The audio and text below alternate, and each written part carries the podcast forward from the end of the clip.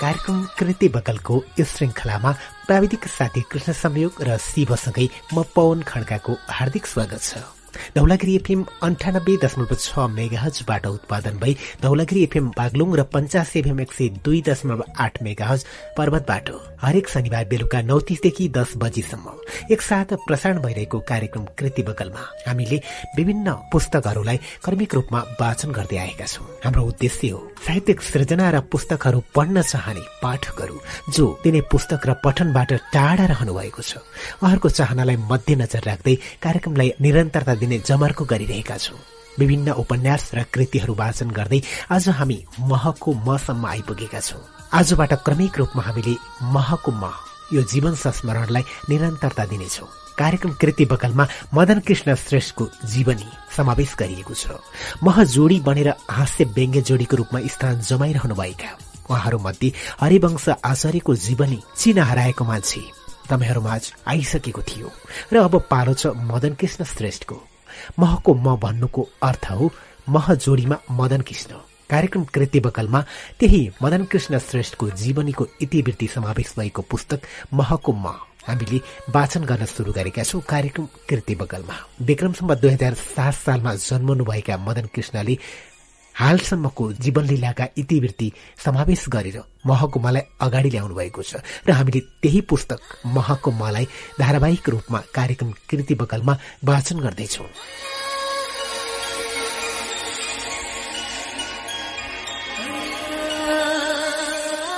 अब भने नेपाली माटोलाई हास्य व्यङ्ग्य र साहित्यिक यात्रामा उर्वर बनाउनुभएका दिग्गज व्यक्तित्व मदन कृष्णको जीवनसँग सम्बन्धित महको मलाई यहीबाट थालनी गर्छु।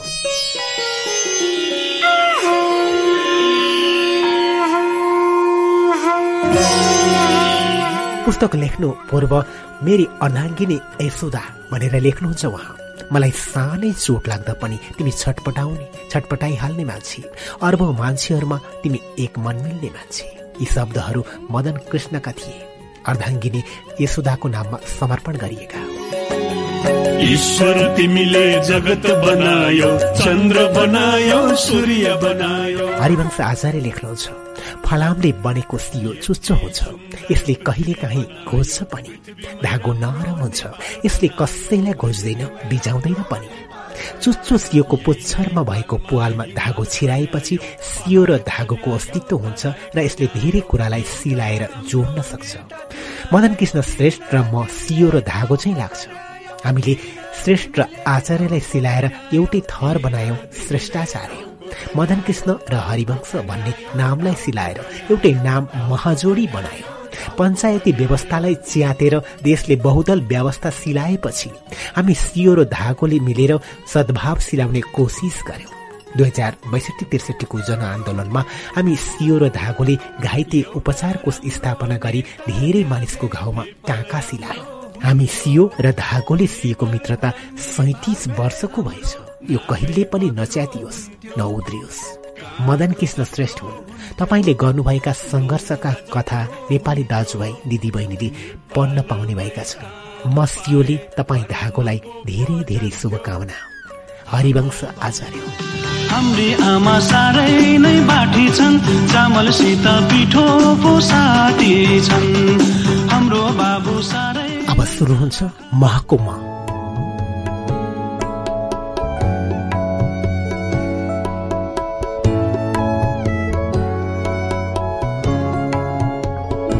म जन्मिएको दिन।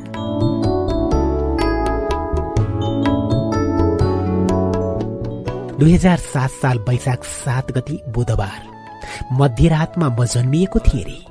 बाले मलाई राति दस बजेर दस मिनट जाँदा हो कि दस बजनलाई दस मिनट बाँकी छँदा? तिमी जन्मिएका थियौ बाबु भन्नुभए जस्तो लाग्छ। जे होस् जति बजेर जति मिनट जाँदा जन्मिएको भए पनि म जन्मिएको त पक्कै रहेछु नि। नत्र ऐना अगाडि उभिँदा मैले आफ्नो आकृति कहाँबाट देख्न पाउँथे? न यसरी आफ्नो जीवनी आफै लेख्न नै पाउँथे। यति सुन्दर धरतीमा यसरी जन्म लिन पाएकोमा आमा लक्ष्मी देवी बा रामकृष्ण लाल हजुरबुवा बेकलाल र हजुरआमा उजेली देवी लगायत सम्पूर्ण पुर्खाहरूप्रति सदा कृतज्ञ छु। जय होस् सबैको।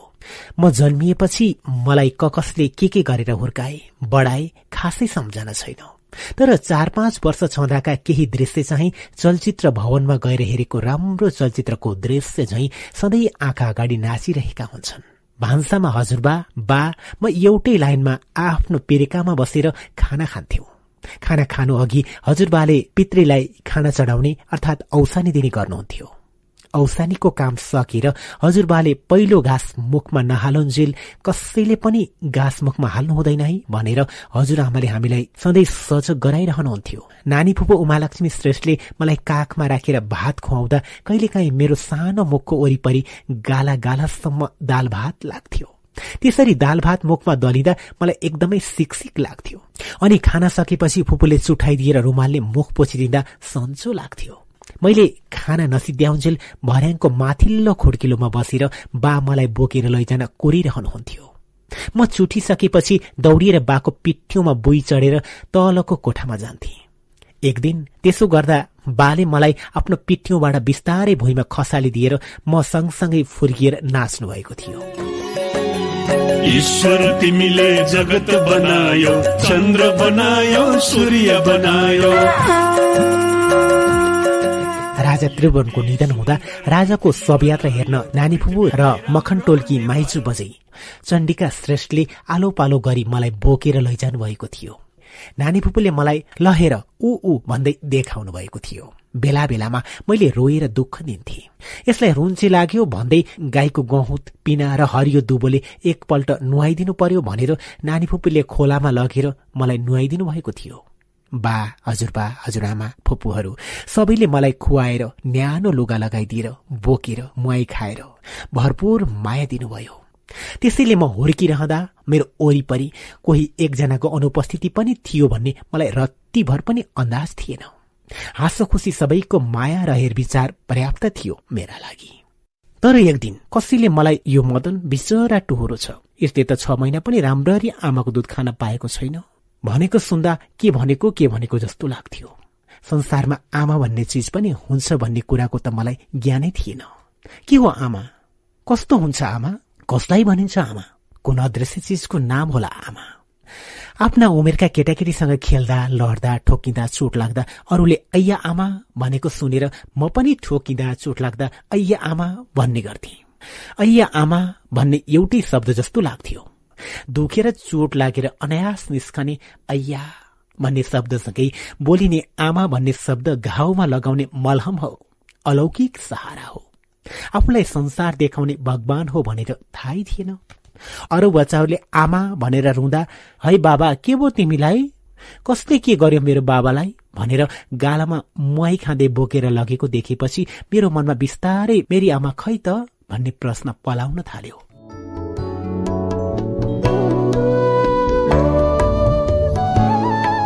कसै कसैले मलाई देखाउँदै भनेको सुन्थे।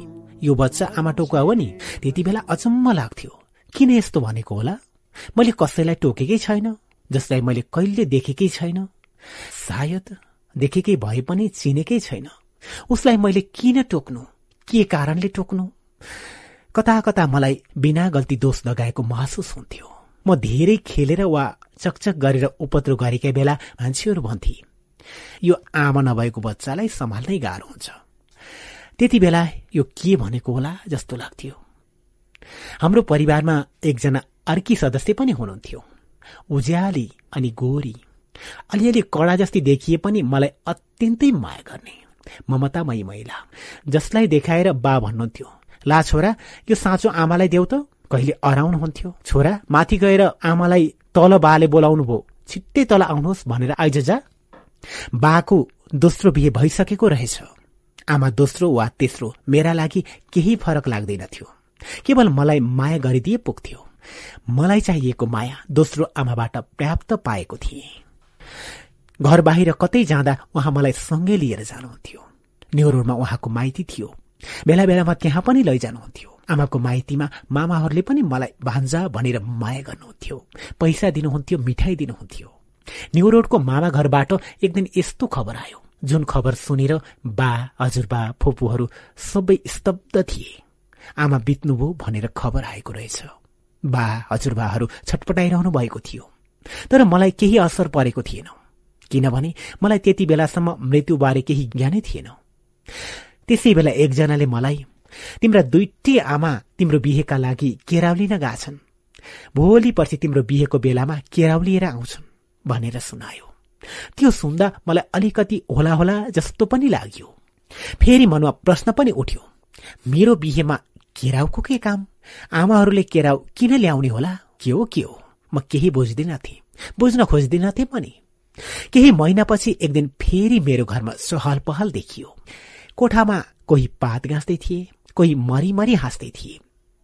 कोही काजु पेस्ता नरिवल छोकडा राखेर मरमसला पोका बनाउँदै थिए। बाको तेस्रो बिहेको तयारी भइरहेको रहेछ।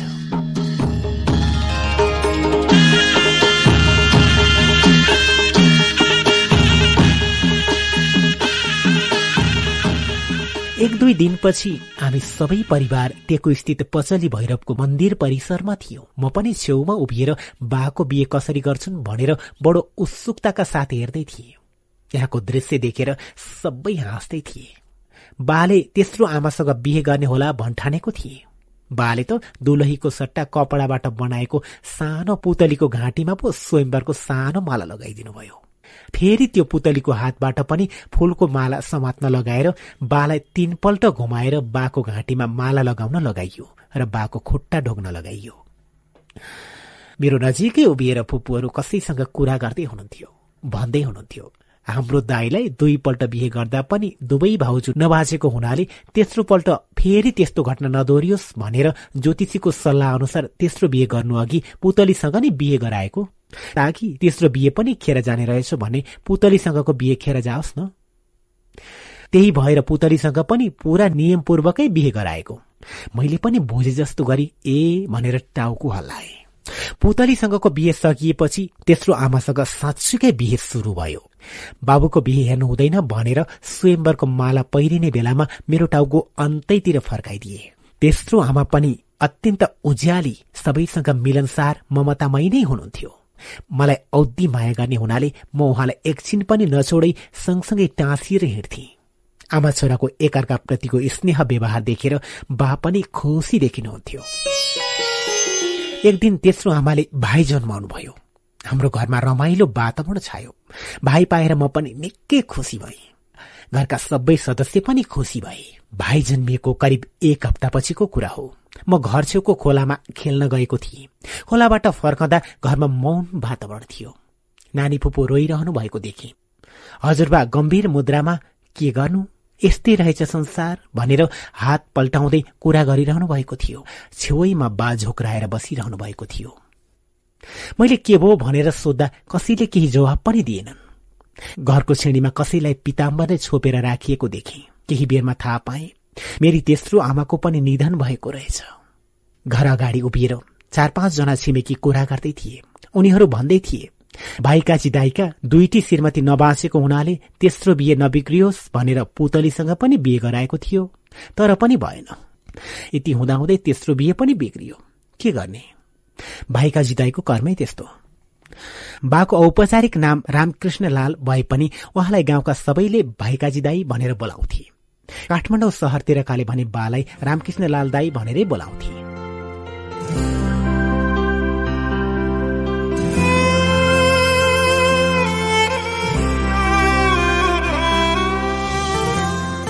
तेस्रो आमा बित्नुभएको ठिक एक हप्तापछि उहाँको कोखबाट जन्मिएको भाइ पनि बित्यो। भाइ बितेको एक सातापछि तेस्रो आमाको माइती लगनटोलबाट अर्को दुखद खबर आयो। तेस्रो आमाका बा पनि बित्नुभएछ। लगातारको यस्तो मृत्युको श्रृङ्खला देखेर मैले पनि जीवनमा पहिलोपल्ट मृत्युबारे केही बुझेको महसुस गरेको थिएँ। लगातार मृत्यु शोकको सायद डेढ दुई वर्षपछि फेरि घरमा चहल पहल देखियो। घरमा चौथो विवाहका लागि तयारी सुरु भयो। मेरा लागि पनि एक जोड नयाँ लुगा सिलाइयो। घरमा सबैको मनमा बाको चौथो विवाह पनि कसो हुने हो? न अर्को पाँचौं विवाह पनि गर्नुपर्ने पो हो कि जस्ता प्रश्नहरू खेलिरहेका थिए। सबको मनमा उत्साह शङ्का र बाध्यताका बीचमा चौथो विवाहको काम अगाडि बढ्यो। त्यस्ताका हामी नरदेवी टोलको देशे मरुझ्या नजिकैको घरमा भाडामा बसिरहेका थियौं।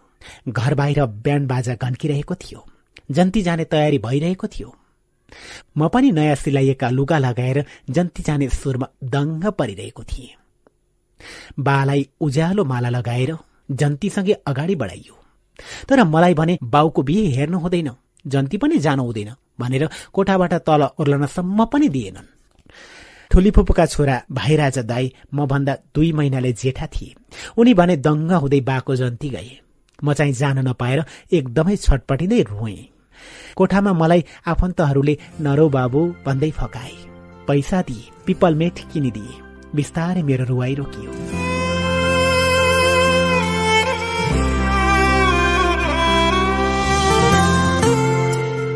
यसरी घरमा चौथो आमाको पनि आगमन भयो।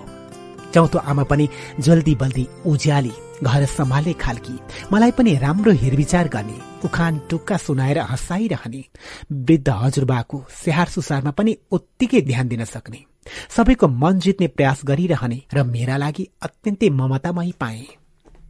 यही ममतामयी व्यवहारका कारण म उहाँलाई जोइले पनि आमा भनेर बोलाउने गर्थे। साथै आफूबाट कुनै चोट पुग्ने काम गरिएला मन दुख्ने बोलीहरू बोलिएला भनेर सधैँ सतर्क भइरहन्थे। आमा सुशीला मदन कृष्ण त मेरो ठूलो छोरा हो नि भनेर गर्वका साथ सबैसँग भन्दै हिँड्नुहुन्थ्यो। म पनि उहाँ मेरी आमा हुनुहुन्छ भनेर अरूलाई चिनाउँथे। यसरी चिनाउँदा कोही कोही भने आमा र मेरो उमेरको फरक सोधिदिन्थे। हामी आमा छोराको उमेर नौ वर्ष मात्र फरक भएको सुनेर एकछिन अल्मलिन्थे र छक्क परेर सुत्थे। आमा छोराको उमेर नौ वर्ष फरक? मदन दाईलाई तपाईँले नौ वर्षमा जन्माउनु भएको उनीहरू एकैछिन सोच्थे र आफै कुरा बुझ्थे। यसरी सबैबाट पर्याप्त माया पाउँदा पाउँदै पनि बेला बेलामा आफूलाई जन्म दिने आमाको अभाव खड्किरहँदो रहेछ। विशेष गरी आमाको मुख हेर्ने दिनमा त्यो अभाव खड्किन्थ्यो। त्यस दिन म सहरका अरू केटाकेटीहरू आमाको मुख हेर्न दङ्ग भएर हातमा मिठाई र फलफूल बोकेर हिँडिरहेका हुन्थे। तर म चाहिँ आमाको मुख हेर्ने दिन मिठाई बोकेर हिँड्नुको सट्टा। पातको दुनामा सिधा धुप बोकेर हिँडिरहेको हुन्थे। त्यस समयमा म कलिले उमेरको भए पनि आमा सम्झिएर भावुक हुँदै गम्भीर हुँदै कसैले नदेख्ने गरी आँसु पुस्दै हिँड्थे। मंगिर महिनातिर पर्ने बाला चतुर्दशीका दिन आमा स्वर्गीय हुनुभएको रहेछ। त्यसैले अझै पनि हरेक साल बाला चतुर्दशीका दिन म मातृविहीन भएको महसुस गर्छु।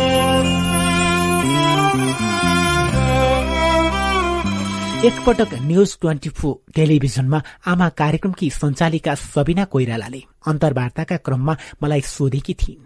तपाईँको बुझाइमा आमा के हो? आमालाई कसरी बुझ्नु भएको छ? उनको पहिलो प्रश्नमै म नाजवाब भए। के जवाफ दिने मैले? जसलाई तस्बिर र कहिलेकाहीँ सपनामा बाहेक म कतै देखेकै छैन? जोसँग आमा र ममताको कुनै अनुभव नै छैन? मैले भने खै मलाई के थाहा? के हो आमा भनेको? यो प्रश्न त मलाई सोध्नु सट्टा आमा जीवित भएका आमाको काखमा हुर्किएका र आमाको माया पाइरहेका भाग्यमानी छोराछोरीहरूलाई सोध्नु भएको भए सही जवाब पाउनुहुन्थ्यो। मलाई त आमाको अभाव कस्तो कस्तो अवस्थामा हुन्छ तिमीलाई भनेर कसैले सोधेमा चाहिँ पक्कै सही जवाब दिन सक्थे होला।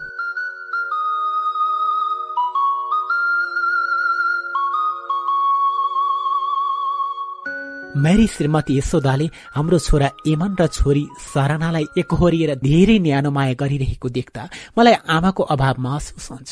यसै गरी कहिले काहीँ कुखुराले आफ्ना चल्लाहरूलाई पछि पछि लाउँदै क्वा क्वा क्वा क्वा गर्दै आफ्नो खुट्टाले माटो खोस्रिँदै आहारा खोजेर चल्लाहरूलाई खुवाइरहेको देख्दा। गाई भैँसी लगायत कुनै पनि जनावरले आफ्ना बच्चाहरूलाई माया गरेको दृश्य देख्दा मलाई पनि आफ्नो आमाको गाढा सम्झना हुन्छ। एकपल्ट एउटा न्यूज अनलाइन पोर्टलका पत्रकार भाइ ध्रुव सत्य परिहारले सोधेका थिए कस्तो हुन्छ आमाको माया? के हो आमाको माया? परिहार भाइले त्यो प्रश्न सोधिरहँदा मैले धेरै वर्ष अगाडिको एउटा कुरा सम्झिएको थिएँ। धेरै वर्ष पहिलेको कुरा हो। पूर्वी नेपालमा एउटा टुइनेटर जहाज दुर्घटनामा परेको थियो। त्यसमा सवार सबै यात्रुको जलेर मृत्यु भएको थियो।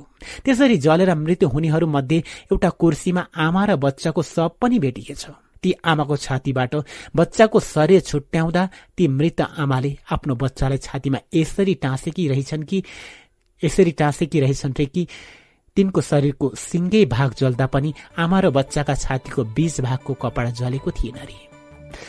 मलाई लाग्छ त्यही आगोले पनि जलाउन नसकेको कपडाको भाग जस्तै हुन्छ होला आमाको माया। मलाई लाग्छ त्यही आगोले पनि जलाउन नसकेको कपडाको भाग जस्तै हुन्छ होला आमाको माया। आमाको माया हामी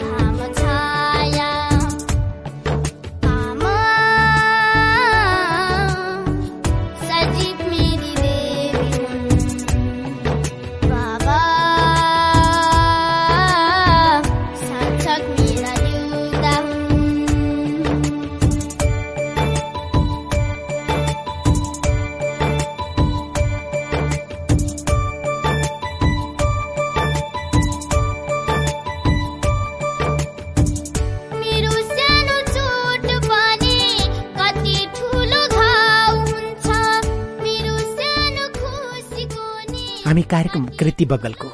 आजको भागको अन्त्यमा छौँ।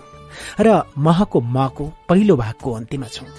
तपाईँलाई यो कार्यक्रम कृति बगल कस्तो लाग्दैछ? कृपया प्रतिक्रिया दिन नछुट्नुहोला। आजको भागमा मदन कृष्ण श्रेष्ठको जन्म र जन्म पर्यन्तका केही घटनाहरू समावेश गरिएको भागलाई वाचन गरेका छौँ। अब आगामी भाग महको मको दोस्रो भागमा के के कुरा सुन्न पाइएला त? सुनेर साथ दिनुहुने तपाईँहरू सबैप्रति कृतज्ञ छु। धौलागिरी एफिम अन्ठानब्बे दशमलव छ मेगाहज बागलुङबाट उत्पादन भई धौलागिरी एफिम र पञ्चास एफएम एक सय दुई दशमलव आठ मेगाहजबाट हरेक शनिबार बेलुका नौ तिसदेखि दस बजेसम्म एकसाथ प्रसारण भइरहेको कार्यक्रम कृति बगलको आजको भागबाट प्रविधिबाट सहयोग गर्ने भाइ कृष्ण संयोगप्रति आभार व्यक्त गर्दै पवन खड्का पनि यो भागबाट विदा चाहन्छ। नमस्कार। कार्यक्रम कृति बगलको यो श्रृङ्खलामा प्राविधिक साथी कृष्ण संयोग र शिवसँगै म पवन खड्काको हार्दिक स्वागत छ। धौलागिरी एफएम अन्ठानब्बे दशमलव छ मेगाहज बागलुङबाट उत्पादन भई धौलागिरी एफएम र पञ्चासी एफएम एक सय दुई दशमलव आठ मेगाहज पर्वतबाट। हरेक शनिबार बेलुका नौ तिसदेखि दस बजेसम्म एकसाथ प्रसारण भइरहेको कार्यक्रम कृति बगलमा सिंगो सिर्जना। सिंगो पुस्तक क्रमिक रूपमा वाचन हुने गर्छ। र अहिले हामी मदन कृष्ण श्रेष्ठको पुस्तक महको म वाचन गरिरहेका छौं। र अहिले हामी महको मको दोस्रो भागमा छौं।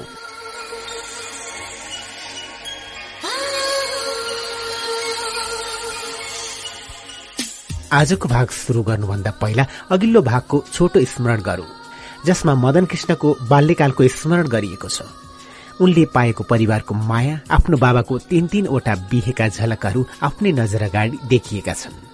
आफ्नो परिवेशमा पुर्खौंदेखि पालिएको अन्धविश्वासी संस्कारको छनक झल्किएको छ। यही कारणले बाबुले पुतलीसँगको बिहे आफूलाई लाग्ने गरेका आमा टोकुवाका आरोपहरूले झस्काउन खोजेको छ उनलाई। बाल मनोविज्ञानमा आमाको मायाले पार्ने प्रभाव र आमाको मायाको आवश्यकतालाई नजिकबाट महसुस गरिएको छ। मातृवात्सल्यबाट टाढा रहँदा त्यसको अभावमा मनभित्र खड्किएका र त्यसको अभावमा मनभित्रको तृष्णा छताछुल्ल पार्ने प्रयास गरिएको थियो। हुन्छ त। सुरु गरौं आजको भाग। जन्मगाउँ जितुपुर भेदी। काठमाडौँको बालाजु बाटो आधा घण्टा पैदल हिँडेपछि धर्मस्थली पुगिन्थ्यो। धर्मस्थलीबाट अर्को आधा घण्टा हिँडेपछि चिटिक्क परेको सानो सुन्दर जितुपुर फेदी पुगिन्थ्यो। अहिले ताराकेश्वर नगरपालिकामा पर्ने यो ठाउँ पञ्चायत कालमा भने जितुपुर फेदी गाउँ पञ्चायतका नामले चिनिन्थ्यो। यस गाउँको उत्तरपट्टिको अग्लो पहाड़मा सुस्तानी व्रत कथामा उल्लेखित चौसठी पीठ मध्ये सतीदेवीको बायाँ तिग्रा पतन भएर उत्पत्ति भएको भनिएको तारकेश्वर महादेवको थान छ जहाँ जनै पूर्णिमा र पञ्चमीका दिनमा भक्तजनको घुइँचो नै लाग्छ। फेदीको उत्तर पश्चिमपट्टिको डाँडामा बौद्ध धर्मावलम्बीले स्थापना गरेका पाँचवटा माने र पाँचवटा बुद्धका मूर्ति छन्। यिनै पाँच माने डाँडाको फेदमा रहेको हुनाले यो गाउँलाई नेवार समुदायले न्याकमणि फेदी भन्छन्। यसैलाई उल्था गरेर नेपालीमा पाँच माने फेदी भनिन्छ। न्याक भनेको पाँच र मणि भनेको माने भन्ने अर्थ हुन्छ। तर चल्तीमा भने जितुपुर फेदी नै प्रचलित छ। चिनिया इतिहासमा दिपङ्कर बुद्धको नाममा पाएका अतिसा दिपङ्करले सन् एक हजार चालिसमा पाँच माने डाँडामा बुद्ध मूर्तिहरू स्थापना गरेको तथ्य उल्लेख छ। भारत स्थित नालन्दा विश्वविद्यालयका प्राचार्य रहेको दीपंकर तिब्बत जाने क्रममा नेपालमा एक वर्ष बसेका र सोही क्रममा उनले ती बुद्ध मूर्तिहरू स्थापना गरेको बताइन्छ। त्यस्तै विक्रम सम्बत अठार सय अडचालिसको भोटसँगको लडाईँमा नेपाली सेनाले चिनिया सेनालाई चातुर्यतापूर्वक हराएका थिए। यसरी भोटसँगको लडाईँ जितेका कारणले फेदीको नाम जितुपुर फेदी रहन गएको हो भन्ने इतिहास पनि सुन्न पाइन्छ। एक समय काठमाडौँबाट नुवाकोट तिर्सुली गोर्खा पोखरा लगायतका पश्चिम नेपालका भूभागसम्म पुग्न जितुपुर फेदी भएरै पैदल जाने चलन थियो। काठमाडौँबाट पश्चिम नेपाल पैदल हिँडेर जाने मूल बाटो नै यही थियो।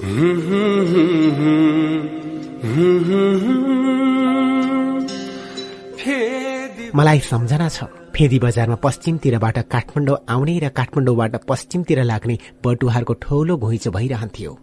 रसुवाको केरुङ धोङ्चे नुवाकोटको तिरसुली र गोर्खातिरबाट विभिन्न दाल चामल फलफूल काठका टिम्बा बेडा च्याङ्रादेखि पाँचौंले निर्मसी बिस तितीपाती खैर जस्ता अनेकौं जडीबुटी बेच्न आउँथे। असन इन्द्रचोकदेखि व्यापारीहरू ती सामान किन्न फेदीसम्म धाउँथे। झम्के साँझमा फेदी आइपुगेकाहरू यहाँ बास बस्थे। सबै घरका छिडी बटुवा र भरियाको बाँसले खचाखच भरिन्थे। रात ढल्किँदै जाँदा भरियाहरू तीनवटा ढुङ्गा गाडेर बनाएको चुलोमा तापके बसालेर दाबिलोले ढिँडो मस्काउँथे। टोपीले पसिना पुछ्दै गुन्द्रुकको झोलमा ढिँडो चोपेर सप्ल्याक सुप्लुक निल्दै मरक्क हरियो खुर्सानी टोकेर जिब्रो पड्काउँथे। त्यो देखेर हामी केटाकेटी थोक निल्थ्यौं। बाटोतिर मुख फर्काएको चार तले घरको तेस्रो तलाको बुट्टेदार झ्यालबाट त्यहाँको चहलपहल हेर्न मलाई औधी रमाइलो लाग्थ्यो।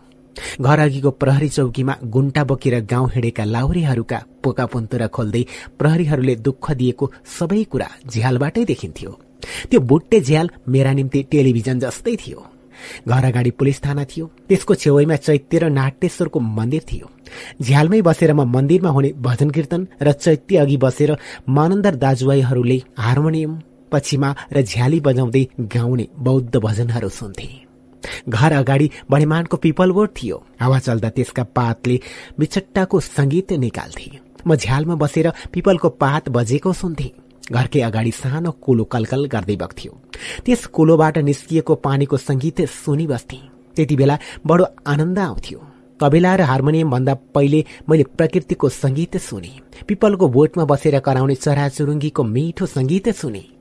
अत्यन्त रमणीय अत्यन्त व्यस्त अत्यन्तै आकर्षक गाउँ थियो मेरो जितुपुर भेदी। काठमाडौँबाट त्रिशुली जाने मोटर बाटो बनेपछि मान्छे उतैबाट जीप लहरी चढेर हिँड्न थाले।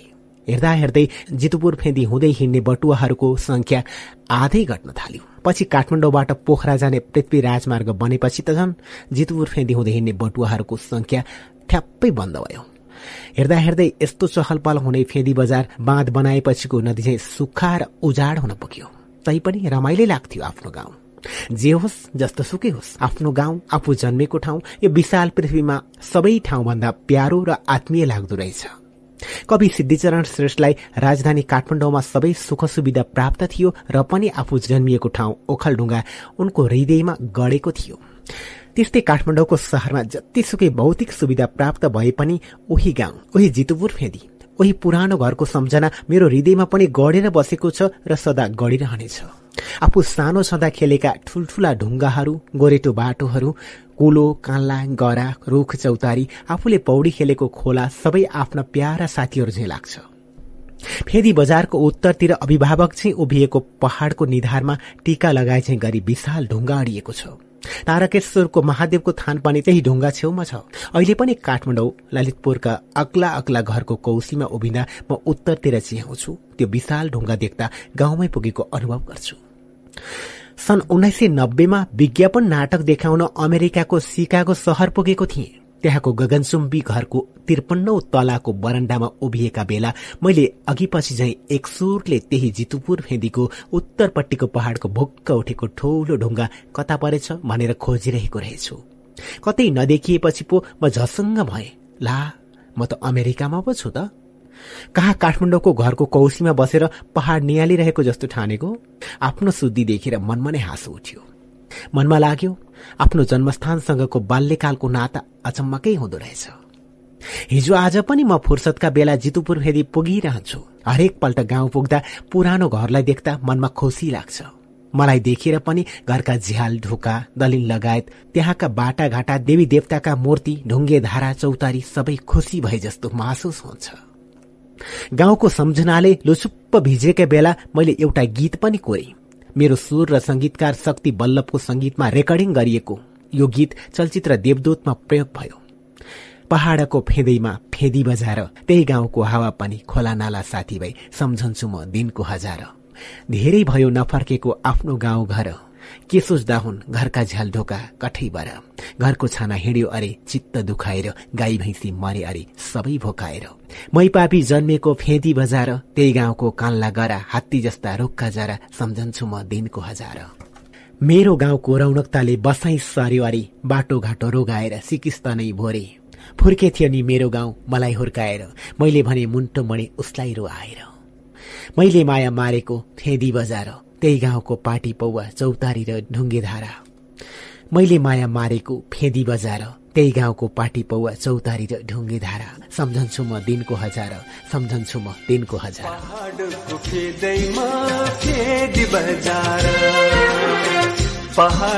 फेदैमा खेदी बजार। त्यही गाउँको हावा पानी खोला नाला साथी भाइ सुनौलो बाल्यकाल।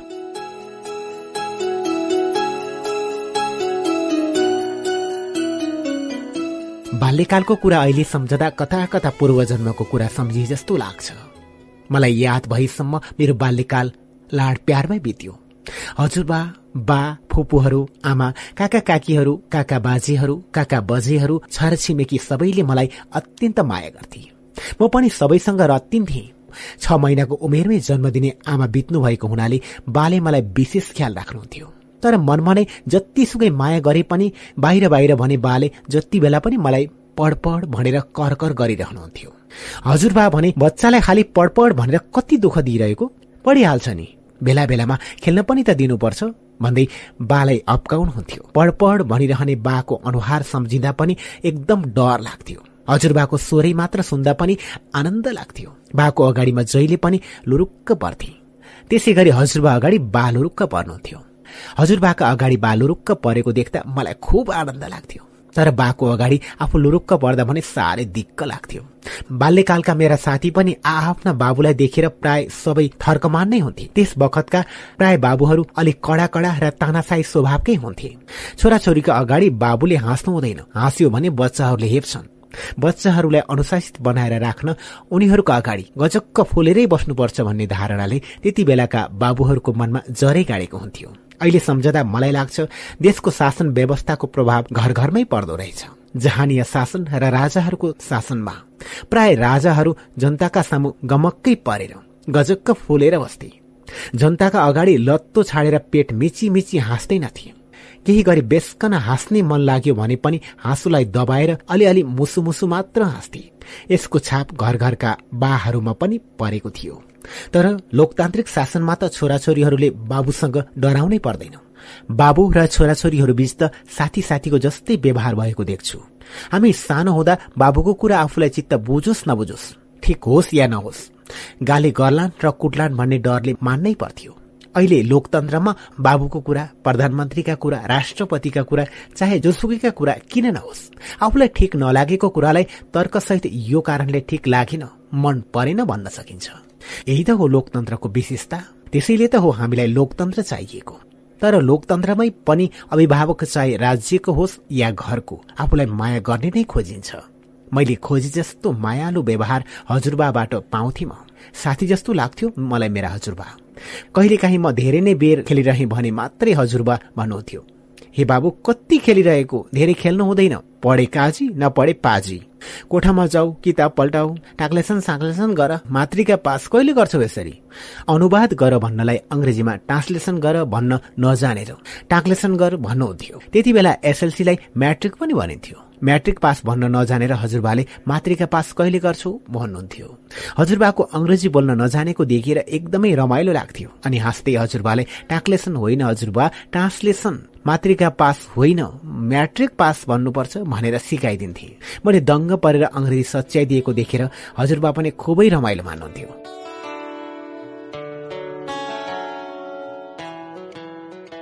हजुरबाको अङ्ग्रेजी सच्याइ दिए पनि मेरो अङ्ग्रेजी पनि कहाँ राम्रो थियो र? म ठूलो भएपछि एक दिन पुरानो दराजको कोनामा बाल्यकाल छँदाको मेरो एउटा किताब फेला पारेको थिएँ। मोटरमार चुरुटको खोललाई किताबको गाता बनाएको रहेछु। त्यही गातामा मैले खुबै बुद्धि लडाएर बाङ्गाटिङ्गा अक्षरमा यो किताब मदन राजाको हो भनेर लेखेको रहेछु। त्यही बाँकेको तलपट्टि भने देशबुक मदन राजा अफ एस भनेर अङ्ग्रेजीमा लेखेको रहेछु। बाल्यकालमा मैले लेखेको कुरा पढ्दा म आफै एकछिन अल्मलिएँ। एकछिन गरिएपछि बुझे मदन राजाको हो भनेर अङ्ग्रेजीमा लेख्न मदन राजा अफ एस भनेर पो लेखेको रहेछु। जे होस् आफू बच्चा हुँदाको बुद्धि र आफ्नो बाङ्गाटिङ्गा अक्षर देख्दा प्यारो लाग्दो रहेछ।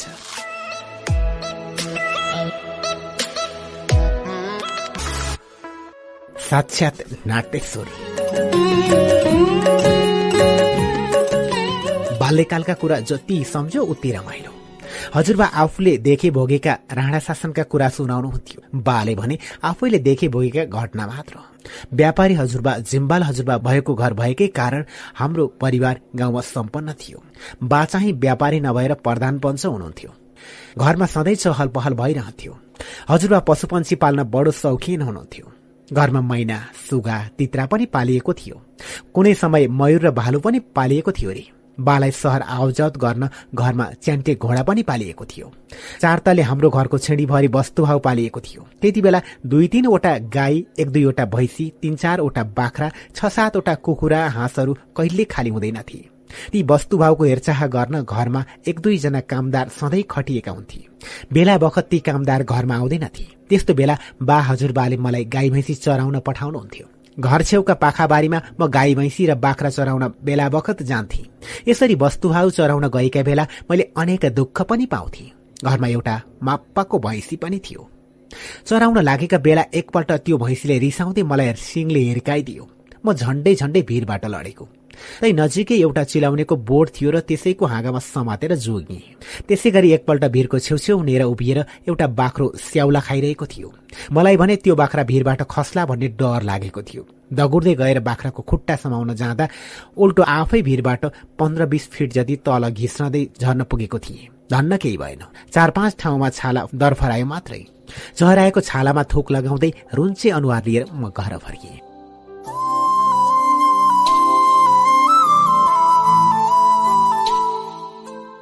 घरको भर्याङ छेउको भित्तामा दुईवटा कुखुरा अटाउने ससाना खोपी थिए। त्यहाँ पोथी कुखुराहरू पालै पालो गएर फूल पार्थे। कुखुराहरूले फूल पार्दै गरेको दृश्य हेर्न मलाई साह्रै मन लाग्थ्यो। कुखुराको पुच्छरपट्टि अण्डा निस्कने पुवालको मुनि हात थापेर कहिले अण्डा निस्किएला? भनेर आँखै नजिम्काई हेरिरहन्थे। घन्टौँ हात थाप्दा पनि कुखुराले हातैमा फूल पार्दैन थियो। झर्को लागेर एकछिन हात झिकेर यसो फर्किएर हेरेकै बेलामा कुखुराले फ्याट्टा फूल पारिसकेको हुन्थ्यो। कुखुराको जिउबाट अण्डा निस्कँदा निस्कँदैको दृश्य हेर्ने मेरो बाले कहिले पूरा भएन। हाँसले पारेको अण्डामाथि कुखुरा उठाएर बस्थे र चल्ला काट्थे। कुखुराको आमा कुखुरा मात्र तर हाँसका आमा चाहिँ दुईटा हुँदो रहेछन्। हाँस पनि र कुखुरा पनि। म त्यसरी नै बुझ्थेँ। हाँसका ससाना चल्लाहरू बाँसको टोकरीले छोपेर राख्थे र घरै छेउको ढुङ्गे धारा नजिक पानी जमेको ठाउँमा लगेर छोडिदिन्थे। हाँसका चल्लाहरू टिटी कराउँदै पानीमा पौडी खेलेको दृश्य हेर्न असाध्यै रमाइलो लाग्थ्यो। कहिले साथीहरूसँग गएर ऐसेलो र चुत्रो टिपेर खान्थे त कहिले मैलको रुख चढेर मैल टिपेर खान्थे।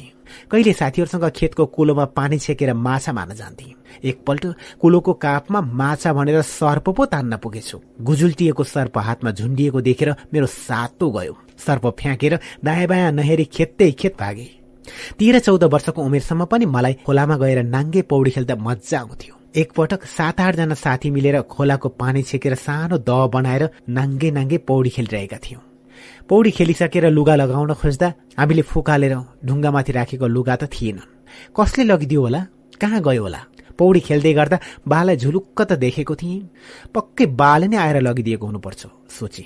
अब के गर्ने? पौडी खेल्ने केही साथी मभन्दा एक दुई वर्ष जेठा पनि थिए। कसै कसैको त जुङ्गाको रेखी पनि बसिसकेको थियो। नाङ्गे नाङ्गे हिँडेर घर जाने कुरा पनि आएन। लुगा खोज्न कहाँ जानु? आपत्तै पर्यो। धेरै बेरसम्म नाङ्गे बस्यौं। नाङ्गे कति बेर बस्ने? आखिर केही नलागेपछि खेतका कानलाई मुनि मुनिबाट नेउरी मुन्टी लगाएर हिँड्यौं। घर छेउको स्कुलको झ्यालबाट उक्लिएर भित्र छिरेर लुकी बस्यौं लाज पनि हामीसँगै कक्षाभित्र छिर्यो। करिब आधा घण्टापछि हजुरबा झ्याल बाहिर टुप्लुक्क देखिनुभयो। मैले मन दह्रो बनाएर रोन्चे स्वरमा हजुरबालाई सबै कुरा सुनाउँदै भने एकपटक लुगा ल्याइदिनु न हजुरबा। मेरो रुन्चे स्वर र रुन्चे अनुहार देखेर हजुरबाको मन पक्लियो। हजुरबाले हाँस्दै बाले सुटुक्क चोरेर घर पुर्याएको लुगा ल्याइदिनु भयो लुगा लगाएपछि लाज छोपियो।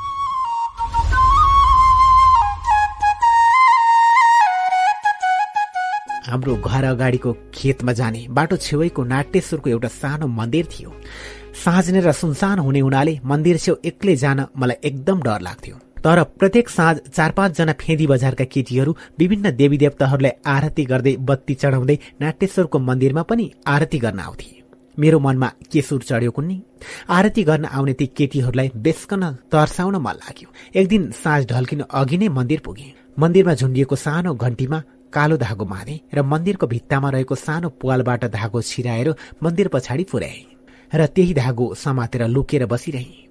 अँध्यारो र सुनसान भएकोले मुटु अलि ढुकढुक गरिरहेको थियो। एकछिनपछि सधैँ चाहिँ चार पाँचजना केटी कुरा गर्दै हाँस्दै मन्दिर आइपुगे। तिनीहरूले बत्ती बालेर जब आरती सुरु गरे मैले धागो तानेर ट्याङ ट्याङ ट्याङ ट्याङ गरेर बेसकन घन्टी बजाइदिएँ। आरती गर्दा घन्टी आफै बजेको देखेर केटीहरू आम्मै भनेर चिच्याउँदै भागे। नाट्येश्वरको मन्दिर पछाडि उभिएर म एक्लै बेसकन हाँसे अनि एकछिनपछि दायाँ बायाँ हेर्दै लुसुक्क घरतिर लागे। आफ्नो बदमासी बारे कसैलाई केही नभनी खानासाना खाइवरी सुधे भोलिपल्ट बिहान तीन चारजना मान्छे नाट्येश्वर मन्दिरमा आफै घन्टी कसरी बज्यो भनेर कुराकानी गरिरहेका थिए। एकजनाले हाम्रो फेदीको यो नाट्यश्वर त साक्षात नाट्यश्वर हो नि। हिजो साँझ यहाँ फलाना फलानाका छोरीले नाट्यश्वरलाई आरती गर्दा मन्दिरको घन्टी त आफै ट्याङ ट्याङ ट्याङ ट्याङ बजेको रे भाइ भन्दै अर्कालाई सुनाए। अर्कोले नपत्याएको स्वरमा भन्यो होला र?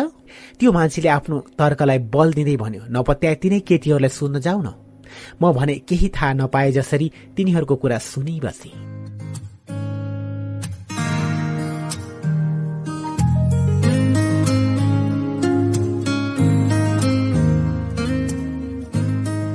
आठ रुपियाँको भेडा।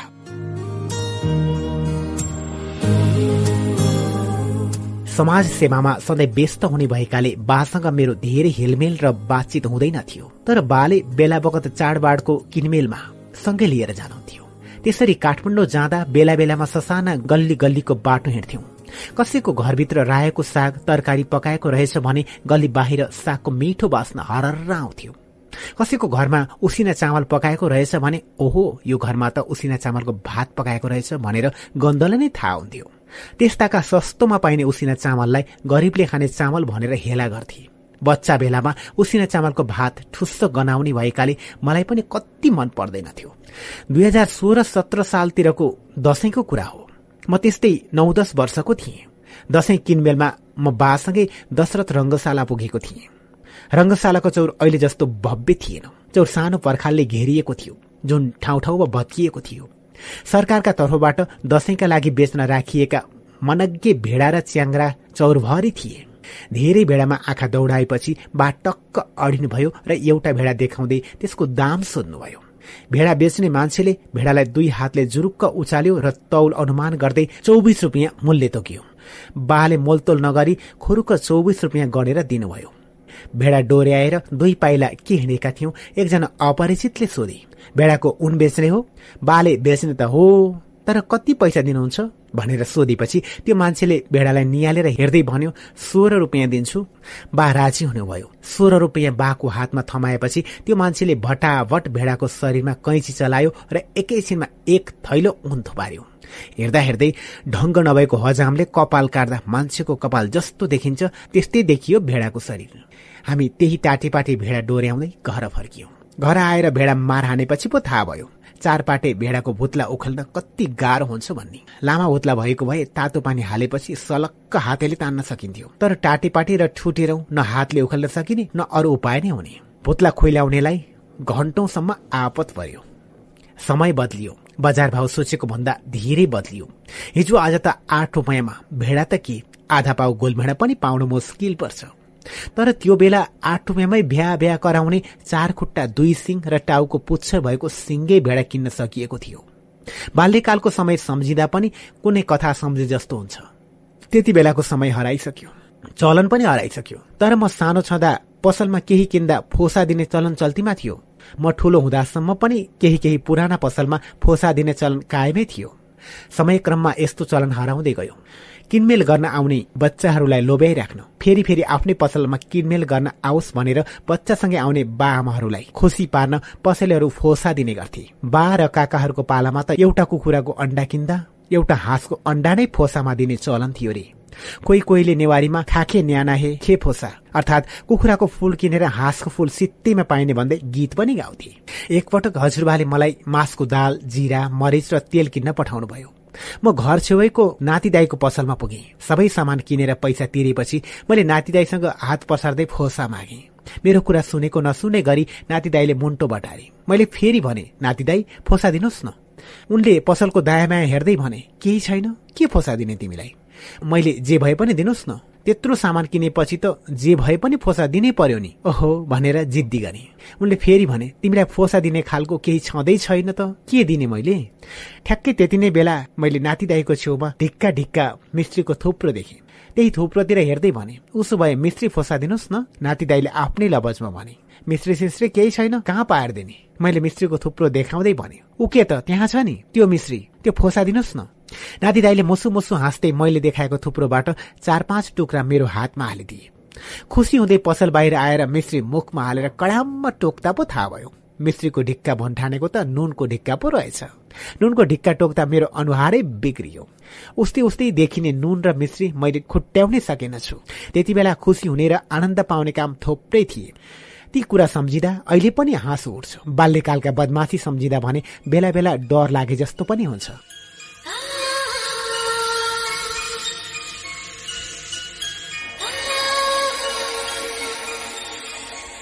त्यस ताकाका प्राय केटाकेटीले आफ्नो बाउको गोजीबाट एक दुई रुपियाँ उछिट्याएकै हुन्थे। एघार बाह्र वर्षको उमेर हुँदा मैले पनि बाको खल्तीबाट दस बाह्र पल्ट जति पैसा चोरेको थिएँ। कहिले पाँच पैसा कहिले दस पैसा कहिले एक सुका कहिले एक मोहर त कहिले काहीँ एक रुपियाँसम्म पनि बाको गोजीबाट उछिट्याउँथे पाँच दस पैसामा एक कप दुधको चिया आउने समयमा एक रुपियाँ चोर्नु भनेको अहिले एक कप दुध चियाको पन्ध्र बिस रुपियाँ पर्ने समयका हिसाबले पचास सय रुपियाँ चोर्नु बराबर हुन्छ। केटाकेटीमा बाको खल्तीबाट पाँच दस पैसा चोर्दैमा कानून त लाग्दैन। तर पनि चोर्ने बानी गर्नु भनेको राम्रो काम बिल्कुलै होइन। बाको खल्तीबाट पैसा चोर्ने बानी लागेको समयमा मोटरमार चुरोटको दुई पैसा फुलमार चुरोटको एक पैसा पर्थ्यो। त्यति बेला अहिले जस्तो रङ्गीचङ्गी खोल भएको चक्लेट त पाइँदैन थियो। ठूलो केराको दाना जत्रो गोलो गोलो अनेक रङको पिपल मिट एक पैसामा चारवटा आउँथे। त्यसै गरी एक पैसामा दुईवटा नैनकटाई बिस्कुट पनि पाइन्थ्यो। अहिलेको एक रुपियाँ दुई रुपियाँका सिक्का भए जस्तै त्यति बेला एक पैसा दुई पैसा पाँच पैसा र दस पैसाका तामा र पित्तलका सिक्का चल्तीमा थिए। त्यस्तै बीचमा पुवाल परेको चार पैसाको पित्तलको सिक्का पनि चल्तीमा थियो। बाको गोजीबाट चार पैसा उचिट्याएका बेला म कहिले फुपूको छोरा भाइ राजासँग त कहिले साथीभाइसँग पुवाल भएको चार पैसा तिरेर धरहरा उक्लिन्थे। धरहराको आठौं तलामा रहेको बरण्डाबाट खुट्टा झारेर हल्लाउँदै मोटरमार चुरोड तान्दै धुवा उडाउँथे। हिन्दी फिल्मका त्यति बेलाका चर्चित हिरोहरू देवानन्द सम्मी कपुर राजेन्द्र कुमारहरूले चुरोट तानेको देखेर र साथीभाइसँग बसेर लहै लहैमा मैले चुरोट तान्न सिकेको थिएँ। अन्त बसेर चुरोट खाँदा अरूले देख्लान् कि भन्ने पिर तर नौतले धराहरूको आठौं तलाको बरन्डामा बसेर चुरोट खाँदा कसैले देख्दैनन् र देखे पनि चिन्लान् भन्ने पिर हुँदैनथ्यो डर नभएपछि हामी मस्तसँग चुरोटको लामो लामो सर्को तानेर दुनोड जस्तो गोलो गोलो धुवा उडाउँदै आकाशतिर फ्याँक्थ्यौं। सानो छँदा म अत्यन्तै काँचो बुद्धिको थिएँ। जाने नजाने अनेक गल्ती गरिरहन्थे। एउटा गल्तीको सजाय खेपेपछि अर्को गल्ती कहिले गर्दिन भनेर कसम खान्थे। तर कसम खाएको केही दिनपछि नै पहिलोभन्दा फरक खालको गल्ती गरि नै हाल्थे। पुतली सड़कको पद्मोदय स्कूलमा सात कक्षामा पढ्दा म फुपू अजयको नाति नारायण दाईको दिल्ली बजार स्थित घरमा बस्थे। नारायण दाईका दुईटी श्रीमती थिए। जेठी भाउजू गुच्चा टोलमा बस्नुहुन्थ्यो र कान्छी भाउजू नारायण दाईसँगै दिल्ली बजारमा बस्नुहुन्थ्यो। एक दिन दाई अफिस गएको समयमा कान्छी भाउजूले मलाई आउनुहोस् मदन बाबु खाजा खाउँ भनेर कोठामा बोलाउनु भयो चकटीमा बसाएर मिठाई खुवाउँदै भन्नुभयो मदन बाबु तपाईँलाई एउटा कुरो सोध्नु है। मैले पनि मिठो मिठो खान पाएको सुरमा हुन्छ भाउजू के सोध्नु पर्यो? भने भाउजूले एउटा लालमोहन थप्दै सोध्नुभयो दाई उता जेठी भाउजू बस्ने घरमा पनि जानुहुन्छ? दाई बेला बेलामा जेठी भाउजू भेट्न गुच्चाटोल जाने कुरा मलाई थाहा थियो। लालमोहनको स्वादमा भुलेर मैले के सोच्दै नसोची फ्याट्ट भने गइरहनुहुन्छ नि। किन? भाउजूलाई थाहा छैन र? मेरो उत्तर सुनेर भाउजूले थाहा छ। किन थाहा नहुनु? तपाईँलाई थाहा छ कि छैन भनेर सोधेको भन्दै अर्को जेरी पनि थपिदिनु भयो जेरी खाइ नसक्दै भाउजूले मेरो प्लेटमा सुवारी थप्दै सोध्नुभयो। अनि बाबु दाइले जेठी भाउजूलाई बेला बेलामा पैसा पनि दिनुहुन्छ?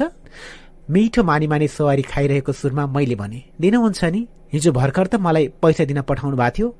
मैले पैसा दिएर आएको कुरा भाउजूलाई थाहा छैन र भाउजूले पनि थाहा छ किन नहुनु बाबुले दिनुभयो कि दिनु भएन भनेर पो सोधेको भन्नुभयो। मैले सामान्य कुरा भए जसरी ए मात्रै भने। मिठा मिठा मिठाई थपी थपी पेटभरि खान पाएको सुरमा उताकी भाउजूको कुरा यताको भाउजूलाई भन्नु हुँदैन भन्ने कुरा मलाई यादै भएन। बेलुका दाई अफिसबाट फर्किएपछि दाई भाउजू मारामार झगडा गर्न थाल्नुभयो। एकातिर दाईले म मर्छु अब भनेर उफ्रिने। तपाईँ जानुहोस् न उतै जेठी कहाँ? मै मरिदिन्छु नि भनेर चिच्याउने। मलाई कता मर्ने र मार्ने खेल होला भनेर कोठा र बुइङ्गलमा भएका चुलेसी चुपी स्याङ्गी र खुकुरीहरू लुकाउँदैको हैरान? त्यसै बेला पो थाहा भयो। कस्तो भन्ने नहुने कुरा भनेछु मैले। कस्तो गल्ती गरेछु? हात्तेरी भन्दै एउटा कुनामा बसेर टुलु टुलु झगडा हेरिरहे। मैले कुरा लगाएको थाहा पाएर दाइले अब के के भन्ने हुन् के के गर्ने हुन् भनेर डरले लुरुक्क परिरहेको थिए। डरै डरले रातभरि राम्रोसँग निद्रा पनि लागेन। भोलिपल्ट एक्लै कोठामा बसिरहेको बेला दाई आउनुभयो। रिस सम्हाल्दै गमक्क फुल्दै सोध्नुभयो मदनै एर हिजो तँलाई भाउजूले केही सोधेको थियो? मैले सानो स्वरमा भने सोध्नु भएको थियो। के सोधेको थियो? दाई उता भाउजू कहाँ जानुहुन्छ भनेर सोध्नु भएको थियो। मैले बेला बेलामा गइरहनुहुन्छ भनेर बताएँ। अनि दाईले उता भाउजूलाई पैसा पनि दिनुहुन्छ भनेर सोध्नुभयो। अनि तैँले के भनिस् त? हिजो भर्खर मलाई पैसा दिन पठाउनु भएको थियो। मैले दिएर आएको कुरा भनिदिएँ। मेरो कुरा सुनेपछि दाईले एकपल्ट नराम्रोसँग आँखा तरेर हेर्नुभयो। बेसकन धारा पनि किट्नुभयो र केही नबोली फरक्क फर्किएर जानुभयो। कुटाई खाइने हो कि भन्ने पिरले मुटु ढुकढुक भइरहेको थियो तै दाईले केही गर्नु भएन। जे होस् त्यो मेरो काँचो बुद्धिको अर्को परिणाम थियो।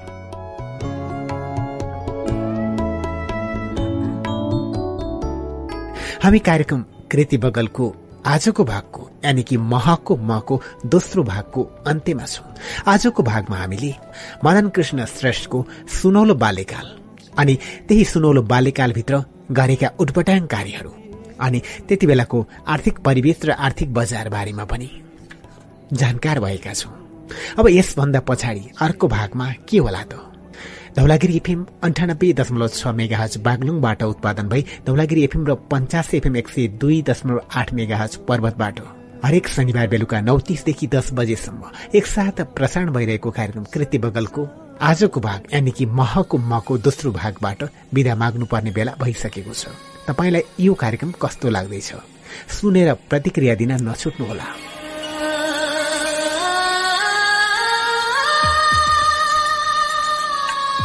यसभन्दा पछाडिको महको महको बाँकी भागमा के के होला त सुन्न नछुटाउनुहोला।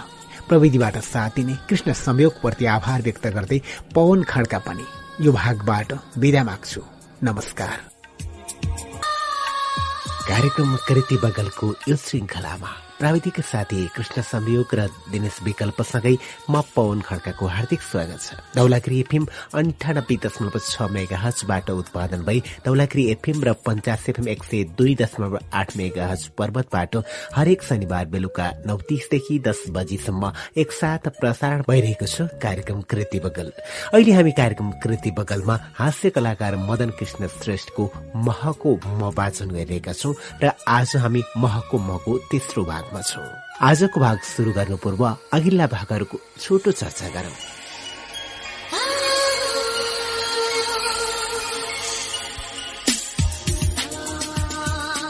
दुई हजार सात साल वैशाख सातमा उनको जन्म भएको थियो। पारिवारिक मायालु वातावरणमा हुर्कन पाए पनि मात्रै वात्सल्यबाट विमुख हुनु परेको तितो यथार्थ झल्किएको छ। अझ त्यसमाथि बाबुले बिहे गरेका दुई दुईवटी आफूलाई माया गर्ने आमाहरूले समेत मृत्यु वरण गरेको वास्तविकताले मनमा चसक्क कोचेको छ। अनि आफ्नो जन्म गाउँ काठमाडौँको सदरमुकामदेखि अलि टाढा ताराकेश्वर नगरपालिकामा पर्ने जितपुर फेदीको सांस्कृतिक तथा ऐतिहासिक पृष्ठभूमि स्पष्ट देखाउन खोजिएको छ। सुनौलो बाल्यकालका केही रोचक झलकहरूमा पनि हामी रमाउन पाएका थियौं। जिमवालको नाति र प्रधान पञ्चको छोरा भएर पनि होला। त्यति बेग्न आर्थिक अभाव खेप्नु परेन भन्दै बाल्यकालका रमाइला घटनाहरूको स्मरण गरिएको छ। वस्तुभाव चराउँदादेखि पोथी कुखुराले अण्डा पारेको हेर्ने लालसा ऐसेलु र चुत्रो खाँदाका याददेखि लिएर नाङ्गे पौडी खेल्दाका रोमान्टिक याद अनि नाट्यश्वरको मन्दिरमा केटीहरूलाई तर्साएको यादहरू पुस्तकमा छचल्काइएका थिए। त्यति बेलाको आर्थिक र व्यापारिक बजारको बारेमा आठ रुपियाँमा पाइने भेडा अनि फोसा दिने प्रचलनलाई प्रस्ट्याइएको छ अनि सामाजिक परिवेशलाई फुपू बजैका नाति नारायण दाईको कोठामा बस्दाका दुई श्रीमती र त्यहाँको परिवेशले पनि निकै रोचकता थपेको छ। यी थिए अघिल्ला भागहरूको चर्चा। यसभन्दा अघि के होला त? हुन्छ त अब सुरु गरौं आजको भाग।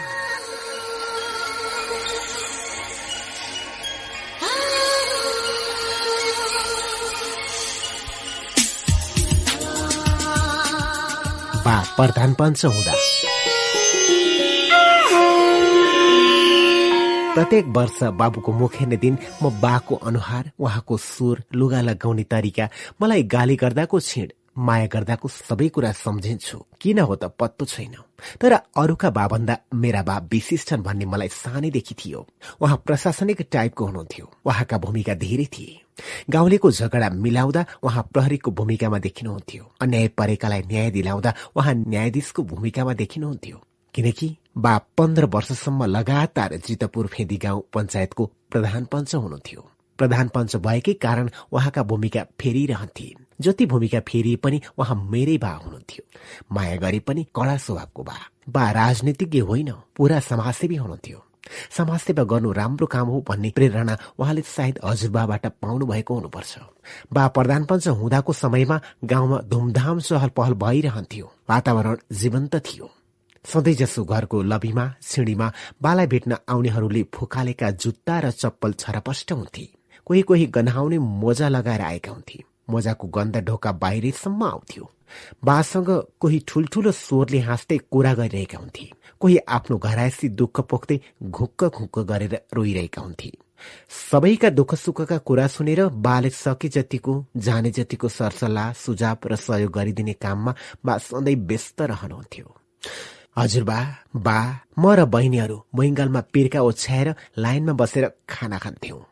खाना खाइरहँदा बाले आफूले गरेका अनेक काम रुचि लिँदै सुनाउनुहुन्थ्यो। कहिले भन्नुहुन्थ्यो हिजो फलानाका दाजुभाइ बीच यस्तो यस्तो झगडा परेको रहेछ। मैले कुरा गरेर मिलापत्र गरेर पठाइदिए। फलानाकी जेठी बुहारीलाई माना चामल भर्ने कागज गरिदिए। बाका कुरामा सही थाप्दै हजुरबा चाहिँ हो र ठिकै भो बेस्तै भो भन्दै तात तातो भात खानुहुन्थ्यो। यसरी सधैँ बाह्र हजुरबा कुरा गर्दा खाना खान धेरै समय लाग्थ्यो। म भने छिट्टै भात खाइसक्दा पनि बाह्र हजुरबा भन्दा छिटो पिर्काबाट उठ्नु हुँदैन भनेर कटकटिएको थालमा औला खेलाएर कहिले गप सकिला र जुट्न पाइएला भनेर कुरिरहन्थे। बेला बेला वनपालेहरूले केही दाउरेहरूलाई समातेर ल्याउँथे र बाका अगाडि उभ्याउँदै भन्थे हेर्नुहोस् हजुर यिनीहरूले ताराकेश्वरको जंगलबाट हरिए रुख काटेर दाउरा बनाएर ल्याएछन्। अब यिनीहरूलाई के सजाय दिउँ बाले अवस्था हेरी अनेक सजाय तोक्नुहुन्थ्यो। कसैलाई भने गाली मात्रै गरेर भोलिदेखि यस्तो काम नगर्नु भन्दै छाडिदिनुहुन्थ्यो। कसैलाई यो बन्चरो यहीँ छोडेर जानु दस दिनपछि मात्रै आएर लिएर जानु भन्नुहुन्थ्यो। कसैलाई मेरो बुद्धि बिग्रियो अबदेखि जंगल मास्ने काम गर्दिन भन्दै आफ्ना गालामा आफैले दस दस पल्ट जोडले चड्कन हान्न लगाउनुहुन्थ्यो। तिनीहरू आफ्नो गालामा आफैले जति जति जोडले हिर्काउँथे मलाई त्यति त्यति नै जोडले हाँस्न मन लाग्थ्यो। हाँसो रोक्न नसके पनि अलि पर गएर हाँस्दै तिनीहरूलाई हेर्थे।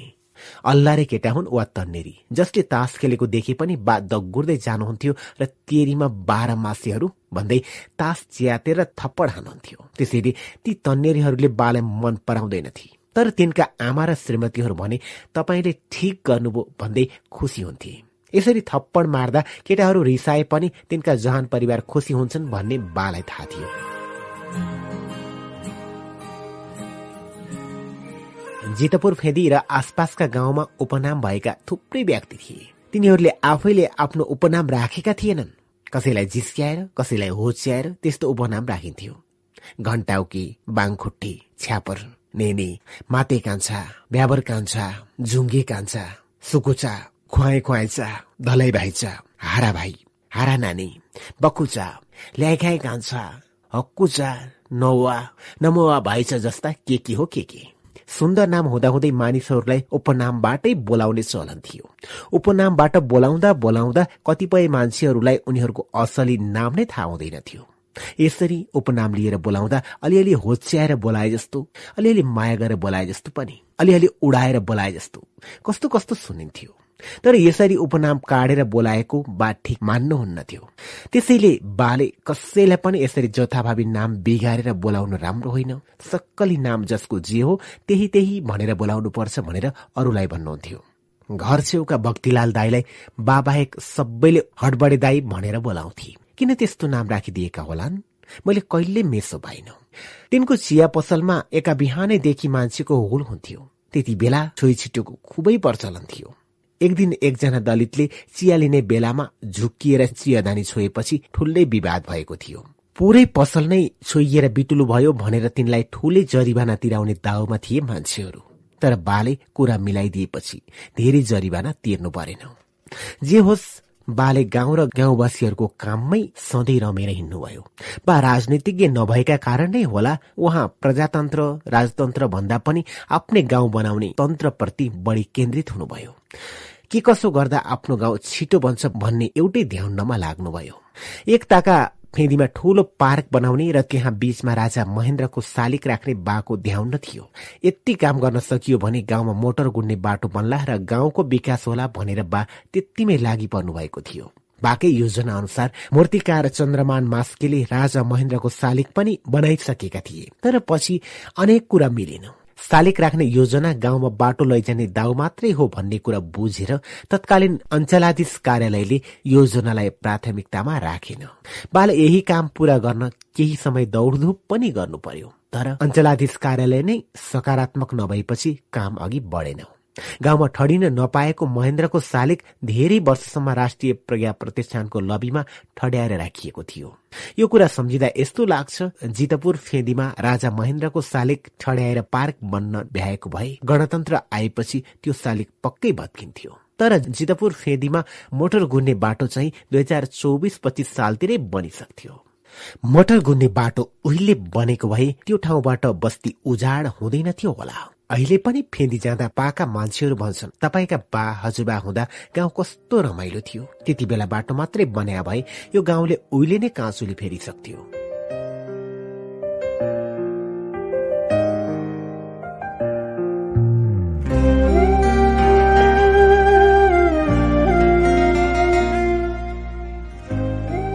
बा बितेको कैयौं वर्षपछि र देशमा लोकतन्त्र आएपछि गाउँमा बाटो पुर्याउन म र केही अगुवा गाउँले पनि अलिअलि कसिएका थियौं।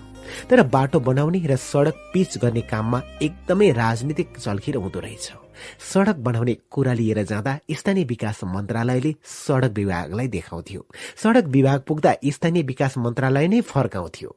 अनि फेरि मन्त्रालय पुग्यो त्यसले राष्ट्रिय योजना आयोगलाई देखाउँथ्यो। अनि योजना आयोगले भने गाविसलाई देखाउँथ्यो। उसले उसलाई उसले उसलाई। उसले उसलाई देखाएको देखाए र हेरेको हेरै हिँडेको हिँडै भइयो। जनता चाहिँ ब्याडमिन्टन गेम हेर्ने दर्शक जस्तै कहिले यता कहिले उता कहिले उता कहिले यता। टाउको फर्काएको फर्काई फर्काएको फर्काई। सरकारले चाहेको भए पञ्चायत कालमै बनिसक्ने बाटो बल्ल गणतन्त्र आएपछि मात्रै बन्यो।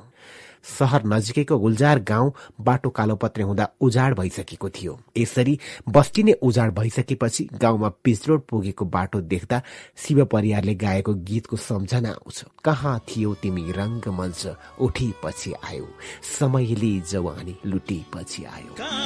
थियो तिमी रङ्गमञ्च उठेपछि आयो कहाँ थियो तिमी रङ्गमञ्च उठेपछि आयो समयले समयले जवानी लुटेपछि आयो समय दोस्त स्कुले जीवन।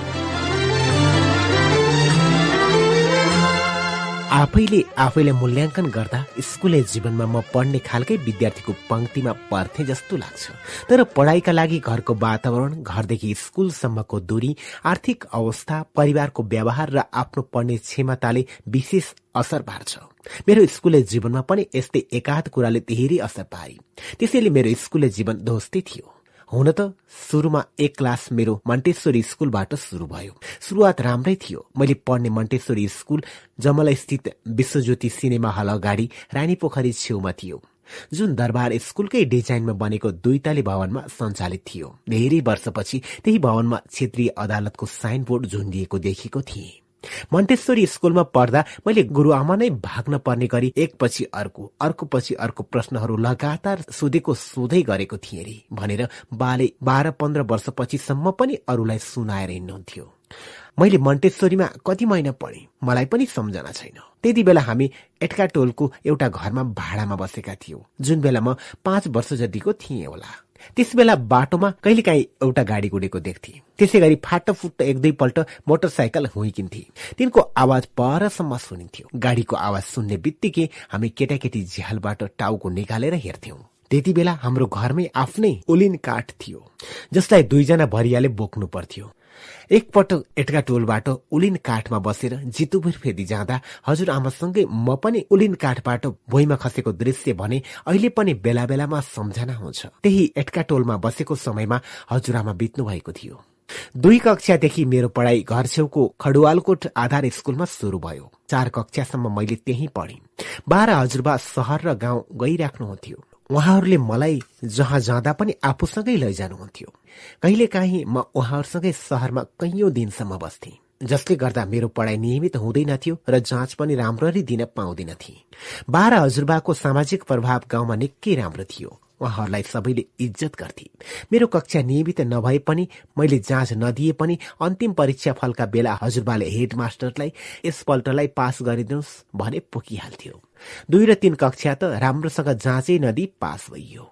चार कक्षा पढेको वर्ष पनि कहिले एक हप्ता सहर त दुई हप्ता गाउँ पाँच हप्ता गाउँ त तीन हप्ता सहर गरी वर्ष बिताए तर चार कक्षा चाहिँ जाँच नदी पास गर्ने वातावरण बनेन। हजुर बाले पनि हेडमास्टरलाई जाँचै नदी मेरो नातिलाई पास गरिदेऊ भन्ने मन गर्नु भएन म पढ्ने स्कुलमा धर्मस्थली नजिकैको महाकाल भन्ने गाउँदेखि गोविन्द मास्टर साहेब हरिहर मास्टर साहेब र केदार मास्टर साहेबहरू पढाउन आउनुहुन्थ्यो। उहाँहरू पढाउनमा विशेष लगनशील र कडा पनि हुनुहुन्थ्यो। तर पर्याप्त समय नदिएकै कारण मेरो पढाइ भने गतिलो हुन सकेन। यसपछिका वर्षहरूमा मेरो पढाइ सहरमा भयो। चार कक्षा पास नगरे पनि बाले मलाई क्षेत्रपाटी स्थित कन्या मन्दिर स्कुलमा लगेर पाँच कक्षामा भर्ना गरिदिनु भयो। कन्या मन्दिर केटीहरूलाई मात्र पढाउने स्कुल हो। तर त्यस बेलासम्म पाँच कक्षासम्म चाहिँ को एजुकेसन थियो? त्यस बेला ठुल्दाई पनि हिसाब सिकाउने एकजना कडा स्वभावका मास्टर हुनुहुन्थ्यो।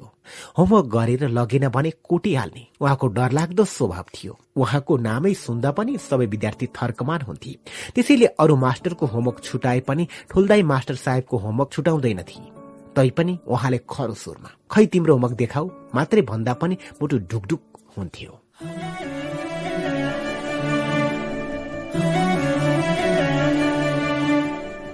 काठमाडौँ र घरको दूरी न नजिक थियो न धेरै टाढा नै। टाढा भएको भए पनि बरु डेरा नै लिइन्थ्यो होला। तर त्यति धेरै नजिक पनि थिएन कि हरेक दिन तुरुन्ता तुरुन्तै आउजाउ गर्न सकियोस्। त्यही भएर म कहिले कि माइली फुपूको घरमा केही महिना बस्थे। कहिले ज्याठाकी ठुली फुपूको घरमा केही समय बस्थे।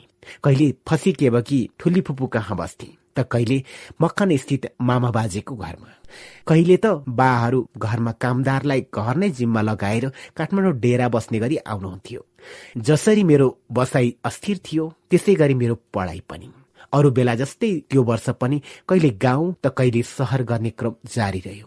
त्यसैले गाउँको स्कुलमा जस्तै मैले कन्या मन्दिर स्कुलमा पनि जाँचै दिइन। जाँचै नदिएपछि पास हुने पनि कुरै भएन।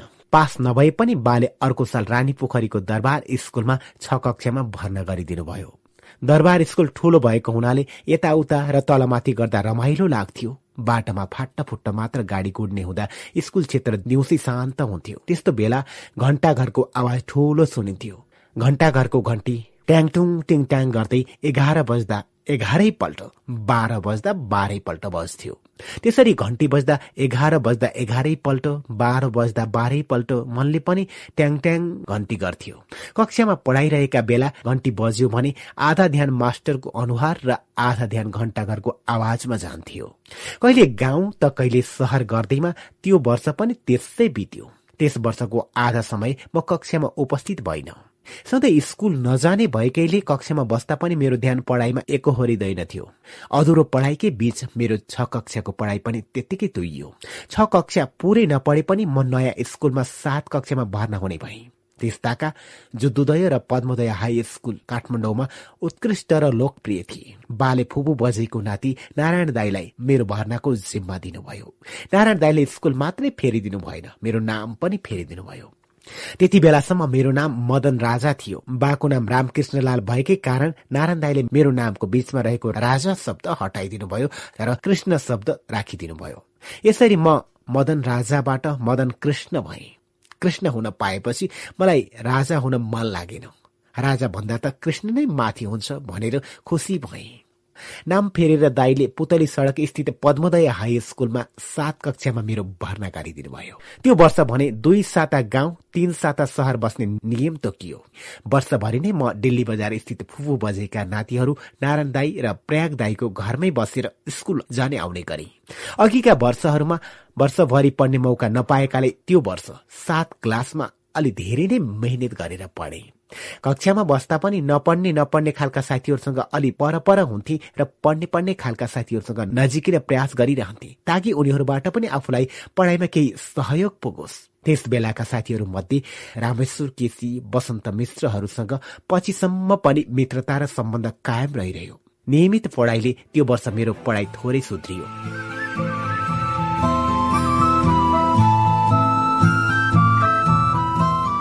सात कक्षाको अर्धवार्षिक जाँच आइपुग्यो। यसअघि छ कक्षासम्म पढुन्जेल मलाई जाँच दिएको अनुभव नै थिएन। जाँचको एक दिन अगाडि एउटा साथीलाई सोधे भोलि जाँचमा के के गर्नुपर्छ? साथीले भन्यो जाँचमा मसी बाँड्न ल्याउँछ त्यो मसी घर लैजान दुई तिनवटा खाली सिसी लिएर आउनुपर्छ। त्यस्ताका फाउन्टेन पेनमा मसी भर्नु पर्थ्यो मसी भर्दा हातभरि लाग्थ्यो र त्यो मसी हालेको हातले जहाँ जहाँ छोयो त्यहाँ त्यहाँ मसीको दाग बस्थ्यो। तर हातमा मसी लाग्दा खुब पढाए जस्तो देखिने हुनाले रमाइलो लाग्थ्यो। भोलिपल्ट जाँचको दिन मसी भर्न भनेर मैले दुईवटा ससाना सिसी गोजीमै बोकेर गएको थिएँ। परीक्षा सुरु हुनु अगावै मसी कसलाई चाहिन्छ भन्दै पालेदाईले ठूलो सिसी भरिको मसी बाँड्न ल्याए। सबैले लुटालुट गरेर मसी थापे। मैले पनि के किन पाएसरी दङ्ग पर्दै दुइटै सिसी भरि मसी थापे। एकछिनपछि सरले कापी बाँडे सबैले लिए मैले पनि लिएँ छेउैको साथीले सुरुमा कापी ढोग्यो र आफ्नो नाम लेख्यो। मैले पनि त्यस्तै गरी कापीलाई ढोगेँ र कापीमा आफ्नो नाम र रोल नम्बर लेखेँ। एकैछिनपछि प्रश्नपत्र बाँड्न ल्यायो। छेउैको साथीले प्रश्नपत्र ढोग्यो अनि मैले पनि उसै गरी ढोगेँ। त्यो साथीले भन्यो उत्तर लेख्नुभन्दा पहिले प्रश्नपत्रमा फुल मार्क पनि लेखेको छ। पास मार्क पनि लेखेको छ। त्यो हेर्नुपर्छ। अनि पास मार्क जति लेखेको छ त्यति मात्रको उत्तर लेखे पुग्छ। मैले पनि कति न टाठो हुँदै प्रश्नपत्र पढेँ। त्यसमा सबभन्दा माथि फुल मार्क हन्ड्रेड र पास मार्क तीस लेखिएको रहेछ। साथीले भनेअनुसार पास मार्क तीस लेखिएको हुनाले तीस नम्बर बराबरको मात्रै उत्तर लेखे पुग्छ भन्ने बुझे मैले। त्यसैले तीस नम्बर बराबरको प्रश्नको मात्रै उत्तर लेखेर तोकिएको समयभन्दा अगाडि परीक्षा सकेर मक्ख परे। बाँकी सत्तरी नम्बर बराबरको प्रश्न त मैले राम्ररी हेर्न पनि हेरिन। जाँच सकेर बाहिर आएपछि साथीहरूले सोधे जाँच कस्तो भयो? मैले दङ्ग पर्दै भने एकदम राम्रो भयो भोलिपल्ट पनि उसै गरी जाँच दिन बसे। उसै गरी प्रश्नपत्र बाँड्न ल्यायो। सबैभन्दा पहिले पास मार्क कति छ र फुल मार्क कति छ भनेर हेरे। त्यसमा पनि पहिलो दिनको प्रश्नपत्रमा जस्तै फुल मार्क सय पास मार्क तीस नै लेखिएको थियो। त्यो दिन पनि मैले सत्तरी नम्बर बराबरको जवाब नलेखी तीस नम्बर बराबरको उत्तर मात्र लेखेर दङ्ग पर्दै घर आएँ। यसै गरी प्रत्येक दिन के किन गरे जस्तो दङ्ग पर्दै सबै विषयको जाँच सके। नतिजा आउँदा म सबै विषयमा फेल भएँ। त्यसपछि पो थाहा पाएँ। सय नम्बर बराबरका सबै प्रश्नको उत्तर लेखेपछि पो तीस चालिस वा पचास साठी नम्बर आउँदो रहेछ। मैले त कुनै पनि विषयमा सत्तरी नम्बरको उत्तर नै लेखेको थिइनँ। मैले कुनै विषयमा बाह्र कुनैमा नौ त कुनैमा पाँच र सात नम्बर मात्रै पाएको थिएँ। के भएको होला भन्दै आफ्नो मार्कसिट हेरेर जिल्ल पर्दै घर फर्किए।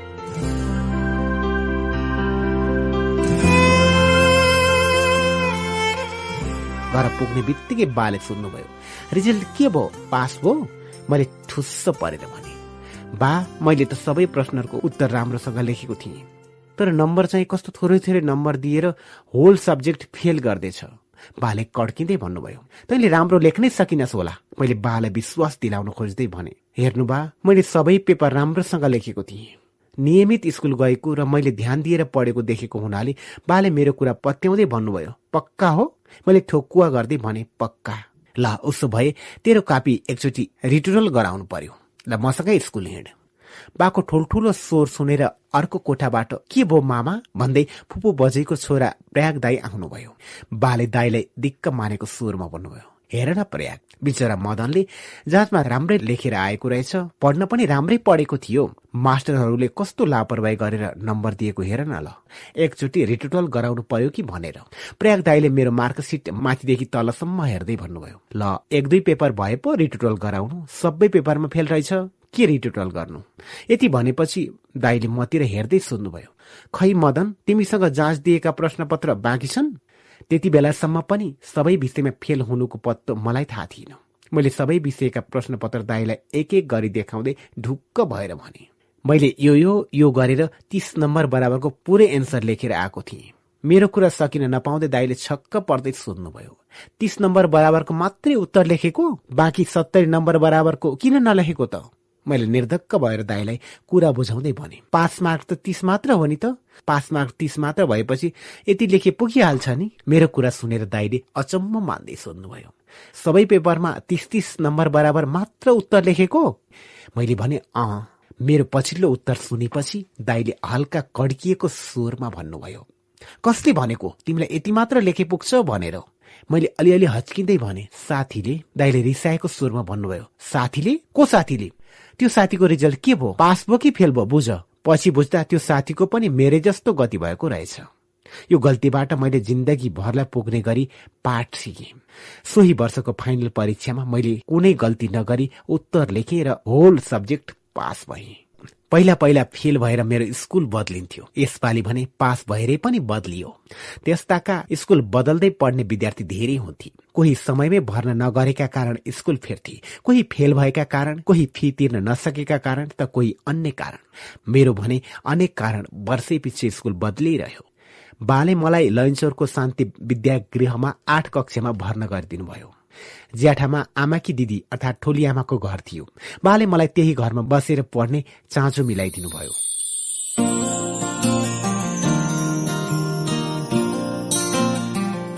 जासुसी घडी।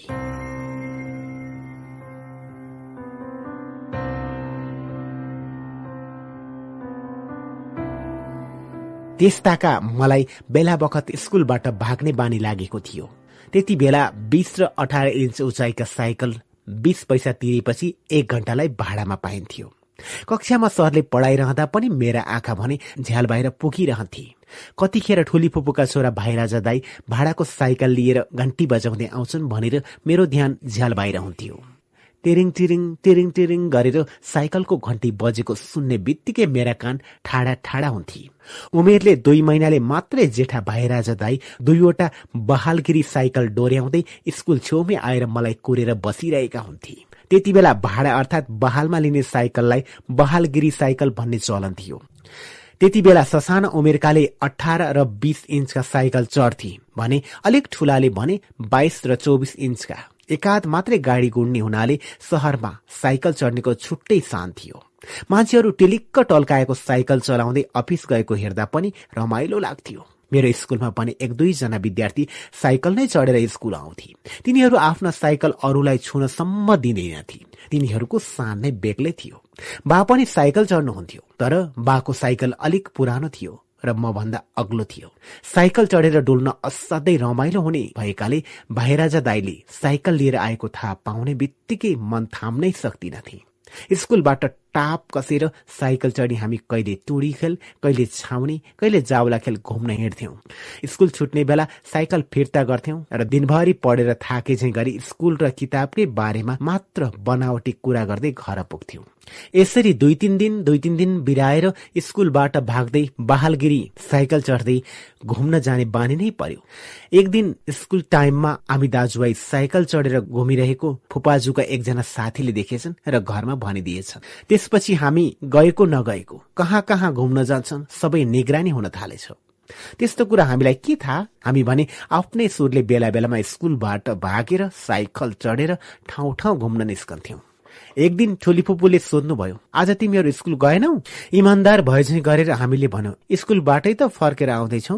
त्यसपछि फुपूले जुन कुरा सुनाउनु भयो त्यो अनौठो मात्रै थिएन। हाम्रो सातो लैजाने खालको थियो। फुपूले कुरा बनाउँदै भन्नुभयो फुपाजुको अफिसमा एउटा यस्तो गजबको घडी आएको छ अरे जुन घडीको अगाडि बसेर फलानु मान्छे कहाँ छ भनेर सोध्यो भने त्यो घडीमा त्यो मान्छे कहाँ छ के गरिरहेछ सबै देखिन्छ अरे आज दिउँसो फुपाजुले तिमीहरू स्कुलमा पढिरहेका छौ कि के के गरिरहेका छौ भनेर हेर्दा दुवैजना साइकल चढेर जावला खेलतिर घुमिरहेका थियो अरे साइकल चढेर घुम्न गएको हो?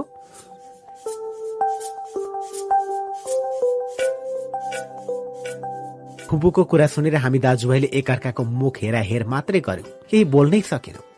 त्यसपछिका सात आठ दिनसम्म हामीले स्कुलबाट भाग्ने आँट गर्न सकेनौं।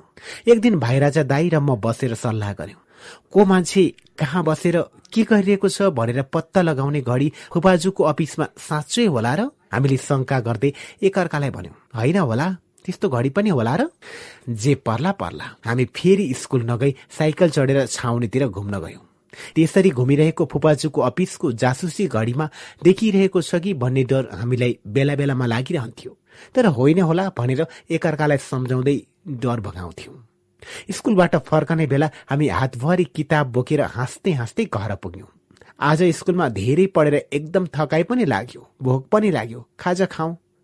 हामीले कुरा सक्न नपाउँदै फुपूले हप्काउँदै भन्नुभयो बदमासहरू आज पनि स्कुल नगई साइकल चढेर छाउनीतिर घुमिरहेको रे। होइन तिमीहरू? फुपाजुको अफिसको घडीमा तिमीहरू साइकल चढेर घुमिरहेको सबै देखियो रे। आज तिमीहरूलाई खाजा साजा केही पनि नदिनु भनेको छ। त्यस्तरी बिग्रिएर हिँड्नुहुन्छ। हामी दाजुभाइ एकअर्काको मुख हेराहेर गर्दै जिल्ल पर्यो। त्यसपछि विश्वास भयो। फुपाजुको अफिसमा को मान्छे कहाँ बसेर के गरिएको छ भनेर पत्ता लगाउने जासुसी घडी पक्कै रहेछ। अबदेखि स्कुलबाट भाग्नै नपाइने भो भनेर दाईले एकछिन आँसु पनि झारे। मलाई नमजा लाग्यो। त्यस दिनदेखि हामी स्कुलबाट भाग्न छाड्यौं। पढाइतिर अलि ध्यान दिन थाल्यौं। अहिले सम्झिँदा लाग्छ ठुली फुपूले अठार उन्नाइस सालतिरै सीसीटीभी क्यामेराको कल्पना गरिसक्नु भएको थियो।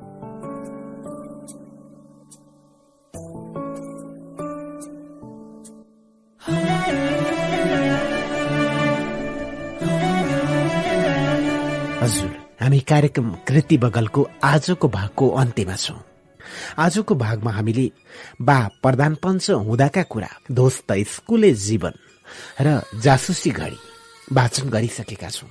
धौलागिरी एफएम अन्ठानब्बे दशमलव छ मेगाहज बागलुङबाट उत्पादन भई धौलागिरी एफएम र पञ्चासी एफएम एक सय दुई दशमलव आठ मेगाहज पर्वतबाट हरेक शनिबार बेलुका नौ तीसदेखि दस बजीसम्म एकसाथ प्रसारण भइरहेको कार्यक्रम कृति बगलमा छौं र तपाईँलाई यो कार्यक्रम कस्तो लाग्दैछ? कृपया प्रतिक्रिया दिन नछुट्नुहोला र यो कार्यक्रम युट्युब च्यानलमा समेत हेर्न र सुन्न सक्नुहुनेछ। अब भने कार्यक्रमबाट छुट्नुपर्ने बेला भइसकेको छ। महको मको पाँचौं भागमा के होला त? सुन्न नछुट्नुहोला प्रविधिबाट साथ दिने कृष्ण संयोग र दिनेश विकल्पप्रति आभार व्यक्त गर्दै म पवन खड्का पनि छुट्टिने अनुमति चाहन्छु। हुन्छ त नमस्कार। कार्यक्रम कृति बगलको यो श्रृङ्खलामा प्राविधिक साथी कृष्ण संयोग र दिनेश विकल्पसँगै म पवन खड्काको हार्दिक स्वागत छ। दौलागिरी एफएम अन्ठानब्बे दशमलव छ मेगाहज बागलुङबाट उत्पादन भई धौलागिरी एफएम र पञ्चासी एफएम एक सय दुई दशमलव आठ मेगाहज पर्वतबाट हरेक शनिबार बेलुका नौ तीसदेखि दस बजीसम्म एकसाथ प्रसारण भइरहेको कार्यक्रम कृति बगलमा अहिले हामी हास्य कलाकार मदन कृष्ण श्रेष्ठको महको म वाचन गरिरहेका छौं र आज हामी महको महको चौथो भागमा छौं। आजको भाग शुरू गर्नुभन्दा पूर्व अघिल्ला भागहरूको छोटो चर्चा गरौं।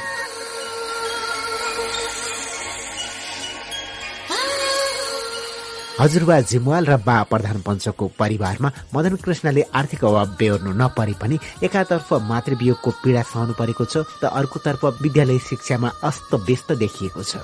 विविध कारणले प्रत्येक वर्ष विद्यालय फेरिएको मात्र होइन परीक्षा नै नदी पढ्दै नपढी माथिल्लो कक्षामा प्रवेश गर्दा पढाइमा हुनुपर्ने प्रगति हुन पाएको छैन। रानी पोखरी छेउको मन्टेश्वरीबाट शुरू भएको अध्ययनको शुरूआत कहिले घर छेउको खडुवालकोट आधार स्कुलमा त कहिले क्षेत्रपाटीको कन्या मन्दिर अनि कहिले रानी पोखरीको दरबार स्कुल। यसो गर्दै कक्षा सातमा भर्ना हुन पुगेका छन्। पुतली सड़क स्थित पद्मोदय हाई स्कुलमा मदन राजाबाट मदन कृष्ण बनेर। पहिलो पटक कक्षा सातमा परीक्षा दिँदाको रोचक प्रसङ्ग पनि कोट्याइएको छ। त्यसपछि लैजौर स्थित कक्षा आठमा शान्ति विद्यागृह पढ्दाको रमाइला घटनाहरू पनि पढिसकेका छौँ जसमा भाइराजा दाईसँगको साइकल र ठुली फुपूले कथेको जासुसी घडीको कुरा उल्लेख्य भएका छन्। अब यसभन्दा अगाडि के बोला त? हुन्छ त अब सुरु गरौँ आजको भाग। पेज नम्बर तीसदेखि अगाडि।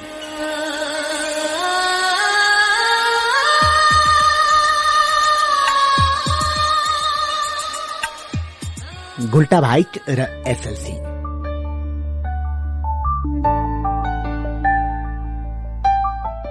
कहिले फसीकेपमा रहेको फुपूको घर बसेर त कहिले फेदीको घरबाटै आउजाउ गरेर मैले जेनतेन नौ कक्षा सके। जागिर र पढाइको दोहोरो भारले मेरो पढाइ झनै कमजोर हुने सम्भावना थियो। बाकै सल्लाहमा मैले रानी पोखरीमा रहेको त्रिभुवन प्रौढ स्कुलमा कक्षा दसमा भर्ना भए।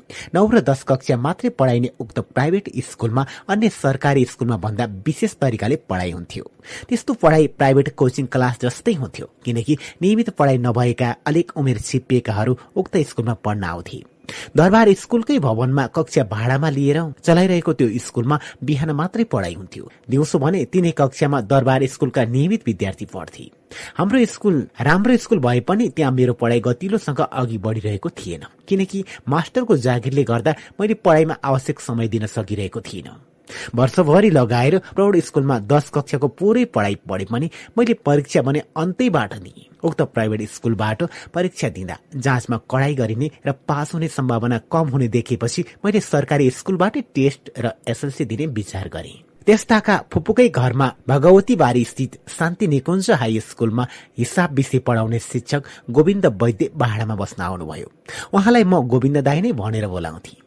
गोविन्द सरकै सल्लाहमा मैले टेस्ट परीक्षा दिन शान्ति निकुञ्ज हाई स्कुलमा फारम भरे र त्यहीँबाटै जिन्तेन टेस्ट पास गरे। गोविन्द दाई हिसाब सिकाउनमा अत्यन्त पोख्त हुनुहुन्थ्यो। एसएलसी परीक्षा नजिकिएसँगै उहाँसँगै हिसाबको ट्युसन पढ्न आउने विद्यार्थीको घुइँचो नै लाग्थ्यो। उहाँले विद्यार्थीहरूलाई फर्स्ट डिभिजन ल्याउने भए यति पैसा सेकेन्ड डिभिजन ल्याउने भए यति पैसा र थर्ड डिभिजन मात्रै ल्याएर पास हुने भए यति पैसा तिर्नुपर्छ भनेर अलग अलग ट्युसन फी तोक्नुहुन्थ्यो। नभन्दै एसएलसीको रिजल्टमा फर्स्ट डिभिजनका लागि धेरै पैसा तिर्नेहरूले फर्स्ट डिभिजन नै ल्याउँथे।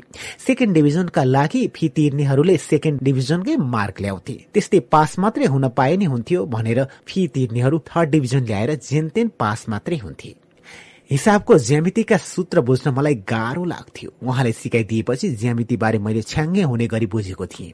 फुपूको घरमा भाडामा बस्ने भएकै कारण उहाँले निशुल्क ट्युसन पढाइदिनु भएको थियो। एसएलसीको परीक्षा नजिकै थियो। फसिकेप टोलकै गौतम साकी हरि तण्डुकार लगायत अन्य तीन चारजना साथीसँग मिलेर हाँस्दै ठट्टा गर्दै र बेला बेलामा छात्ती नै फुट्ला जस्तो पिर गरी गरी सामूहिक रूपमा पढ्न थाल्यो। दिनको एक दुई घण्टा गोविन्द दाईले हिसाब लगायत अरू विषय पढाइदिनुहुन्थ्यो। जाँच नजिक आएपछि मात्रै सबै किताब एकैचोटि घोक्नु पर्दा दिमागले भ्याइ नसक्नुहुन्थ्यो।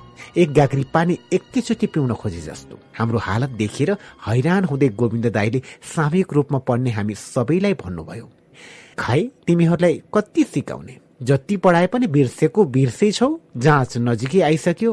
पढाइ नसुध्रिएको देखेर उहाँले दिगदार हुँदै हामीलाई एउटा उपाय बताउँदै भन्नुभयो। ल अब यसो गरी हेर। यो जाँचभरि मेमोरी पावर बढाउने गुल्टाफाइट भन्ने औषधि पाइन्छ। त्यो किनेर खाऊ। त्यसले अलिअलि भए पनि मेमोरी पावर बढ्न सक्छ। उहाँले यस्तो सुझाव मात्र के दिनुभएको थियो? हामी पढ्न सर्न छोडेर तुरुन्तै गुल्टा भाइट किन्न न्यु रोडतिर कुदिहाल्यौँ। न्यु रोडका दुई तिन औषधि पसलमा धुई दुइती चहार्दा पनि गुल्टा भाइट कतै भेटिएन। खोजेको अचुक औषधि नभेटिएपछि एकछिन सबैजना निराश पनि भयौं।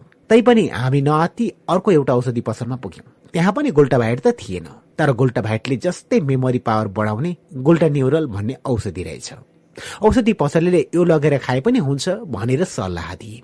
जुन औषधि खाए पनि हाम्रो मेमोरी पावर बढे त भइहाल्यो नि भनेर दङ्ग पर्दै हामी सबैले त्यही गुल्टा न्युरल किनेर ल्यायौं।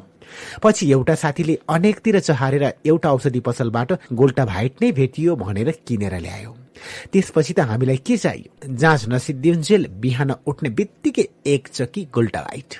जाँच दिन जानु अगाडि अर्को चक्की गोल्टा भाइट जाँच दिएर फर्केपछि फेरि अर्को चकी गुल्टा भाइट र सुत्ने बेलामा पनि फेरि त्यही गुल्टा भाइट यसरी गुल्टा भाइट नै गुल्टा भाइट खाँदै गुल्टा भाइटकै कुरा गर्दै र बचे खुचेको समयमा अलिअलि पढ्दै एसएलसी परीक्षा सक्यो।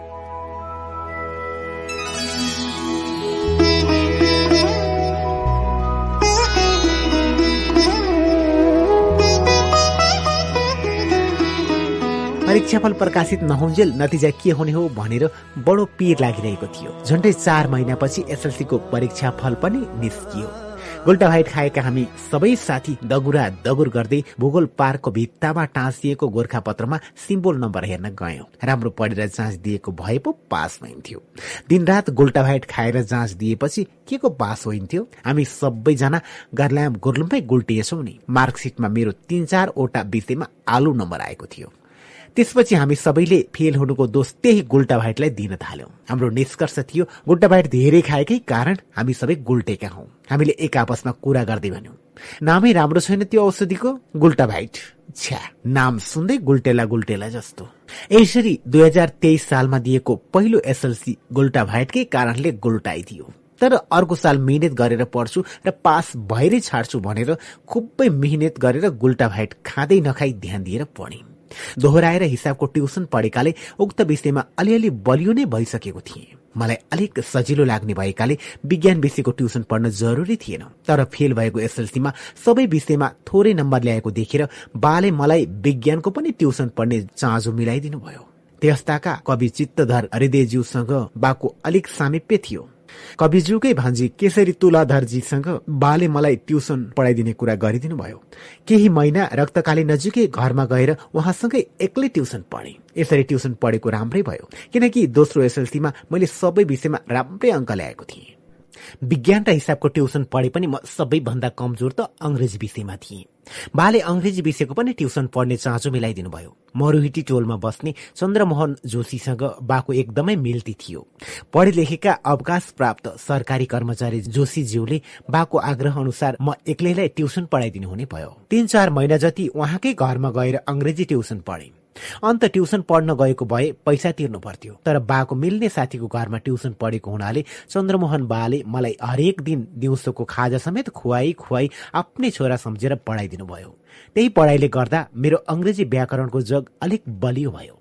चन्द्रमोहन बासँग पढाइका कुरा सम्झिँदा अहिले पनि रमाइलो लाग्छ। उहाँले सधैँ जसो मलाई कोर्स बुकको अङ्ग्रेजी किताब प्रो सेलेक्सन र पोइट्री सेलेक्सनमा भएका कथा कविताहरूको सारांश र व्याख्या लेख्ने होमवर्क दिनुहुन्थ्यो। म पनि आफूले जाने जतिको व्याकरण मिलाई मिलाई सकि नसकी होमवर्क पूरा गरेर लैजान्थे। तर मैले जति नै मेहनत गरेर लेख्दा पनि उहाँ तिमीले लेखेको भएन भनेर टाउको हल्लाउँदै माथिदेखि तलसम्म खुवाई खुवाई केर्नुहुन्थ्यो। अनि त्यसैको माथि माथि आफ्नै सुरले करेक्सन गरेर लेख्नुहुन्थ्यो। यस्तो क्रम सधैँ जसो दोहोरिरहन्थ्यो उहाँको त्यो चाला देखेर म हैरान हुन्थे। जति पटक लेखेर लगे पनि जसरी लेखेर लगे पनि टाउको हल्लाउँदै भएन भन्दै मैले लेखेको खर खर्ती केरेर आफ्नै हिसाबले करेक्सन गर्ने क्रम चलिरह्यो। एक दिन जे पर्ला पर्ला भनेर प्रो सेलेक्सनको गाइड बुकमा छापिएको एक्सप्लानेसन हुबहु सारेर बुझाएँ। यसरी किताबबाट जस्ताको त्यस्तै सारेर ल्याउने हो भनेर गाली खाइएला भनेर डर लागिरह्यो। उहाँले सधैँ चाहिँ एकपल्ट खर्र पढेर भन्नुभयो अह भएन। यति भनेर टाउको हल्लाउँदै माथिदेखि तलसम्म सबै केर्दै केर्दै आफ्नै स्वरले करेक्सन गरेर लेख्न थाल्नुभयो। मैले डराउँदै सोधेँ यो लेखेको पनि भएन र बुबा?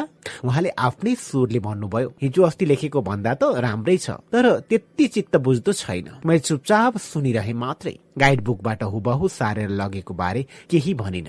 त्यसको भोलिपल्ट फेरि उहाँले करेक्सन गरेर जे जे लेखिदिनु भएको थियो त्यही त्यही जस्ताको तस्तै सारेर लगे। अब आज चाहिँ के भन्ने हुन् बुढाले भन्दै चन्द्रमोहन बाको मुख डराई डराई हेर्दै होमवर्क बुझाए। सधैँ चाहिँ मैले लेखेको कुरालाई एकपल्ट खर पढ्नुभयो अनि पुरानै शैलीमा सुस्तरी दायाँ बायाँ टाउको हल्लाउँदै भन्नुभयो। आह भएन। त्यसपछि माथिदेखि तलसम्म सबै केर्दै केर्दै पुरै होमवर्क करेक्सन गर्दै आफ्नै सुरले लेख्नुभयो। त्यति बेला मलाई चन्द्रमोहन बाको शैली देखेर अचम्मै लाग्यो। अब चाहिँ केही नबनी भएन भनेर फुर्ती साथ भने। हेर्नुहोस् चन्द्रमोहन बा। हिजो अस्ति मैले लेखेको जति सबै केरेर करेक्सन गरिदिनु भयो। त्यही भएर अस्ति मैले प्रो सेलेक्सनको गाइड बुकमा जे छापिएको छ त्यही सारेर ल्याएको थिएँ। यति भनेर मैले झोलाबाट गाइड बुक निकालेर मैले सारेको पङ्क्ति नै प्रमाण स्वरूप देखाइदिएँ। अनि भने गाइड बुककै सार्दा पनि राम्रो भएन भन्दै सबै करेक्सन गरिदिनु भयो। त्यसैले आज त मैले हिजो तपाईँले करेक्सन गर्दा जे जे लेखिदिनु भएको थियो त्यही जस्ताको त्यस्तै सारेर ल्याएको थिएँ। त्यो पनि सबै केरेर करेक्सन गरिदिनु भयो मेरो कुरा सुनेर मुसु मुसु हाँस्दै मलाई सम्झाउने हिसाबले भन्नुभयो। त्यो के हुन्छ भने हेर बाबु होमवर्क चेक गर्ने भनेको मुडमा डिपेन्ड हुन्छ बुझ्यौ। पैसा नभएको बेलामा करेक्सन गर्दा बेग्लै मोड हुन्छ। आम्दानी भएको दिनमा बेग्लै मोड हुन्छ। त्यसै गरी श्रीमतीसँग झगडा परेका बेला करेक्सन गर्नु परे अर्कै मोड भन्छ। मोड हेरी हेरी हुन्छ क्या मोड हेरी हेरी यति भनेर उहाँ मेरो बठ्याइ देखेर मलाई नै धाप मार्दै मजाले हाँस्नुभयो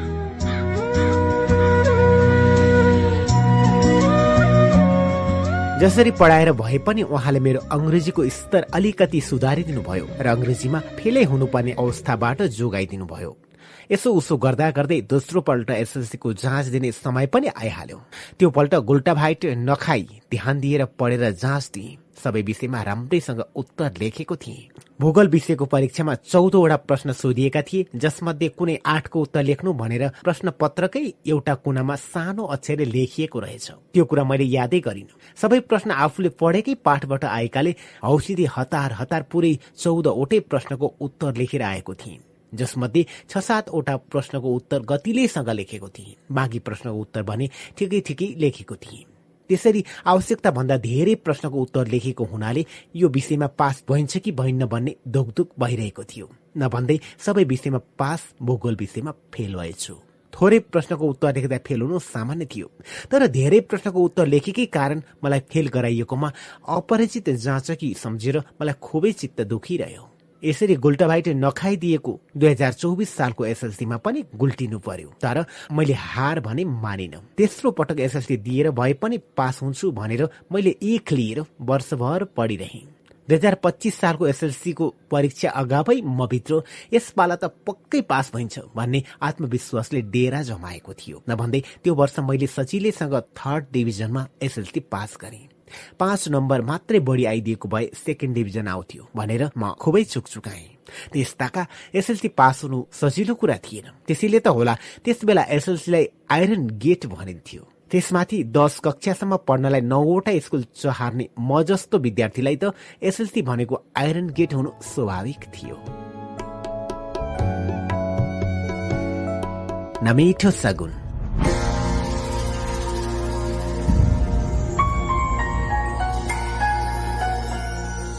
एसएलसी पास गरेपछि काठमाडौँको बसन्तपुर स्थित महेन्द्र रत्न पब्लिक कमर्स क्याम्पसमा आइकम पढ्न बिहानी कक्षामा भर्ना भए।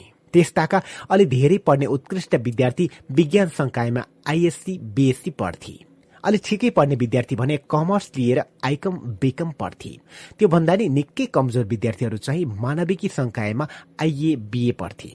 मैले भने आफूले आफूलाई उत्कृष्टै नभए पनि अलिकति पढ्न खोज्ने पढ्न सक्ने विद्यार्थीको पंक्तिमा राखिसकेको थिएँ। राखेर मात्र के गर्नु?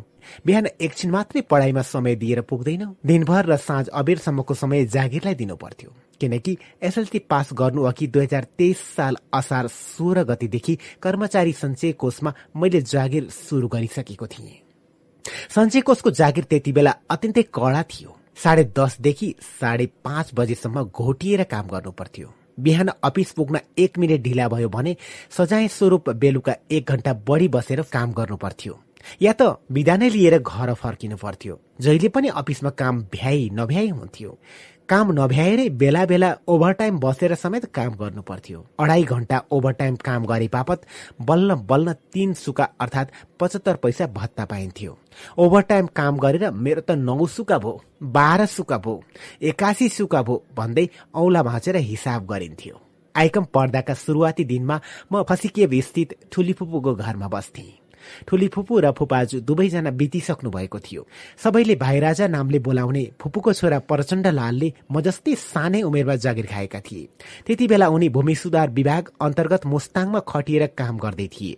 बा र हजुरबा फेदिकै घरमा बस्नुहुन्थ्यो र बेला बेलामा मलाई भेट्न पनि आइरहनुहुन्थ्यो। फुपूको घरमा म एक्लै बसिरहेको थिएँ। त्यसैले सधैँ जसो आफैले पकाएर खानु पर्थ्यो। यसरी भात पकाएर पनि खानु पर्थ्यो कलेज पनि जानै पर्थ्यो अफिस पनि भ्याउनै पर्थ्यो। त्यसमाथि आफ्नो गीत गाउने सुख त्यो पनि पूरा गर्नै पर्थ्यो। यसरी कुन बेला खाने कुन बेला क्याम्पस जाने कुन बेला अफिस पुग्ने कुन बेला गीत गाउने सुख पूरा गर्ने। भ्याइ नभ्याइको जिन्दगी चलिरहेको थियो। यस्तै प्रकारले पढ्दा मेरा लागि एसएलसी त आइरन गेट भयो नै। आइकमको पढाइ पनि गोल्डन गेट हुन पुग्यो। कहिले कुन पेपर बिग्रिने त कहिले कुन पेपर बिग्रिने। तैपनि हिम्मत चाहिँ हारिन। काम माम पढाइ जागिर गीत मध्ये कुनै पनि छाडिन। आइकमको फाइनल जाँच पनि दुई पटक त मजाले बिग्रियो। तेस्रो पल्ट तीन पेपरमा आंशिक जाँच दिएको थिएँ। तैपनि रिजल्ट नभएसम्म चिन्तै लागिरहेको थियो।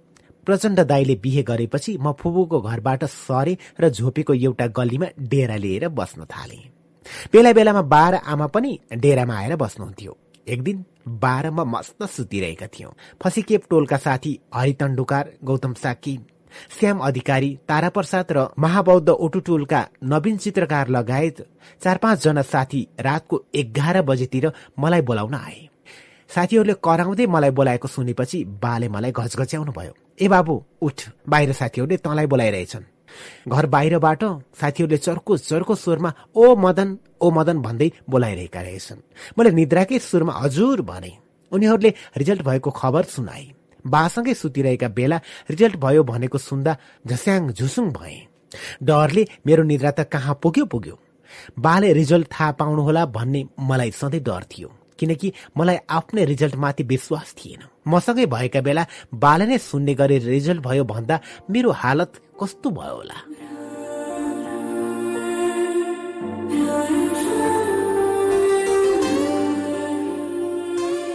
गाह्रो मान्दै काँपेको स्वरले मेरो रिजल्ट के भयो? भनेर साथीहरूलाई सोधे। उनीहरूले खुसी हुँदै चर्को स्वरमा भने पास भइस। यो सुन्ने बित्तिकै एकछिन आनन्दले सुखको सास फेरि मनमा मिठो सङ्गीत बज्यो। उठेर कोठामा बत्ती बाले। बाले सुती सुती भन्नुभयो ल बधाई छ बाबु तलाई। तेरा साथीहरूलाई पनि धन्यवाद सुनाइदिए यति राति खुसीको खबर सुनाउन आए बिचराहरू। म साथीहरूलाई भेट्न जान जोर्याक जुरुक उठेँ। जुत्ता लगाउँदै थिएँ। बाले ओछ्यानबाटै सोध्नुभयो साथीहरूसँग जान लाग्यो? कतै पसल खोलेको छ भने फर्केर आउँदा मिठाई सिठाई केही किनेर ल्याउनु। म पनि खुसी हुँदै हस् बा हुन्छ बा भन्दै तल ओर्लिएँ। साथीहरूले बधाई बधाई भनेर हात मिलाउँदै सोधे कुन कुन पेपरको जाँच दिएको रे? मैले इन्सुरेन्स र अर्को विषयको नाम भन्दै थिएँ। त्यति बेला हरिले पोक्क भन्यो ला इन्सुरेन्स विषयमा पास भएको त रिजल्टमा देखिएन त। तिमीले अकाउन्ट इकोनोमिक्सको मात्रै आंशिक जाँच दिएको होइन र? त्यस्ताका आंशिक जाँच दिनेहरूको परीक्षाफल प्रकाशित हुँदा जुन जुन विषयको जाँच दिएको तीमध्ये पास भएको विषय मात्र उल्लेख गरेर नतिजा निकालिन्थ्यो। हरिले इन्सुरेन्स विषय त छैन भनेको सुन्ने बित्तिकै मेरो जिउ सिरिङ्ग भयो। मुटु जोडले ढुकढुक हुन थाल्यो। मैले मधुरो स्वरमा भने अकाउन्ट र इकोनोमिक्सको साथमा इन्सुरेन्स विषयको पनि जाँच दिएको थिएँ नि। मेरो कुरा सुन्ने बित्तिकै साथीहरू जिल्ल पर्दै भने इन्सुरेन्स त देखिनौ भए न हामीले हेरेको नमिलेको हो कि? फेरि एकपल्ट सुन्धारामा नतिजा हेर्न जाउँ। म पनि साथीहरूसँगै नतिजा हेर्न निस्किएँ उता बाचाइ म पास भएँ भनेर ढुक्क भइसक्नु भएको थियो। यता आफ्नो मनमा चाहिँ जोडले ध्याङ्ग्र ठोकिरहेको थियो। अमिलो मन बनाउँदै रिजल्ट हेर्नकै लागि साथीहरूसँग लोखुर लोखुर हिँडिरहेको थिएँ। मेरो अवस्था देखेर साथीहरू एक शब्द पनि बोलिरहेका थिएनन्। म पनि चुपचाप थिएँ। धरहराबाट भोटे बहाल जाने गल्लीमा शिक्षा मन्त्रालय अन्तर्गतको एउटा अफिस थियो। त्यही अफिसको पर्खालमा परीक्षाफल टाँसिएको थियो। हतार हतार गर्दै मैले परीक्षाफल टाँसिएको कागजमा आँखा दौडाएँ। आखिर साथीहरूको कुरा सही थियो। म अरू विषयमा पास भएको रहेछु। तर इन्सुरेन्स विषयमा भने एउटा नमिठो कुहिएको आलु खाएकै रहेछु। कर्मले दिएको आलु खानै पर्यो। मेरो हालत देखेर साथीहरू वाल्ल परे म पनि झिल्ल परे। बाले फर्केर आउँदा मिठाई सिठाई किनेर ल्याउनु भनेको सम्झिए। लामो सुस्केर हाले। त्यो सुनेर साथीहरूले बोर मान्दै अब एकै पेपर त हो नि खेली खेली पास भइहाल्छु पेर नगर भनेर सम्झाए। मलाई भने एक पेपर बाँकी रहेकोमा भन्दा एक पेपर अझै बिग्रेको रहेछ भनेर बालाई कसरी सुनाउने होला भन्ने पीर परिरहेको थियो। दिक्क लाग्यो। तुरुन्तै फर्किएर घर जान मनै लागेन। बाह्र एक बजेसम्म साथीहरूसँगै जुद्ध शमशेरको सालिकदेखि न्युरोड गेटसम्म। न्युरोड गेटदेखि इन्द्रचोकसम्म ओहोर दोहोर गरिरह्यौँ। ओहोर दोहोर कति बेर गर्नु? जाउँ घर धेरै बेर भयो। एक नै बजिसक्यो भनेर साथीहरूलाई घरतिर पठाइदिएँ। म पनि लुरु लुरु घरतिर हिँडेँ। आफूले परीक्षा फलमा कुहिएको आलु खाँदैमा बालाई पनि आलु नै किनेर लगिदिने कुरा पनि भएन। मिठाई किनेर लगिदिने त झन् कुरै आएन। पास भएको भए गीत गाउँदै भर्याङ उक्लन्थे जाँच बिगारेको मान्छे चोर उक्लिएको जस्तै गरी साइसुई केही आवाजै नआउने गरी सुस्तरी भर्याङ उक्लिए। आवाज नआउने गरी बिस्तारै कोठाको ढोका खोले। लुसुक्क भित्र छिने र बिस्तारै ढोका लगाए। बा खाटमा छोरा पास भयो भनेर ढुक्क भएर गुहार गुहार घोर्दै आनन्दले सुतिरहनु भएको थियो। म पनि चोर सुत्न गएको जस्तै गरी बिस्तारै ओछ्यानमा लुसुक्क घुस्रिए। कार्यक्रम कृति बगलको यो श्रृङ्खलामा प्राविधिक साथी कृष्ण संयोगसँगै म पवन खड्काको हार्दिक स्वागत छ। दौलागिरी एफएम अन्ठानब्बे दशमलव छ मेगा हज बागलुङबाट उत्पादन भई दौलागिरी एफएम र पञ्चास एफएम एक सय दुई दशमलव आठ मेगा हज पर्वतबाट हरेक शनिबार बेलुका नौ तीसदेखि दस बजेसम्म एकसाथ प्रसारण भइरहेको छ कार्यक्रम कृति बगल। अहिले हामी कार्यक्रम कृति बगलमा हास्य कलाकार मदन कृष्ण श्रेष्ठको आत्मकथा महको म वाचन गरिरहेका छौँ र आज महको मको पाँचौं भागमा छौँ। आजको भाग सुरु गर्नु अघि यसभन्दा अघिल्ला भागहरूको छोटो चर्चा गरौं। नेवारी समुदायको प्रत्यक्षतामा मदन कृष्णले जीवनका चरणहरू विचरण गरेकैले होला। जितपुर फेदीदेखि काठमाडौँको पेरिफेरीसम्म नेवारी रासनङ नै प्राय देखिन्छ। नौवटा नै स्कुल फेरेरै भए पनि एसएलसीसम्म पुगेका श्रेष्ठले तेस्रो पटकमा एसएलसी पास गरेका छन्। त्यति बेलाको एसएलसी वास्तवमै गाह्रो आइरन गेट थियो र पार हुनै मुस्किल। जुन गेट उनले पार गरेका छन्। त्यस पछाडि आइकममा पास नभइकनै पास भएको भ्रममा बाबा आमाले दिएको सगुनको स्वाद जिब्रोले खुट्याउन नसक्दाको पीडा। त्यस्तै पूर्ण रूपमा पितृभक्त भएको उनको आचरण पनि प्रष्टिएको छ। निकै उतार चढावमा गुज्रिएको उनको जीवनले अब कुन मोड लिन्छ त? आजको भागमा के होला त? पेज नम्बर एकाउन्नदेखि अगाडि। हुन्छ त सुरु गरौं आजको भाग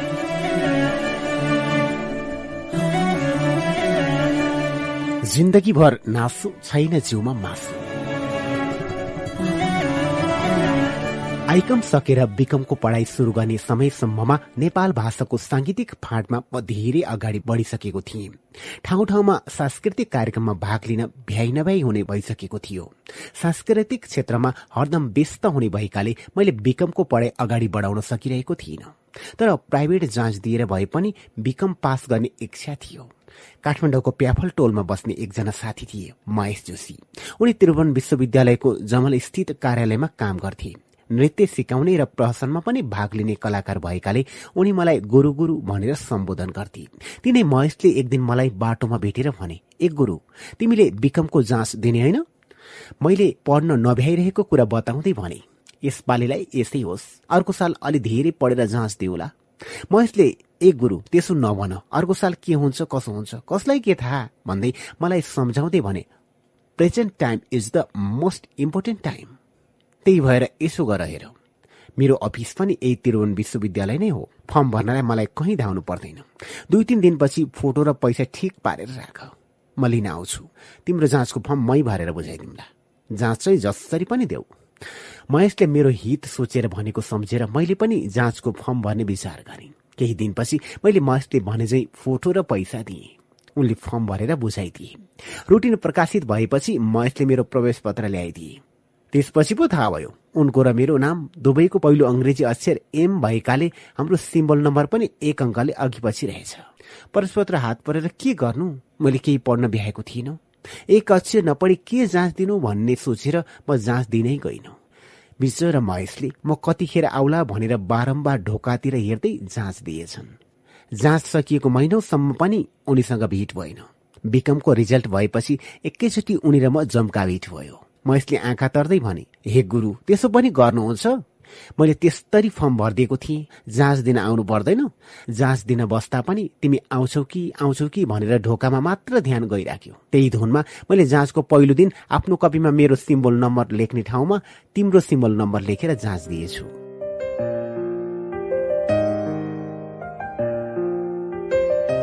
उनको छक्कै पर्ने कुरा सुनेर मैले हत्त न पत्त सोधेँ। अनि रिजल्ट के भयो नि? उनले दिक्क मान्दै भने के हुनु नि? एउटा विषयमा तिमी पास म फेल। लौ मार्यो जाँच दिन आउने महेश फेल भएछ। म जाँचै दिन नगएको मान्छे भने हावाको भरमा एक विषयमा पास भएछु। महेशले अर्को साल फेरि जाँच दिएर त्यो विषय पास गरे। म भने कला क्षेत्रमा एकहोरिएर लागेको लागे गर्न थाले। दायाँ बायाँ हेर्न फुर्सद पनि भएन। कला क्षेत्रको सट्टा पढाइ र जागिरमा पनि समय दिन पाएको भए सायद म अफिसमा पदोन्नति भएर माथिल्लो तहसम्म पुग्थे होला या नपुग्न पनि सक्थे। समय र परिस्थितिको के भर? मैले समय र परिस्थितिको चेपुवामा परेका धेरै साथीलाई देखेको छु। समयले साथ दिएका कोही सरकारी ओहदामा उच्च पदमा पुगेका छन्। कोही मन्त्री पनि भएका छन्। कोही जर्नेल कर्नेल भएका छन् त कोही डाक्टर इन्जिनियर भएका छन्। कोही कोही भने परिस्थितिको उल्झनमा परेर त्यसै रुमलिरहेका छन्। एकपल्ट कार्यक्रमकै सिलसिलामा बिरगञ्ज जाँदा सँगै स्कुल पढ्दाको साथी भेटे। उनी पुलिसको हवलदार भएर त्यहाँ पुगेका रहेछन्। कार्यक्रम सकिएपछि तिनलाई देखेर मैले खुसी हुँदै बोलाएँ। अचानक मलाई देखेर तिनले पनि ओहो साथी के छ? भन्दै हात मिलाए। ती साथीले दिक्क मान्दै भने के गर्नु साथी? पुलिसमा जागिर खाइयो। आफ्नो मान्छे भन्नु कोही पनि भएन। भनसुन गरिदिने पनि कोही भेटिएन। सँगै पढेका साथी प्रगति गरेर कहाँ कहाँ पुगिसके? आफू चाहिँ जिन्दगीभर हवलदारको हवलदारै छु। ती साथीको कुरा घत लाग्दो थियो। जागिर खाएरै बसिरहेको भए म पनि जिन्दगीभर नासु छैन जिउमा मासु भइरहन। के बेर?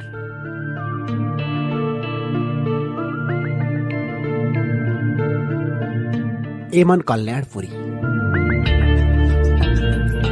जितपुर फेदी सांस्कृतिक रूपले चलायमान गाउँ थियो। मानन्दरहरू राम्रा राम्रा बौद्ध भजन गुनगुनाइरहन्थे हिन्दूहरूका घरमा भने सप्ताह पुराण र भजन कीर्तन हुन्थ्यो। त्यसमा बजाइने बाजा गाजा हेर्न र संगीत सुन्न म गइरहन्थे। घरमा पनि तबला र हार्मोनियम थियो। रमाइलो र अरूलाई हँसाइरहने हजुरबुवा गुठी गुठी पूजाका बेला गालामा अबिर दल्नुहुन्थ्यो भजन गाउनुहुन्थ्यो र हल्का नाचेर रमाइलो गर्नुहुन्थ्यो। दसैँ तिहारका बेला बाका भान्जा भान्जी र मेरा फुपूहरू आएका बेला त बा हार्मोनियम बजाएर गीत नै गाउनुहुन्थ्यो। घर अघिको मन्दिरको घण्टा र चैत्यबाट आउने सुमधुर सङ्गीत सुन्दै मौरिकिएको थिए। झ्यालमा बसेर हिन्दी र नेपाली फिल्म मिठो पाराले गाउँथे। सडकमा हिँडिरहेका मान्छे मेरो स्वर सुनेर दङ्ग पर्दै पुलुक्क हेरेर बाटो लाग्थे। कोही कोही भने टक्क अडिएर मेरो स्वर सुन्थे। उनीहरूको ध्यान तानिँदा मलाई रमाइलो लाग्थ्यो। श्री पञ्चमीका बेला बा सरस्वतीको भजन आफै लेख्नुहुन्थ्यो र आफैले हार्मोनियम बजाउँदै गाउनुहुन्थ्यो। त्यति बेला बाले गाएको गीत अझै पनि मेरो सम्झनामा छ। बा गाउनुहुन्थ्यो हे मा शारदा सरस्वती माता शिक्षा दिनुहोस् बालक हामीमा।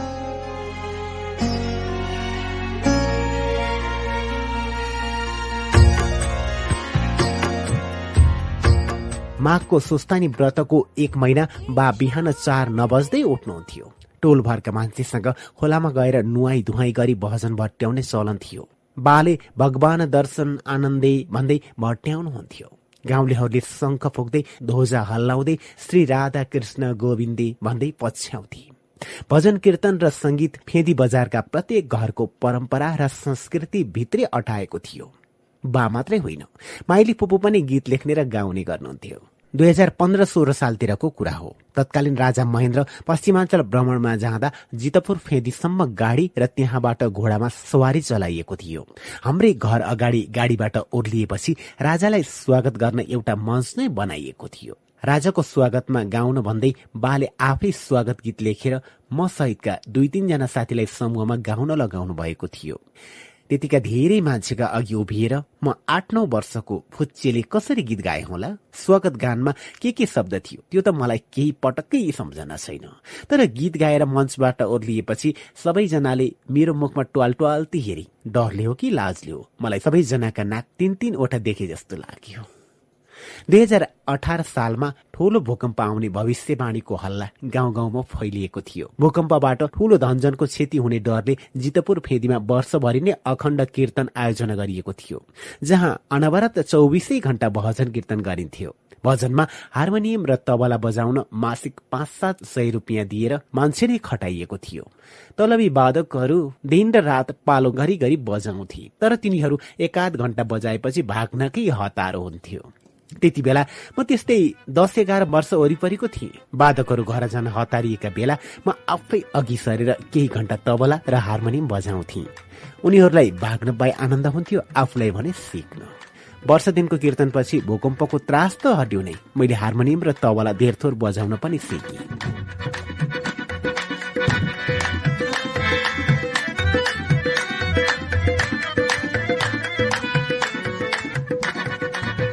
दुई हजार एक्काइस बाइस सालतिरको कुरा हो। म नौ कक्षामा जुद्धोदय पब्लिक हाई स्कुलमा पढ्थे।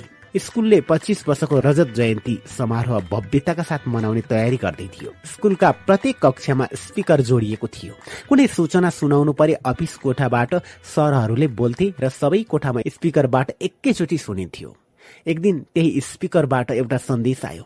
स्वर राम्रो भएका गीत गाउन इच्छुक विद्यार्थीहरू माथि अफिस कोठामा भोइस टेस्ट लिन आउनु। साथीहरूले भने ए मदन तिम्रो स्वर पनि लता मङ्गेशकरको जस्तो छ। भोइस टेस्ट दिन जाऊ पक्कै सिलेक्ट हुन्छौ। त्यो बेलासम्म मेरो स्वर केटीको जस्तो मसिनो थियो। छनौटमा पर्दिन होला भन्ने सोचेर म नजाने विचारमा थिएँ।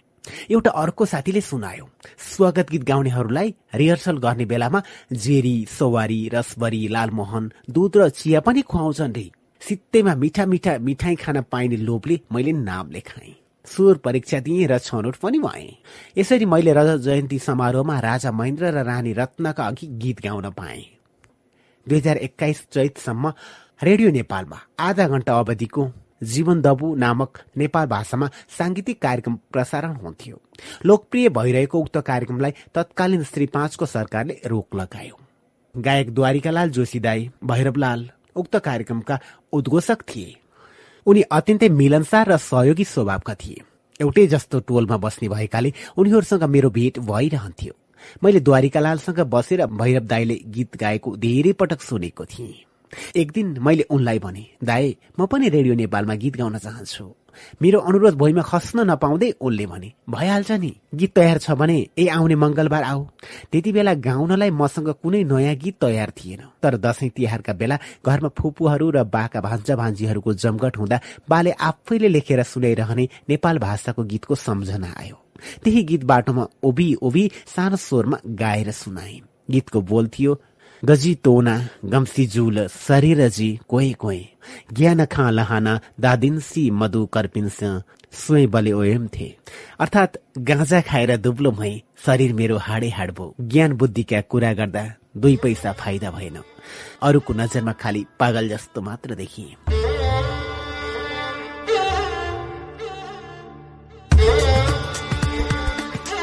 मैले गाएको त्यो गीत सुनेर भैरव दाईले भन्नुभयो ल यस्तो राम्रो गीत छ। भइहाल्छ नि आऊ। लाइभ प्रसारण हुने हो। दाईले यति भनेपछि गीत गाउने मेरो बाटो खोल्यो। त्यति बेलासम्म मैले रेडियो नेपालबाट स्वर परीक्षा पनि पास गरेको थिइनँ। लाइभ प्रसारण हुने कार्यक्रम भएकाले स्वर परीक्षा पास नगरेको मान्छेले रेडियोमा गीत गाउन पाउनु राम्रो अवसर थियो। त्यसताका म फसिकेप टोलको ठोली फुपूको घरमा बस्थे। टोलका मेरा साथी गौतम साखी हरि तण्डुकार तारा प्रसाद श्रेष्ठ सबैलाई म रेडियो नेपालमा लाइभ गीत गाउँदैछु। सुन्नु है भनेर जानकारी दिँदै रेडियो नेपालमा गीत गाउन गएँ। जिन्दगीमा रेडियोमा गीत गाउन लागेको त्यही पहिलो पटक थियो। स्टुडियोबाट गीत गाएर बाहिर निस्कँदा संगीतकार नातिकाजी दाई र शिवशंकर दाईले एकै स्वरमा सोध्नुभयो भर्खरको गीत तिमीले गाएको गीत हो भाइ? मैले होको भावमा मुन्टो हल्लाएँ। उहाँहरूले हाँस्दै भन्नुभयो राम्रो गायो। गीत पनि रमाइलो खालको रहेछ बधाई छ। गीत संगीतको शिखरमा रहेका नातिकाजी र शिवशंकरबाट बधाई पाउनु त्यसबेला मेरा लागि निकै प्रेरणादायी थियो। गीत गाएर दङ्ग परेर फर्किरहँदा फसिकेप टोलका मेरा साथीहरू मभन्दा पनि धेरै खुसी देखिएका थिए। राम्रो गायो राम्रो गायो भन्दै साथीहरू हात मिलाउन आए। म त्यसै दङदास भएँ। रेडियो नेपालले लिने स्वर परीक्षा उत्तीर्ण गर्न पाए हुन्थ्यो भन्ने ठूलो हुटुहुटी थियो मलाई। त्यस्ताका स्वर परीक्षाका लागि रेडियो नेपालमा नाम लेखाउनु पर्थ्यो। नाम लेखिएको केही महिनामा बल्ल पालो आउँथ्यो।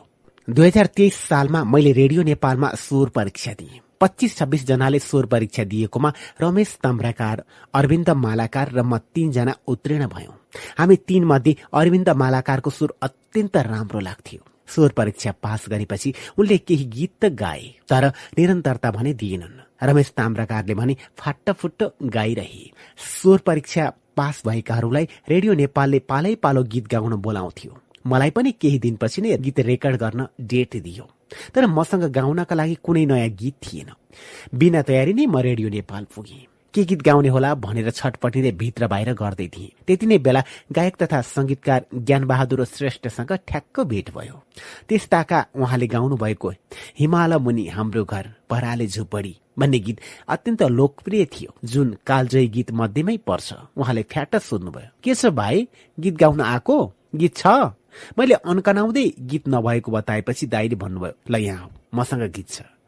मसँग गाउनलाई गीत छैन भन्ने कुरा उहाँले पहिले थाहा पाइसक्नु भएको रहेछ। उहाँले मलाई भित्र लैजानुभयो। भित्र छिर्दै गर्दा मैले सुने मलाई दिन लागेको गीत कस्तो छ ज्ञान बहादुर दाई? उहाँले निर्धक्क भए जसरी भन्नुभयो कस्तो छ भन्नु? मिस्त्रीको टुक्रा जस्तो छ नि।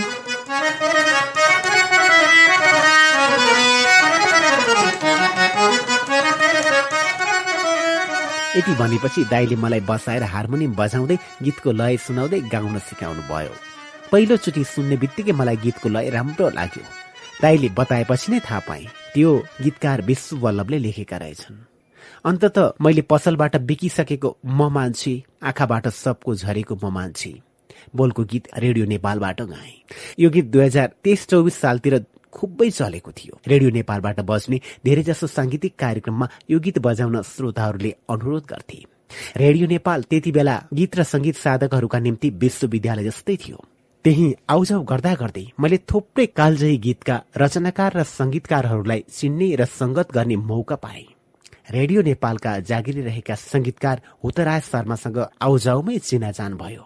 थुप्रै संगीत साधकहरू रेडियो नेपालमा पेसागत रूपमै जोडिएका थिए। संगीतकार तथा गायक नातिकाजी ज्ञानबहादुर तारादेवी शिवशंकर मानन्दरदेखि बच्चु कैलाश र गोपाल योन्जनसम्मलाई मैले रेडियो नेपालकै आउजाउमा चिने। जति बेला म गीत संगीतको ढोकाबाट चियाउँदै थिएँ त्यति बेला नेपाली संगीतको स्वर्णिम युग थियो। गीतहरू गहकिला हुन्थे शब्द ओजिला हुन्थे। किरण खरेल यादव खरेल रेडियो नेपालका उद्घोषक हुनुहुन्थ्यो। आफै गीतकार भएकाले उहाँहरूले गीतको मर्म बुझ्नुहुन्थ्यो। गीत बज्दा गीतकार र संगीतकार दुवैको नाम नछुटाई भन्ने चलन थियो। तर गीतकार संगीतकार र गायकको नाम सुने पनि अनुहार भने देख्न पाइँदैनथ्यो। त्यस्ताका हरिभक्त कटुवाल अगमसिंह गिरीको नाम खुबै सुनिन्थ्यो। बच्चु कैलाशको नाम कैयौं पटक सुनेको थिएँ तर भेट्न पाएको थिइन। एक दिन रेडियो नेपाल परिसरमा अचानक बच्चु कैलाश र पुष्प नेपालीलाई भेट्न पाउँदा औधी खुसी लागेको थियो। पहिलो गीतबाट राम्रो प्रतिक्रिया पाएपछि मलाई अर्को गीत पनि गाउन मन लाग्यो। त्यसैले गुन्द्रुक पकाउनु पर्दैन साली फकाउनु पर्दैन भन्ने पुरानो उखानलाई गीतको मुखडा बनाएर मैले गीत लेखेँ। गुन्द्रुक पकाउनु पर्दैन साली फकाउनु पर्दैन भन्ने पुरानो उखान छ।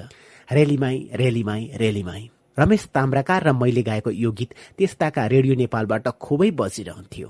यो गीत गाएको केही महिनापछि मैले नै फेरि अर्को गीत लेखेँ। पाँच पैसाको एक टुक्रा सुपारी नराख कुरा मनैमा थुपारी साइली र माइली जाउँसँगै रेलैमा। बोलको गीत लेखेर रमेश र मैले फेरि स्वर भर्यौं। अहिले ती गीतका शब्द सम्झिँदा निकै हल्का फुल्का मात्रै लाग्छ। तर ती गीत रेडियोबाट खोबै बस्थे। रेडियो नेपालबाट केही गीत गाइसकेको भए पनि शास्त्रीय संगीतबारे म त्यति धेरै जानकार थिइन। त्यसैले समय निकालेर पुतली सड़कमा रहेको संगीत विद्यालयमा शास्त्रीय संगीत राग सिक्न भर्ना भए। सञ्चय कोषको दिनभरको जागिर सकेर संगीत सिक्न जान्थे। संगीतकार दीपक जंगम गायिका निर्मला श्रेष्ठ पनि त्यहाँ राग सिकिरहेका थिए। केही दिनमै शास्त्रीय संगीतको पहिलो राग एमन कल्याणपुरी सिके। अर्को राग सिक्न शुरू गर्न आटेकै बेला गाउँबाट खबर आयो। हजुरबा सिकिस्त हुनुहुन्छ। घर पुगेपछि पो थाहा पाए। हजुरबा बितिसक्नु भएको रहेछ। क्रिया नसकिन्जेल घरमै बसे। दुई सातापछि कक्षा आउँदा कोर्स धेरै अघि बढिसकेको थियो। धेरथोर सुर र तालको ज्ञान पाए पनि शास्त्रीय संगीत सिक्ने रहर अधुरै रह्यो। तर पनि सुर र तालको आधारभूत ज्ञान भने मलाई भयो। शास्त्रीय संगीत नजानी संगीत सुन्दा कानले मात्रै सुनिन्छ तर शास्त्रीय संगीत जानेर सुन्दा संगीतलाई आँखाले पनि देखेको जस्तो महसुस गर्न सकिदो रहेछ।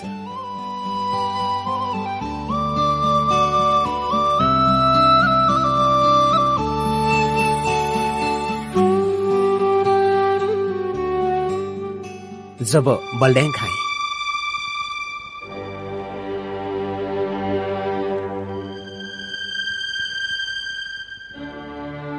गीत गाउने रहरको पालुवा मेरो मनभित्र दिन प्रतिदिन बढिरहेको थियो।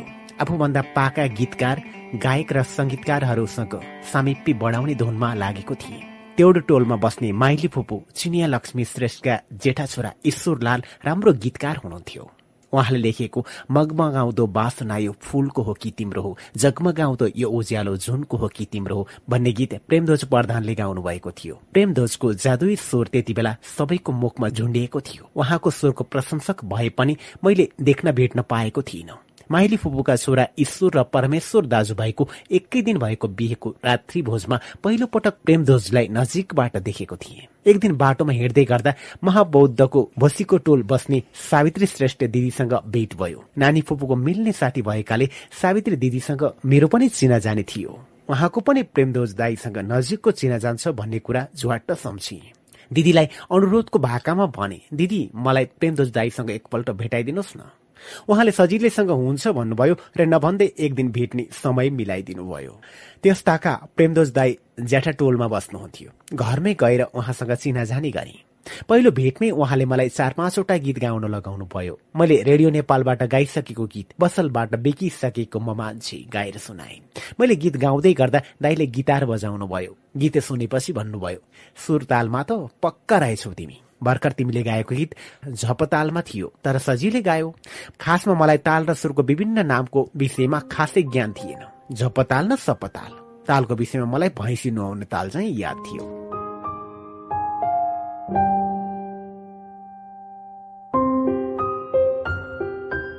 मेरो स्वर सुनेपछि प्रेमध्वज दाईले केही दिनपछि जोशी स्थित प्रकाश पुस्तकालयले नेपाल भाषामा संगीत प्रतियोगिताको आयोजना गर्दैछ भन्ने खबर सुनाउनु भयो दाईले भन्नुभयो भाग लिने भए म नाम लेखाइदिन्छु। मैले नाइ भन्ने कुरै थिएन। मैले तुरुन्तै हुन्छ भनिदिएँ। तर गाउनका निम्ति भने मसँग कुनै गीत थिएन। त्यसको समाधान पनि उहाँले नै दिनुभयो। भन्नुभयो मैले एउटा दुर्गालाल श्रेष्ठ दाईको गीतमा संगीत भरेर राखेको छु। त्यही गाउ न त। यति भनेर उहाँ आफैले गिटार बजाएर गीत सुनाउनु भयो सुइत कनेजी सुइत कने। केने धासा धा मन दुने दुने। अर्थात् कसलाई सुनाऊ म कसलाई सुनाऊ? देखाऊ भने घाउ मनभित्रै छ। यो गीतमा प्रेमदोज दाईले अत्यन्त राम्रो संगीत भर्नुभएको रहेछ। त्यो दिन र अरू केही दिन लगातार दाईको घर धाएर मैले उक्त गीत राम्रोसँग गाउन सिकेँ। बिहान बेलुकै घरमा पनि यही गीत रटिरहे। कतिसम्म भने प्रतियोगिता हुने बिहान एटका टोलमा दाउरा किन्न गएको थिएँ। एक मण्ड अर्थात् एक भारी जति मुढा चिरुन्जेल मैले छेउैमा बसेर बायाँ हातले कानलाई मुखतिर तानेर अर्को हातले मुखलाई छेकेर सानो स्वरमा यही गीत गाइरहे। त्यही साँझ प्रतियोगितामा भाग लिन राष्ट्रिय सभागृहमा गए। सभागृह सार्वजनिक संस्थानलाई भाडामा दिएको त्यो पहिलो पटक थियो। नयाँ भएकै कारण हल भाडा असाध्यै महँगो थियो। दिनकै सात सय रुपियाँ। जबकि त्यति बेला मेरो सञ्चय कोषको मासिक तलब नै एक सय पाँच रुपियाँ थियो। कार्यक्रम भव्य रह्यो। म सहित उनातिस जना गायक गायिकाले प्रतियोगितामा भाग लिएका थिए। नतिजा सुनाएपछि पो थाहा भयो प्रथम त म नै भएछु। सबैले बधाई दिए। गीत गाउँदा नलागेको डर पुरस्कार थाप्न जाँदा लाग्यो। त्यसै त्यसै खुट्टा काँपे। खुट्टा काँप्दा मेरो पाइन्टको महत्व यसरी हल्लिएको थियो कि जुन बाहिरबाट सजिलै देखिन्थ्यो। मैले गीत गाएको हेर्न बा पनि आउनु भएको थियो। छोराले प्रथम पुरस्कार पाएको देखेर बा औधी खुसी हुनुभयो।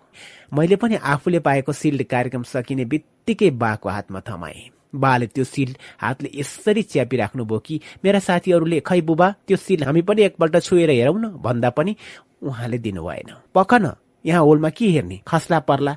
एकछिनमा बाहिर पुगेपछि हेरौला। भन्दै च्यापेको च्यापै राख्नुभयो। त्यो दृश्य देखेर मलाई एकदमै रमाइलो लागेको थियो। भोलिपल्ट अङ्ग्रेजी दैनिक राइजिङ नेपालमा मैले पुरस्कार पाएको खबर छापिएको थियो। जिन्दगीमा पहिलो पल्ट आफ्नो नाम अखबारमा छापिएको देख्दा खुसीको सीमै रहेन। समाचारको त्यो कटिङ धेरै वर्षसम्म मैले जतनले राखिरहेँ।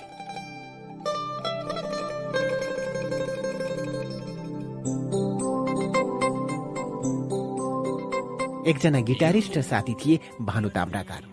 पुरस्कार पाएको केही सातापछि उनी र म घुम्दै घुम्दै राष्ट्रिय सभागृह पुगेका थियौं। त्यहाँ पाटन कलेजले आयोजना गरेको सांस्कृतिक कार्यक्रम चलिरहेको रहेछ। केही साता अघि मात्रै पुरस्कार जितेकाले मेरो मनमा एक किसिमको हल्का अहंकारको भाव चढिरहेको थियो। त्यति बेला भानुले सोधी तिमी पनि गाउने कि गीत नाम राख्न लगाइदिऊ? मैले दायाँ बायाँ पल्याक पुलुक हेरेँ। चार पाँचजना तरुणी केटी कार्यक्रम हेर्न बसिरहेका थिए। तिनीहरूलाई आफ्नो खोबी देखाउन मैले केही नसोची फ्याट्ट हुन्छ भनिदिएँ। भानुले नाम देखाइदिएको एकैछिनमा उद्घोषकले मञ्चमा बोलाए रिहर्सल सिहर्सल केही गर्न भ्याएको थिइन। भानुलाई नै भने तिमी मिलाएर गिटार बजाइदेऊ न है म गाउँछु। माइकमा गीत गाएको त के भन्नु? बर्बादै भयो मैले जति चिच्याएर गाए पनि मेरो सुर कसैले सुनेन। साथीले हल्कासँग मात्रै इलेक्ट्रिक गिटार बजाउँदा पनि दर्शकको कानै खाने गरी ठूलो स्वरमा टट्याङ टट्याङ आवाज सुनियो। गिटारको आवाज पनि यति चर्को भयो कि मैले जति चिच्याए पनि काम लागेन। माइक भित्रै मुख छिराउने कुरा पनि आएन। मैले जति चिच्याएर गाउँदा पनि कुनै अर्थ भएन। बिचोरा गिटार बजाउने साथीले सानो आवाजमा बजाउन खोजेको खोजै गर्यो। म गाला र कान सबै रातो हुने गरी चिच्याएर गाएको गाए भए।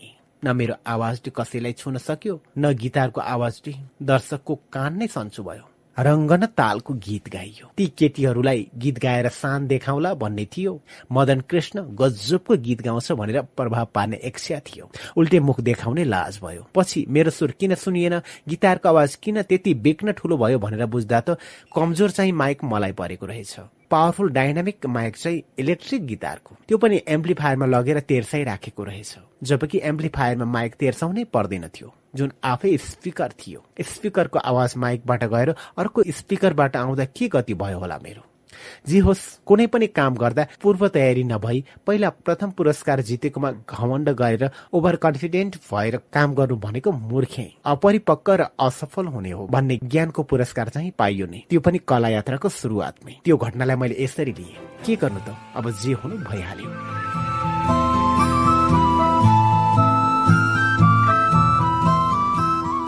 हजुर हामी कार्यक्रम कृति बगलको आजको भागको अन्त्यमा आइसकेका छौँ। आजको भागमा खास गरिकन मदन कृष्ण श्रेष्ठको साङ्गीतिक यात्राको बारेमा चर्चा गरिएको थियो।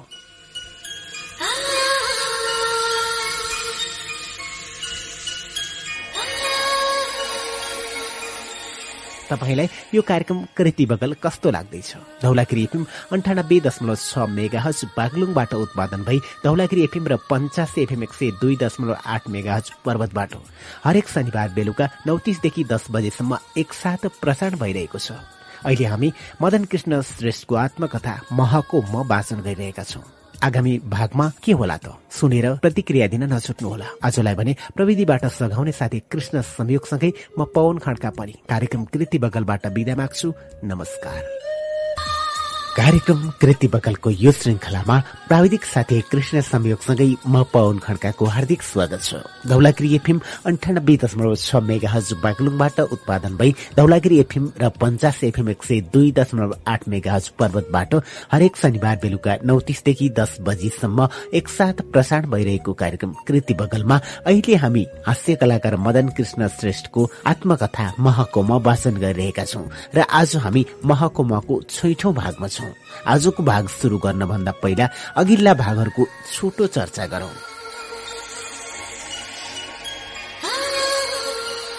अध्ययन र सञ्चयकोषको जागिरको व्यस्ततासँगै मदन कृष्ण भित्र रहेको कलाकारिताले प्रस्फुटन हुने प्रयत्न गरिरहेछ। यही परिवेशमा उनले आफ्नो पारिवारिक सांस्कृतिक र सांगीतिक वातावरणलाई उजागर गरेका छन्। जस्तै घरमै पनि हजुरबा र बाले हार्मोनियम बजाउँदै चाडपर्व र जमघटका बेला नेवारी गीतहरू गुनगुनाइरहेका उदाहरण पनि दिइरहेका छन्। त्यहीबाट उत्प्रेरित भनी मदन कृष्ण विभिन्न सांगीतिक कार्यक्रमहरूमा सहभागी बन्दै रेडियो नेपालको पटाङ्गिनी मात्र छिरेका छैनन्। स्वर परीक्षा नै पास गरी नेपाल भाषाका र नेपाली भाषाका गीतहरू गाउने र रेकर्ड गर्ने कार्य सुरु गरिसकेका छन्। गीतकार र संगीतकारहरूसँग आउजाउ बढेसँगै उनको चासो पनि बढेको छ संगीत क्षेत्रमा। संगीत साधना गर्दै शास्त्रीय संगीत सिक्ने क्रममै हजुरबुवासँग वियोग पनि भएको छ यतिखेर। प्रकाश पुस्तकालयले राखेको कार्यक्रममा प्रथम हुनाले अझ बढी ऊर्जा थपिएको छ। दुई हजार अठार सालको भविष्यवाणीले भूकम्पको त्रासमा अखण्ड कीर्तनले गर्दा हार्मोनियम र तबलाको जोग हालिदिएको छ उनका लागि। अब यसभन्दा अगाडि के होला त? हुन्छ त सुरु गरौं। आजको भाग पेज नम्बर एकसठीदेखि अगाडि।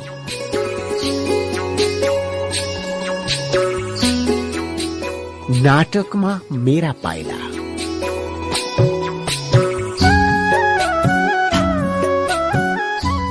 दुई हजार बिस पच्चिस साल ताका काठमाडौँको टोल टोलमा प्याखम अर्थात् डबली नाटक खुबै लोकप्रिय थियो। कहिले असन कहिले इन्द्रचोक कहिले लगनटोल कहिले महाबौद्ध त कहिले म बसेको ठुली फुपूको घर अघिको फसिकेप टोलमा रात रातभर यस्ता नाटक मञ्चन गरिन्थे। अरू जस्तै म पनि रातभर नसुटी दबु प्याखम हेर्न जान्थे। नेवार समुदायका केही अगुवाहरू यस्तो नाटक मञ्चन गर्न सक्रिय थिए। नाटक हेर्न छेउछाउका टोलका मान्छेहरू सोहोरिएर आउँथे। मञ्च नजिकै राम्रो ठाउँ रोजेर बस्न पाइन्छ भनेर सयौं दर्शक नाटक शुरू हुनुभन्दा एक घण्टा अघिदेखि नै बसिरहेका हुन्थे। केही उटुङ्ग्या युवा दगुर्दै र एकदम आत्तिँदै दर्शक उभिएको ठाउँमा आएर ए दोबल दोबल अर्थात् ए साँडे आयो साँडे आयो भन्दै भागे जस्तो गर्थे। एउटा साँडेले अर्को साँडेलाई लखेड्दै आएको होला र आफूलाई कुल्चिएर घाइते बनाउला भनेर नाटक हेर्न अलि चाँडै आएर राम्रो ठाउँ छानेर बसेका मान्छे सबै भागाभाग गर्थे। यसरी मान्छे भागेपछि खाली ठाउँमा तिनै उटुङ्ग्या युवा गएर मजाले हाँस्दै बस्थे। नाटकमा केही एकदमै हाँसो उठ्दो र केही गम्भीर करुण रसका संवाद पनि हुन्थे। सिनेमामा जस्तै नाटकका बीच बीचमा पात्रहरू गीत पनि गाउँथे। त्यस्ता गीत प्राय लोकप्रिय हिन्दी गीत उल्था गरेर बनाइएका हुन्थे। त्यति बेला नाटकका पात्रहरूले माइकमा बोल्ने चलन थिएन। त्यस्तै कलाकारहरूले ठुल्ठुलो आवाजमा संवादहरू बोल्नु पर्थ्यो। नाटक हेरेर दर्शक कहिले रुन्थे कहिले हाँस्थे। कहिले भने हल्ला पनि गर्थे। सबैजसो नाटकमा केटा नै केटीको भूमिकामा खेल्थे। किनकि त्यति बेलासम्म अभिनयको क्षेत्रमा महिलाको प्रवेश सामाजिक रूपमै स्वीकार्य थिएन। त्यसैले केटीको भूमिका पनि केटाले नै निर्वाह गर्नुपर्ने बाध्यता थियो। कतिपय केटा केटी भनेर अभिनय गर्दा दुरुस्तै राम्री केटी जस्तै देखिन्थे। तर संवाद बोल्दा भने केटी पात्रको स्वर पनि केटाको जस्तै धोद्रो सुनिन्थ्यो।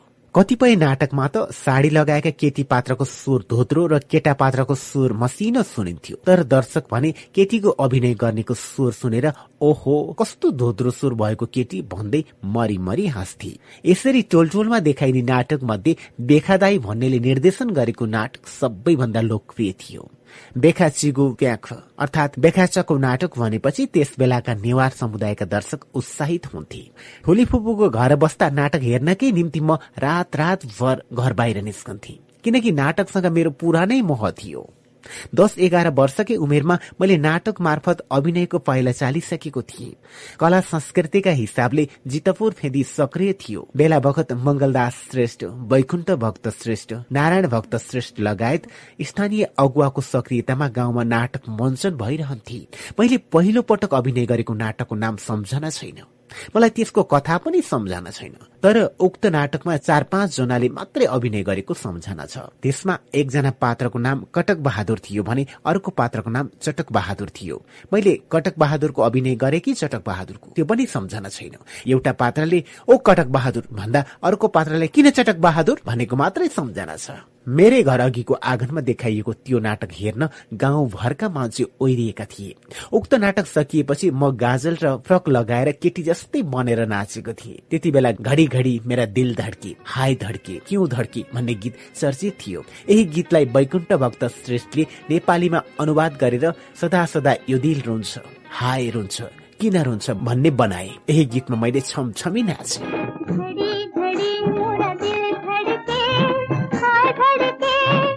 गाउँमा सदा एकाध गीतमा रहरै रहरमा नाची पनि मेरो ध्यान नृत्य भन्दा गीत संगीतमा धेरै थियो। मलाई कैयौं हिन्दी फिल्मका गीत कण्ठस्थ थिए। कैयौं वर्ष मैले नेवारी गीत संगीतको साधनामा आफूलाई व्यस्त राखे। सञ्चय कोषको जागिर छाडेर कृषि सूचना शाखामा प्रवेश गरेपछि म बिस्तारै प्रहसन र अभिनयको क्षेत्रमा ढल्किन थालेँ। हरिवंशसँगको सहयात्रा पछि त अभिनय नै मेरो मुख्य फाँट बन्यो। काठमाडौँमा नेपाली भाषामा नाटक थोरै देखाइन्थ्यो। हरिवंशसँगको सहयात्रा अघि जमल स्थित राष्ट्रिय नाचघरमा मञ्चन भएको हरिप्रसाद रिमालद्वारा निर्देशित नाटक क्रसमा टाँगिएको जिन्दगी र कमलादी राष्ट्रिय प्रज्ञा प्रतिष्ठानमा मञ्चित विजय मल्लद्वारा लिखित एवं हरिहर शर्माद्वारा निर्देशित भित्तेगढी नाटकमा मात्रै मैले अभिनय गरेको थिएँ। क्रसमा टाँगिएको जिन्दगी राष्ट्रिय नाचघरमा दुई महिनासम्म लगातार अपार भेडका साथ चलेको थियो। कलाकार साथीहरूले भन्थे यो नाटक यस्तरी दिनका दिन भेड भेडका साथ चल्नुको विशेष कारण मदन कृष्ण खेलेर नै हो। पैसा टन्न उठेको छ। मदन कृष्णलाई प्रत्येक सोको यति हिसाबले दिन्छ होला उति हिसाबले दिन्छ होला भन्दै हजारौं रुपियाँको कुरा सुनाउँथे। ती साथी हिसाब गर्दै भन्थे तिमीले टन्नै पैसा कमाउने भयो। तर आयोजक नाचघर प्रशासनले बट्ठै गर्यो। प्रत्येक सोका हिसाबले पारिश्रमिक दिँदा धेरै पैसा दिनुपर्ने भएकाले मलाई दुई महिना अस्थायी नियुक्ति दिएर प्रति महिना चार सयका हिसाबले आठ सय रुपियाँ मात्रै थमाइदियो। खासमा म त्यो नाटक पारिश्रमिकको लोभमा खेल्न गएको पनि थिइनँ। कला क्षेत्रबाट मनग्गे पैसा कमाउने कुराको सोचसम्म पनि मेरो दिमागमै आउँदैन थियो। पाए पनि ठिकै नपाए पनि ठिकै। दर्शक हाँस्दा देखिने उज्याला दाँतका पंक्ति सम्झिएरै म रमाइलो मान्थे। कानमा दर्शकहरूको हाँसको गुन्जन र आँखामा दर्शकहरू मरी मरी हाँसेको दृश्यको झझलकोलाई नै मैले आफ्नो कमाई सम्झन्थे। प्रज्ञा प्रतिष्ठानमा भित्तेघडी नाटक दुई तीन सो मात्रै देखाउने हिसाबले तयार पारिएको थियो। तर त्यो पनि धेरै दिनसम्म अपार भेडका साथ चल्यो। यो नाटकमा मैले नामी जोड्याको अभिनय गरेको थिएँ। कतिपय दर्शक मैले मजाले रक्सी धोकेरै अभिनय गरेको हुँ भन्ने ठान्थे कोही कोही भने केही थाहा नपाए जस्तो गरी मेरो नजिकै आएर मुख सुग्न खोज्थे।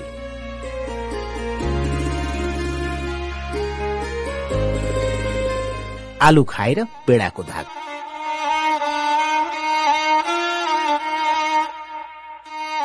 बा प्रधान पञ्च भएकै कारण उहाँ घरको काममा भन्दा गाउँलेहरूकै काममा व्यस्त र मस्त हुनुहुन्थ्यो। त्यसैले घरको काम सधैँ अस्त व्यस्त र ध्वस्त हुन्थ्यो।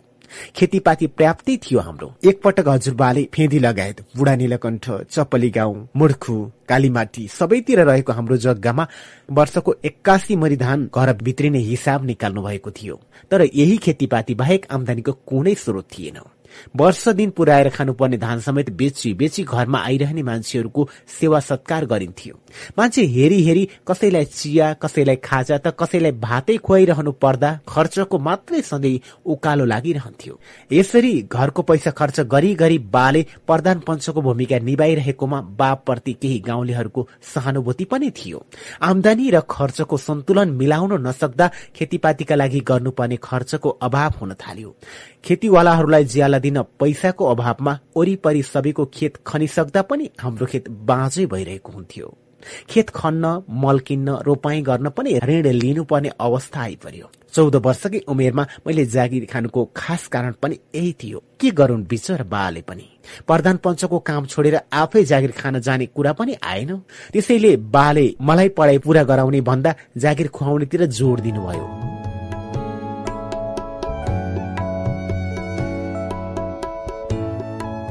स्कुलको जागिर भन्नु मात्रैको थियो। त्यसैले दश कक्षा पास गरेपछि बाले मलाई अलिक गतिलो जागिरमा लगाउने विचार गर्नुभएको थियो। प्रधान पञ्च भएकै कारण बाको चिनाजानको दायरा फराकिलो थियो। उहाँको चिनाजान सञ्चय कोषका प्रशासक परिचित नरसिंह राणासँग पनि थियो। बाले एक दिन उनीसँग छोरालाई जागिर खुवाउनु पर्यो भन्ने कुरा राख्नुभएछ। उनले पनि भइहाल्छ नि पठाइदिनुहोस् न भनेछन्। त्यस्ताका अलिअलि पढेकालाई जागिर खान गाह्रो थिएन। बाले मलाई सुन्धारा स्थित सञ्चय कोषको अफिसमा लगेर परिचित नरसिंह राणासँग चिनाजान गराइदिनु भयो त्यति बेला एसएलसीको जाँच सकेर म नतिजा कोरिरहेको थिएँ। पढ़ाइ सम्बन्धी मेरो योग्यता सुनेपछि उनले एकजना प्रथम श्रेणीको अफिसरलाई बोलाउँदै भने यो भाइ हिसाबमा कस्तो छ? एकपटक जाँच लिए हेर्नुहोस् त। ती अफिसरले मलाई दसवटा हिसाबका प्रश्न दिए। मैले सबै हिसाब गरे। छवटा हिसाब मिलेको कारण ती अफिसरले चिफ एकाउन्टेन्टलाई बोलाएर भने यो भाइलाई नियुक्ति पत्र दिनुहोस्। र हेर्नुहोस् त। यसरी सजिलै मैले एकाउन्टेन्ट क्लर्क पदको जागिर हात पारे। मलाई ठ्याक्कै याद छ। त्यो विक्रमसम्म दुई हजार तेइस असार सोह्र गतिको दिन थियो। नयाँ जागिर पाएपछि मैले मास्टरको काम छोडे। त्यस्ताका मैले जति पनि झन्झट नगरी जागिर खानेहरू कति थिए कति। मैले त अझ त्यति जाँच भए पनि दिनु पर्यो। कोषकै मेरा सहकर्मी साथी केशवला श्रेष्ठ भाइकाजी श्रेष्ठहरूले झन्नै सजिलोसँग जागिर पाएका रहेछन्। उनीहरूले सुनाउँथे ठमेल चोकको सड़कमा बसेर गुच्चा खेलिरहेका बेला एकजना अपरिचितले टाउकोमा ठ्याक्क कुट्यो रे। अय्या बाबा! को हो यो कुट्ने भनेर टाउको सुमसुम्याउँदै हेर्दा त परिचित नरसिंह राणा रहेछन्। दुखाइको चोटमा झण्डै मुख नछाडेका रे मुख फुस्केको भए अझ दुई चार थप्पड अरू खानु पर्थ्यो होला। यसरी डराइरहेका बेला परिचित नरसिंह राणाले कान निमोठेर गाली गर्दै भने रे बदमासहरू पढ्न नसकेर यसरी सडक सडकमा गुच्चा खेल्ने हो बेवकुफहरू? यसरी गाली गरेपछि राणाले भनेछन् ल यहाँ हेर। जागिर खाने हो गुच्चा समातेका केटाहरूले छक्क पर्दै कुन अफिस? भनेर सोधेछन् रे। उनले सुन्दारामा कर्मचारी सञ्चय कोष भन्ने अफिस छ। भोलि बिहान ठिक साढे दस बजे त्यही आउनु भनेछन्। भोलिपल्ट के हो कसो हो भन्दै उनीहरू भनेकै समयमा सञ्चय कोष पुगेछन्। थप सोधपुछ बुझबुझारत केही नगरी उनले केटाहरूलाई नियुक्ति पत्र थमाइदिएछन्। त्यस्ताका मेरो एक महिनाको तलब एक सय पाँच रुपियाँ थियो। त्यही एक सय पाँच रुपियाँबाट एघार रुपियाँ सञ्चय कोष कट्टी गरेर मेरो हातमा चौरानब्बे रुपियाँ मात्र हाता पर्थ्यो। त्यसबाट चार रुपियाँ आफ्नो खल्तीमा राखेर नब्बे रुपियाँ पुरै बाल दिन्थे। छोराको कमाई हातमा लिएर बा दङ्ग पर्नुहुन्थ्यो। बा दङ्ग पर्नु भएको देख्दा मलाई पनि असल छोरा भइयो जस्तो लाग्थ्यो। नियम कडा भए पनि अफिसले केही सुविधा दिएको थियो। अघिल्लो महिनामा जति दिन हाजिर गर्यो त्यसका आधारमा दैनिक पैंतिस पैसाका दरले खाजा भत्ता पाइन्थ्यो। यसरी प्रत्येक महिना औसत सात आठ रुपियाँ खाजा भत्ता हाता पर्थ्यो त्यो पैसाबाट दस पैसाको चिया र बाँकी पच्चिस पैसाबाट एक गिलास तरकारीको सुपका साथमा कहिले हलुवा सुवारी कहिले जेरी सुवारी कहिले मकै भटमास त कहिले उसिनेको आलु टेबल टेबलमा आइपुग्थ्यो। यसरी खाजा खाँदा सबैको मुख उज्यालो हुन्थ्यो। Ooh.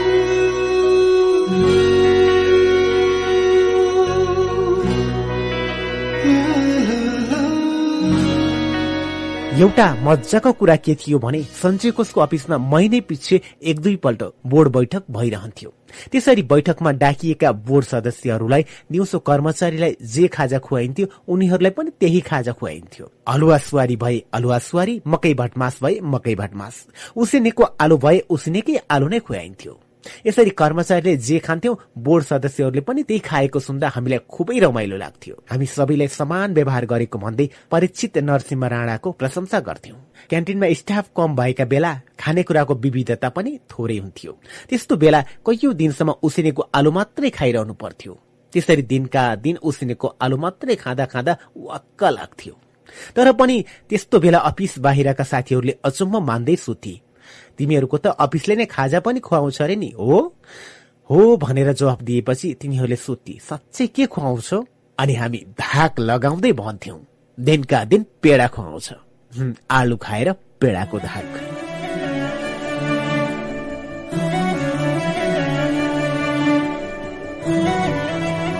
त्यो चाइनिज समाचार। कर्मचारी सञ्चय कोषमा काम जति गाह्रो हुन्थ्यो रमाइलो पनि त्यत्तिकै हुन्थ्यो। साढे दसदेखि साढे पाँच बजेसम्म घोटिएर काम गरे पनि नभ्याएर राति ओभरटाइम नै बसेर काम गर्ने त कति हो कति। बेलुका साढे पाँच बजेदेखि आठ बजेसम्म अढाई घण्टा काम गरेपछि तीन सुका पैसा थप बत्ता पाइन्थ्यो। कहिलेकाहीँ डबल ओभरटाइम भनेर राति दस बजेसम्म पनि काम गरिन्थ्यो। त्यस बापत अर्को तीन सुका अर्थात पचहत्तर पैसा पाइन्थ्यो। तर त्यसपछि पनि रातभर जतिसुकै काम गरे पनि एक पैसा पनि पाइँदैन्थ्यो तर बेला बखत पैसा नआए पनि राति एक एक दुई दुई बजेसम्म अरू साथी सरह काम गर्थे। कति सम्भव भने कोही सहकर्मीको मृत्यु भयो भने अफिसको कामको धपडीले मृत्यु भएको हो भन्ठान्थे। लगातार काम गर्नु परे पनि सञ्चय कोषमा कामको सही मूल्याङ्कन हुन्थ्यो। राम्रो काम गर्नेलाई तुरुन्तै प्रमोसन पनि गरिन्थ्यो। प्रत्येक भदौ मसान्तमा हिसाबको क्लोजिङ हुन्थ्यो। त्यस बेला प्रशासकलाई ज जसले आर्थिक वर्षको ब्यालेन्स सबैभन्दा पहिला मिलाएको प्रमाण देखाउँथ्यो उसले तुरुन्तै बढुवाको चिठी पाउँथ्यो। यही आकर्षणका कारण पनि सबै कर्मचारी खुसी साथ मरेरै काम गर्थे। कर्मचारी बीच काम गरिरहँदा बेला बखत हाँसी ठट्टा पनि चल्थ्यो। मैले गरेको ठट्टा सुनेर साथीहरू मरी मरी हाँस्थे। तिनीहरू हाँसेको देख्दा रमाइलो लाग्थ्यो। मैले कुन कुन हाकिमले कसरी कसरी नमस्कार फर्काउँछन् भनेर क्यारिकेचर गर्थे। साथीहरू हो हो ठ्याक्कै हो भन्दै चित्त बुझेर मजाले हाँस्थे। सञ्चय कोषका महिला अधिकृत स्वयं सिंह शाह अफिसको कामका लागि केही महिनाका निम्ति दिल्ली जाने तर्खरमा हुनुहुन्थ्यो। अफिसका करिब साठी सत्तरी कर्मचारीको उपस्थितिमा भद्रकालीमा सानो विदाई भोजको आयोजना गरिएको थियो। त्यहाँ केही साथीले कविता सुनाए। कसैले गीत कसैले राग त कसैले मुक्तक सुनाए। साथीहरूले मलाई पनि चुटकिला सुनाउन प्रस्ताव गरे। के गरौं कसो गरौं भएपछि मैले कर्मचारी साथी योगेश्वर प्रधानलाई एउटा कुनातिर तानेर खुसुक्क भने म यसो भन्छु तिमी यसो भन। तिमी यो यो कुरा सोध म यसो यसो भन्छु। चुटकिला सुनाउनुको सट्टा त्यसलाई संवादका स्वरूपमा अभिनय गरेर सुनाउने त्यस्तो योजना तुरुन्तै बनाए। मेरो प्रस्तुति देखेर सबैजना मरी मरी हाँसे। राति घर गएर सुत्न खोज्दा पनि तिनै साथीहरू सेता दाँत देखाउँदै हाँस्दै गरेका देखिरहे र सुत्नै सकिए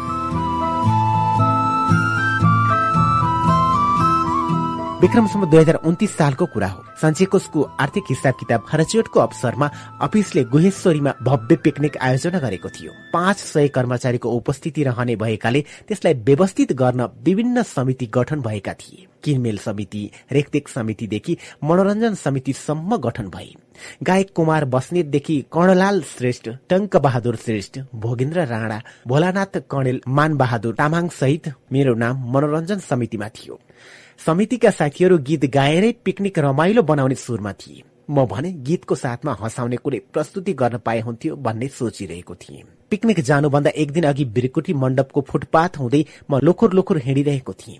हास्य व्यङ्ग्य कलाकार ध्रुव हाडा त्यही भेट भए। त्यति बेला हास्य कलाकार राजापाल थापासँग उनको कलाजोडी खुबै जमेको थियो र ख्याति सबैतिर फैलिएको थियो। तर प्रहरीको जागिर भएकाले उनीहरूले राजनीतिक विषयमा व्यङ्ग्य गर्न पाउँदैनथे मैले पिकनिकको कुरा सुनाउँदै ध्रुवदाईसँग सल्लाह मागे।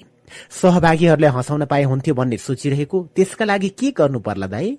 उनले रेडियोमा आउने चाइनिज भाषा मद्रासी भाषाका समाचारहरूको क्यारिकेचर गरे पनि रमाइलो हुन्थ्यो। तर तिमीले गर्न सक्दैन होला भने।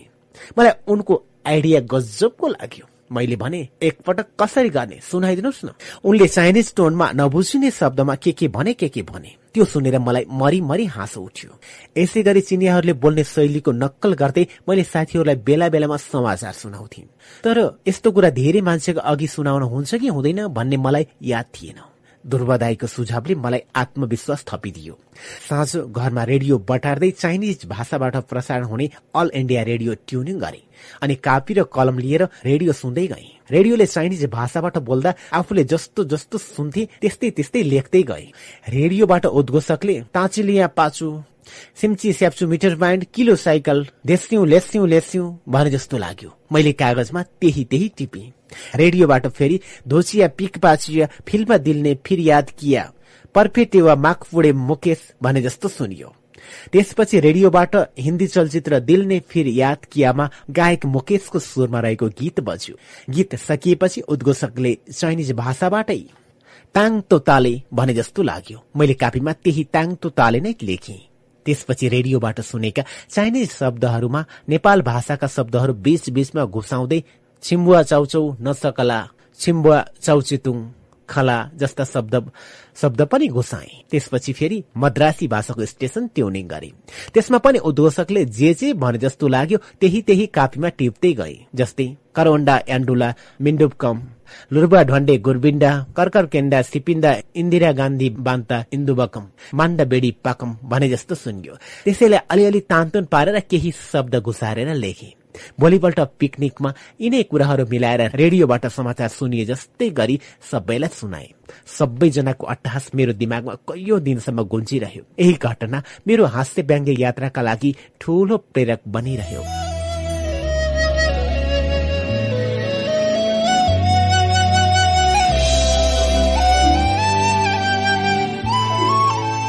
सानैदेखि मेरो चित्र कोर्ने बानी पनि थियो। राति एक दुई बजेसम्म नसुत्ती नसुत्ती चित्र कोर्थे। कहिलेकाहीँ विभिन्न दृश्य कोर्थे र त्यसलाई पानी रङले रङ्ग्याउँथे। कहिले मानिसहरू हेर्दै उनीहरूको अनुहारको रेखा कोर्थे। पृथ्वीनारायण शाह राजा महेन्द्र राजा वीरेन्द्र महात्मा गान्धी गौतम बुद्ध लगायत कतिपयको अनुहार यसरी कण्ठस्थ भएको थियो कि फोटो नहेरी म तिनीहरूको अनुहार कोर्न सक्थे। फेदी नजिकैको ओखरपो वा बजारमा बस्ने राम मानन्दर दाईले पनि मलाई धेरथोर चित्र बनाउन सिकाइदिएका थिए। उनको कोठाका भित्ताभरि स्वयम्भू पशुपति न्युरोड गेटको कलरफुल पेन्टिङ कोठाको भित्तामा झुन्डिएका हुन्थे उनले बनाएको स्वयम्भूको एउटा पेन्टिङ बाको कोठामा पनि झुन्डिएको थियो। तीन चार कक्षा पढ्दाको कुरा हो। एक दिन भेटेकै बेला मैले भने मलाई पनि आर्ट गर्न सिकाइदिनुहोस् न रामदाई उनले आर्ट गर्न पहिला सोझा सोझा धर्का तान्नु पर्ने कुरा सिकाए। म सोझो धर्को तान्न खोज्थे तर धर्को बाङ्गो बाङ्गो हुन्थ्यो। कति पटक तान्दा पनि धर्को सोझो नभएपछि मलाई झर्को लाग्यो। धर्को तानेर पनि के आर्ट गर्न सकिन्छ र झैँ लाग्यो। उनले सिकाउन अल्छी गरे भन्ने लाग्यो। पछि मैले थाहा पाएँ धर्को तान्नु भनेको हातलाई नियन्त्रणमा राख्नु रहेछ। सञ्चय कोषमा जागिर खाइरहँदा आफू काम गर्ने कोठाका भित्ता खाली खाली देख्दा मलाई कस्तो कस्तो सुन्ने लाग्थ्यो। त्यसैले घरबाट विभिन्न दृश्यहरूको तस्बिर कोरेर रङ्ग्याएर त्यसलाई बाक्लो कागजमा टाँसेर आफ्नो अफिस कोठामा टाँगेर राखेको थिएँ। ती चित्र देखेर सहकर्मी साथीहरूले तिमीले बनाएको हो यो? ओहो कस्तो राम्रो! भनेर प्रशंसा गर्थे। कोही कोही साथीले त मैले बनाएका तस्विर कसैलाई थाहै नदिई सुटुक्क बोकेर घर लैजान्थे। भोलिपल्ट अफिस कोठाको भित्ता रित्तो हुन्थ्यो। अरू साथीहरू कस्तो मान्छे होला? बिचरा मदन कृष्णले कति मिहिनेत गरेर बनाएर सजाएको तस्विर सोध्दै नसोधिकन उडाइदिएछन् भनेर कराउँथे। तर मलाई लाग्थ्यो मेरो चित्र राम्रो रहेछ र त लगे नराम्रो भएको भए कसले लैजान्थ्यो र यस्तो सोचेर म मनमा नै दङ्ग पर्थे र फेरि अर्को चित्र बनाएर टाङ्ग्न ल्याउँथे।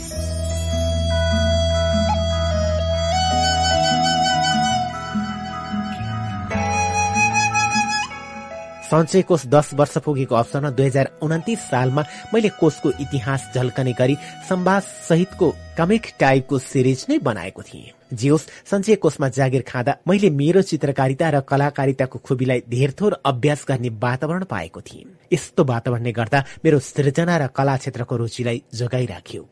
पछि ब्रिटिस ब्रोडकास्टिङ कर्पोरेसन बीबीसीको प्रयोजनमा महासञ्चारले कुष्ठरोग सम्बन्धी जनचेतना जगाउने उद्देश्यले ओहो नामक टेलिचलचित्र निर्माण गरेको थियो। उक्त टेलिचलचित्रमा मैले कुष्ठरोग लागेका कारण दुवै हातका हत्केला झरिसकेको पात्रको भूमिका निभाएको थिएँ।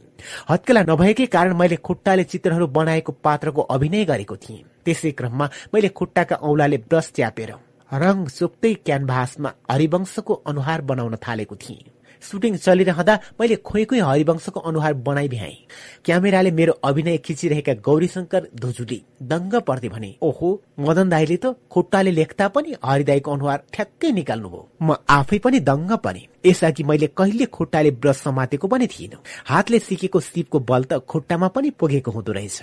केही विलक्षण प्रतिभाका धनीले खुट्टाले पनि मूर्ति कुद्न सक्छन् भन्ने कुरा सुनेको थिएँ।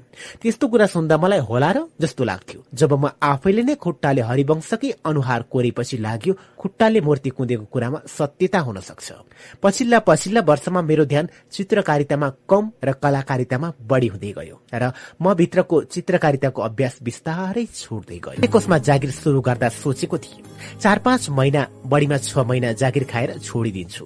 तर जागिर त छ महिना होइन एक वर्ष दुई वर्ष पाँच वर्ष हुँदा हुँदै झण्डै बाह्र वर्ष जति टन्न अगाउने गरी नै खाइयो। यति लामो समय जागिर खाँदा विभिन्न उतार चढावको अनुभव पनि गरियो। सञ्चय कोषको जागिर खाँदा नैतिकताको उच्चतम उदाहरण देख्न पाइन्थ्यो। यस्तो उदाहरणीय व्यक्ति थिए सञ्चय कोषका प्रशासक परिचित नरसिंह राणा। प्रशासक पद कोषको सबैभन्दा उपल्लो दर्जा थियो। उनी गजबको शासक नै थिए। सधैँ जसो अत्यन्त गम्भीर मुद्रामा देखिन्थे। राणा परिवारको भएर पनि उनको लवाई खुवाई र बसाई साधारण थियो। तर स्वभावमा उनी कडा खालका थिए। कडा स्वभावको भएकै कारण साधारण कर्मचारीहरूलाई उनीसँग आँखा जुदाएर कुरा गर्न पनि गाह्रै गाह्रै पर्थ्यो।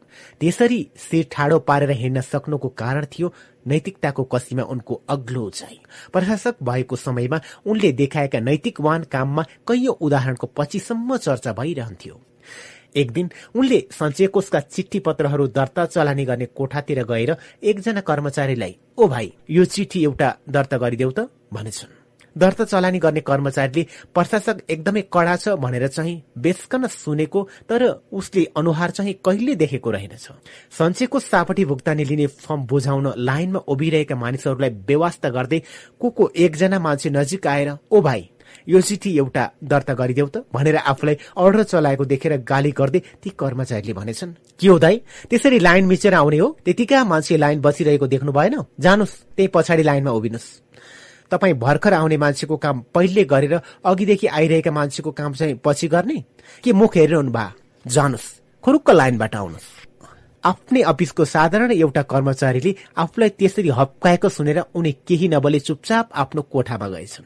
एकैछिनपछि उनले आफूलाई थर्काउने कर्मचारीलाई आफ्नो कोठामा उपस्थित हुन बोलाउन पठाएछन्। एकजनाले गएर सोही कर्मचारीलाई तपाईँलाई माथि प्रशासक ज्यूले आफ्नो कोठामा बोलाउनु भएको छ तुरन्त जानुस् रे भन्ने खबर दिएछ त्यो सुनेर प्रशासकसँग केही कामै नपर्नेलाई किन बोलाउन पठाएको होला भनेर सोच्दै सोच्दै ती कर्मचारी प्रशासकको कोठामा गएछन्। कोठाको ढोका बिस्तारै खोलेर नमस्कार हजुर भन्दै प्रशासकको मुख हेर्दा पो थाहा पाएछन् जसलाई आफूले त्यस्तरी लाइन मिची आउने हो। जानुहोस् पछाडि लाइनमा उभिनुहोस् भनेर बेसकन गाली गरेको उही व्यक्ति पो सञ्चयकोषको प्रशासक रहेको देखेर ती कर्मचारीको सातो पुत्लो नै उडेछ। त्यति मात्र होइन बिचरा ती कर्मचारीको डरले खुट्टा लगलग लगलग काँपेर साँच्चीकै सुरुवालमा तुरुन्तै पिसाब चुइएछ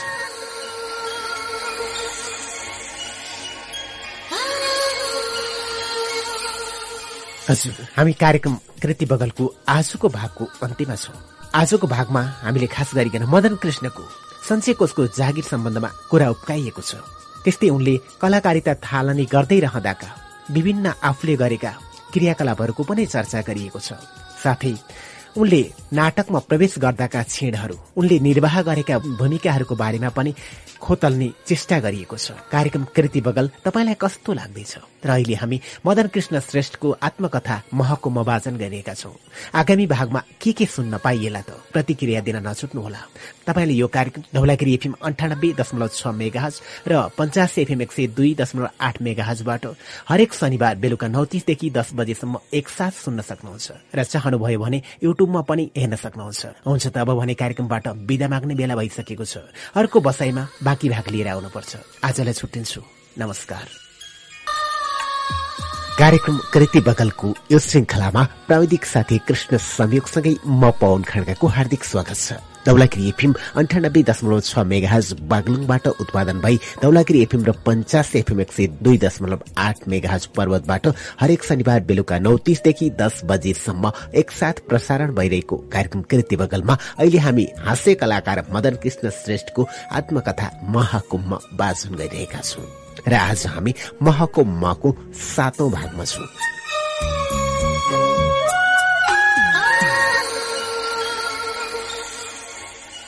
अघिल्ला भागमा मदन कृष्ण श्रेष्ठको नेवारी रहन सहन अनि त्यहीबाट सुरु भएको जीवनको पेरिफेरी अनि उहाँका उथल पुथल शैक्षिक र पारिवारिक परिदृश्यहरू प्रस्ट्याइएको छ भने अध्ययन जागिर अनि पारिवारिक जिम्मेवारी सँगसँगै कला यात्रामा कदम उठाउँदाका कठिन पलहरूको स्मरण गरिएको छ। क्यारिकेचरको क्रममा उनले गरेको चाइनिज समाचारको नक्कल पनि रोचक प्रसङ्ग थियो। अनि सुरुमै नाटकमा पाइला राख्दा क्रसमा टाँगिएको जिन्दगी र बित्ते घडीले उठाएको उनको नाट्य धरातलको पनि चर्चा गरिएको थियो। सञ्चय कोषको जागिर गर्दा गर्नुपर्ने खटन र पाउने राम्रो सुविधाको बारेमा पनि अघिल्ला भागमा जानकारी पाएका छौं। त्यसै गरी सञ्चय कोषका प्रशासक परिचित नरसिंह राणाको कड़ा तर इमान्दारी प्रशासकत्वको खोलेर प्रशंसा गरिएको छ। जसबाट हामीले धेरै कुरा अनुसरण गर्न सक्छौं।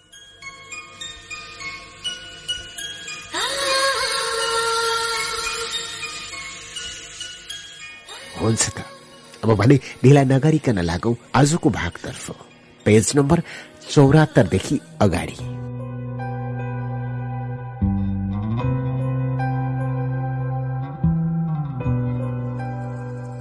अरे लाल छडी।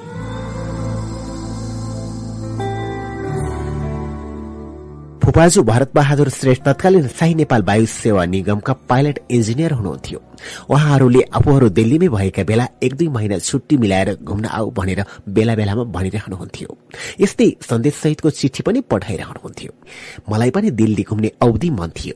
काठमाडौँदेखि दिल्लीसम्म एक्लै घुम्न जाने आँट गरी अफिसबाट अलिकति पेस्की रकम निकाले र छुट्टी पनि मिलाए। दिल्लीमा निगमको शाखा अफिस होटल जनपथको भुइँतलामै छ जुन बाटोबाटै देखिन्छ। अनि फुपाजुहरू चाहिँ कर्जन रोड होस्टेलको एक ब्लक अपार्टमेन्टको एघारौं तलामा बस्नुहुन्छ भनेर कन्टे पारेको थिए। त्यति जानकारीको भरमा एक्लै दिल्ली जान तम्सिए। उहाँहरूलाई आफू आउन लागेको खबर गरेर जानलाई अहिले जस्तो फोनको सुविधा पनि थिएन। तर निगमको दिल्ली स्थित अफिसको नम्बर भने टिपेको थिए। दिल्ली कसरी पुग्ने? कुन कुन बाटो भएर जाने भनेर एक दुईजना साथीहरूसँग सोधे। तिनै साथीले दिएकी सल्लाह बमोजिम एक्लै बस चढेर काठमाडौँबाट बेरगंज पुगे। त्यहाँबाट रक्सल हुँदै रेल चढेर पलेजा घाट पुगे। त्यहाँबाट ठूलै स्टिमर चढेर पटना पुगे। पटनाबाट तुफान मेलको रेल चढेर न्यू दिल्ली ओर्नुपर्छ भनेर साथीहरूले भनेका थिए। धेरै बेर पर्खिँदा पनि तुफान मेलको रेल भेटिएन। त्यसैले अर्कै मेलको रेल चढे। त्यसरी जाँदा न्यू दिल्ली पुग्नु पर्ने मान्छे ओल्ड दिल्लीमा पो पुगेछु। कहिले दिल्ली नगएको मान्छेलाई न्यू दिल्ली कता ओल्ड दिल्ली कता? एकछिन त राति अँध्यारोमा जंगलमा हराएको मान्छे जस्तै अनुभव गरे। अब दिल्लीमा हराइने भयो। यसरी एक्लै आउनै नहुने मान्छे म भनेर पीर परिरहेको थियो। त्यसैमाथि गर्मीले रेलवे स्टेशनको भित्ता बार पर्खालहरू छुनै नसकिने थिए। जे छोए पनि तातो। अझ हावा यति तातो थियो मानौ आगोमा सास फेरे जस्तो। सास फेर्दा फेर्दै फोक्सु नै सल्केर पड्किएला जस्तो। निसासिएर मरिएला जस्तो। उकुस मुकुस भएर फर्कन पाए नै हुन्थ्यो जस्तो लागिरहेको थियो। जिन्दगीमा गर्मीको पराकाष्ठको पहिलो अनुभव थियो त्यो मेरा लागि। त्यसमाथि पनि इन्डियामा नेपालीहरूलाई एकदम ठक्छरी भनेको सुनिराखेको थिएँ। कसैसँग केही सोध्न पनि डर लाग्ने। ल जे पर्ला पर्ला भनेर सतर्क हुँदै एउटा टेम्पो लिएर गएर होटेल जनपथ जाएगा भनेर सोधे। टेम्पो चालकले चलो बैठो भन्यो। म पनि सतर्क हुँदै टेम्पो चढे। टेम्पो यस्तरी हुइया गर्दै हुइकायो कि एकैछिन त टेम्पो नै उडाउला उडाउला जस्तो भयो। पटनामा तुफान मेलको ट्रेन चढ्न पाएको थिइनँ। त्यसको सट्टा दिल्लीमा तुफान मेलको टेम्पो चढियो। टेम्पो त तुफान जस्तै हुइकाएको हुइकाए छ। कहिले दायाँतिर हुइक्याउँछ कहिले बायाँतिर। कहिले कारमा ठोक्काउला जस्तो कहिले बारमा ठोक्काउला जस्तो। कहिले रिक्सामा ठोक्काउला जस्तो कहिले बसमा ठोक्काउला जस्तो। हर्न पनि त्यत्तिकै टुवा टुवा र टिटी टिटी बजाएको बजाइ छ। फेरि बाटोमा कोही केटी देख्यो कि अरे छमक्क छल्लो किधर जा रही हो? अरे लाल छरी क्या हाल है? भनेर जिस्क्याउँदैछ हाँस्दैछ। के हो के हो? कस्तो तालको टेम्पो ड्राइभर होला? त्यो ड्राइभरको चाल मलाई ठिक लागिरहेको थिएन। अब कति पर जानुपर्छ भनेर सोध्नलाई ओ भाइ भनेर उसको कुममा छोएको मात्रै के थिए? उसले त ओ सरी सरी भन्दै निच हाँसेर झ्याप्प टेम्पो रोक्यो। मैले त ठ्याक्कै होटेल जनपथ मुनि आफू जहाँ ओर्लिनु पर्ने हो त्यहीँनिरै उसको कुममा छुनु पुगेको रहेछु। होटेल जनपथ आइपुगेको मैले थाहा पाएर टेम्पो रोकेको भन्ठानेर उसले टेम्पो रोकेको रहेछ। त्यहीँनिर मैले उसको कुम नचोएको भए उसले मलाई धेरै बेर घुमाएर पैसा ठग्न सक्थ्यो। मैले टेम्पो ड्राइभरलाई सोधेँ कितना पैसा हुआ? उसले भन्यो आठ रुपियाँ दे दो। मलाई आठ रुपियाँ महँगो लाग्यो किनभने त्यसताका काठमाडौँमा ट्याक्सी चढेर मिटर डाउन गर्दा मिटरमा सबभन्दा पहिले अस्सी पैसा देखाउँथ्यो। त्यसपछि बिस बिस पैसाका दरले थपिँदै जान्थ्यो। त्यही हिसाबले ओल्ड दिल्लीबाट न्यू दिल्लीसम्मको दूरी अनुसार आठ रुपियाँ त्यो पनि भारू पैसा जुन मलाई धेरै महँगो लाग्यो। मैले पनि धेरै बेर बार्गेनिङ गरेर भारू छ मात्रै दिएँ।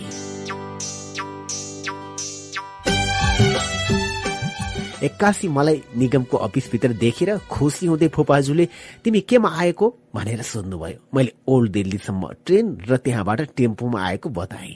फुपाजुले सोध्नुभयो टेम्पोले कति पैसा लियो? मैले आफूलाई कति नै बाटो छु भनेर देखाउनलाई छ रुपियाँ तिरे पनि चार रुपियाँ मात्र तिरेको भनेर ढाँटे। फुपाजुले गाली गर्दै भन्नुभयो ल किन चार रुपियाँ तिरेको त? दुई रुपियाँ दिए पुग्थ्यो। खै त्यो टेम्पो बाहिर छ कि गयो? फुपाजुलाई मैले टेम्पो भाडा दिएर गइसकेको बताएँ। पैसा अलिकति बढी तिरेको भन्दा गन्तव्यसम्म पुग्न सकेकोमा ढुक्क भएको थिएँ। पछि कर्जन रोड होटेल स्थित कोठामा पुग्दा मलाई देखेर प्यानी फुपू औधै खुसी हुनुभयो। असारको महिना थियो। दिल्लीमा हप हपी गर्मी थियो। तर दिल्लीमा जतिसुकै गर्मी भए पनि एउटा कुराले भने मलाई शीतल बनायो। त्यस्ताका दिल्ली स्थित नेपाली दूतावासमा साहित्यकार धुस्वा सायमी सांस्कृतिक सहचरीको हैसियतमा कार्यरत हुनुहुन्थ्यो। दुई हजार छब्बीस सालमा जोशी स्थित प्रकाश पुस्तकालयले राष्ट्रिय सभागृहमा आयोजना गरेको संगीत प्रतियोगितामा उहाँ निर्णयको भूमिकामा हुनुहुन्थ्यो। उक्त प्रतियोगितामा मैले प्रथम पुरस्कार जितेको थिएँ। त्यही बेलादेखि उहाँले मलाई नजिकबाट चिन्नुहुन्थ्यो र मैले गाएको गीत सुन्न एकदमै मन पराउनुहुन्थ्यो। उहाँको अफिसमा मलाई देखेपछि सोध्नुहुन्थ्यो दिल्ली किन आएको तिमी? मैले त्यस्तै घुम्न आएको बताएँ। उहाँले अकस्मात सोध्नुभयो अल इन्डिया रेडियोमा गीत गाउने हो? एक्कासी आएको उहाँको प्रस्ताव सुनेर मैले उत्साहित हुँदै भने गाउने? किन नगाउने? उहाँले फेरि अर्को उत्साहित पार्ने प्रश्न सोध्नुभयो अनि दिल्ली दूरदर्शन टेलिभिजनमा पनि गाउने हो? म फेरि दङ्ग पर्दै भने ओहो गाउने गाउने। त्यस्ताका Delhi Doordarshan TV black and white मात्रै प्रसारण हुन्थ्यो। त्यो पनि टिभी स्टेशनको चालिस किलोमिटरको वरिपरि मात्र।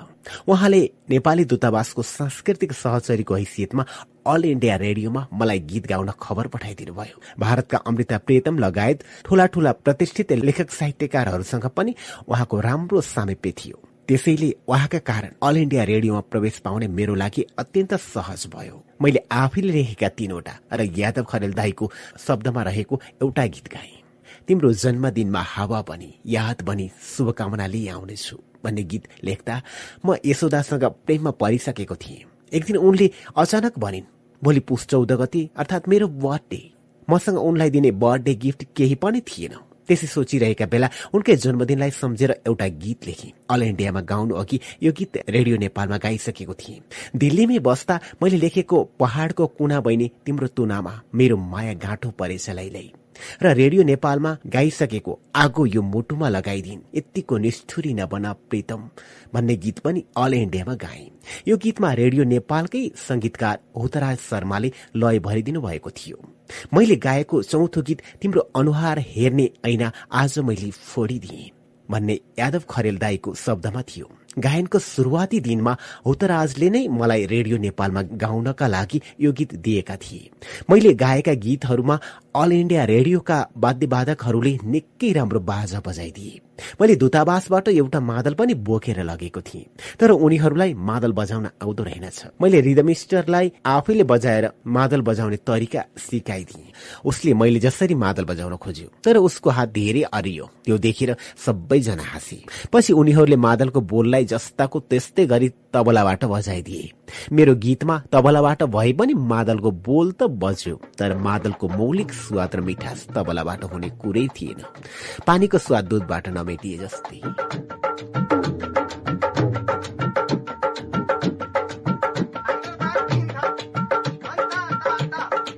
गीत रेकर्ड गरेर स्टुडियोबाट बाहिर आउँदा मलाई पारिश्रमिक स्वरूप दिन बाह्र पचपन्न रुपियाँको चेक तयार पारेर राखिएको थियो। त्यो देखेर म दङ्ग परे। त्यस्ताका रेडियो नेपालमा एकपटक गीत गाए बापत बाह्र रुपियाँ मात्र पारिश्रमिक दिइन्थ्यो। नारायण हिटीको दक्षिणपट्टि रहेको नारायण स्थानमा प्रत्येक एकादशीमा तीन चारवटा भजन गाए बापत भने जम्मा पन्ध्र रुपियाँ पाइन्थ्यो। अल इन्डिया रेडियोले पचपन्न रुपियाँको चेक तयार पार्नु मेरा निम्ति खुसीकै कुरा थियो। त्यो पनि एनसी होइन। आइसी त्यहाँका एकाउन्टेन्टले मलाई नजिक बोलाएर भने मदन जी ये चेक रिसीव करने के लिए? यहाँ एक बार सिग्नेचर कर दीजिए तो। मैले भने सिग्नेचर नेपाली में कर दूं एकाउन्टेन्टले नहीं नहीं हिन्दी में कीजिए भन्यो। जवाफमा मैले नेपाली लवजमा हिन्दी बोल्दै भने हेलो नेपाली भने पनि त्यही है हिन्दी भने पनि त्यही है। नेपाल और इंडिया अक्षर तो एउटै है देवनागरी। वास्तव में नेपाल का राष्ट्रीय अक्षर तो अलग है रंजना लिपि। लेकिन सिर्फ संयुक्त राष्ट्र संघ में दर्ता हुआ है। डेली यूज के लिए ये आप लोगों का अक्षर ही यूज करते हैं हम लोग भी। उसलाई पनि भारतमा जस्तै नेपालमा पनि देवनगरी लिपि चल्छ भन्ने थाहा रहेछ उसले हाँस्दै भन्यो अच्छा अच्छा। हत्तेरी। आफ्नो मौलिक लिपि चाहिँ संयुक्त राष्ट्र संघमा खिया परेर बसिरहेको कुरा सुनेर एकछिन मनमा कुरा खेलिरहे। एकाउन्टेन्टले फेरि अर्को एउटा भौचोरमा सही गरायो र मलाई तीस रुपियाँ नगद थमायो। छक्क पर्दै पचपन्न रुपियाँको चेकमा सही गराएर तीस रुपियाँ मात्र किन दिएको भनेर सोधे। पचपन्न रुपियाँमा पच्चिस रुपियाँ त इन्कम ट्याक्स नै काटिँदो रहेछ। एकछिन त म पनि झुल्ल परे। तर म पैसा भन्दा गीत रेकर्ड गर्न पाएकोमा बढी खुसी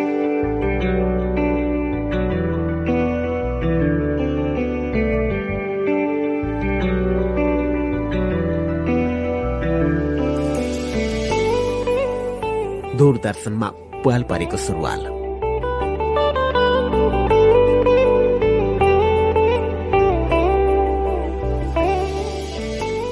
अल इन्डियामा रेडियोमा गीत रेकर्ड गरेको एक दुई दिनपछि दुस्वा साइमेज्यूले फेरि अर्को खुसीको कुरा सुनाउनु भयो। उहाँले दिल्लीको दूरदर्शन टिभीमा गीत सुटिङका लागि तारतम्य मिलाइसक्नु भएको रहेछ। दिल्लीका लेखक र साहित्यकारको वृत्तमा उहाँको गतिलो सम्बन्ध नभएको भए यो सबै सम्भव हुँदैन थियो। दूरदर्शनका कर्मचारीले मलाई दौरा सुरुवाल र टोपी लगाएर आउन भने। अनि भने नेपाल झल्किने कुनै हिमाल मठ मन्दिर आदिको तस्विर वा पेन्टिङ केही छ भने लिएर आउनु। गीतको बीचबीचमा त्यो देखाउन पाए राम्रो हुन्छ भन्ने उनीहरूले सल्लाह दिए। त्यत्तिकै दिल्ली घुम्न आएको मसँग दौरा सुरुवाल समेत थिएन। त्यसो त नेपाल छँदा पनि मेरो दौरा सुरुवाल लगाउने बानी थिएन। दोस्रो साइमीज्यूले नै दूतावासका कर्मचारीहरू मार्फत एक जोर दौरा सुरुवाल र नेपालका तस्विरहरू भएको क्याटलग ल्याइदिनु भयो दूरदर्शनका म्युजिसियनहरूसँग बसेर पहाड़को कुना बहिनी तिम्रो तुनामा मेरो माया गाँठो परेछ लैलै। र म तिम्रो जिन्दगीमा हावा बनी याद बनी शुभकामना लिई आउनेछु भन्ने गीतको रिहर्सल गरे। त्यसपछि आफ्ना सबै लुगा फुकाले दूतावासबाट आएका दौरा सुरुवाल लगाए। त्यहीका कर्मचारीले मेकअप गरिदिए र तीनवटा ठूला ठूला क्यामेराको अघि लगेर उभ्याइदिए। मेरो ठिक सामुन्नेमा एउटा टिभी जस्तै मोनिटर थियो। मोनिटरमा मैले कतै देखे जस्तो चिने जस्तो मान्छेको चित्र देखियो। निहालेर हेरेपछि थाहा पाएँ म आफै पो मोनिटरमा देखिएको रहेछु।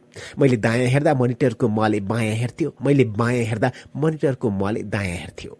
दायाँ बायाँ टाउको हल्लाउँदै मोनिटरमा हेर्दै एकैछिन रमाएर बसेँ। त्यो नेपालमा राष्ट्रिय टेलिभिजन प्रसारण हुनुभन्दा करिब एक दशक अघिको समय थियो।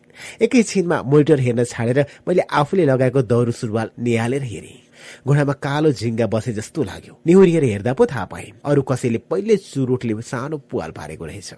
अब टिभीमा पुवाल परेको सुरुवाल लगाएको देखिने भयो भनेर मलाई खुबै अप्ठ्यारो लाग्यो। अर्को सुरुवाल फेर्न मसँग कुनै विकल्प पनि थिएन। उपाय केही नभएपछि पुवाल परेकै सुरुवाल लगाएर दुईवटा गीत मजाले गाए। गीत सकिने बेलामा एउटी राम्री उद्घोषिका स्टुडियोमा प्रवेश गरिन्। उनलाई पनि क्यामेराले खिचिरहेको थियो। उनले ताली बजाउँदै भनिन् अच्छा मदन कृष्णजी आपने तो यह गाना बहुत ही अच्छा गाया। लेकिन यह गाना का मतलब क्या है? जरा आप हिंदी में बता दीजिए ना। मैले अकमकाउँदै नेपाली पाराले हिन्दीमा भने देखिए मैं हिंदी तो अच्छा तरह समझता हूँ लेकिन बोलने में कुछ गड़बड़ होता है। मेरो कुरा बुझेर उद्घोषिकाले फेरि भनिन् कोही बात नहीं कोही बात नहीं जरा थोड़ा सा बता दीजिए न। उद्घोषिकाले मलाई सजिलो बनाइदिएपछि मैले सकी नसकी उल्था गरेर अन्कनाउँदै भने अच्छा इस गाना का मतलब क्या है कि पहाड़ को कुनामा का मतलब है पहाड़ के बहनी तिम्रो तुनामा का मतलब है अरे बहन जी तुम्हारे पुतु में हमारा माया गाँठ हो गया। मैले गाएको उक्त गीत सहितको कार्यक्रम दूरदर्शनबाट प्रसारण भएपछि दिल्ली स्थित गोर्खाली पल्टनका नेपालीहरूले रमाइलो मानेर सोही गीत फरमाइस गर्दै पटक पटक प्रसारण गर्न लगाए भन्ने कुरा सुने। त्यसरी पटक पटक गीत दोहोऱ्याउन लगाउनुको कारण बेग्लै थियो। गीत राम्रैसँग गाए पनि गीतको भाव हिन्दीमा अनुवाद गर्दा मैले रमाइलो भूल गरेछु। मैले पहाड़को कुनामा का मतलब है पहाड़को कोने में बहिनी तिम्रो तुनामा का मतलब अरे बहन से तुम हाय पुतु में हमारा माया गाँठ हो गया भनेको रहेछु। मैले हिन्दीमा पुतुलाई के भनिन्छ? भनेर थाहा नपाएकै कारण पुतु शब्दको प्रयोग गरेको थिएँ। किनकि तुनालाई नेवारी भाषामा पुतु भनिन्छ। तर यसरी हिन्दीमा नेवारी शब्द मिसिँदा गडबड भएछ। त्यसैले पो गोर्खाली पल्टनका जवानहरूले पटक पटक त्यही गीतको फरमाइस गरेका रहेछन्। हिन्दी भाषा राम्रोसँग ढङ्ग पुर्याएर बोल्न नजान्दा दिल्लीमा मैले कयौं अप्ठ्यारो झेली। एकपटक तरकारी पसलमा। नेपालकै जस्तो गरेर भनेछु। ओ साउजी अदुवा एक मोहरका दिजिए त? तरकारी पसलले अदुवा भनेको नबुझेर सोध्यो। क्या अदुवा? मलाई आपत पर्यो। अदुवालाई हिन्दीमा के भन्छन् थाहा थिएन। केही बेरपछि अदुवाको थुप्रो नै देखाएर ओ अदुवा भनेपछि साहुजीले बुझे। साहुजीले फेरि सोधे कित्ने का मैले भने एक मोहरका। हिन्दी भाषीले एक मोहर भनेको बुझ्दैनन् भन्ने मैले एक्का नै गरेनछु। साउसीले झर्किँदै भने क्या एक मोहरका? ऊ झर्किएको देखेर म झसङ्ग भएँ। खासमा मैले एक मोहर नभनेर एक अट्ठानी भन्नुपर्ने थियो।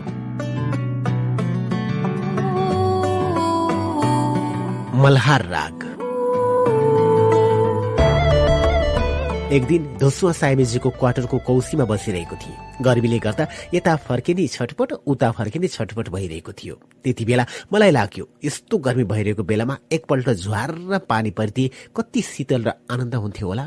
त्यति नै बेला काठमाडौँको मक्खनटोलमा रहेको मामा बाजेको घरको कौसीमा बस्दाको रमाइलो संयोग झुवाट सम्झिए। भदौ महिनाको कुरा थियो। कौशिनी र रामकुमारी माइजू बजे पूजा कोठामा पूजा गर्दै हुनुहुन्थ्यो। मैले आफ्नै स्वरमा गंगामाई निर्मल लखप्रति विजयाका रथसम्म दनाम भन्ने नेवारी गीत गाउँदै थिए। त्यति नै बेला माइजू बजेले मलाई अपकाउँदै भन्नुभयो ए बाबु यो गीत गाउनु हुँदैन नगाऊ। त्यो राग मल्हारमा पर्छ। मल्हार राग गायो भने माथि इन्द्र महाराजलाई पानी नपारे सुखै हुँदैन? उहाँको कुरा सुनेर मलाई हाँसो उठ्यो। एक त मलाई त्यो गीत दुई लाइन भन्दा बढी गाउन आउँदै आउँदैन थियो। त्यसमा पनि मैले गीत गाएर पनि पानी पर्छ त कहीँ? भन्दै कौशीबाट ओर्लिएर तल कोठामा गएँ। नभन्दै एकैछिनमा त पानी झुहार पर्न थाल्यो। म दगुर्दै पूजा गरिरहेकी माइजू बजेको कोठामा पुगेँ। जिस्क्याउँदै माइजू बजे मैले गीत गाएर पानी त साँच्चीकै पर्यो नि त। भनेको त माइजू बजे गम्भीर भएर भन्नुभयो। मैले भनेको होइन त्यो मल्हार रागको गीत गायो कि इन्द्र महाराजले पानी पार्नै पर्ने हुन्छ। साँच्चीकै माइजू बजेले यो कुरालाई गम्भीर रूपमा लिनुभएको रहेछ। माइजू बजेको घरको त्यो घटना त्यत्तिकै बित्यो। त्यसैको भोलिपल्ट शनिबारको दिन परेको थियो। म सञ्चय कोषको सुन्दारा स्थित अफिसमा ओभरटाइम काम गर्न गएको थिएँ।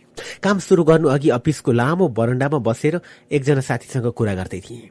कुरै कुरामा मैले त्यो साथीलाई अघिल्लो दिन माइजू बजेको घरमा गीत गाएर पानी परेको संयोग सुनाएँ। मेरो कुरा सुनेर त्यो साथी मजाले हाँस्दै भन्यो कुन गीत हो? त्यो एकपल्ट गाउनुहोस् त। मैले पनि अघिल्लो दिनको जस्तै गरी गाइदिएँ। गङ्गामाई निर्मल लखपति विजयाङ्क रथम दनाव। गीत सकिएपछि हामी आफ्नो काम गर्न छिर्यौं। एकैछिनपछि त्यहाँ पनि झुहार र पानी पर्यो। त्यसरी पानी परेको देखेर त्यो साथीले दगुर्दै मेरो कोठामा आएर छक्क पर्दै भन्न थाल्यो ए मदन कृष्णजी पानी त पर्यो त। हा हा हा। साथी हाँसेको देखेर म पनि हाँसे। कुरा त्यत्तिकै भयो। यी दुई संयोगको करिब एक सातापछि काठमाडौँको शान्ति निकुञ्ज विद्यालयको प्राङ्गणमा साहित्य सम्मेलनको तयारी चल्दै थियो। कोही मञ्च सजाउँदै थिए त कोही माइक मिलाउँदै। एउटा कुनामा बसेर गायक साथी सत्यनारायण राज भण्डारी र म कुरा गर्दै थियौं। कुरै कुरामा मैले उनलाई पनि मखानकी माइजू बजेको घरमा भएको संयोगको घटना सुनाए। यस्तै घटना भोलिपल्ट सञ्चय कोषको अफिसमा पनि दोहोरिएको बताए। मेरो कुरालाई साथीले ए हो भन्दै हल्का रूपमा लिएपछि मैले आफ्नै सुरमा त्यही गीत फेरि गाएँ। नभन्दै एकैछिन पछि नै त्यहाँ पनि पानी भर्यो। वर्षातकै कारण साहित्य सम्मेलन समेत केही बेर ढिला सुरु भयो।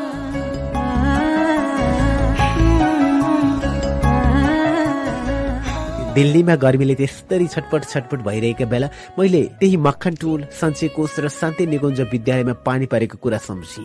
गीत गाएर पानी पर्छ भन्ने कुरा एउटा हास्यास्पद र संयोगको कुरा मात्र हो। त्यो पनि साउन भदौ महिना भनेको पानी पर्ने याम नै हो। तैपनि गर्मीले छटपटीका कारण त्यसै त्यसै एक सुरले गङ्गामाई निर्मल लखफुती विजयाक रथम सदराव भनेर गाए। त्यसरी गीत गाउँदैमा पानी पर्छ भन्ने कुरामा मलाई रत्तिभर पनि विश्वास थिएन। तैपनि अलिअलि पानी परिदिए नै हुन्थ्यो नि भन्ने आशा गरेर आकाशतिर आँखा लगाइरहेको थिएँ। त्यसरी आकाशतिर आँखा जाँदैमा र दिल्लीमा पानी परिदिए नै हुन्थ्यो भनेर आश गर्दैमा पानी पर्ने कुरै थिएन। तर त्यसको डेढ दुई घण्टा पछि म र अरू दुई तिनजना साथी साथी किनमेलका लागि पसलतिर चाहिरहेका थियौं। त्यत्तिकैमा मुसलधारे पानी परेर सडकमा भेल नै बग्यो। त्यसपछि त मनमा अलिकति कुरा पनि खेल्यो। ह? के त? अब पानी पार्न त भन्ने बित्तिकै सकिने रहेछ नि त। पारिदिउ पानी? ह भने जस्तो एक्लै मनमा अलिकति शङ्का मिसिएको फुर्ती पनि आयो। पानी परेपछि त्यो दिनको साँझदेखि पुरा रात र भोलि बिहानसम्म पनि अलिक शीतल भयो। तर भोलिपल्टको दिउँसो फेरि यस्तरी गर्मी भयो कि अघिल्लो दिनको भन्दा पनि बढी गर्मी भयो। फेरि पानी पार्न मन लाग्यो। कौशीमा गएर एक्लै गङ्गामाई निर्मल लखफुती विजयाका रथमस दनाम्ब भन्दै गीत गाए गीत सकिएपछि कतिखेर पानी पर्ला भनेर यताउति हेर्दै तलमाथि बाहिरभित्र गरिरहे अघिल्लो दिन त गीत गाएको डेढ दुई घण्टामै मुसलधारे पानी परेको थियो। त्यो दिन त साँच्ची पाँच छ घण्टा बितिसक्यो। तैपनि पानी पर्दैन त। कहाँबाट पानी परोस्? कसरी पर्छ पानी? के आधारमा पर्छ पानी? मैले गीत गाएरै पानी पर्छ त कहीँ? मैले मल्हार गाएर पानी पर्ने भए त संसारमा जहाँ जहाँ खडेरी पर्छ त्यहाँ त्यहाँ गएर गीत गाएर पानी पार्दैमा फुर्सद हुँदैन थियो मेरो। हास्य व्यङ्ग्यको काम छाडेर पानी पार्नेतिर लागिरहन्थे होला। जे होस् एक दुईपल्टसम्म मात्र संयोग मिलेको भए ती दिनको केही सम्झना हुँदैन थियो होला। तर तिन चार पटकसम्म पनि लगातार संयोग मिलिरहेको हुँदा अहिलेसम्म पनि त्यो घटना सम्झना भइरहेको मात्र हो। झण्डै एक महिना दिल्ली घुमेपछि फुपाजुले प्लेन चढाएर काठमाडौँ पठाइदिनु भयो। जिन्दगीमा पहिलोपल्ट प्लेन चढेको पनि त्यही नै थियो। काठमाडौँमा प्लेन अवतरण भएपछि एयरपोर्टबाट घर पुगेर घरको शीतल शीतल भित्ता छाम्दा अत्यन्त गर्व लाग्यो। साँच्चीकै म त यो काठमाडौँ जस्तो स्वर्गमै जन्मिएको रहेछु। स्वर्गै हो मेरो देश।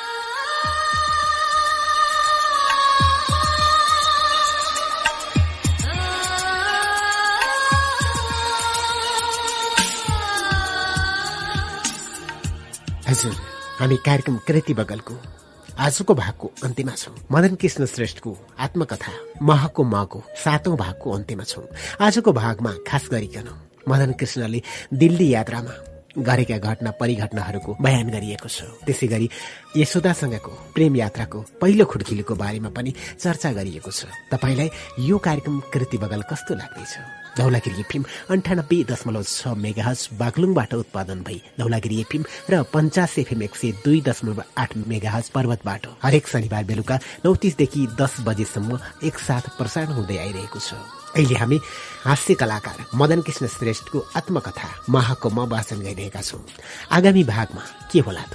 कार्यक्रम सुनेर प्रतिक्रिया दिन नछुट्नुहोला। आजलाई भने प्रविधिबाट सघाउने कृष्ण संयोगसँगै म पवन खड्कालाई पनि बिदा दिनुहोस्। नमस्कार। कार्यक्रम कृति बगलको यो श्रृङ्खलामा प्राविधिक साथी कृष्ण संयोग र दिनेश विकल्पसँगै म पवन खड्काको हार्दिक स्वागत छ। धौलागिरी एफएम अन्ठानब्बे दशमलव छ मेगाहजबाट उत्पादन भई धौलागिरी एफएम र पञ्चासी एफएम एक सय दुई दशमलव आठ मेगाहज पर्वतबाट हरेक शनिबार बेलुका नौ तिसदेखि दस बजीसम्म एकसाथ प्रसारण भइरहेको कार्यक्रम कृति बगलमा अहिले हामी हास्य कलाकार मदन कृष्ण श्रेष्ठको महकोमा वाचन गरिरहेका छौँ। आज हामी महको मको आठौं भागमा छौँ। अघिल्ला भागहरूमा बाल्यकाल र आइकमसम्मको अध्ययनपछि सञ्चय कोषको जागिरको पेरिफेरीसँगै कलायात्राको सुखद थालनी भएको छ। रेडियो नेपालमा प्रवेश नाट्य क्षेत्रमा प्रवेश सँगसँगै विभिन्न कार्यक्रमहरूमा सहभागिता बढेको छ उहाँको। भेटघाट र भ्रमणकै लागि दिल्लीको यात्रा तय भए पनि त्यहाँ पुगेपछि भने धुसुवा सायमी जो दिल्ली स्थित नेपाली दूतावासमा सांस्कृतिक सहचरीको हैसियतले कार्यरत हुनुहुन्थ्यो। उहाँको साथले अल इन्डिया रेडियो र दिल्ली दूरदर्शन टेलिभिजनमा समेत गीत रेकर्ड गर्ने सुवर्ण अवसर प्राप्त भएको छ।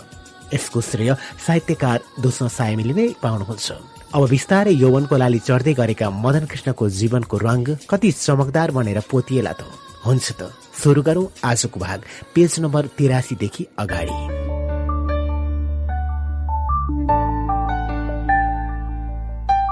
तेरी याद सताए।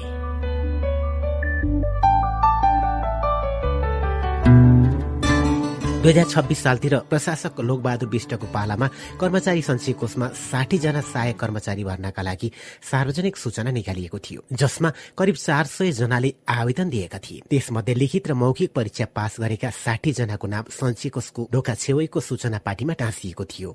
नामावलीमा कोही आफूले चिनेका व्यक्तिका नाम पनि छन् कि भनेर हेर्न म पनि गएको थिएँ। सरसर्ती सबै नाम पढेपछि मैले थाहा पाएँ। पाँचजना मात्र केटी र बाँकी सबै केटाको नाम निस्किएको रहेछ। ती पाँच नयाँ केटीको अनुहार कस्तो रहेछ भनेर कौतूहलता जाग्यो। उन्नाइस वर्ष उमेरको खुट्किलोमा उभिएको किशोरको मनमा त्यस्तो जिज्ञासा उब्जनु अस्वाभाविक पनि भएन। तिनलाई हेर्न भन्दै अफिसका कोठा कोठा चाहारे पाँचजना नयाँ भर्ना भएका केटीमध्ये चारलाई देखे पनि तर पुण्डरी आचार्य नामकी केटीलाई कतै फेला पारिनु सायद त्यो दिन उनी अफिस नआएकी होलिन् भनेर भोलिपल्ट पनि सबै कोठा चाहारे पुराना कर्मचारीहरूलाई पुण्डरी आचार्य कुन शाखामा खटाएको हो भनेर पनि सोधे तिनीहरूले बताए अनुसारकै शाखामा गएर पनि हेरे। त्यहाँ पनि नयाँ कर्मचारी केटी कतै देखिन अनि सोही शाखाका एकजना कर्मचारी साथीलाई खुसुक्क सोधे पुण्डरी भन्ने नयाँ स्टाफ आछैन उनले भने आछ चारैतिर आँखा नचाहेर सोधे खोइ त ती साथीले ऊ उहाँ हो भनेर नजिकै रहेका पुण्डरीलाई देखाइदिए। पुण्डरीलाई देखेर म एकैछिन जिल्ल पनि एक्लै हाँसे पनि। पुण्डरी भन्ने कोही सुन्दरी केटी होली भन्ठानेको त केटा पो रहेछ दात्तेरी। नयाँ भर्न भएका चार मध्ये एउटी केटी एकदम राम्री। उज्याली हँसिली लज्जालु अड्केर बोल्ने र नम्र स्वभावकी थिइन्। तिनको नाम यशोदा सुवेदी रहेछ भन्ने पत्तो पाइहाले। उनको घर कुपण्डोल रहेछ र उनी न्यायाधीश बाबुराम उपाध्याय सुवेदीकी छोरी रहेछन्। अरू सहकर्मी कर्मचारीलाई सोधेर एकैछिनमा यतिका कुरा पत्ता लगाए। पहिलो भेटपछि नै यस्ती राम्रै केटीसँग बोल्न पाए नि हुन्थ्यो नि कुरा गर्न पाए नि हुन्थ्यो। मैले काम गर्ने शाखामै सरुवा गरेर पठाइदिए नि हुन्थ्यो भन्ने लाग्न थाल्यो। नभन्दै एकाध दिनपछि मै काम गर्ने कोठामा अझ मैले नै काम गर्ने शाखामै पो उनी खटिएर आइन्। आफ्नै सामुन्नेको टेबलमा बसेर तिनले काम गर्नुपर्ने थाहा पाएपछि झनै मन उज्यालो भयो। उनी आफ्नो स्वरले काम गरिरहेकी हुन्थिन् तर मेरा आँखा भने छिनछिनमा कामभन्दा उनको उज्यालो मुहारतिर गइरहन्थे। उनको ध्यान आफूतिर तान्नका लागि म बेला बेलामा रमाइला रमाइला हाँसो उठ्दा कुरा गरिरहन्थिन्। मेरो कुरामा उनी हाँस्दा मलाई खुसी लाग्थ्यो। मेरो कुरामा उनी एकछिन हाँस्थिन् र तुरन्त फेरि आफ्नै स्वरले काम थाल्थिन्।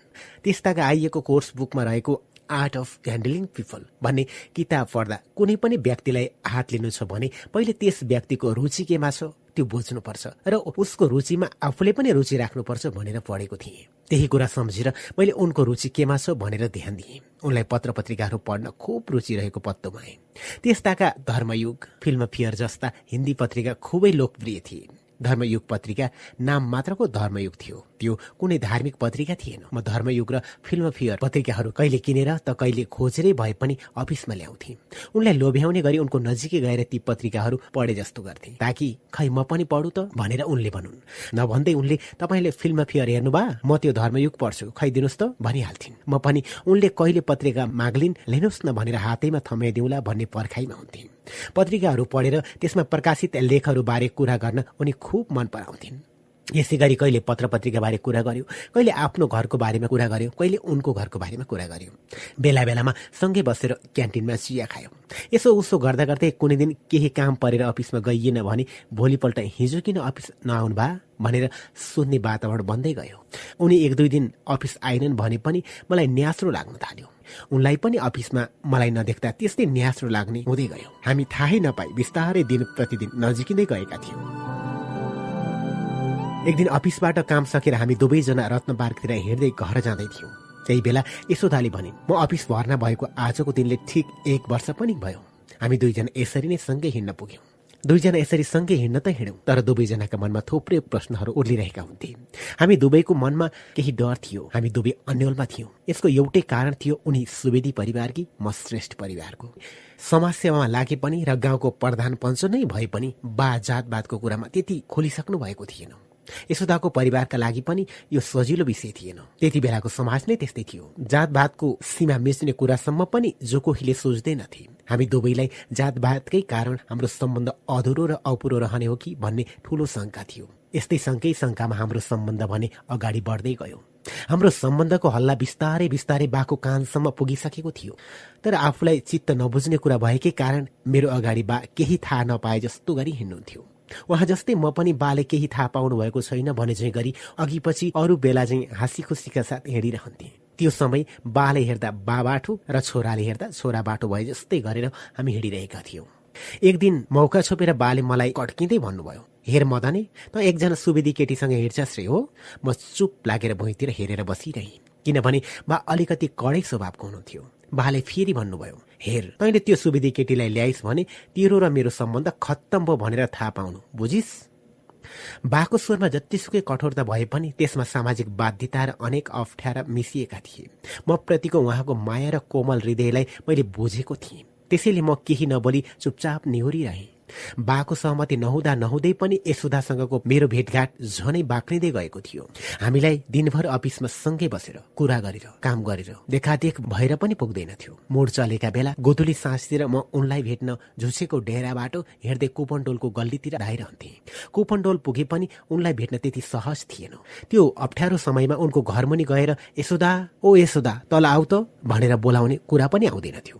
न हिजो आज जस्तो हात हातमा मोबाइल सुविधा नै थियो। त्यति बेला न्यू रोडको रञ्जना सिनेमा हलमा भारतीय हिरो देवानन्दको गाइड फिल्म हिट भइरहेको थियो। त्यस फिल्मका गीत पनि उस्तै राम्रा थिए। बेला बेलामा म साँझ ढल्केर अँध्यारो अँध्यारो भएपछि यशोदाको घर छेउको साँगुरो बाटो हुँदै दिन ढल जाए हाय रात न जाए तू तो नआए तेरी याद सताए भनेर त्यही गाइड फिल्मकै गीत गुनगुनाउँदै अगाडि बढ्थे। मेरो स्वर सुनेर उनी झ्यालबाट बाहिर चिहाउँथिन् म हनुमान थानतिरको गल्लीमा गएर उनलाई कोरिरहन्थे। एकछिनपछि यशोदा दायाँ बायाँ अगाडि पछाडि हेर्दै बडो सजग भएर मलाई भेट्न लुसुक्क आउँथिन्। अवस्था र समय हेरेर हामी कहिले पन्ध्र बिस मिनट कहिले आधा घन्टा त कहिले काहीँ एक घन्टासम्मै पनि अरूले सुन्ला कि झैँ गरेर सतर्क हुँदै गुनगुन गुनगुन कुरा गर्थ्यौँ। कुराको विषय चाहिँ जहिले पनि एउटै हुन्थ्यो। उनी भनिरहन्थिन् तपाईँ श्रेष्ठ परिवारको म सुवेदी परिवारको हाम्रो बिहे कसरी हुन सक्ला? हामी दुईजनाको भेट हुँदै नभएको भए नि हुन्थ्यो। किन तपाईँसँग मेरो चिना जानी भएछ?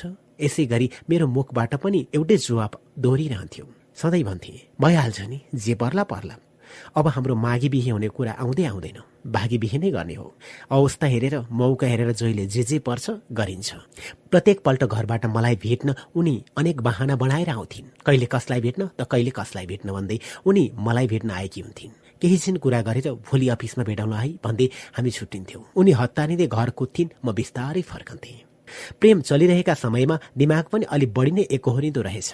एकाध दिन उनी अफिस नआएका बेला उनको अनुहार पनि हेर्न नपाएकोमा म खुबै छटपटिन्थेँ। त्यस्तो बेला राति बाह्र एक बजे पनि ओछ्यानबाट जुरुक्क उठेर मध्यरातको सुनसान समयमा झुछेदेखि एक्लै हिँडेर कोपनडोलसम्म पुग्थेँ।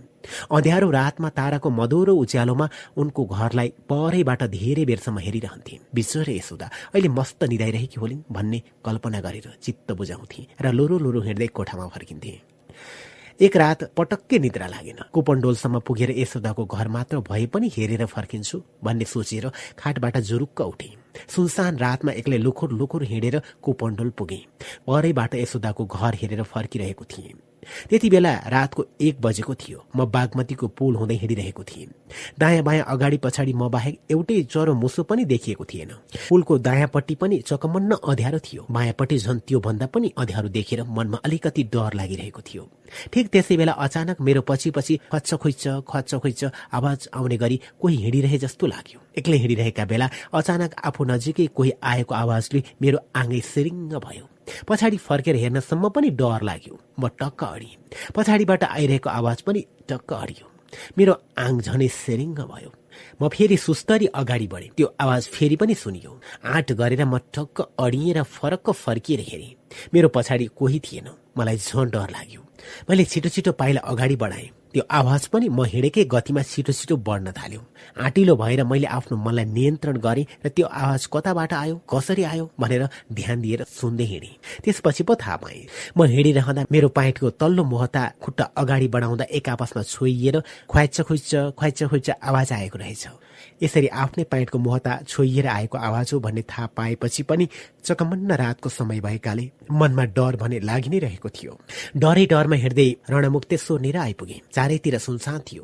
कहीँ कतैबाट केही आवाज आइरहेको थिएन। जनाको भएर हिँडिरहेको बेला एकैपल्ट अचानक ठूलो आवाज आयो।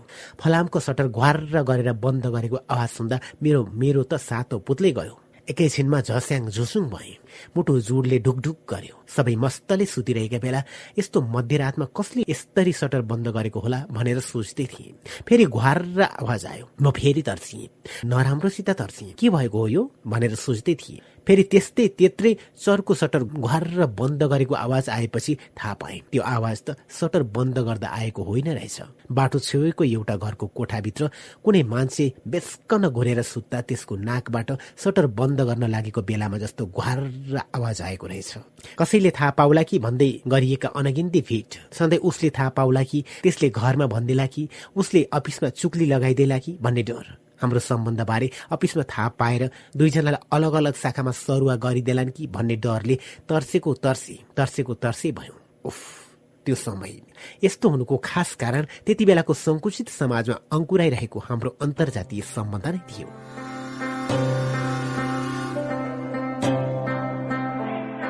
सुटिङ हो कि साँच्चैको बिहे हामी सँगसँगै हिँड्न थालेको तीन वर्ष लागिसकेको थियो। अब कति दिनसम्म यसरी गुप्चुप गुप्चुप भएर हिँडिरहने त? के जिन्दगीभर त्यसरी हिँडी मात्रै रहने? घरबाट हामीलाई बिहे गरिदिने सम्भावना छँदै थिएन। हामी दुवै निष्कर्षमा पुग्यौँ। अब हामी आफै तात्नु पर्यो। एक दिन मनमिल्ने साथीहरू हरितण्डुकार नवीन चित्रकार मोहनलाल श्रेष्ठ श्रीराम श्रेष्ठ मङ्गल नारायण जोशी वीरेन्द्रमाल जोशी तारा प्रसाद श्रेष्ठ केशवलाल श्रेष्ठ र अन्य केही साथीहरू बसेर हाम्रो बिहेबारे छलफल गर्यौं। सबैले एउटै सल्लाह दिए। सायद सायद केही पनि नहेरिकन काठमाडौँ इन्द्र जात्राको दिन भक्तपुरको सूर्य विनायकमा गएर सुटुक्क बिहे गर्ने र त्यसै दिन नजिकका साथीभाइलाई सानो भोज पनि दिने बिहे गरेर घर जान सम्भव नै थिएन। त्यसैले बस्नका लागि साथीभाइको सहयोगमा न्यु रोडको रमा गृह पछाडिको बाटो छेउको धर्ममानन्दरको घरमा महिनाको साठी रुपियाँ भाडा तिर्ने गरी एउटा कोठा खोजियो। साथी मङ्गल नारायणले कोठामा रङ लगाएर चिटिक्क पार्ने जिम्माले। कोठाका लागि आवश्यक डसना सिरक तकिया झ्यालढोकाका लागि पर्दा चकटी रुमाल डोरम्याट आदि सामान ओटोटोलका रत्नफिड इन्डस्ट्रीका साथी प्रदीप श्रेष्ठको पसलबाट उधारो लिइयो।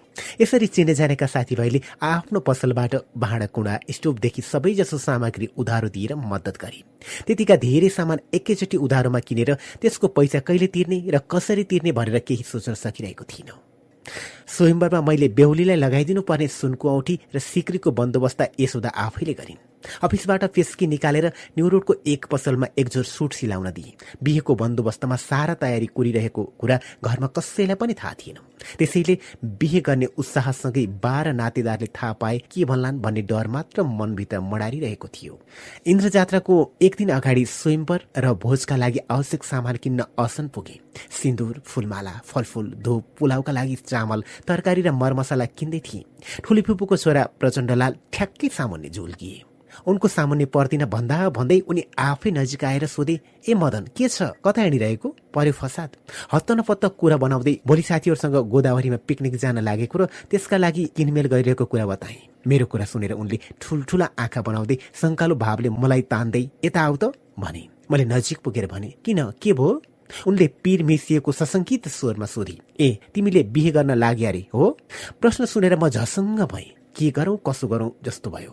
आफैलाई सम्हाल्दै अनुहारको रङ लुकाउँदै र सबै कुरा सामान्य भए जस्तै गरेर भने होइन कहाँ बिहे गर्नु? कसले भन्यो तिमीलाई? उनले दह्रो स्वरमा ल बढी बोल्ने होइन चुप लाग तिमी मलाई ढाँट्न पर्दैन। मैले मात्रै होइन घरमा बाहरू सबैले थाहा पाइसके भन्ने बित्तिकै म लल्याक लुलुक भइहालेँ।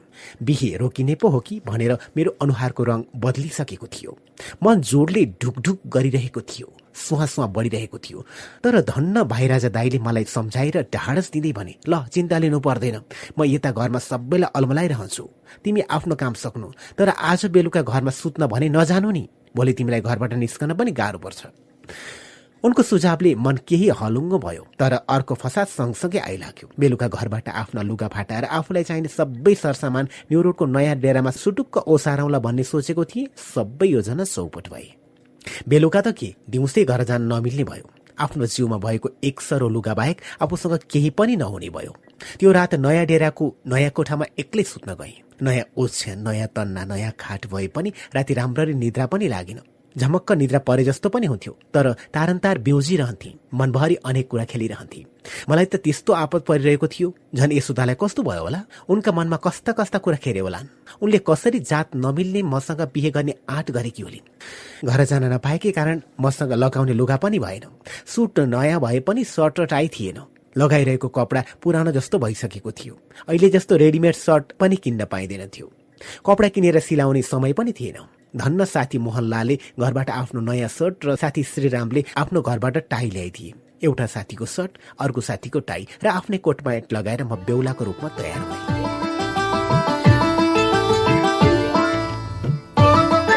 एका बिहानै यशोदा उनका साथी अङ्गुर अमात्य गुरुङ सञ्चय कोषका सहकर्मी साथीहरू दिलकृष्ण श्रेष्ठ योगेश्वर प्रधान लगायत सबै एकै ठाउँमा जम्मा भयौँ र सूर्य विनायकतिर हुइकियौँ। बिहान आठ बजे त मन्दिर नै पुगिसकेका थियौँ। केही साथी भोजको तयारीमा तरकारी काट्न थाले। कोही भक्तपुरे जुजुधौ किन्न दौडिए कोही पुरोहितको खोजीमा लागिन्। साथीहरू आफ्नै छोराछोरीको बिहेमा बाबुआमा उत्साहित भएर व्यस्त रहे जस्तो देखिए। साथीहरूले त्यति बेला बाआमाले जस्तै आफ्नो कर्तव्य निभाएका थिए। भक्तपुरका साथी केशवलाल श्रेष्ठले एकैछिनमा एकजना पुरोहित खोजेर ल्याए। दही किन्न गएका अर्का एकजना साथीले अकस्मात वरिष्ठ हास्य व्यङ्ग्य कलाकार ध्रुवहाडा दाईलाई भेटेछन्। आज मदन कृष्णको सूर्य विनायकमा बिहे हुँदैछ। त्यसैका लागि दही किन्न आएको भनेर साथीले बताउने बित्तिकै ध्रुवहाडा दाईले खुसी हुँदै हो र उसो भए ल म पनि आउँछु भनेर बिहे स्थलमा आए। हामीलाई बधाई मात्र दिएनन्। दिनभरि त्यहाँ बसेर सबै साथीहरूलाई बेसकन हँसाएको हँसाइ गरेर बिहेको माहौल नै हँसिलो र रमाइलो बनाइदिए। अङ्गुरले यशोदालाई सिङ्गार पटार गरेर दुलही बनाइदिन् र घुम्टो उडाएर सूर्य विनायक गणेशको सामु उपस्थित गराइन्। पुरोहितले मन्त्रोच्चारण सुरु गरे। उनकै आदेशअनुसार मैले सुनको औठी यशोदालाई लगाइदिएँ र उनको गलामा माला पहिराइदिए। उनले तीन पटक मलाई परिक्रमा गरिन् र फूलको माला लगाइदिन्। सबै साथीले जोडले ताली बजाए। साथी नवीन चित्रकारले दौडी दौडी हाम्रो फोटो खिचे। मनमा नै सोचे लो आज मेरो बिहे पनि भयो। स्वयंवरका बेला पनि मनमा अनेक कुरा खेलिरहेका थिए। कोही नातेदार वा कोही चिनेका मान्छेसँग फ्याट्ट आँखा जुझ्ने हो कि भन्ने पिर लागिरहेको थियो। नभन्दै स्वयंवर सकिने बित्तिकै बालजु बस्ने दाई इन्द्रनारायण मानन्दरसँग फ्याट्ट आँखा जुत्यो। उनी आफ्नै कामले त्यहाँ आएका रहेछन्। मेरो घाँटीभरि स्वयंवरको माला थियो। मलाई के भनौ के गरौँ जस्तो भयो। उनले अलमलमा परिचय गरेर सोधे बिहे गरेको? एकैछिन अकमङ्गिँदै भने अँ अँ। म अकमकिएको र मेरो सुर डराएको देखेर उनले प्रश्न थपे किन घरमा बाहरूलाई थाहा छैन र? उनको प्रश्नले मलाई झनै आपत पर्यो। के भन्ने कसो भन्ने मेसो पाइन। अकमकिँदै भने अँ मेरो कुरा सुनेर उनी पनि जिल्ल परे म पनि वाल्ल परे। त्यत्तिकैमा साथीहरूले भोजका निम्ति बोलाएपछि म इन्द्रनारायणसँग छुट्टिएँ तर धेरै बेरसम्म अप्ठ्यारो भने लागिरह्यो। सञ्चय कोषका अफिसर हर्षानन्द वैद्य भोलानाथ कणेल लगायत झण्डै तीसजना साथीलाई सुटुक्क निम्ता दिएको थिए। सबैजनालाई देखेर आनन्द माने। वैद्यजीले जिस्काए ओहो मिस्टर यो सुटिङ गरेको हो कि साँच्चीकै बिहे? उनको ठट्टा सुनेर सबैजना हाँसे। पुलाउदेखि तरकारीसम्म सबै खानेकुरा मिठो भएको भन्दै सबैले प्रशंसा गर्दै खाइरहँदा साथी केशवलाल मुसु मुसु हाँस्दै थिए। तर बिहेको एक सातापछि पो पुलाउ पकाउने जिम्मा सम्हालेका साथी केशवलालले बिहेको दिन भोज खाइरहँदा आफू मुसु मुसु हाँस्नुको रहस्य खोले। उनले हाँस्दै सुनाए चुरोट तान्दै पुलाउ पकाइरहेका बेला हातको सिङ्गे चुरोट स्वाट्टै खसेर पुलाउ पाकिरहेको गहिरो भाँडामा खस्यो। चुरोट निकाल्न पनि सकिएन पुलाउ फाल्ने कुरा पनि आएन। त्यति धेरै पुलाउमा जब एकले चुरोट के नै हुन्छ र बेलाएरै जान्छ। फेरि सुर्ती एन्टिबायोटिक पनि त हो भनेर पुलाउ मजाले चलाइदिए तिमीहरू कराउला भनेर त्यो दिन केही पनि नभनेको। यस्तो रहस्य सुनाएपछि मजाले हाँस्दै उनले थपे पुलाउ मिठै थियो नि होइन त? बिहे डेरामा आउँदा छ बजिसकेको थियो। कोठासम्मै साथीहरू पुर्याउने आए। केही बेर हाँसो ठट्टा गरे र आफ्नो बाटो लागे। बिहेको खुसी र नयाँ जिन्दगीको सुरुवातको रौनक भन्दा अब के हुन्छ कसले के भन्लान् भन्ने डरले हामी दुवैलाई सताएको थियो। त्यो एकदमै अन्यलको समय थियो।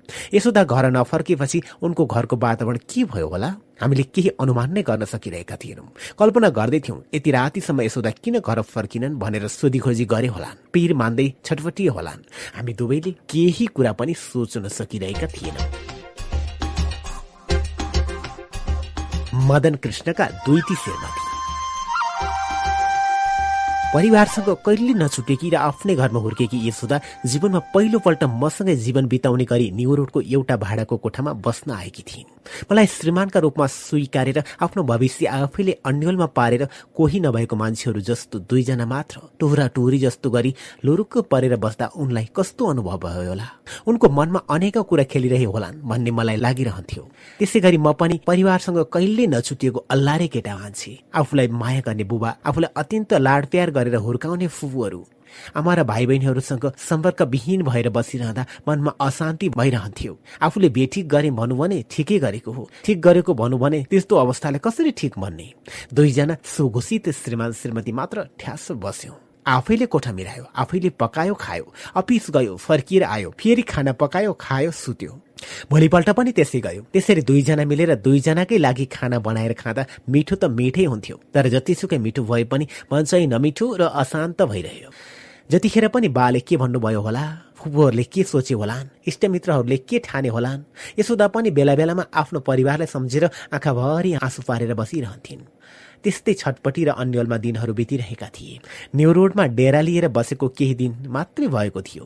ईश्वर लाल दाईले कुन्नी कसरी यो डेरा पत्ता लगाएर हामीलाई भेट्न आउनुभयो। दाई र गायत्री भाउजूलाई अचानक कोठामा देख्दा एकछिन त म जिल्ल परे। मलाई यशोदासँगै बसेको देखेर दाईले दङ्ग पर्दै भन्नुभयो ओहो क्या हो मदन? तिमीले त बिहे सिए पनि गरेछौ। ल बधाई छ तिमीलाई। ल बुहारी बधाई छ है तिमीलाई पनि मैले यशोदालाई दाजु भाउजूसँग परिचय गरिदिएँ। ईश्वर दाईले मलाई सम्झाउँदै बिहे भनेको आफूलाई मन परेको मान्छेसँग गर्नुपर्छ।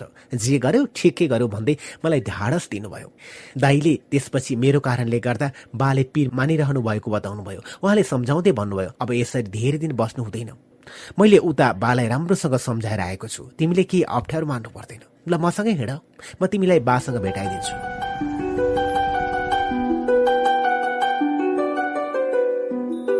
यो अप्रत्याशित कुरा सुनेर म एकैछिन अक्मकाएँ के गर्ने कसो गर्ने भयो। दाईले फेरि ल हिँड हिँड मैले तिमीलाई लिएरै आउँछु भनेर आएको छु भन्दै अड्डी कस्नुभयो। दाईले त हामीलाई भेटाउन भन्दै बालाई फसिके टोलमा लुकाएर राख्नु भएको रहेछ। उहाँले निर्धक्क भएर भन्नुभयो केही चिन्ता मान्नु पर्दैन ल हिँड। मैले पनि सोचेँ दाईले यसरी हिँड भनेको मौकामा दाईसँगै गएँ भने राम्रै हुन्छ। यसो दालाई म गएर आउँछु है त भनेर ईश्वर दाई र भाउजूसँग लुखुर लुखुर पछि पछि गएँ। मनमा डर लाजसँगै एकदमै अप्ठ्यारो पनि लागिरहेको थियो। बा फसिकेप्टोल स्थित ठुलीफुबु मोहन लक्ष्मी श्रेष्ठको घरमा बसिरहनु भएको थियो। दाई र भाउजू अघि अघि म पछि पछि हुँदै भर्याङबाट माथिल्लो तलामा उक्लियौँ। कोठामा बालाई देख्ने बित्तिकै मैले केही बोल्नै सकिनँ। केही बोल्ने आँट पनि आएन। बाले आँखाभरि आँसु पारेर मलाई हेर्नुभयो। बाको आँखामा आँसु देखेपछि मेरो आँखाबाट पनि बर्र आँसु झर्न थाल्यो। बाको मुख पनि बन्द थियो मेरो मुख पनि बन्द थियो। बाको मुख बन्द भए पनि उहाँका आँसु भरिएका दुई आँखाले मलाई हेरेर बेपकुफ वायात तँलाई मैले बच्चादेखि हुर्काएर बढाएर माया गरेर अझ आमाको भूमिका समेत आफैले निभाउँदै आएको कुरा सबै बिर्सिसकि तैँले? मेरो इच्छा विपरीत काम गर्दा चोट पुग्छ भन्ने कुरालाई कसरी व्यवस्था गर्न सकिस्? कस्तो छोरा होस् त? भनिरहनु भएको देखिन्थ्यो। मेरा आँखाहरूबाट पनि मैले बा के गर्नु? तपाईँको मन दुखाउनु परेकोमा म पनि दुखी नै छु। यसो र मेरो जात नमिलेका कारण मैले यस्तो गर्नु परेको हो। कृपया मलाई बुझिदिनुहोस्। मेरा बा म तपाईँलाई अत्यन्त आदर र माया गर्छु भनेर आँखाबाट व्यक्त गरिरहेको थिएँ। बाले आँसु पुस्दै आँखैबाट हेर त मेरो एक्लो छोरा मात्र नभइदिएको भए तेरो मुख पनि हेर्दिन थिएँ भनेको कुरा मैले देखिरहेको थिएँ। मैले पनि आँखैबाट बालाई भन्दै थिएँ जे भो भो मैले कुनै अपराध गरेको छैन बा। गल्ती नै गरेको रहेछु भने पनि क्षमा गरिदिनु होला जे भए पनि तपाईँ मेरो बा हुनुहुन्छ। म तपाईँको छोरा नै हो क्यारे? यसरी गम्भीर वातावरणमा केही बेरसम्म हामी बाबु छोरा बीच आँखा आँखाबाट मनका कुरा आदान प्रदान भइरहे। बाले आँखाबाट बोलिरहेको कुरा मैले आँखाबाटै सुनिरहेको थिएँ। मैले आँखाले जवाब दिएको कुरालाई पनि बाले आँखैबाट सुनिरहनु भएको थियो।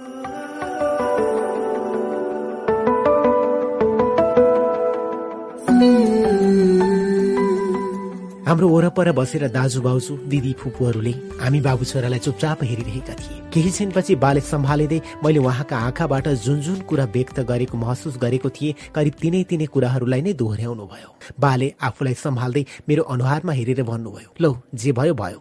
तैँले बिहे गरेर ल्याइहालिस्। अब यो विषयमा धेरै अल्मलिरहनु ठिक छैन। तिमीहरूले सूर्य बिना गएर आफू खुसी बिहे गरेर आयो। त्यत्तिको भरमा बुहारलाई लुसुक्क घरमा भित्राउन मेरो मनले मान्दैन। म आफ्नो परम्परा अनुसार पुरोहित राखेर घर परिवार दाजुभाइ इष्टमित्र गुठियार सबैलाई निम्ता गरेर पुरै विधि पुर्याएर मात्र बुहारी भित्राउँछु बाको यस्तो कुरा सुनेर मेरो मन एकैछिनमा हलङ्ग भयो। कैयौँ दिनपछि मनमा गढेको खिल निकाले जस्तो भयो। बाले थप्नुभयो। अब यो काम जति सक्यो चाँडो पाँच सात दिनभित्रै गरिहाल्नुपर्छ। बाको पछिल्लो वाक्य सुनेपछि मेरो ढुङ्गा जस्तो मन पुवाख जस्तो हलौका भयो। दाई भाउजू फुपू दिदीहरू पनि औधी खुसी भए। मलाई भने कतिखेर गएर यशोदालाई भेटेर बाको कुरा सुनाउजै भयो? सायद यशोदा कोठामा एक्लै बसेर आत्तिँदै बाबु छोराको बिचमा के के भइरहेको होला? न त अब त्यहाँ न्युरोडमा जान पाउँदैनस् भनेर मलाई बेसकन छेक्ने पो हो कि? भने जस्तो अनेकौँ कुरा सम्झेर पिरले छटपटाइरहेकी होलिन्। सबैसँग छुट्टिएर म फुपूको घरबाट दगुर्दै डेरामा पुगेँ र यशोदालाई बाको कुरा र भएको कुराको वृत्तान्त सबै सुनाए। यति चाँडै र सजिलै घरमा कुरा मिलेकोमा हामी दुवैजना हर्ष विभोर भयौँ। त्यसको भोलिपल्टदेखि नै परम्परागत बिहेका लागि आवश्यक तयारी सुरु भयो। बिहेको निमन्त्रणा कार्डका लागि बाले नमुना तयार पार्नुभयो। त्यसमा उहाँले लेख्नु भएको थियो श्रीमान श्रीमती डडडडका समीपमा मेरो सुपुत्र श्री मदन कृष्ण श्रेष्ठको यशोदा मैयासँग हुने शुभ विवाहमा वरवधुलाई आशीर्वाद दिन पाल्नुहोला। प्रार्थी रामकृष्णलाल श्रेष्ठ।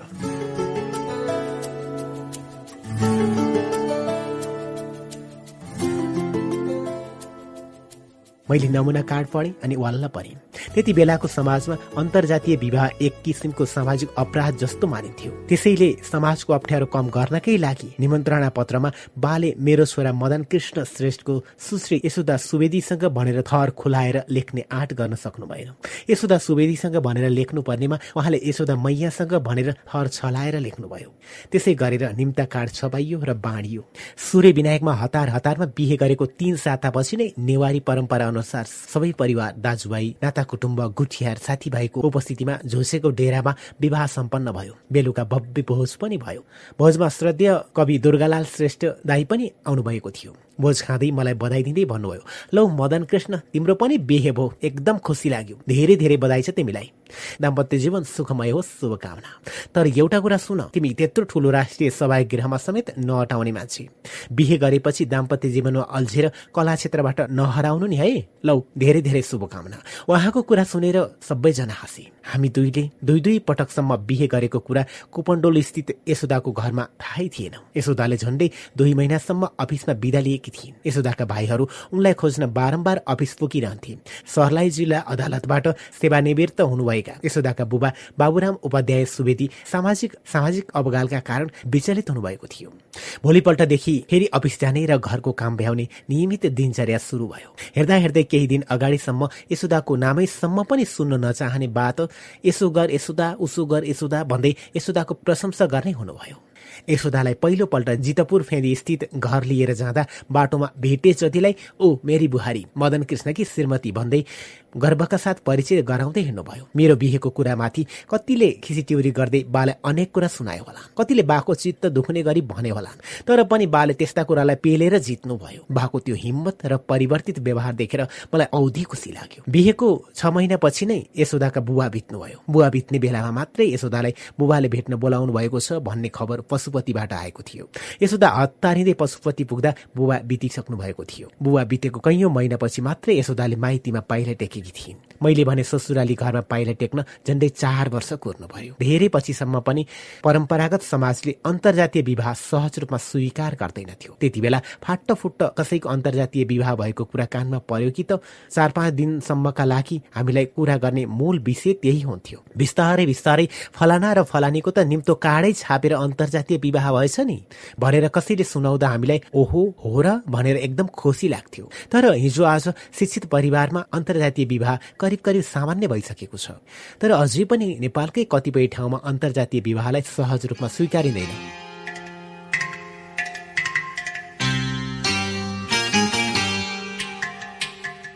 केही समयपछि कताबाट हो कुन्ने? मदन कृष्णका त दुईवटी श्रीमती छन् नि भनेर यशोदाका माइतीतिर हल्ला चल्न थालेछ। एक त अन्तर्जातीय विवाहको अप्ठ्यारो त्यसमाथि जेठी श्रीमती पनि छ अरे भन्ने हल्लाले माइतीतिरकालाई पिरमाथि कति पिर पर्यो होला। पछि बुझ्दै जाँदा पो थाहा भयो यशोदासँग सूर्य विनायकमा पहिलोपल्ट र परम्परागत रूपमा घरमै दोस्रो पल्ट फेरि बिहे भएको कुरालाई उल्टो पाल्टो पारेर कोही कोहीले मेरो दुईजनासँग बिहे भएको हल्ला चलाएका रहेछन्।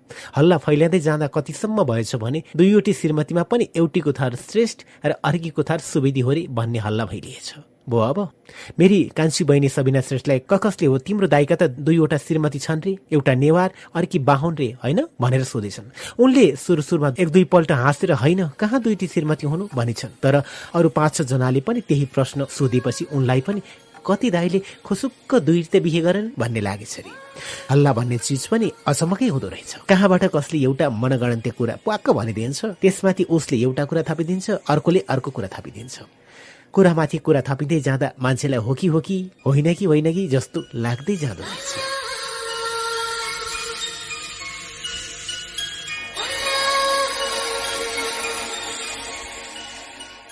हजुर हामी कार्यक्रम कृति बगलको आजको भागको अन्त्यमा छौँ। यानि कि महको मको आठौँ भागको अन्त्यमा छौँ। आजको भागमा हामीले मदन कृष्ण श्रेष्ठको प्रेमको थालनी र त्यसलाई औपचारिकता दिने काम यानि कि वैवाहिक सम्बन्धको कुरा सुन्न पाएका छौँ। अब आगामी भागमा के होला त? धौलागिरी एफएम अन्ठानब्बे दशमलव छ मेगाहज बागलुङबाट उत्पादन भई धौलागिरी एफएम र पञ्चासे एफएम एक सय दुई दशमलव आठ मेगाहज पर्वतबाट हरेक शनिबार बेलुका नौ तिसदेखि दस बजेसम्म प्रसारण भइरहेको यो कार्यक्रमलाई हामीले युट्युबमा समेत सर्च गरेर हेर्न सक्छौ। हुन्छ त अर्को भागमा बाँकी कुरा पढ्नका लागि आउनेछौँ। प्रविधिबाट सघाउने कृष्ण संयोग र दिनेश विकल्पप्रति आभार व्यक्त गर्दै पवन खड्का पनि आजको भागबाट बिदा माग्छु। नमस्कार।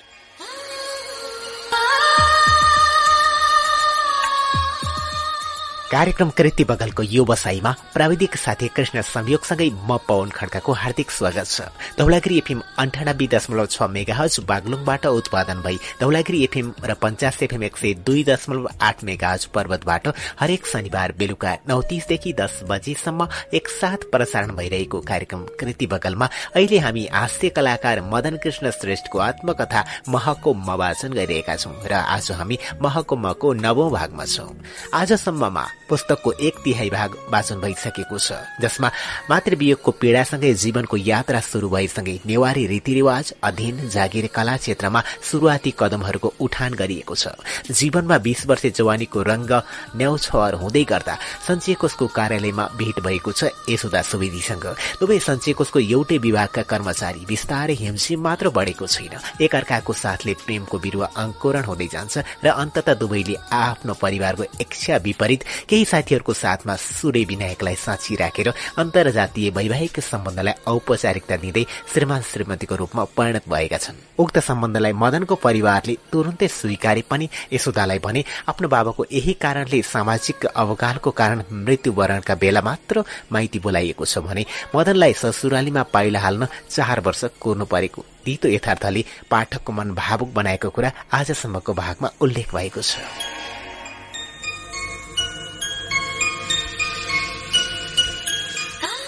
हुन्छ त। सुरु गरौं। आजको भाग पेज नम्बर छयानब्बेदेखि अगाडि।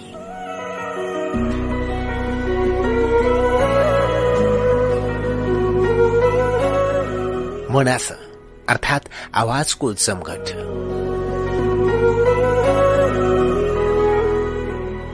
हामी युवा छँदा सूचना संचार र मनोरञ्जनका लागि अत्यन्त लोकप्रिय र सशक्त माध्यम बन्नु रेडियो नेपाल नै थियो। त्यस्ताका न कुनै एफएम स्टेशनहरू थिए न कुनै टेलिभिजन स्टेशन नै। रेडियो बज्दा रेडियोभित्र ससाना मानिस होलान् र तिनीहरूले नै बोलेको हुनुपर्छ भनेर कल्पना गर्ने समयमा टेलिभिजन त झन कल्पना बाहिरको कुरा थियो। यही लोकप्रिय रेडियो नेपालबाट हरेक दिन बिहान नेपाल भाषामा समाचार र प्रत्येक मंगलबार बिहान जीवन दबु अर्थात जीवन डबली नामक नेपाल भाषाको कार्यक्रम प्रसारण हुन्थ्यो। त्यसताका सबैको घरमा रेडियो हुँदैनथ्यो अलि ठूलो आवाजमा रेडियोबाट मिठो गीत घन्काउँदा रेडियो भएका घरहरूका मान्छेहरूले नाकै घेरौला जत्रो पार्थे नेवारी सभ्यताका बाह्र मासे धुनहरू बिहान बिहान रेडियोबाट घन्किँदा काठमाडौँका टोल तथा गल्लीको वातावरण नै रमणीय हुन्थ्यो। रेडियोबाट कहिले ओलीको धुन बज्थे कहिले मालाश्री धुन बज्थ्यो त कहिले गोला धुन गुन्जन्थ्यो।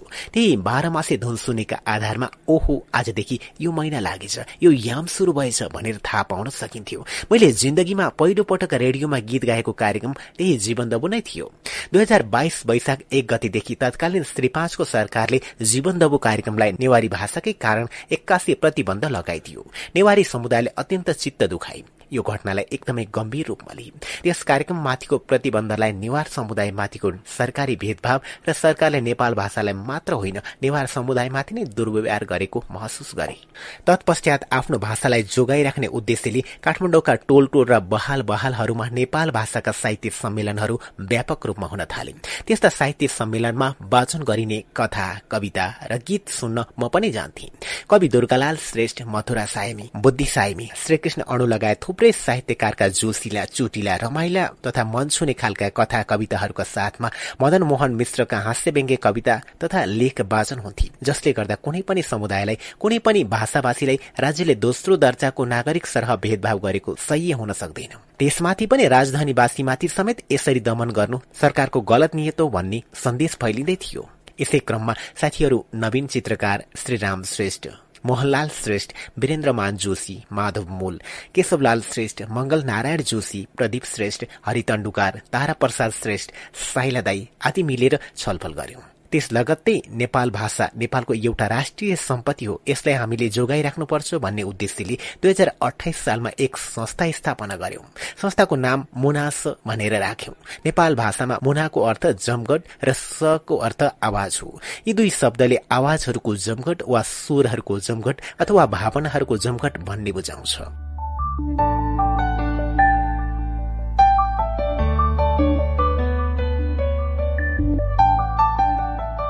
शुरूआती दिनमा म संस्थाको सदस्य मात्रै थिएँ। दोस्रो कार्यकालमा भने म सचिव भए। मुनासको अर्थलाई अझ स्पष्ट पार्ने गरी डिजाइनर एवं साहित्यकार साथी मंगल नारायण जोशीले लोगो बनाउने जिम्मा लिए। उनले आवाजकै प्रतीकका रूपमा एउटा चिटिक्क परेको कलात्मक घण्टा भएको लोगो बनाइदिए जसले संस्थाको नामलाई अझ स्पष्ट र सुन्दर बनायो।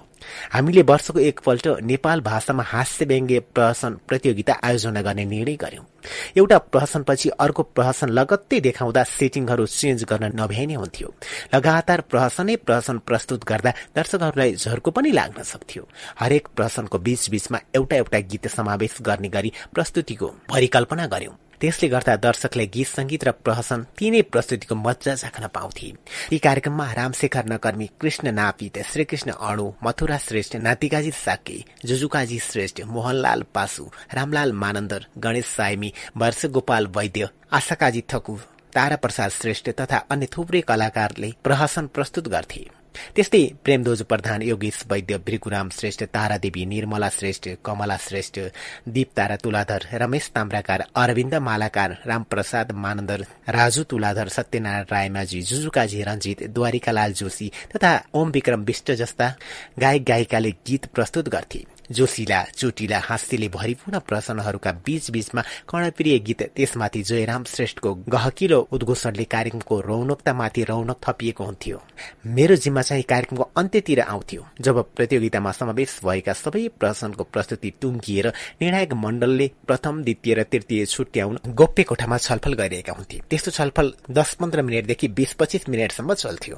त्यतिन्जेल रमाइला रमाइला गीत विभिन्न ठट्टोला चुटकिला र आफैले लेखेका विभिन्न मुक्तक सुनाएर दर्शकलाई मनोरञ्जन दिएर अल्मल्याउने काम म गर्थे।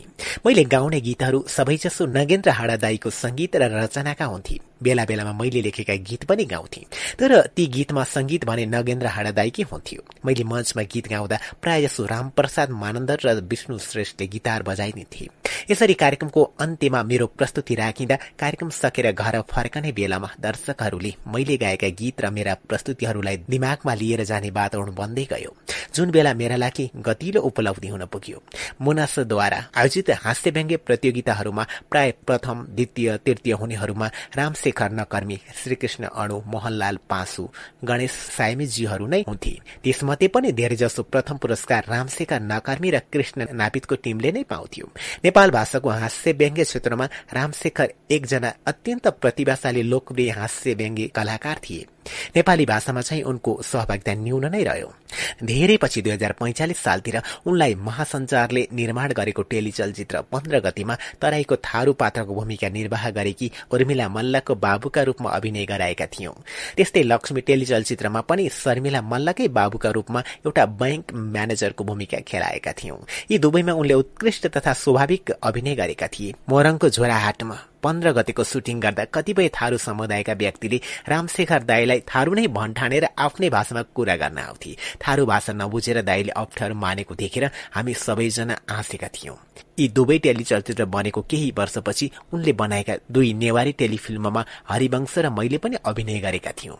रामशेखर नकर्मी र श्रीकृष्ण अणुहरूले नेपाल भाषामा गर्ने व्यङ्ग्यहरू पञ्चायत कालमा एकदमै कडा हुन्थे। हुन त दरबार र व्यवस्थालाई व्यङ्ग्य गर्न नपाइने त्यस समयमा सबैका प्रस्तुति एक से एक कडा नै हुन्थे।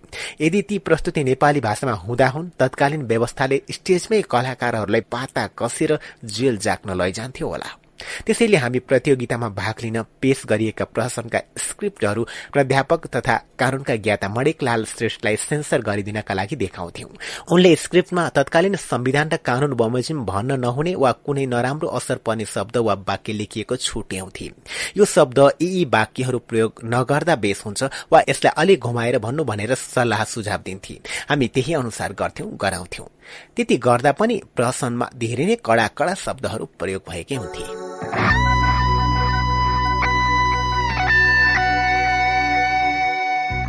त्यस्तै प्रश्नहरूमा जतिसुकै कडा व्यङ्ग्य भए पनि नेपाल भाषामा प्रस्तुति हुनाले तत्कालीन अञ्चलाधीश र सिडिओहरूले बुझ्दैनथे मुनासका ती कार्यक्रम हेर्न अञ्चलाधीश कार्यालयले नेवार समुदायका कर्मचारी पठाउँथे प्रश्नहरूमा पञ्चायत व्यवस्था विरूद्ध बोलिएका कुरा र दरबार विरूद्ध बोलिएका कुरा तिनले राम्रोसँग बुझ्थे तर ती कुराहरूलाई उनीहरूले अञ्चलाधीश र सहायक अञ्चलाधीशसम्म पनि पुर्याइदिँदैनथे पुर्याए पनि हामीलाई अप्ठ्यारो नपर्ने गरी बताइदिन्थे मतलब ती कर्मचारी पनि अञ्चलाधीश कार्यालय भन्दा आफ्नै समुदायप्रति वफादार बनिदिन्थे। यदि ती कर्मचारी त्यसरी समुदायप्रति वफादार नबनिदिएका भए मुनासका हामी सबै सदस्यले ठूलै सजाय भोग्नुपर्ने थियो होला। एकपटक मुनासाको कार्यक्रम उद्घाटन गर्न मुख्य अतिथिका रूपमा प्रज्ञा प्रतिष्ठानका तत्कालीन सदस्य सचिव सत्यमोहन जोशी दाईलाई निम्ता दिएका थियौं।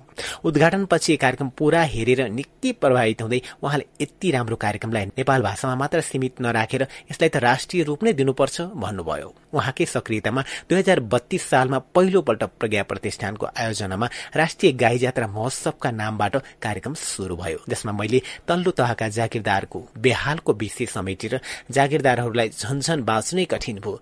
गरिबीको अग्लो खम्बा ढाल्नै कठिन भयो। बोलको हास्यव्यङ्ग्य गीत लेखेर गाए। यसरी आयोजना गरिएको कार्यक्रममा तत्कालीन राजा र रानी प्रमुख अतिथि हुन्थे जसले गर्दा कार्यक्रम निकै रोचक र भव्य हुन्थ्यो। व्यङ्ग्यात्मक कार्यक्रमकै कारण सत्यमोहन जोशीसँग तत्कालीन राजदरबारले अनेक प्रश्न गरेको थियो। तर दरबार रिसाउँदा पनि उहाँले आफ्नो अडान छोड्नु भएन र त्यसपछिका प्रत्येक वर्षमा गाई जात्रा महोत्सव भइरह्यो।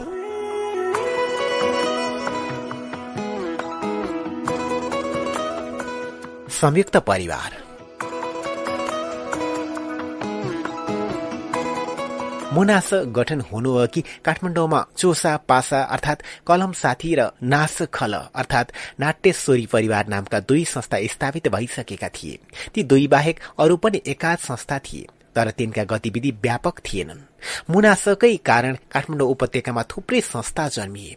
हामीले हास्य व्यङ्ग्य प्रतियोगितामा भाग लिन चाहनेहरूका लागि एउटा छुट्टै नियम बनाएका थियौं। त्यो के भने प्रतियोगितामा कलाकारले व्यक्तिगत रूपमा भाग लिन नपाइने। यदि भाग लिनु नै छ भने कुनै एउटा संस्था मार्फत मात्र आउनुपर्ने या त कुनै नयाँ संस्था नै खडा गरेर त्यसै मार्फत मात्र भाग लिन पाइने। यस्तो बाध्यात्मक नियम बनाएपछि कलाकारहरूले सात आठजना साथी बडुलेर लिएर आउँथे र तिनै साथीहरूलाई देखाउँदै हाम्रो संस्थाको नाम यो हो फलानु अध्यक्ष फलानु उपाध्यक्ष ऊ कोषाध्यक्ष म सचिव फलानु फलानु चाहिँ सदस्यहरू हुन् र कलाकारहरू पनि हामी हामी नै हौ भन्दै विभिन्न प्रहसन लिएर प्रतियोगितामा भाग लिन आउन थाले। हेर्दा हेर्दै तीन चार वर्षभित्रै प्रतियोगितामा भाग लिने रहरै रहरले काठमाडौँ उपत्यकामा ल्यामो पुछ इमो पुछ नास पुछ सुकुन्दा खल लुमन्ती खल तुवारीबा क्लब जस्ता संस्था जन्मिए। कसैले त अझ आफ्नो क्लबको नाम सिपिन्दा खल पनि राखी जबकि सिपिन्दा शब्दको नेपाल भाषामा कुनै अर्थ नै छैन। यसरी किसिम किसिमका नाम राख्दै अस्थायी रूपमा भए पनि सयौं संस्थाको जन्म भयो। त्यसरी जन्मिएका कुनै पनि संस्था जिल्ला प्रशासन कार्यालय स्टुडियोमा विधिवत रूपमा दर्ता थिएनन्। नेपाल भाषालाई भेदभावपूर्ण व्यवहार गरिने कारणले नै दर्ता हुने सम्भावना पनि थिएन। तैपनि दर्ता गरिन्छ कि भन्ने आशामा गएकाहरूलाई पनि सिडिओ कार्यालयले अपमान गरेर फर्काइदिन्थ्यो। यही कारणले अरू संस्था जस्तै मोनास पनि विधिवत रूपमा सरकारी कार्यालयमा दर्ता थिएन।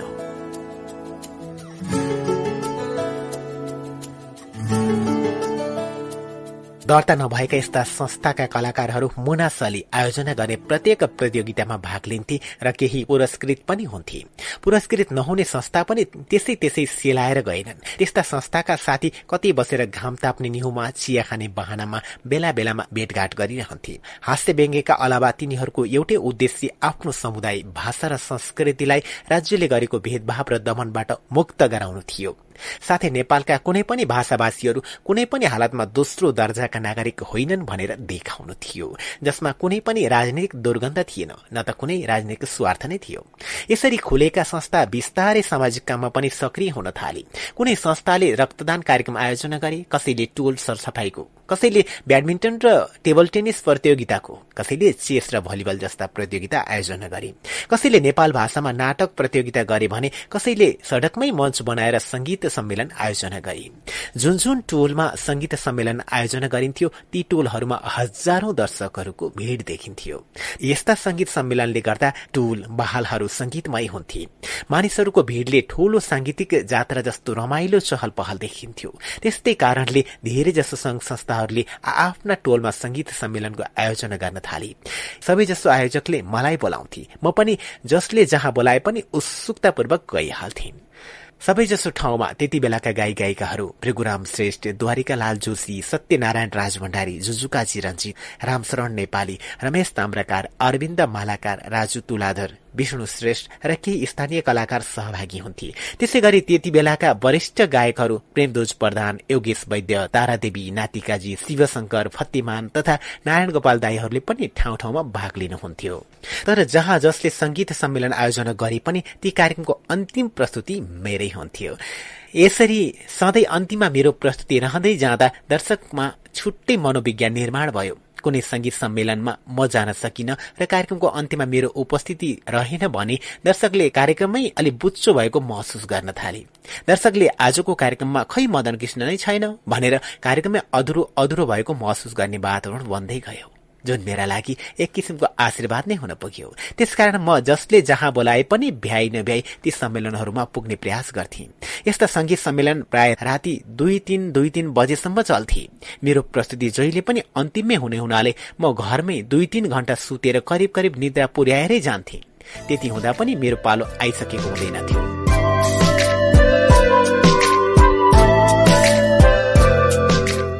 एकपटक क्षेत्रपाटीमा संगीत सम्मेलन भइरहेको थियो। रातको एक बजिसकेको थियो। दुईजना फुच्चे केटा पनि मेरो नजिकै उभिएर कार्यक्रम हेर्दै थिए। तिनीहरू दुवैले मलाई देखेका थिएनन्। एउटा फुच्चेले अर्को फुच्चेलाई भन्यो ए रातको एक बजिसक्यो। घर जाउँ अबिर हिँड। अर्को फुच्चेले जवाब फर्कायो पर्ख न मदन कृष्णको गीत एउटा सुनेर जाउँ। करिब आधा घण्टापछि फेरि त्यही फुच्चेले अलि छटपटिँदै ए जाउँ न जाउँ हिँड। साढे एक बजिसक्यो। धेरै अबेर भो भन्दै हात समातेर तान्न लाग्यो।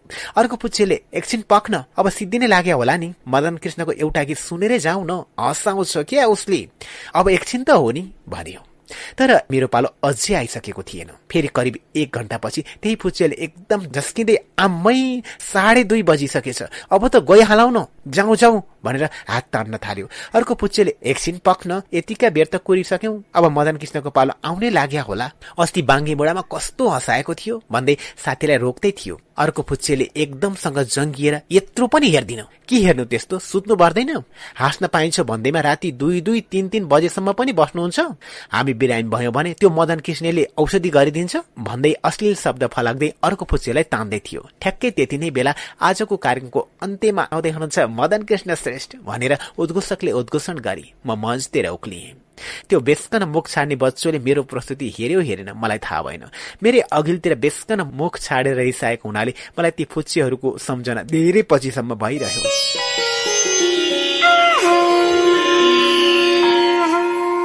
यसै गरी एकपल्ट पाटन मंगल बजारको कृष्ण मन्दिरको डबलीमा राति भव्य संगीत सम्मेलन भइरहेको थियो। हजारौं दर्शकको भिड थियो। म रातको झण्डै साढे बाह्र बजीतिर त्यहाँ पुगेको थिएँ। मलाई देख्ने बित्तिकै आयोजक मध्येका दस बाह्र जना उठी र खुसी हुँदै हात मिलाउन आए। मलाई देखेर उनीहरू यति खुसी भए कि मलाई उनीहरूले बोकौँ कि ठोकौँ छोइराखौँ कि अङ्गालो मारिराखौँ कसरी स्वागत गरौँ के गरेर सत्कार गरौँ जस्तो गरे। मानौ मलाई त देवतै आए जस्तो देवताले देखिहाले पनि ईर्ष्या गर्लान् जस्तो गरे। त्यसरी म प्रति माया र सत्कार बर्सिरहेको ठाउँमा एकजना कहिले नसिनेको चस्मा लगाएको मोटी मोटी मान्छे मेरो नजिकै आयो। मलाई एकदमसँग मुख छाडेर भन्यो ए मामा मदन कृष्ण त मामा नआउने हो कि भनेर कस्तो पीर लागिरहेको थियो। मामा तँ त आइपुगिस। त मलाई देख्ने बित्तिकै मलाई त मामा कस्तो खुसी लाग्यो। आइज त यहाँ मेचमा बस। उसले मेरो मुख हेर्दै बेसकन मुख छाड्दै भन्यो मामा कस्तो हिस्सी परेको त। मामा तेरो गाला एकपल्ट समातो है।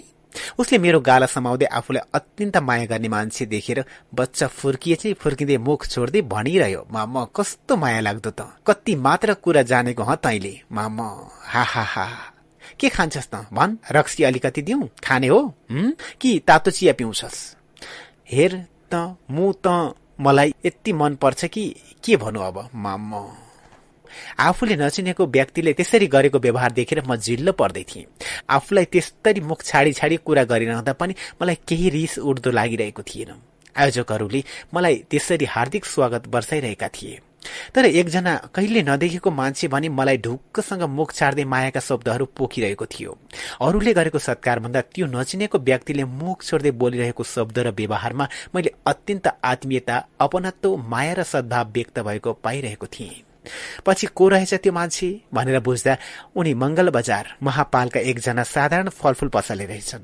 उनको नाम नारायण श्रेष्ठ रहेछ उनलाई नारायण दाई भनेर धेरैले चिन्दा रहेछन्। उनको आत्मीय व्यवहार र हिस्सी परेको अनुहार मेरो दिमागमा गढेर बसेको थियो। एकपल्ट उनको छोराले बाटामा भेटेर नमस्ते मदन दाई मेरो नाम नरेश म नारायण दाईको छोरा। मेरो बालाई चिन्नुहुन्छ नि होइन? भन्यो। मैले भने धेरैपल्ट भेटेको त छैन तर म राम्रोसँग चिन्छु। नरेशले अविश्वास गर्दै भन्यो होइन होला तपाईँले मेरो बालाई नचिने पनि चिनेको छु भनिदिनु भएको होला। मैले कागज र कलम लिएर तत्कालै एउटा चित्र कोरेर देखाएर भने यस्तो अनुहार थियो होइन? तपाईँको बाको? मैले कोरेको चित्र हेरेर दङ्ग पर्दै उनले भने ओहो तपाईँले त मेरो बाको अनुहार ठ्याक्कै निकालिदिनु भयो मेरा बाले तपाईँले पक्कै चिन्नु भएको रहेछ।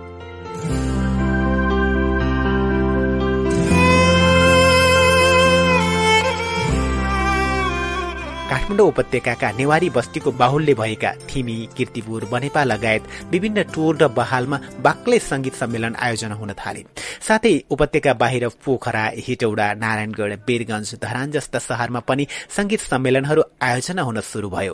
म काठमाडौँ बाहिरका ती शहरमा हुने सम्मेलनमा पनि भाग लिन जान्थे हामीले मुनास मार्फत प्रत्येक वर्ष हास्य व्यङ्ग्य प्रतियोगिताहरू बढ़ाउँदै लग्यौं। यी प्रतियोगितामा भाग लिन नयाँ नयाँ संघ संस्था र क्लबको संख्या पनि बढ़दै गई केही वर्षमै काठमाडौँ उपत्यकामा मात्र नेपाल भाषाका संघ संस्था र क्लब यति जन्मिए कि तिनलाई व्यवस्थित गर्नकै लागि नै एउटा छात्र संगठनको आवश्यकता महसुस हुन थाल्यो।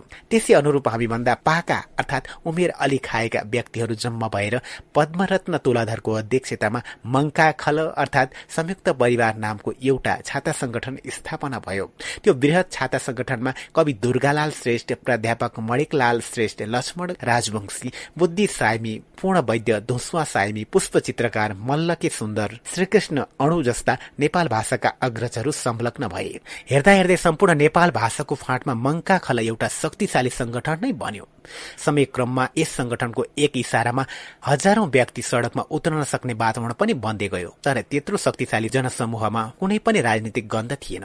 त्यो शक्ति केवल तिहारमा लक्ष्मी पूजाको भोलिपल्ट पर्ने नेपाल सम्बतको नयाँ वर्षमा हजारौं हजारको संख्यामा मोटरसाइकल चढेर न्युदमा बिन्तुना अर्थात नयाँ वर्षको शुभकामना भनेर नारा लगाउँदै र सम्पूर्ण नेपालीहरूलाई शुभकामना बाँड्दै नगर परिक्रमा गर्ने क्रममा सक्रिय भइरह्यो।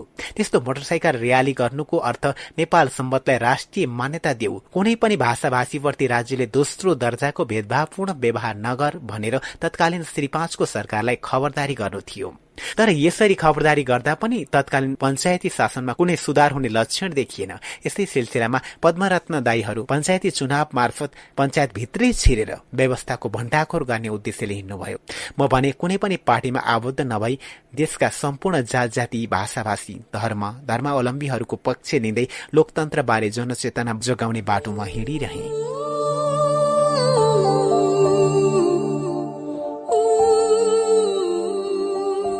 तब म क्लिक भएँ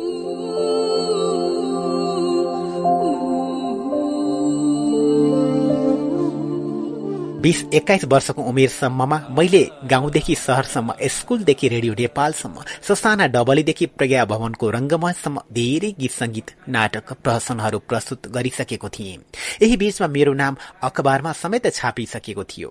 प्रतियोगिताहरूमा भाग लिएर केही प्रथम पुरस्कार पनि जितिसकेको थिएँ। मैले गाएका गीत सुन्न रेडियो नेपालमा श्रोताहरूको फरमाइस पनि आइरहेको हुन्थ्यो। त्यसैले हजारौं मानिसमाझ मेरो अलिकति पहिचान बनिसकेको थियो। तर यति हुँदैमा म कला क्षेत्रमा स्थापित भएको अनुभूति चाहिँ पटक्कै हुँदैनथ्यो खालि रहरै रहरमा यताबाट उता उताबाट उता दगुरा दगुर गरिरहेको मात्र महसुस हुन्थ्यो। गोपाल योजनका गीतहरूबाट नारायण गोपाल क्लिक भए चाहिँ दुर्गालाल श्रेष्ठज्यूको शब्द र न्यू वज्राचार्यको संगीतमा रहेको फूलको आँखामा फूलै संसार गीतबाट आने स्विङ डोलमा क्लिक भए चाहिँ नगेन्द्र हाडा दाईको शब्द तथा संगीतमा नेवारी गीत गाएर म क्लिक भएको थिएँ। त्यसकारण म नगेन्द्र दाईलाई आफ्नो संगीतको गुरु मान्ने गर्छु। जबसम्म आफूमा भएको खोबी र आफ्नो रहर बमोजिम पाइला सही बाटोमा पर्दैनन् तबसम्म हिँडाइले गति लिन सक्दैन।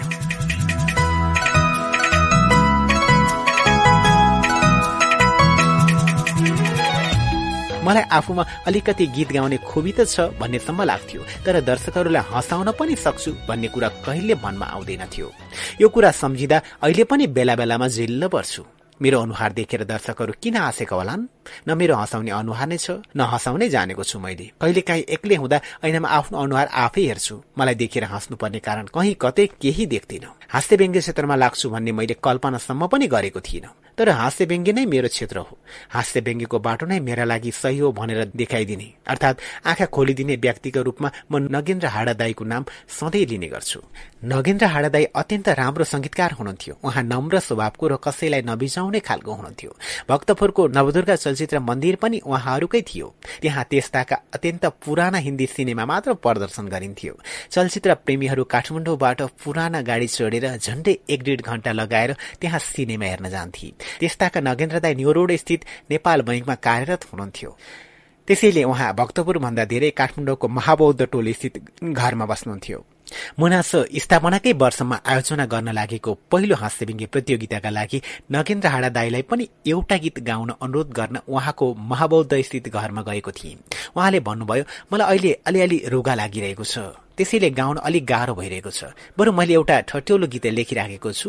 तिमीले एक दुई ठाउँमा क्यारिकेचर पनि गरेको देखाएको थिएँ। त्यसैले यो गीत मैले भन्दा तिमीले नै गायो भने राम्रो हुन्छ। फेरि तिम्रो अहिलेसम्म बिहे पनि भएको छैन। त्यसैले यो गीत म भन्दा तिमीलाई नै बढी सुहाउँछ। उहाँका कुरा सुनेर म छक्क परे। बिहे नभएको मान्छेलाई सुहाउने भनेपछि कस्तो गीत होला भनेर बडो कौतूहल लाग्यो। गीतका शब्द रमाइला थिए। मरु गेने धोया देगले गजु मरु। जी छेमेस्या आतक्क नम कला मरु। जसको अर्थ काठमाडौँ गणेशको मन्दिरमा गजुर छैन। मेरो पनि अहिलेसम्म सुहास्नी छैन भन्ने हुन्छ। यो शब्द साँच्चीकै ठट्यौलो र सांस्कृतिक पनि थियो। अन्तत नगेन्द्र दाईकै सल्लाहमा राष्ट्रिय सभागृहको हलमा भएको कार्यक्रममा मैले यो गीत गाएँ। एक त संस्कृति झल्किने गीत त्यसमाथि नगेन्द्र दाईले दिएको सल्लाह। उहाँकै सल्लाह बमोजिम दर्शकको सामु दुखी अनुहार बनाएर भने संसारका मानिसहरूलाई विभिन्न खालका दुःख हुन्छन्। कसैलाई पैसा नभएर दुःख छ कसैलाई घर नभएर दुःख। कसैलाई जग्गा नभएर दुःख त कसैलाई सन्चो नभएर दुःख। यसै गरी मेरो पनि एउटा ठूलो दुःखको कुरा छ। म यहाँहरूलाई मेरो त्यही दुःखको गीत सुनाउँदैछु। यति भनेर अनुहार पनि दुखी नै बनाएर करोड रसको लयमा गीत गाए। एकछिन त दर्शकहरू पनि मैले साँच्चीकै गहिरो दुःखकै गीत गाउन लाग्यो होला भन्ठानेर एकदमै गम्भीर भएर सुन्दै थिए। तर दुःख त दुःख अरू दुःख होइन। स्वास्नी नपाएर पो मलाई दुःख भएको रहेछ भन्ने बुझेर दर्शकहरू एकपल्ट गलल्ल हाँसे। यस्तरी हाँसे कि हलमा हाँसोको विस्फोटै भयो। त्यही हाँसोको विस्फोट नै मेरो हास्य व्यङ्ग्य यात्राका लागि एउटा गहकिलो प्रेरणाको स्रोत बन्यो। अर्थात् म त्यही गीतबाट हास्य व्यङ्ग्य क्षेत्रमा सधैँका लागि क्लिक भएँ।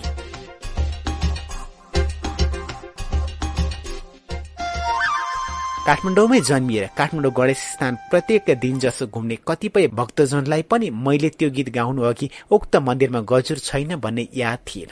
त्यसो त म आफैलाई पनि यो कुरा याद थिएन। एउटा किम्बदन्ती अनुसार काठमाडौँ गणेश जसलाई अशोक विनायक पनि भनिन्छ यो मन्दिर बनाउँदा यसको गजुरको टुप्पोले माथि आकाशसम्म छोएको हुनुपर्छ भनिएको रहेछ। तर उक्त कुरा सम्भवै नभएकाले त्यस मन्दिरमा गजुरै नराखी त्यसै छाडिएको हो। मैले गाएको गीत सुनेर कतिपय साथी काठमाडौँ गणेश स्थानको मन्दिरमा गजुर छ कि छैन भनेर हेर्न गएछन्। ती साथीले दङ्ग परेर सुनाउँथे। साँच्चीकै गजुर त नभएकै हो रहेछ। त्यसपछि नगेन्द्र हाडा दाई र मेरो साङ्गीतिक टिम नै बन्यो। केही गीत मैले पनि लेखेँ। केही गीत उहाँले पनि लेख्नुभयो। तर मैले गाएका ती सबै गीतमा संगीत चाहिँ उहाँकै हुन्थ्यो। उहाँको संगीतमा मैले धेरै नेवारी गीत गाएँ। जति गाएँ सबै गीत नेवारी समुदायमा लोकप्रिय नै भए। उहाँको संगीतमा गीत गाउँदा मेरो मन यति ढुक्क र बलियो हुन्थ्यो कि संसारमा जतिसुकै मै हुँ भन्ने गायकलाई मैले जित्न सकुला या नसकुला तर म आफ्नो स्थानमा काम गरेरै आउँछु भन्ने एक किसिमको आत्मविश्वास बन्थ्यो।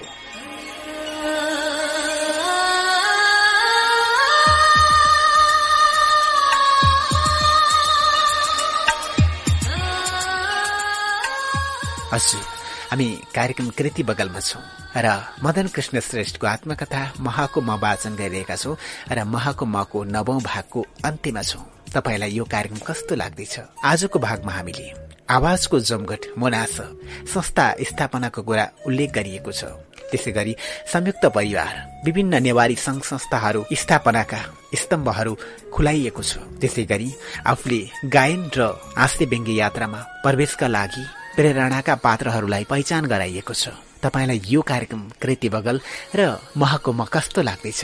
कृपया प्रतिक्रिया दिन नछुट्नुहोला। अब भने कार्यक्रमबाट छुट्नुपर्ने बेला भइसकेको छ। अर्को बसाईमा बाँकी भाग लिएर आउनुपर्छ। प्रविधिबाट सघाउने कृष्ण संयोगप्रति आभार व्यक्त गर्दै म पवन खड्का पनि विदा माग्छु। नमस्कार। कार्यक्रम कृति बगलको यो बसाईमा प्राविधिक साथी कृष्ण संयोगसँगै म पवन खड्काको हार्दिक स्वागत छ। धौलागिरी एफएम अन्ठानब्बे दशमलव छ मेगाहज बागलुङबाट उत्पादन भई धौलागिरी एफएम र पञ्चास एफएम एक सय दुई दशमलव आठ मेगाहज पर्वतबाट हरेक शनिबार बेलुका नौ तिसदेखि दस बजीसम्म एकसाथ प्रसारण भइरहेको कार्यक्रम कृति बगलमा अहिले हामी हास्य कलाकार मदन कृष्ण श्रेष्ठको आत्मकथा महको म वाचन गरिरहेका छौँ र आज महको मको दशौं भागमा छौँ।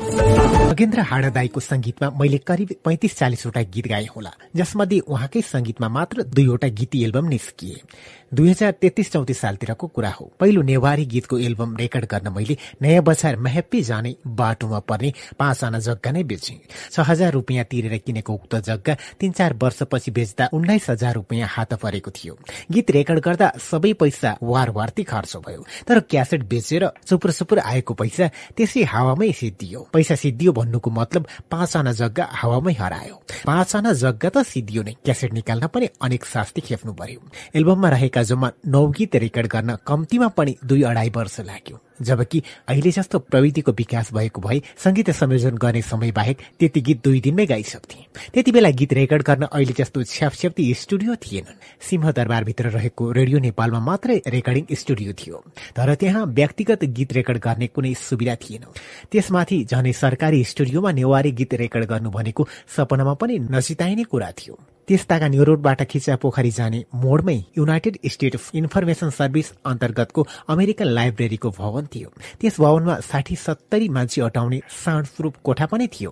त्यहाँ बेला बेलामा अङ्ग्रेजी वृत्तचित्र देखाइन्थ्यो। त्यस्ता वृत्तचित्र हेर्न पाँच सात पटक म पनि त्यहाँ पुगेको थिएँ। वरिष्ठ गायक प्रेमदोज प्रधान दाई त्यहाँ कार्यरत हुनुहुन्थ्यो। पुरानो चिनाजानको विश्वासमा उहाँले मलाई गीत रेकर्ड गर्न त्यो कोठा सुटुक्क मिलाइदिनु भयो जहाँ विदाका दिन पारेर खुसुक्क मैले चारवटा गीत रेकर्ड गरेँ। तीनवटा गीत भने प्रज्ञा प्रतिष्ठानको रङ्गमञ्चमा पर्दा सर्दा बन्द गरेर रेकर्ड गरियो। प्रतिष्ठानमा आबद्ध सत्यमोहन जोशी विजय मल्ल र प्रचण्ड मल्ल दाईहरूले मेरो विशेष अनुरोधमा रेकर्ड गर्न प्रतिष्ठानको रङ्गमञ्च उपलब्ध गराइदिएका थिए। त्यहाँ पनि विदाकै दिन पारेर रेकर्डिङ गरियो। बाँकी गीत भने जमलस्थित राष्ट्रिय नाचघरको रङ्गमञ्चमै पर्दा बन्द गरेर रेकर्ड गरियो। एउटा गीत अझ साथी रिद्धि बहादुर बज्राचार्यको त्यो टोलमा रहेको घरको छिडीमा समेत गरियो। हल्ला र इको कन्ट्रोल गर्न छिडीको झ्याल र भित्ताहरूमा बोरा र अनेक कपडा ठोकियो। त्यति बेला एउटा गीत रेकर्डिङ गर्न सिङ्गै एक दिन लाग्यो। सधैँ चाहिँ त्यो दिन पनि म्युजिसियन साथीहरूलाई खुवाउन घरबाटै खाजा बनाएर लगेको थिएँ। रेकर्डिङको बीचमा घरबाट लगेको खाजा खाँदा र खुवाउँदा खुबै रमाइलो र मिठो लाग्थ्यो। ती गीत रेकर्डिङ गर्दा साउन्ड क्वालिटी राम्रो पार्न आफ्नै पैसाले माइक र साउन्ड मिक्सर पनि हङकङबाटै झिकाएको थिएँ। काठमाडौँको त्रिभुवन अन्तर्राष्ट्रिय विमानस्थलको भन्सारमा महिनौसम्म ती सामान अड्किएका थिए। कहिले नदेखेको र बेचल्तीको प्रविधि भएकै कारण भन्सारका अधिकारीले सामानको भन्सार मूल्य निर्धारण गर्न महिनौ लगाएका थिए। अनेक पटक धाएपछि बल्ल तल्ल भन्सारबाट सामान मुक्त गरे। यिनै नयाँ प्रविधिको सहयोगमा मैले कैयौँ गीत दोहोऱ्याएर पनि रेकर्ड गरेँ। सबै गीतको रेकर्डिङ गर्ने काम साथी नवीन चित्रकारले नै गरे। ललितपुरका डिजाइनर श्यामदास अशान्त बडो शान्त स्वभावका थिए। उनैले नेवारी संस्कृति झल्किने गरी क्यासेटको कभर डिजाइन गरिदिए। उक्त कभर ब्ल्याक एन्ड व्हाइट नभएर रङ्गिन नै छपाउने सल्लाह भयो। त्यस्ताकासम्म न नेपालमा गतिलो कलर प्रिन्ट प्रेस थियो न क्यासेटका कभर रङ्गिन नै छापिन्थे। कलर प्रिन्टका लागि हङकङ वा बैङ्कक जानुपर्ने हुन्थ्यो। हङकङमा कोसँग सहयोग लिने होला भनेर बुझ्दै जाँदा थाहा भयो। वरिष्ठ सरोदवादक मोहन सुन्दर श्रेष्ठका दाई कृष्ण सुन्दर श्रेष्ठ शाही नेपाल वायु सेवा निगमकै हङकङ शाखामा काम गर्नुहुँदो रहेछ। निगमको काठमाडौँ शाखामा काम गर्ने फुपाजु भरत बहादुर श्रेष्ठले हङकङमा कार्यरत कृष्ण सुन्दर दाईलाई मेरो कामको सहयोग गर्न अनुरोध गरिदिनु भयो महिनौ कोरेपछि हङकङबाट बल्ल क्यासेटको रङ्गीन कभर छापिएर आइपुग्यो। त्यस लगत्तै नेपाल भाषामा मैले गाएको पहिलो एल्बम बजारमा पुग्यो। क्यासेटको कभरमा लेखिएको थियो। साप हे युङ्की दाजु किजा तताङ के पिन्त। मदन कृष्ण श्रेष्ठ बो नगेन्द्र हडाया देछ। अर्थात् अत्यन्त मनपर्ने दाजुभाइ दिदीबहिनीहरूलाई मदन कृष्ण र नगेन्द्र हाडाको उपहार। कभरको मध्यभागमा श्यामदास अशान्तले कोरेको मेरो र नगेन्द्र दाईको रङ्गीन तस्विर पनि छापिएको थियो। जसले गर्दा सबै शीर्षकका कर्जा कट्टा गरी मसान्तमा तलब थाप्दा एक महिनामा कहिले पचास कहिले तीस त कहिले पाँच रुपियाँ मात्रै हात पर्थ्यो।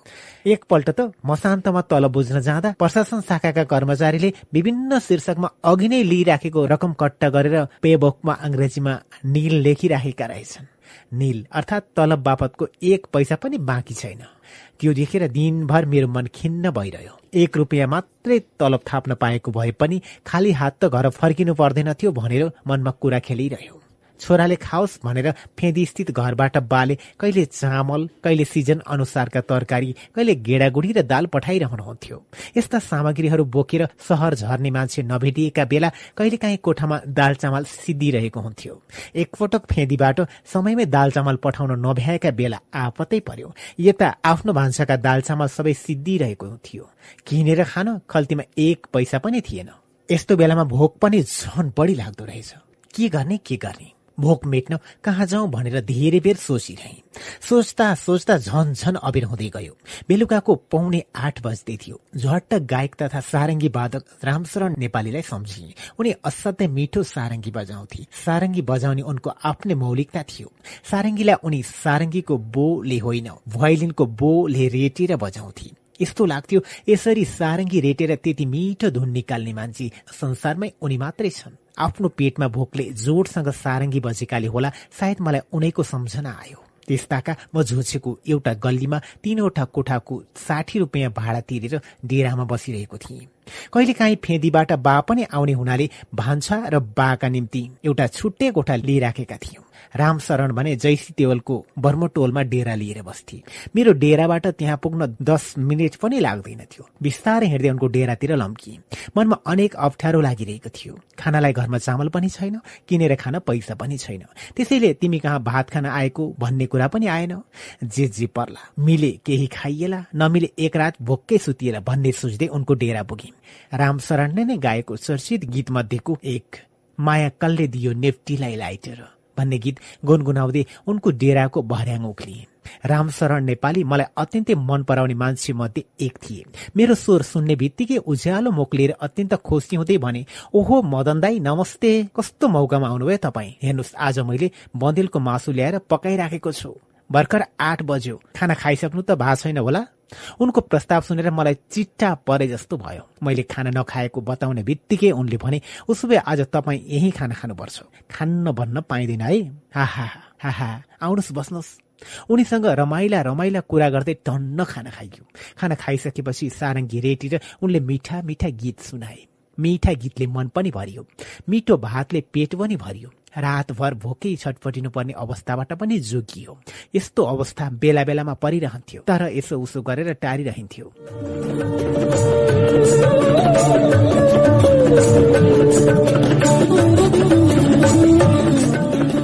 एकपल्ट कोठामा चामल सकिएको र किन्ने पैसा नभइरहेको मेरो अवस्था बुझेर झुसेको साथी उत्तम मानन्दरले आफ्नै घरबाट सुटुक्क एक पाती जति चामल ल्याइदिए। गाह्रो अवस्थाका दिन सम्झने क्रममा म उनलाई सधैँ याद गर्छु। यसरी आर्थिक अवस्था बिग्रिरहेको बेला गाह्रोमाथि झनै गाह्रो थपिँदै जाँदो रहेछ। यता आफ्नो यस्तो हालतका बेला उता फेरि बा बिरामी हुन थाल्नुभयो।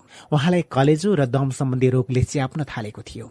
एकातिर पैसा नआउने अर्कोतिर खर्चको मात्रा बढ्ने अवस्था सृजना भयो। अफिसमा ओभरटाइम काम गरेर आउने धेर थोर पैसाले केही गर्न पुग्दैन थियो यहाँसम्म कि एकपटक अफिसकै एक साथी जयप्रकाश प्रधानसँग दस रुपियाँ साबटी लिएको थिए। त्यो दस रुपियाँ तिर्न ठ्याक्कै छ महिना लागेको थियो। तर ती साथी फुर्सदका बेला विदेशी पर्यटकलाई गाइडको काम गर्ने हुनाले उनको पर्समा पैसा खाली हुँदैन थियो यो महिना नभए अर्को महिनामा लिउँला नि। केही छैन यार भन्दै उनले मलाई सजिलो पारिदिन्थे। यसरी आर्थिक अभावमा महिना गुज्रिरहेपछि म पार्ट टाइम जबको सोधी खोजीमा भौतारिन थालेँ। एक दिन अफिसकै एक हाकिमले भने मदन कृष्णजी तपाईँलाई आज अफिस छुटेपछि एक दुई घण्टा फुर्सद छ? छ भने मसँग हिँड्नुहोस्। मेरो सानो घर दृष्टिबन्धकी गरेर दिन लागे। मेरा दाई वकिल हुनुहुन्छ। आफ्नो घराइसी कागज लेख्दा आफ्नै ह्यान्ड राइटिङ हुनु हुँदैन रे। त्यसैले मेरो दाईले जे जे लेख भन्नुहुन्छ। तपाईँले त्यही त्यही बेहोरा खुरो खुरो लेखिदिने काम हो। त्यस बापत तपाईँलाई बिस पच्चिस रुपियाँ ज्याला पनि आउँछ। एकछिन सोचेँ। जे जे भन्छन् त्यही त्यही लेखिदिएर बिस पच्चिस रुपियाँ पाइन्छ भने राम्रै हो भन्ठानेर म उनको पछि लागेँ। हाकिमको घर पुगेपछि उनका वकिल दाईले भने भाइ म जे जे भन्छु त्यही त्यही लेख्दै जानुहोस्। कमा फुल स्टप र शब्दको माथि कुनै टिका पनि नातानिकन जे जे भन्छु त्यही त्यही अक्षर मात्रै लेख्दै जानुहोस् है। मैले हवस् भनेर उनले जे जे भने त्यही त्यही मात्रै अक्षर मात्रै नेपाली कागजमा लेख्दै गए। यति नाले यति तले यति यति चार किल्लाभित्रको मेरो घर दृष्टिबन्धकी दिए बापत रु छ हजार लिएको होइन कुरा ठिक साँचो हो भनेर लेखे। तर त्यही आफैले लेखेर अक्षर आफैले खर्र पढ्दा त छ हजार लिएको होइन कुरा ठिक साँचो हो भनेर पो पढ्न पुगेछु। लेख्दा चाहिँ लिएको हो यिन कुरा ठिक साँचो। पढ्दा भने लिएको होइन कुरा ठिक साँचो हो ओहो म त एकदमै झस्किए अदालतमा कस्ता कस्ता शब्द प्रयोग हुँदा रहेछन् भनेर बुझेँ। कागज तयार पारिसकेपछि बिस रुपियाँ पारिश्रमिक लिएर घर फर्किए तर दुई तिन दिनसम्म पनि त्यही कुरा दिमागमा घुमिरह्यो। कता कता लेख्न नहुने कुरा मेरो हातबाट लेखाइयो कि पछि गाल पर्ने हो कि भनेर मनमा कुरा खेलिरहे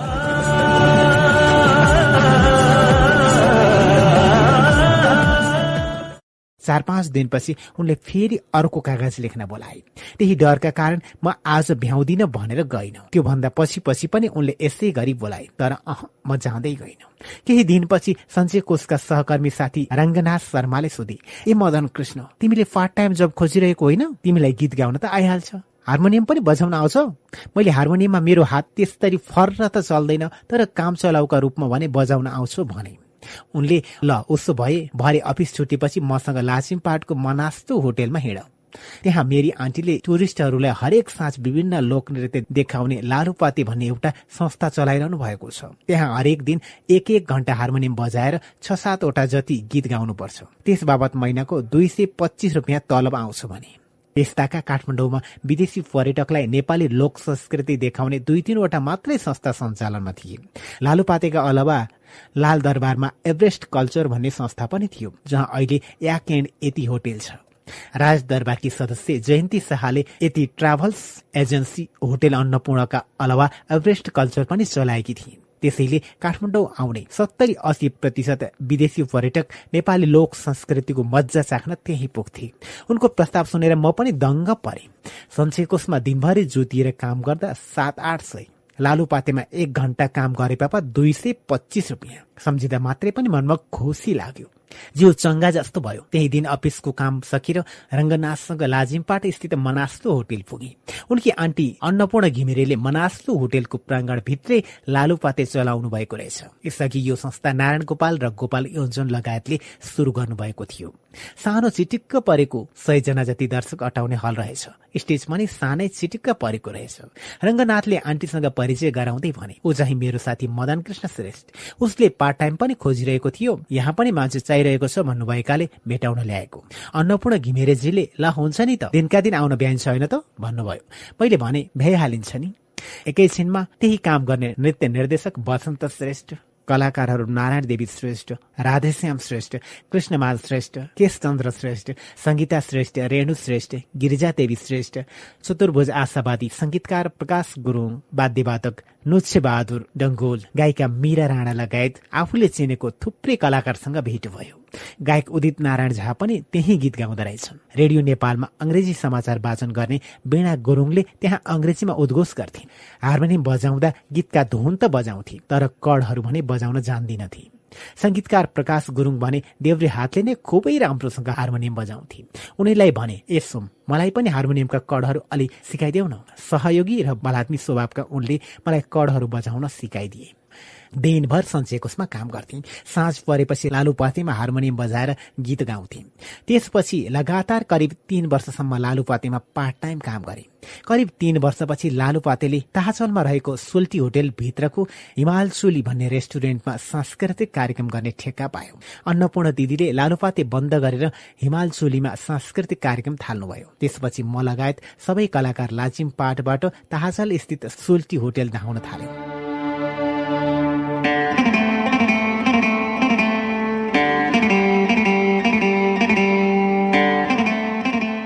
मीरा राणा उदित नारायण झा र म त्यहाँ गीत गाउँथ्यौं। त्यस्तै डेढ दुई वर्षपछि अन्नपूर्ण दिदीले हिमालचुली चलाउन थाल्नुभयो। त्यसपछि सांस्कृतिक कार्यक्रम चलाउने ठेक्का गायिका मेरा राणाले दिइन्। मेराका श्रीमान उदय जङ्ग राणा सञ्चय कोषमा मेरा सहकर्मी थिए। त्यसैले पनि मैले आफ्नो काम जारी राखेँ। राति सात बजेबाट सुरु हुने सांस्कृतिक कार्यक्रम राति नौ बजेसम्म चल्थ्यो।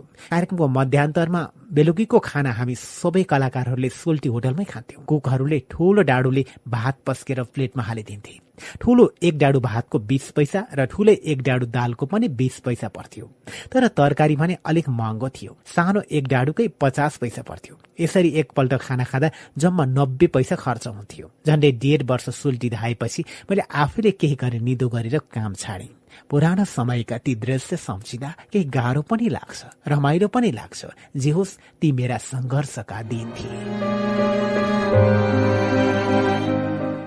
बा बिरामी हुँदा। बा झन्झन बिरामी पर्न थाल्नुभयो। उहाँलाई दम र कलेजो सम्बन्धी समस्याले च्याप्दै लगेको थियो। भट्टी पसलतिर गएर जाँटक्सी खाने बानी उहाँको कहिले थिएन। तर फुपूहरूको घरमा नजिकका साथी कहाँ र चाडबाडको समय भान्जा भान्जीहरूसँगै बस्दा पुराना पुराना गफ लडाउँदै हाँस्दै रमाउँदै थोरै घरमै बनाएको रक्सी भने खाने बानी थियो। म सानो छँदा चाडबाडको बेला बासँग एउटै खाटमा सुत्थे। बाको मुखबाट कहिलेकाहीँ रक्सी र चुरोट ठ्वास्स गनाउँथ्यो जुन मलाई पटक्कै मन पर्दैन थियो। सायद त्यही रक्सी र चुरोट वा अरू कुनै कारणले बालाई दम र कलेजोको समस्या आएको हुनुपर्छ। बालाई लिएर उपचार गर्न म बारम्बार अनेक डाक्टरका क्लिनिक अनेक प्याथोलोजी धाइरहन्थे बा कहिले निको भए जस्तो देखिनुहुन्थ्यो कहिले रोगले च्यापेर उहाँलाई गाह्रो हुन्थ्यो। बाको दीर्घरोगकै कारण स्वास्थ्य उपचारमा खर्च झन्झन बढ्दै जान थाल्यो। खर्च पुर्याउन अफिसबाट बारम्बार कर्जा लिइरहन्थे। अफिसबाट बेला बेलामा लिएको कर्जा कट्टा गरेर आउने तनखा त नखा भने जस्तै नाम मात्रको हात पर्थ्यो। पार्ट टाइम जबबाट आउने पैसा पनि औषधि पसलहरूमा उधारो तिर्न ठिक्क हुन्थ्यो। त्यसो त हाम्रो पुर्ख्यौली जग्गा जमिन नभएको पनि होइन। फेदबी मात्र पनि खेत र पाखा गरेर त्यस्तै सैतिस अडतिस रोपनी जग्गा थियो। यसका अलावा बुढा नीलकण्ठ चपली ताहाचल सुल्ती होटेल छेउछाउ कलङ्कीतिर नागार्जुनको मुडको गाउँ सबैतिर गरेर करिब साठी पैँसठी रोपनी जग्गा थियो। धेरै जमिन मात्र भएर के गर्नु? देशमा भूमि सुधार लागू भएपछि मोहीहरू छोइसक्नु भएनन्। मोहीले तलसिंह अर्थात् जग्गा धनीको घरमा वार्षिक रूपमा बाली बुझाउन ल्याउने काम कम हुँदै गयो। आफै गएर बाली लिन जाँदा पनि मोहीलाई भेट्नै गाह्रो पर्थ्यो। बल्ल तल्ल भेटिए पनि मोहीले चिने जस्तो गरी जग्गा धनीकै मुख हेर्न खोज्दैनथे यता हस्पिटलले बाका औषधिको प्रेस्क्रिप्सन थपेको थपे। उता भने पैसाको खोजीमा दगुरेको दगुरे। कहिले फुपूहरूले औषधि किनेर ल्याइदिनुहुन्थ्यो कहिले चिने जानेका औषधि पसलबाट उधारोमा औषधि ल्याउँथे। यसै क्रममा त्यो टोलमा नामी कम्पाउन्डर योग्यलाल श्रेष्ठ दाईको पसलबाट अलि धेरै नै औषधि उधारो लिइयो वीर अस्पतालमा बा भर्ना भएका बेला सञ्चय कोषको साथी गोवर्धन श्रेष्ठकी श्रीमती स्टाफ नर्स थिइन्। उनले मेरो मर्का बुझेर महँगो महँगो स्याम्पल औषधि सित्तैमा लिएर मद्दत गरिन्। आपत परेका बेला गरेको गुण बेला बेलामा सम्झिँदो रहेछ। स्याम्पल औषधि बारम्बार आफूले मात्र दिँदा अप्ठ्यारो हुने भएकाले उनले अरू नर्स पनि चिनाइदिन्। म ती नर्सहरूको कोठामा गएर उनीहरूलाई अनेक जोक सुनाएर बेला बेलामा बेसकन हँसाइरहन्थे जसले गर्दा उनीहरूले पनि मलाई स्याम्पल औषधि दिएर मद्दत गर्थे बा त्यसरी बिरामी भइरहेका बेलामा पनि ठाउँ ठाउँमा सांस्कृतिक कार्यक्रम धुमधामसँग आयोजना भइरहेका हुन्थे म बाको स्वास्थ्य अवस्था हेरेर आफ्नो प्रस्तुति देखाउन कतै जान्थे त कतै जान सक्दिनथे। एकपल्ट भिकुटी मण्डपको राष्ट्रिय सभागृहमा सांस्कृतिक कार्यक्रम थियो। उक्त कार्यक्रम हेर्न सशुल्क टिकट बेचिएको थियो जसमा मेरो नाम अन्य कलाकारको भन्दा अलिक धेरै हाइलाइट गरेर प्रचार गरिएको थियो। कार्यक्रम सुरु हुने दिन पनि बाला एकदमै सन्चो थिएन। मलाई भने कार्यक्रममा भाग लिन जानै पर्ने थियो। बिरामी बाको श्वास प्रश्वासको समस्या बढेको देखेर डाक्टरले एक सिलिन्डर अक्सिजन तुरुन्तै किनेर ल्याउन भन्दै प्रेस्क्रिप्सन लेखिदिए। बाको जीवनको दाँजोमा कार्यक्रमलाई महत्व दिने कुरै आउँदैन थियो। तैपनि मेरो अनुपस्थितिले कार्यक्रम बिग्रन पनि सक्थ्यो। आयोजकहरूले दर्शकहरूबाट गाली खानुपर्ने अवस्था पनि आउन सक्थ्यो। कार्यक्रम जेसुकै होस् भनेर म वीर अस्पतालबाट रित्तो सिलिन्डर बोकेर कान्तिपथ स्थित ज्योति भवनमा अक्सिजन किन्ने हिँडे। हस्पिटलको ढोकानेरै ठुली फुपूका छोरा प्रचण्डलाल दाई भेट भए उनी मभन्दा धेरै छिटो चरित्र थिए। त्यसैले मैले उनलाई भने तिमी कान्तिपथसम्म पुगेर अक्सिजन किनेर ल्याइदेऊ। त्यतिन्जेल म राष्ट्रिय सभागृह गएर मेरो प्रस्तुति दिएर आउँछु। हुन्छ हुन्छ भन्दै प्रचण्ड दाई ज्योति भवनतिर लागे। म हतारिँदै राष्ट्रिय सभागृहतिर लम्किएँ।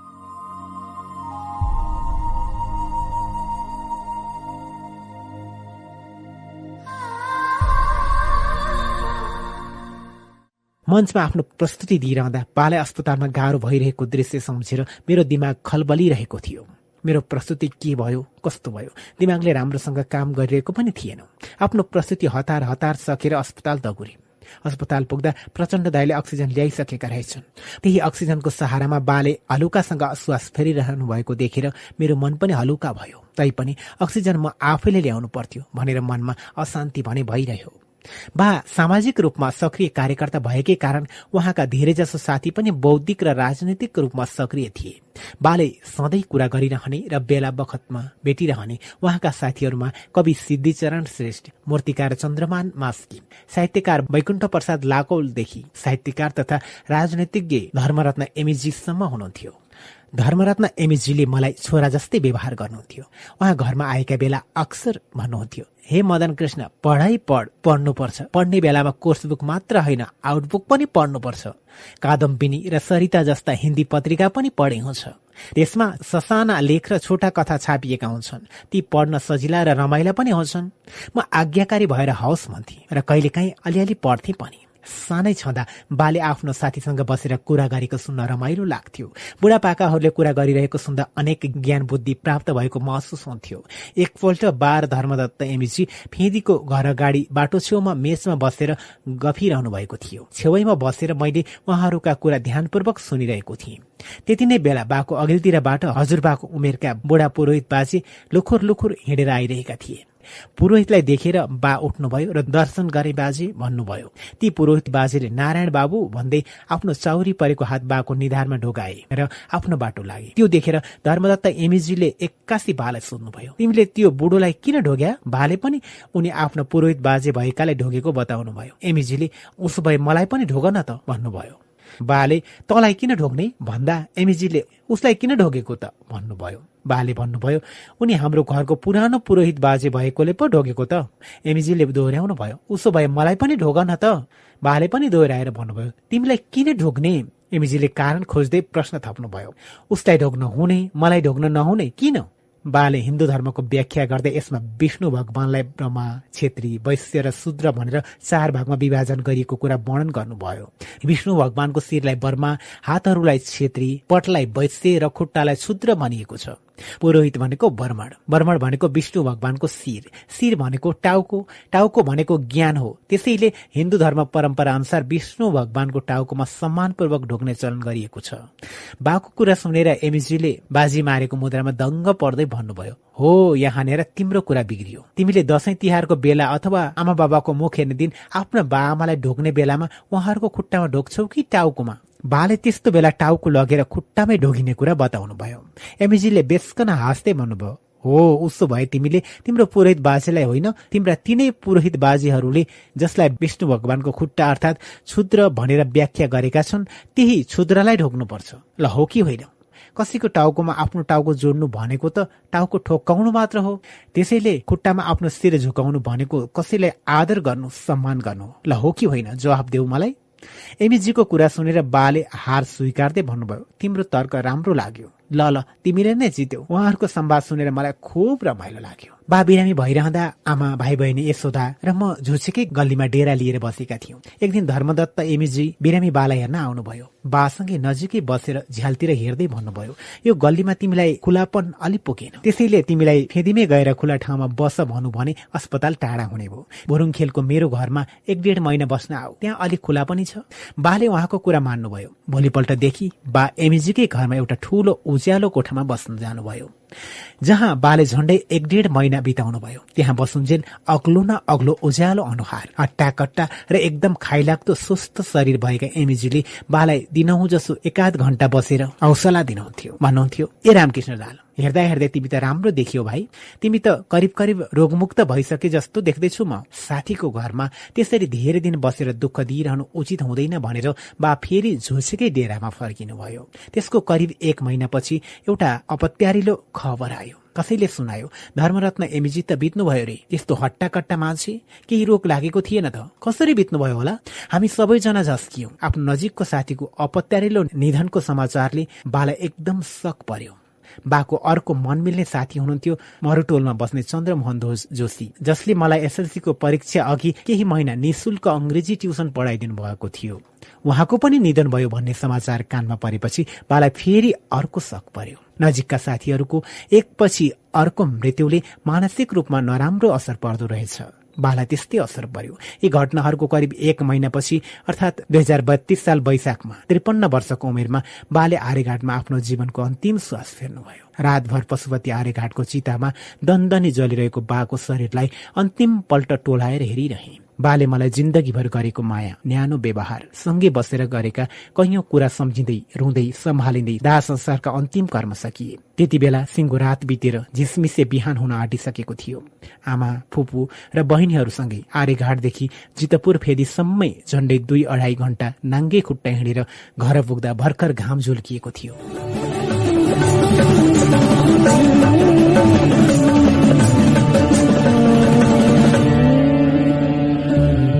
கிட்டத்தான் घर पुगेर मोल ढोका खोल्यौं।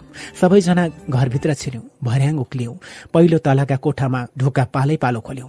फेरि अर्को तलामा उक्लियौं। पहिलो तलामा जस्तै सबै कोठामा ढोका खोलेर भित्र छिर्यौं। शोकमग्न सबैका आँखा र मनमा पीडा उम्लिरहेको थियो। एकछिन कसैलाई यादै भएन करिब आधा घण्टापछि आमाले सोध्नुभयो कोठा कोठामा ढोका खोलेर त छिर्यौ? तर ढोकाको तालचा कसले खोलेको? सबैले मैले होइन मैले होइन भन्न थाले। हामी आर्यघाट रहन्जेल फेन्डीको घरमा त सारा सामान चोरले सखाप पारेर चोरिसकेको रहेछ। मान्छेलाई दिन दशा लागेपछि नराम्रोसँग एकैचोटि लाग्छ भन्ने कुरालाई वास्तविक रूपमै भोगिरहेका थियौं हामीले। घरमा टन्नै भाँडाकुँडा थिए। हजुरबाले भाँडाकुँडा र अन्य सरसामान टन्न जोरेर राख्नु भएको थियो। टोल छिमेकमा कसैको बिहे व्रतबन्धको भोज भतेर गर्नुपर्दा थाल कचौरा र भाँडाकुँडा हाम्रो घरमा लिन आउँथे। तर आफ्नै बाको क्रियाकर्मका समयमा छरछिमेकीका घरबाट भाँडाकुँडा र अन्य सरसामान ल्याउनु पर्यो। बा बितेपछि उहाँले बोकिराखेको घरका सारा बोझ आफ्नै टाउकामा थोपरिन आएको महसुस हुन थाल्यो। एकातिर जग्गा जमिन सम्बन्धी एकाध मुद्दा मामिला पनि थिए। अर्कोतिर ठाउँ ठाउँमा तिर्न बाँकी ऋण त्यसै थियो। त्यसमाथि आमदानीका स्रोत पनि उस्तै कमजोर थिए। बा छँदा आफूलाई अन्यल परेका कुनै पनि काममा बा म यसो गर्छु है भनेर सोद्धा उहाँले हुन्छ हुन्न वा ल ल मात्रै भनेर टाउको मात्रै हल्लाइदिँदा पनि ठुलै हौसला र तागत मिले जस्तो हुन्थ्यो। बा नै नभएपछि अब कसलाई सोध्ने? कोसँग सोध्ने? कहाँ जाने? के गर्ने? एकदमै बाटोविहीन वा गन्तव्यहीन यात्रामा हिँड्न थाले जस्तो भयो। घरैमा बसिरहँदा पनि वर्षातको मौसममा ठूलो हावाहुरी आएर घरको छाने उडाएर लगेको छानाविहीन घरमा बसिरहे जस्तो महसुस भयो। घरका भित्ताहरूमा बासँगै उभिएर खिचिरहेका तस्बिर देख्दा मन त्यसै त्यसै भक्कानिन्थ्यो घरका झ्यालडोका मेज टेबुल पनि रोइरहे जस्ता देखिन्थे। मानव सारा संसार नै दुखी छ।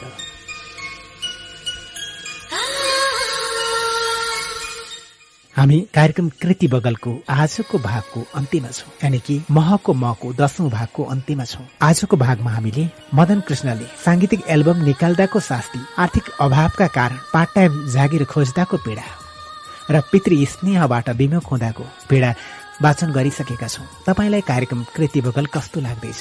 यो कार्यक्रम धौलागिरी एफएम अन्ठानब्बे दशमलव छ मेगाहज बागलुङबाट उत्पादन भई धौलागिरी एफएम र पञ्चास एफएम एक सय दुई दशमलव आठ मेगाहज पर्वतबाट हरेक शनिबार बेलुका नौ तिसदेखि दस बजेसम्म एकसाथ प्रसारण हुँदै आएको छ।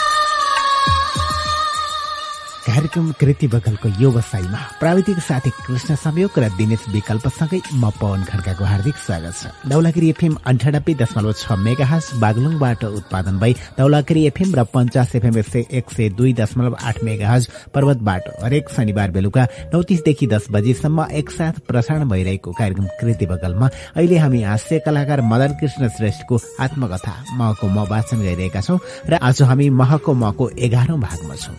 पुस्तकको नाम महको म भए पनि एक तिहाई भन्दा बढी भाग पढिसक्दा महजोडीको बारेमा खासै उठान गरिएको छैन। खास गरिकन श्रेष्ठ परिवार र त्यही रहन सहन र काठमाडौँको पेरिफेरी भित्रै रहेर आजसम्मका भागहरू उल्लेख गरिएको छ। अब यसभन्दा अगाडिका भागमा के होला त? हुन्छ त। सुरु गरौँ। पेज नम्बर एक सय एक्काइसदेखि अगाडि।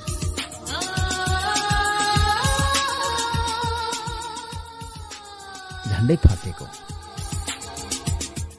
सञ्चयकोषको आफ्नो कार्यकक्षमा एक दिन भौचरहरू केलाउँदै थिए। ती भौचरमा विभिन्न कर्मचारीले हस्ताक्षर गरेका हुन्थे एक दुईजना हाकिमहरूको हस्ताक्षर भने कसैले नक्कल गर्न नसक्ने खालका थिए। अनायासै मलाई ती हस्ताक्षर नक्कल गर्न सकिन्छ कि सकिँदैन भनेर हेर्न मन लाग्यो। एक टुक्रा कागजमा एक हाकिमको हस्ताक्षर हेर्दै उतार्ने प्रयास गरे। एकैछिन बिस्तारै लेखेको हस्ताक्षर त जस्ताको तस्तै भएछ। अर्काको हस्ताक्षर जस्ताको तस्तै उतार्दा मलाई डर लाग्यो र तुरुन्तै केरेर च्याचुत पारेर मेल्काइदिए। एक दिन कुरै कुराको सिलसिलामा सहकर्मी विमल बस्नेतलाई बहादुरी देखाउँदै भने म फलाना फलाना हाकिमको हस्ताक्षर नक्कल गर्न सक्छु। गरेर देखाऊ। उनले मेरो कुरा पत्याएनन् र भने गाह्रै पर्ला ल गरेर देखाउ त। मैले दुई तिनजना हाकिमको हस्ताक्षर भौचोरबाट हेरेर जस्ताको तस्तै लेखेर देखाइदिएँ। उनले सही हेर्दै भने ओहो ठ्याक्कै त मिल्दैन। तर झट्ट हेर्दा ठ्याक्कै मिल्छ। तर केही देऊ यस्तो कुरामा खेलाची गर्नु हुँदैन। तिमीलाई देखाउन मात्र गरेको भन्दै मैले कागज च्यातेर रद्दी टोकरीमा हालिदिएँ। त्यसपछि हामी आफ्ना कामतिर लाग्यौँ। त्यसको करिब दुई घण्टापछि विमल अत्तालिँदै दगुरेर सुहा सुहा गर्दै म छेउ आए र भने ए मदन कृष्ण एउटा कुरा थाहा पायौ तिमीले? हाम्रो अफिसको एउटा स्टाफले चेकमा नक्कली सही गरेर दस हजार रुपियाँ झिकेछ। त्यही अभियोगमा उसलाई पोलिसले समातिरहेछ। उनको कुराले म झसङ्ग भएँ। विमलले मेरो पीर गरेर भने तिमीले सहीहरूको नक्कल गरेर देखाएको दुई घण्टा बित्न पाएको छैन चेकमा नक्कली सही गरेर रकम झिक्यो भनेको सुनेर म त झसङ्गै भएँ। अबदेखि त्यस्तो कुरामा खेलाची नगर है नगर मलाई पनि यस्तो कुरामा खेलाची गर्नु राम्रो कुरा होइन। दशा लागेको बेलामा अरूले गरेको दोषको आरोप आफूमाथि लाग्न के रे भन्ने लाग्यो। त्यसपछिका दिनमा मैले आफ्नो सिपलाई गलत ठाउँमा कहिले प्रयोग हुन दिइनँ।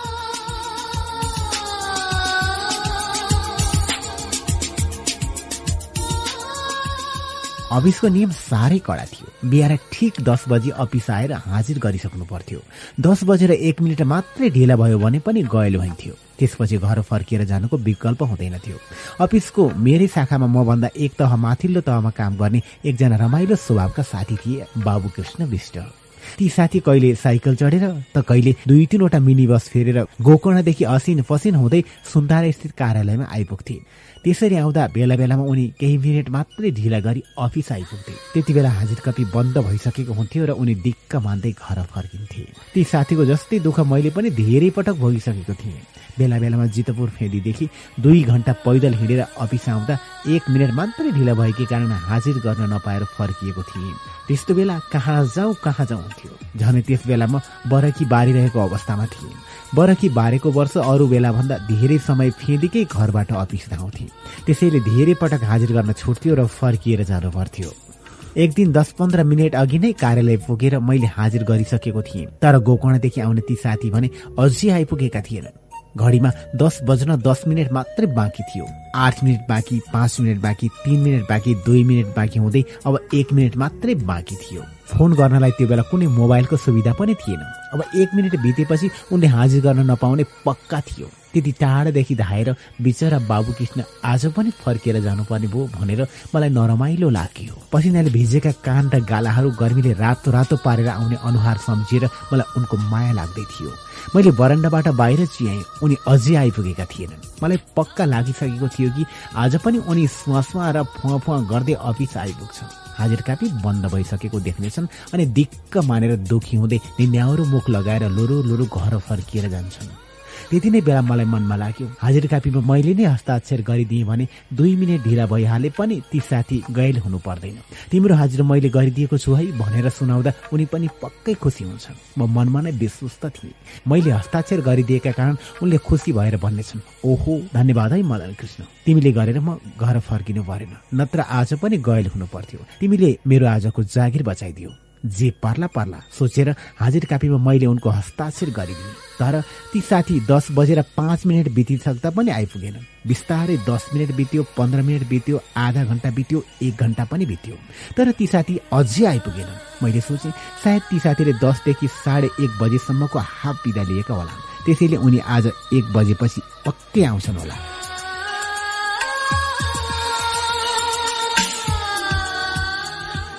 साढे एक पनि बज्यो तै पनि उनी आएन। त्यसपछि मेरो छाती अलिक भारी भारी भयो। मनमा अनेक कुरा खेल्न थाले। उनी आज आउँदै आएनन् भने के गर्ने? आफैलाई आड भरोसा दिँदै सोचे। भोलि त उनी अफिस आइहाल्छन्। आउने बित्तिकै उनलाई उनको हाजिर कपीमा मैले हाजिर गरिदिएको कुरा सुनाउला अनि उनी अफिस नआएको दिन पनि हाजिर हुन पाइयो भनेर दङ्ग पर्ला। यस्तै कुरा मनमा खेलाइरहेको थिएँ। मध्याह तिन चार बजेतिर अचानक अफिसको प्रशासन शाखाले हाजिरको छड्के दियो। ल बर्बाद अब के हुने हो? भन्दै म छटपटिन थालेँ। मैले साथीका लागि भलो नै गर्न खोजेको थिएँ। कस्तो गल्ती गरिएछ? हे भगवान किन मलाई अरूको भलो गर्नु परेको? कसैको भलो गरेर मैले के पाउँथे र बाबुआमा बितेको वर्ष नराम्रोसँग दशा लाग्छ बरकी बारेको वर्षभरि पाइला पाइलामा होस पुर्याएर हिँड्नुपर्छ भन्थे। यस्तो अन्धविश्वास पनि विश्वासमा परिणत भइरहेको थियो। हस्ताक्षर गरेको यो कुरा मैले अर्का मनमिल्ने सहकर्मी साथी विजय सिंहलाई खुसुक्क भनेको थिएँ। छड्के लिएका कारण उनी पनि छटपटिए अब के गर्ने? खै के गर्ने? के गर्ने गर्ने भनेर छटपटाउँदा छटपटाउँदै अफिस छुट्टी भयो। त्यो रात मलाई निद्रै परेन। भोलिपल्ट झनै चाँडै अफिस पुगेँ। यो सब कुरा ती साथीलाई कसरी सुनाउने भइरहेको थियो। अफिस आइपुग्ने बित्तिकै बाबु कृष्णले आफू छड्कीमा परेको थाहा पाइसकेका रहेछन्। उनले म हिजो अफिस आएकै थिइनँ। अफिसै नआएको मान्छे कसरी छड्कीमा परे?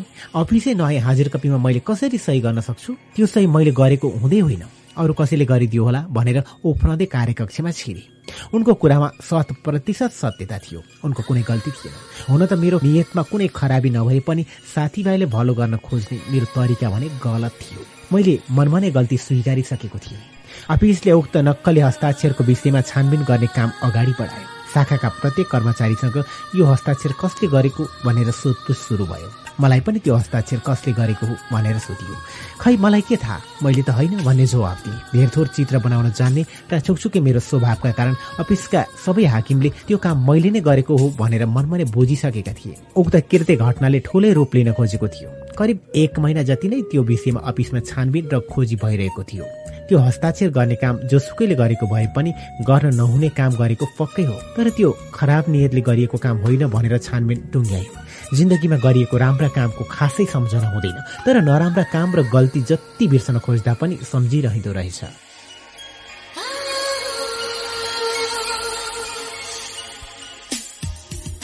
काम आफ्नै रुचिको। दुई हजार चौतिस सालमा सञ्चय कोषको जागिर गरेको झन्डै बाह्र वर्ष पुग्दै थियो। गीत सङ्गीत र प्रहसनकै कारण काठमाडौँमा मेरो नाम पनि ठिक ठिकै चलिरहेको थियो तर नाम चले पनि दाम भने राम्रो चलिरहेको थिएन। सञ्चय कोषको कामबाट पनि खासै उँभो लागेला जस्तो लागेको थिएन। जहिले पनि जोड घटाउ गुणन र भाग गर्ने काम मात्र कति गर्नु मलाई लाग्न थालिसकेको थियो यो मलाई सुहाउने काम फिटेकै होइन। यस्तो कामबाट टाइम त सजिलै पास भइरहेको थियो। तर मेरो व्यक्तिगत क्षमताको विकास हुने आभास भने कतै देखिरहेको थिएन मनमा नै सोच्न थालिसकेको थिएँ यसो कतै फड्को मार्न पाए नै हुन्थ्यो। श्रव्य दृश्यको काम गरिरहेका साथी नवीन चित्रकारलाई भेट्न बारम्बार हरिहर भवन पुलचोकी स्थित उनको अफिस कृषि सूचना शाखामा गइरहन्थे। मौका मिले जागिर बदल्ने सुरुमा रहेको र रेडियो सम्बन्धी काममा मेरो रुचि भएको नवीनलाई थाहा थियो। एक दिन मध्याहमा नवीन हातमा एउटा कागज हल्लाउँदै मलाई भेट्न सञ्चय कोषमा आए। र भने ए मदन हाम्रो अफिसमा एउटा रेडियो कार्यक्रम उत्पादनका लागि प्रोग्राम प्रोड्युसरको पद खाली छ। मसँग हिँडिहाल। आजै दरखास्त देऊ। धेरै टाइम छैन। खासमा मेरो मन माइक अघि उभिएर गीत गाउने प्रदर्शन प्रस्तुत गर्ने दर्शकहरूलाई रमाइलो बनाइराख्ने काममै तानिएको थियो। त्यसैले रेडियोमा बोल्ने काम भन्ने बित्तिकै म उत्साहित भएँ। सञ्चय कोषमा भन्दा साठी रुपियाँ तलब कम हुने भए पनि रुचिको काम हुने भएकाले म जागिर फेर्न फेर्न उत्साहित भएँ। तत्कालै नवीनसँग कृषि सूचना शाखामा गएर दरखास्त दिएँ। कृषि सूचना शाखामा म बारम्बार जाने हुनाले त्यहाँका सबै जसो कर्मचारीसँग मेरो चिनाजानी थियो। शाखाले उत्पादन गर्ने केही रेडियो कार्यक्रममा त मैले पनि आवाज दिइसकेको थिएँ। केही दिनमै अरू चार पाँचजना प्रतिस्पर्धीसँग मैले पनि अन्तर्वार्ता दिएँ। शाखाका प्रमुख किरण मणि दीक्षितज्यूले मेरो रुचि र खुबी बुझेर मलाई नै उक्त पदमा नियुक्ति गर्ने निर्णय गर्नुभयो। नायब सुब्बा सरहको प्रसारक भन्ने पदको नियुक्ति पत्र बुझेर मेरो नयाँ जागिर सुरु भयो। शाखाबाट उत्पादन हुने कृषि सूचना सम्बन्धी विभिन्न कार्यक्रम रेडियो नेपालबाट प्रसारण हुन्थे। ती कार्यक्रम मध्ये लक्ष्मी भूषाल प्रस्तुता रहेको जेटिए र बुढी आमा भन्ने कृषि कार्यक्रम कृषकमा लोकप्रिय भइरहेको थियो। हप्तामा तीन पटक प्रसारण हुने उक्त आधा घण्टाको कार्यक्रममा रेडियो नाटकदेखि कृषिसँग सम्बन्धित व्यक्तिको अन्तर्वार्ता लिने काम मेरो जिम्मेवारी थियो सामान्य कृषकदेखि विभिन्न जिल्लाका कृषि विकास कार्यालयका अधिकृतहरूको अन्तर्वार्ता लिन म एकाध हप्ता मिलाएर विभिन्न जिल्ला पुगिरहेको हुन्थे सञ्चय कोषमा बाह्र वर्षसम्म जागिर खाँदा अफिसको काम लिएर सुन्धारा स्थित मुख्य कार्यालयबाट पाटनसम्म पनि पुग्ने मौका पाएको थिइनँ तर कृषि शाखामा जागिर खाएको एक वर्षभित्रै झन्डै पैँतिस छत्तिस जिल्लामा घुम्ने मौका पाएँ। बाहिरोडको बाटो भनेर चिनिने त्रिभुवन राजपथको साँकुरो र डरलाग्दो बाटो भएर उपत्यका बाहिर गइरहँदा प्रायजसो गाडी दुर्घटना भएर यात्रुहरू मरेको घाइते भएको कैयौँ दृश्य देखिरहन्थे। आँखे अघि त्यस्ता दुर्घटना देख्दा मनमा एक किसिमको डर भइरहन्थ्यो। दिन दशा बिग्रिएको बेला कति म पनि त्यस्तै भएँ भने भन्ने सम्झिएर झनै कहारी लाग्थ्यो। ओहो! भएन बा भनेर अन्तत मैले जिल्ला जिल्ला घुमेर अन्तर्वार्ता लिने कार्यक्रमको ढाँचा नै बदलिदिएँ। त्यसको सट्टा पत्रिका टाइपको कार्यक्रम डिजाइन गरेँ र रेडियो पत्रिका कार्यक्रमको नाम दिएर कार्यक्रम उत्पादन थालेँ। मैले जागिर सुरु गरेको केही समयमै रेडियो नेपालसँग मिलेर रेडियो प्रोग्राम प्रोडक्सन सम्बन्धी तालिम दिन बेलायतको ब्रिटिस ब्रोडकास्टिङ कर्पोरेसन अर्थात् बिबिसीका केही विशेषज्ञ नेपाल आएका थिए। उक्त तालिममा मैले पनि सहभागी हुने मौका पाएँ। तालिम दिनेहरूमा बिबिसीका विशेषज्ञहरूका अलावा रेडियो नेपालका खगेन्द्र नेपाली र कृषि सूचना शाखाका किरण मणि दीक्षित हुनुहुन्थ्यो। तालिम लिनेहरूमा रेडियो नेपालका तर्फबाट संगीतकारहरू नातिकाजी शिवशंकर गायकहरू हिरण्डे भोजपुरी गणेश रसिक पाण्डव सुनवार उद्घोषक धनलामा नुपुर भट्टाचार्य जितेन्द्र महत अभिलाषी पनि थिए। त्यस्तै नेपाली सेनाका निम्ति रेडियो कार्यक्रम उत्पादन गर्ने सेनानी भीमबहादुर थापा नेपाल प्रहरीका लागि रेडियो कार्यक्रम उत्पादन गर्ने आनन्दपुरी विजय गुरुङ र कृषि सूचना शाखाका तर्फबाट मदन दास श्रेष्ठ पनि थिए। महिना दिनभन्दा लामो त्यो तालिम मेरा लागि अत्यन्तै उपलब्धिमूलक रह्यो। त्यस तालिममा सिकेको ज्ञानबाट सबैभन्दा धेरै फाइदा सायद मैले नै लिए होला। अनि उक्त तालिम मार्फत सिकेका कुरा सबभन्दा बढी मैले नै सदुपयोग गर्ने मौका पाएँ।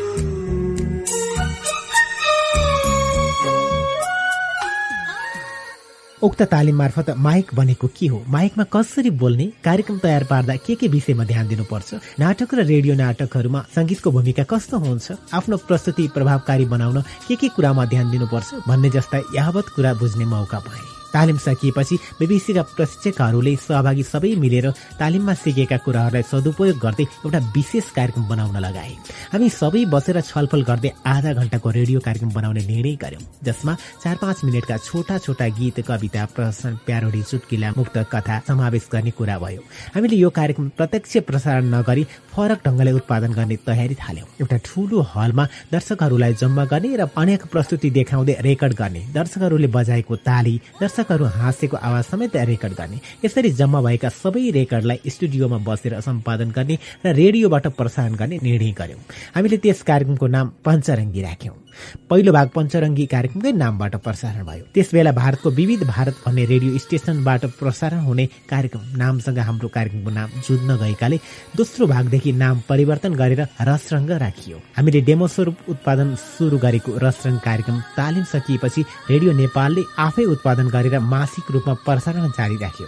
यो कार्यक्रम यति लोकप्रिय भयो कि प्रत्येक महिनाको अन्तिम शुक्रबार रसरङ कार्यक्रम सुन्नकै लागि गाउँ गाउँका श्रोताहरू रेडियो वरिपरि झुमिएर बस्थे। यो रसरङ कार्यक्रमलाई मैले आफ्नो कला यात्राको एउटा राम्रो श्रेणीका रूपमा लिएको छु। त्यसै ताका गायक ओम विक्रम बेष्ट र अन्य केही साथीहरूसँग मिलेर म सांस्कृतिक कार्यक्रम देखाउन झापा दार्जिलिङ र मेरिक पुगेको थिएँ। त्यही सिलसिलामा मेरिकको सेलरोटी बजारको एउटा कुनामा हामी गफिरहेका थियौँ। एकजना अपरिचित व्यक्ति एक्कासी मेरो छु आएर भने दाजु तपाईँ मदन कृष्ण श्रेष्ठ हो? मैले छक्क पर्दै भने हो कसरी चिन्नुभयो? त्यो अपरिचित केटोले रेडियो नेपालबाट प्रसारण हुने रसरङ कार्यक्रमबाट आउने स्वर र मेरो स्वर ठ्याक्कै मिलेकाले मलाई चिनेको बतायो। आफू कहिले नपुगेको मेरिक जस्तो ठाउँमा स्थानीय व्यक्तिले स्वर सुनेकै भरमा मलाई चिनेको देखेर औधी खुसी लाग्यो। खासमा यो धेरैजनाको मेहनतको फल थियो। हाँस्य व्यङ्ग्यका अनेक प्रस्तुति रहने रसरङ कार्यक्रममा ध्रुवहाडा राजपाल थापा गोपाल राज मैनाली हरिवंश आचार्य सन्तोष पन्त सेनानी भीमबहादुर थापा भोला बस्नेत मदनदीप बस्नेत लगायत थुप्रै कलाकारको प्रस्तुति हुन्थ्यो। यो कार्यक्रममा समसामयिक विषयमा व्यङ्ग्य गरिने हुनाले प्रसारण अघि सेन्सरमा विशेष कडा जाँच गरिन्थ्यो। रसरङको एउटा भागमा मैले बिजिडिजी शीर्षकमा एउटा साधारण हास्य प्रस्तुति दिएको थिएँ जसमा एकजना डाइरेक्टर जनरल अर्थात् डिजी जो आफ्नो अफिसमा तातो न छारो कुरामा अत्यन्त बिची भइरहेको कुरालाई चित्रण गरेको थिएँ। दस मिनटको उक्त प्रस्तुतिमा खासै त्यस्तो कडा केही व्यङ्ग्य थिएन। रसुवा स्थित भेडा फर्ममा भेडी बिरामी भइरहेकाले काठमाडौँबाट एकजना भेडा अर्थात् भेटनरी डाक्टर पठाइदिनु भनेर आवा अर्थात् आकाशवाणीबाट अस्पष्ट खबर आएको कुरा मेरो प्रस्तुतिमा समावेश थियो। उक्त कार्यक्रममा प्रधानमन्त्री मन्त्री र सरकारलाई व्यङ्ग्य नभएर केवल एउटा अफिसको सामान्य हाकिमलाई व्यङ्ग्य गरिएको थियो।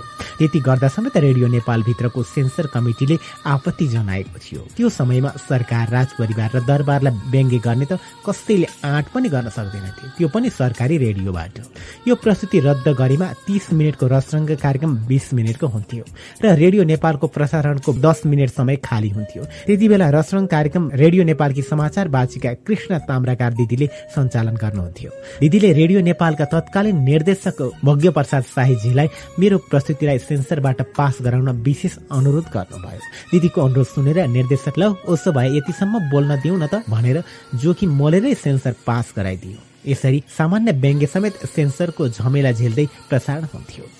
मेरो प्रस्तुति श्रोताहरूले मन पनि पराए। त्यति बेलासम्मको व्यङ्ग्य समय क्रममा नजिर बन्दै गयो। अन्य कलाकारले पनि सरकारी कर्मचारीलाई धेरथोर व्यङ्ग्य गर्न पाउने भए। त्यसपछिका कार्यक्रममा सबैजसो कलाकारले आफ्नो प्रस्तुति भन्दा पछिल्लो प्रस्तुतिमा व्यङ्ग्यको मात्रा अलिअलि बढाउँदै लागे यो कार्यक्रम बिस्तारै यति लोकप्रिय भयो कि सुरुका दिनमा रेडियो नेपालकै हलमा रेकर्ड हुने कार्यक्रम पछि दर्शकको संख्या बढ्दै गएकाले केही भाग कमलादी स्थित नेपाल प्रज्ञा प्रतिष्ठानको हलमा रेकर्ड गर्नुपर्ने भयो।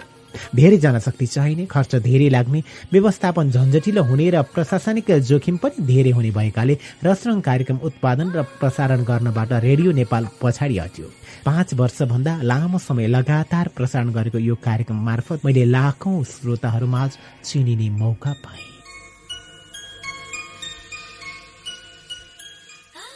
Chimal culture group.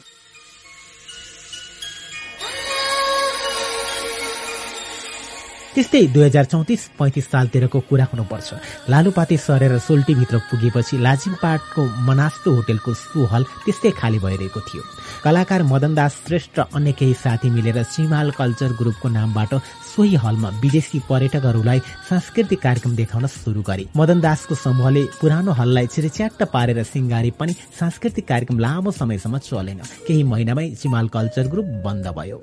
त्यति बेला सोल्टी होटेलमा सञ्चालित लालुपाते पनि बन्द भइसकेको थियो। त्यसैले मेरो सन्ध्याकालीन पार्ट टाइम जब अब टुटिसकेको थियो। मदन दासहरूले चलाएको सिमाल कल्चर ग्रुप पनि बन्द भएपछि मनासुको हल फेरि खाली भइरहेको थियो। यही मौकामा मलाई लाग्यो त्यो हल भाडामा लिएर आफैले सञ्चालन गर्न सके राम्रै हुन्छ। अफिसका सहकर्मी साथी देलकृष्ण श्रेष्ठलाई मैले मनमा लागेको कुरा सुनाए। उनी दरबार स्कुलमा पाँच र जुद्धोदय पब्लिक हाई स्कुलमा नौ कक्षा पढ्दादेखिका मेरा मिल्ने साथी थिए। मनास्लो होटल दिलकृष्णका दिदी जुनु श्रेष्ठ र भिनाजु हृदयदास श्रेष्ठको थियो। मैले उनलाई प्रस्ताव गर्दै भने हेर दिलकृष्ण मनास्लुको त्यो हल त्यसै खाली भइरहेको छ। हल राम्रो देखिएकाले तिम्रा भिनाजुलाई त्यो भत्काउन माया लागिरहेको छ। त्यहाँ कलाकारहरू बन्दोबस्त गरेर कल्चर सो चलाउने भिनाजुको विषय पनि होइन। तिमी र म दुवै मिलेर कति लगानी गर्नुपर्छ हिसाब गरौँ। कलाकार पनि काम नपाएरै त्यसै खाली बसिरहेका छन्। बरु उनीहरूलाई एक दुई महिनापछि मात्र तलब दिएर सहयोग गरिदेऊ भनेर अनुरोध गरौँला काम कुरा सबै प्रष्ट पार्न सके उनीहरूले पनि नाइ नभन्ला सबै चाँजो मजो मिलाऊ। हाँडी तातै छ। मकै भुट्ने कि? के छ विचार?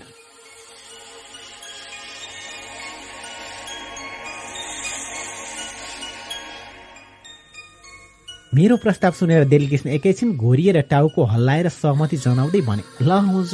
एकपटक भिनाजुसँग बसेर सल्लाह गरौँ। सोही दिन बेलुका हृदयदास श्रेष्ठसँग बसेर सल्लाह गर्यो कलाकार गिरिजा देवी श्रेष्ठका घरमा नारायण देवी श्रेष्ठ।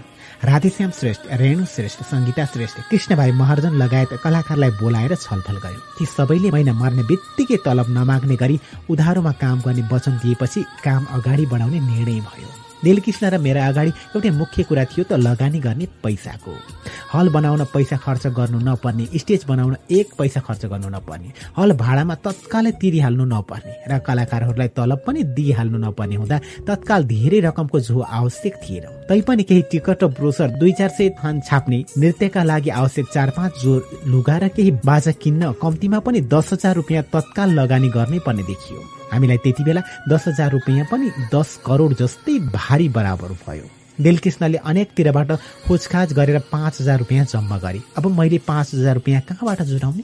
सञ्चय कोषको लिन मिल्ने कर्जा र आफूसँग भएको बचत जोड्दा जम्मा पच्चिस सय रुपियाँ जति जम्मा भयो। क्षेत्रपाटीमा रेस्टुरेन्ट चलाएर बसेका साथी बद्रीनारायण मानदारलाई मैले आफ्नो योजना सबै सुनाएर भने पैसा अलिकति पुगेन। मलाई एक हजार रुपियाँ जति सापटी देऊ न। म दुई चार महिनापछि तिर्छु। मैले हजार रुपियाँ सापटी मागेपछि उनले एकछिन सोचेर भने ठिक छ मदन केही काम गर्छु भनेर सहयोग माग्न आउँदा तिमी जस्तो साथीलाई म कसरी नाइ भन्न सक्छु र यति भनेर थपे तर हजार रुपियाँ होइन पाँच सय रुपियाँ लिएर जाऊ। जहिले सक्छौ तैले तिर केही गरी तिमीले तिर्न सकेनौ भने पनि केही छैन। यति भनेर पाँच सय रुपियाँ हातमा थमाए। बद्रीनारायण खासमा मेरा असल मिल्ने साथी थिए। त्यही भएर उनले मसँग पनि असल व्यवहार व्यक्त गरिरहेका थिए। उनले सापटी दिएको पाँच सय सञ्चय कोषबाट कर्जा लिएको र अन्य खोज खन्तर पारेर जम्मा गरेको सबै रकम जम्मा गर्दा तीन हजार रुपियाँ जम्मा भयो। एक हजार रुपियाँका लागि बिहेका बेला यशोदा आफैले स्वयंवरका लागि किनेको सुनको सिक्री लिएर म फसिकेबमा घर भएका साथी हरि तण्डुकारको घरमा गएँ। हरिकी आमालाई म हरिमा भनेर सम्बोधन गर्थे। उहाँले मनले खाएका मान्छेहरूलाई पैसा सापडी चाहिँदा सुन चाँदी धितो लिएर पैसा पनि दिनुहुन्थ्यो। हरिमालाई मैले ढुक्क भएर आफ्ना योजना सुनाउँदै भने हरिमा मैले यस्तो यस्तो काम गर्न लागेको पैसा अलिक पुगेन। त्यसैले यो मेरो बिहे गर्दाको सुनको सिक्री राख्नुहोस् र मलाई हजार रुपियाँ दिनुहोस्। उहाँले मलाई तिमी छोरासँग म सिक्री धितो लिन्छु। ल यो रुपियाँ लैजाऊ। जहिले तिर्न सक्छौ तिर भनेर सय सयका दसवटा नोट खन खनी गनेर हातमा थमाइदिनु भयो र सिक्री पनि फिर्ता दिनुभयो।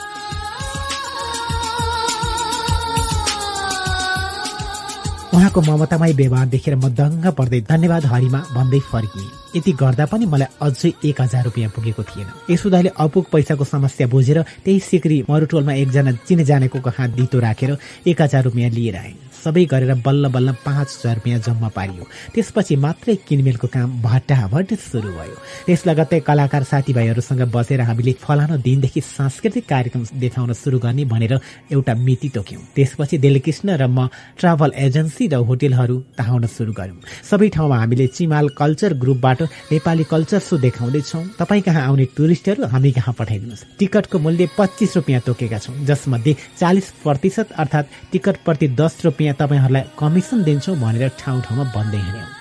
सांस्कृतिक कार्यक्रम देखाउने दिनको दिउँसो म दराहारको छेउ एक्लै हिँडिरहेको थिएँ। त्यति नै बेला एक विदेशी पर्यटकलाई देखेँ ती पर्यटकसँगै थर्ड आई ट्राभल्स एन्ड टुर्सका टुर अफिसर नगिन र साकी पनि थिए। लालुपातेमा काम गर्दादेखि नै उनीसँग मेरो चिनाजानी थियो। उनलाई भेट्ने बित्तिकै भने ए साकेजी मनास्लो होटेलमा हामीले आजदेखि चिमाल कल्चर ग्रुपलाई निरन्तरता दिँदैछौँ।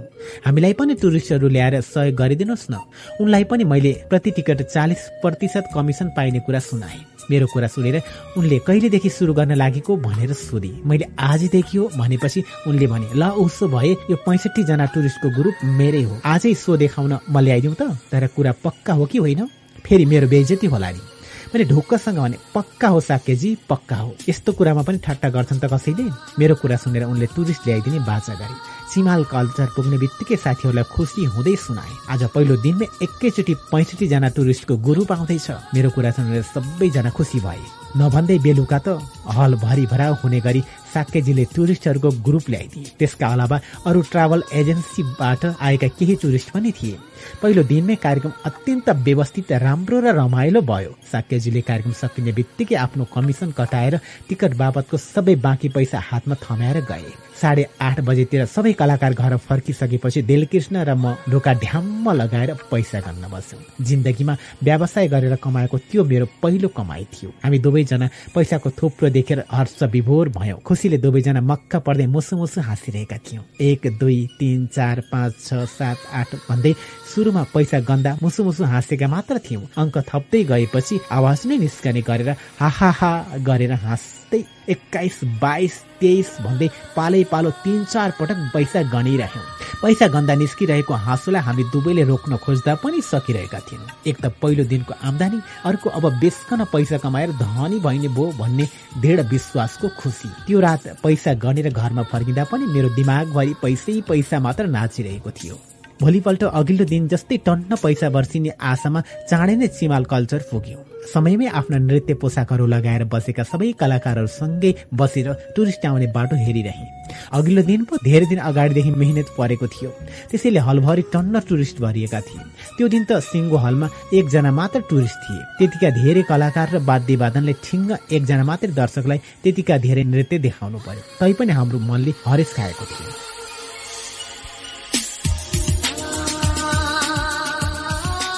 पहिलो दिनमा आएका दर्शकको भिडको बलले मन बलियो नै थियो। अर्को दिन त कसो टुरिस्ट नआउलान् र भनेर ढुक्क थियो। तर त्यसपछिको अर्को दिन पनि अघिल्लो दिन जस्तै एकजना मात्रै टुरिस्ट आए। फेरि अर्को दिन त कसो नआउलान् भनेर मन दह्रो बनाइयो। तर त्यो दिन त झन् एउटै टुरिस्ट आइपुगेन। ल त्यसपछि भने हामी नराम्रोसँग छटपटिन थाल्यौँ। ल भएन अब मेहनत गर्नु पर्यो त्यसपछि हामीले ट्राभल एजेन्सी होटेलका म्यानेजर होटेलका रिसेप्सनिस्टहरूलाई टुरिस्ट पठाइदिनका लागि गुहार्न थाल्यौँ। त्यसपछि भने कहिले आठ दसजना कहिले बाह्र तेह्रजना टुरिस्ट आउन थाल्यो तर त्यति थोरै टुरिस्टबाट आउने पैसाले हल भाडा समेत तिर्न पुग्दैन थियो। लौ भएन भनेर हामी फेरि ठाउँ ठाउँमा गुहार्न थाल्यौँ। तर यो काम सजिलो थिएन। कुनै कुनै होटेलका रिसेप्सनिस्ट त हामीले नमस्कार गर्दा समेत फर्काउनु पर्ला भनेर नदेखेको जस्तो गरी स्वाट अर्कोतिर मुन्टो फर्काउँथे। ट्राभल एजेन्सी कहाँ सहयोग माग्न जाँदा कुनै कुनै ट्राभल एजेन्सीका म्यानेजरहरू अनौठो प्रस्ताव राख्थे। कसैले त यतिसम्म कि हामी टुरिस्ट पठाएर सहयोग त गर्छौँ तर त्यसका लागि लाजिमपाटको मूल सडक स्थित मनास्टो होटेलसम्म पुग्ने बाटोमा धेरै खाल्डाखुल्डी छन् त्यसैले मूल सडकदेखि सो देखाउने हलसम्म पिच गर्नुहोस् र सडकका दायाँ बायाँ स्ट्रिट ल्याम्प फिट गर्नुहोस्। अनि बल्ल पठाउला टुरिस्टहरू किनभने हाम्रा टुरिस्टहरू केही गरी लडे भने के गर्ने? त्यस्ता प्रश्नको कुनै उत्तर हुँदैन थियो। दस हजार रुपियाँ उठाउन दसतिर धाउनु पर्ने अवस्थाका हामीले कहाँबाट त्यतिका ठुलो बाटो पिच गर्नु र स्ट्रिट ल्याम्प ठडाउनु? कर्णसाक्य होटेल व्यवसायमा जमेका र प्रतिष्ठित व्यक्ति हुनुहुन्थ्यो। चिमाल कल्चर सुरु गरेपछि पर्यटक खोज्दै जाने क्रममा उहाँको काठमाडौँ गेस्ट हाउसमा पनि पुगेका थियौँ। त्यही बेलादेखि सहयोगी भावनाका उहाँसँग चिनाजानी भएको थियो। त्यसैले एक दिन कर्ण दाईलाई बोलाएर दिलकृष्ण र मैले हाम्रो हल देखायौँ र कसरी गतिलोसँग चलाउने भनेर सुझाव सल्लाह माग्यौँ। हामीले उहाँलाई ट्राभल एजेन्सीका मान्छेले पिच गरेपछि मात्र टुरिस्ट पठाइदिन्छु भनेको कुरा पनि सुनायौँ। उहाँले भन्नुभयो हेर्नुहोस् मदन भाइ हेर्नुहोस् दिलकृष्ण भाइ तपाईँहरूले त्यो पिच गर्ने कुरा छाडिदिनुहोस्। यी महँगा महँगा बत्ती राखेर महँगा महँगा सामानले सजाएर धेरै खर्च पनि नगर्नुहोस्। त्यस्ता महँगा महँगा सामान पर्यटककै देशमा जति भने पनि छन् तिनीहरू आफ्नै देशमा भएको कुरा हेर्न नेपाल आउने होइनन्। उनीहरू त हाम्रो हिमाल हाम्रो कला संस्कृति र नेपाली मौलिक सरसामान हेर्न आउने हो कर्ण दाईले हामीलाई सम्झाउँदै भन्नुभयो त्यसैले खेर गएको फुटेको माटोका गाग्रीमा साना बत्ती फिट गरेर कोठा सजाउन सकिन्छ। हलभित्र महँगा महँगा कार्पेटको सट्टा नेवारी समुदायले भुइँमा बसेर भोज खाँदा ओछ्याउने भैँसुकु अर्थात् डेढ दुई फिट चौडा लामा परालका सुकुलहरू टुरिस्ट बस्ने मेचको अगाडि ओछ्याउनुहोस्। त्यो सस्तो मात्र होइन न्यानो राम्रो र कलात्मक पनि हुन्छ। फर्किने बेला उहाँले आफ्नो गेस्ट हाउसमा पुगेर गेस्ट हाउसमा आउने टुरिस्टहरूलाई चिमाल कल्चर पठाइदिने बाचा गर्नुभयो। त्यसपछि पनि हामीले अनेक ट्राभल एजेन्सी धाउने काम बढाउँदै गयौँ। एक दिन बसन्तपुर स्थित एभरेस्ट ट्राभलका सञ्चालक रविन्द्र श्रेष्ठ दाईलाई पनि भेट्यौँ। उहाँलाई सबैले पन्नादाई भनेर बोलाउँथ्यो। हाम्रो अनुरोध सुनेपछि उहाँले भन्नुभयो हेर भाइ बिजनेसमा बाबुले छोरालाई पनि आँखा चिम्लेर विश्वास गर्न सक्दैन। के काम गर्छ कस्तो काम गर्छ भनेर एकले अर्कालाई जाँचुज गरिएकै हुन्छ। त्यसैले तिमीहरूले टुरिस्ट पठाइदेऊ भन्दैमा मैले आँखा चिम्लेर टुरिस्ट पठाउन मिल्दैन। उहाँको कुरा खसरा भए पनि व्यवहारिक थिए। उहाँले हामीलाई सम्झाउँदै गतिलो सल्लाह दिँदै भन्नुभयो। तिमीहरूले एक दिन प्रत्येक ट्राभल एजेन्सीका टुर अफिसर म्यानेजर ठुला होटेलका रिसेप्सनिस्ट सबैलाई बोलाएर डिनर समेत खुवाएर आफ्नो कार्यक्रम कस्तो छ देखाऊ। आफ्नै आँखाले हेरेपछि ढुक्क भएर ती सबैले टुरिस्ट पठाइदिन्छन्। हामीले पन्न दाईबाट सल्लाह त राम्रै पायौँ। त्यति धेरै मान्छेलाई डिनर खुवाउने पैसा कहाँबाट ल्याउने? यसो गर्यो उसो गर्यो पैसाकै झटारो डिनर खुवाउने काम गरौँ कि नगरौँ भनेर सल्लाह लिन डेलकृष्ण भिनाजु हृदय दास कहाँ पुग्यो? हाम्रो सबै कुरा सुनेपछि उहाँले भन्नुभयो त्यतिका मान्छेलाई टन्न खुवाउन तिमीहरूले कहाँबाट पैसा जुटाउँछौ? कुरा सही थियो किनकि हामीसँग पैसा थिएन। भिनाजुले अनौठो जुक्ति सुनाउँदै भन्नुभयो बरु यसो गरौँ कार्यक्रम देखाउने दिन कुनै मोमो पसलैलाई बोलाएर हल बाहिर तातो तातो मोमो पकाउन लगाऊ। मोमोसँगै होममेड नेपाली रक्सी पनि राखौ। त्यो सस्तो पनि हुन्छ सो चलिरहेकै बेला बीचबीचमा सबैका हात हातमा रक्सी थाप्न माटोको प्याला सलिन्छ थमाइदेऊ एकजनालाई नेवारी भाँडा अन्तिबाट रक्सी बाँड्न लगाऊ। त्यसै गरी अर्कोले एकदमै मुख पोल्ने तातो तातो मम राखेको बाँटा अर्थात् मुख अगाडि अगाडि तेर्साउँदै बाँड्न लगाऊ। एक हातमा रक्सीको प्याला भएपछि अर्को हातले एउटा बाहेक मम लिन मिल्दैन। तातो मम हत्त न पत्त मुखमा राख्ने बित्तिकै कसैले अर्को मम लिन खोज्दैन। खोजिहालेमा पनि त्यति बेलासम्म मोमो बाँड्दै हिँड्ने मान्छे पनि पर पुगिसकेको हुन्छ। यसो गर्दा धेरै मोमो खुवाउनु पनि पर्दैन खुवाएको जस्तो पनि हुन्छ। तिमीहरूको कार्यक्रम त्यस्तै राम्रो छँदैछ। त्यसमाथि भिडभाडमा बसेर रक्सीको सुरमा कार्यक्रम हेरेपछि झनै मजा पनि लाग्छ। कि कसो? ठिक छैन त मेरो सल्लाह? यस्तो आइडिया बताएर भिनाजु आफै हाँस्नुभयो। उहाँ हाँसेपछि हामी पनि हाँसौँ पैसा नभएका बेला उहाँको यस्तो सुझाव हामीलाई एकदमै राम्रो लाग्यो। केही दिनभित्रै काठमाडौँका सबैजसो ट्राभल एजेन्सीका म्यानेजर टुर अफिसर ठुला होटेलका म्यानेजर र रिसेप्सनिस्टलाई बोलाएर भिनाजुले भने जस्तै गरेर कार्यक्रम देखायौँ। नभन्दै भोलिपल्टदेखि नै कार्यक्रम हेर्न आउने टुरिस्ट बढ्न थाले।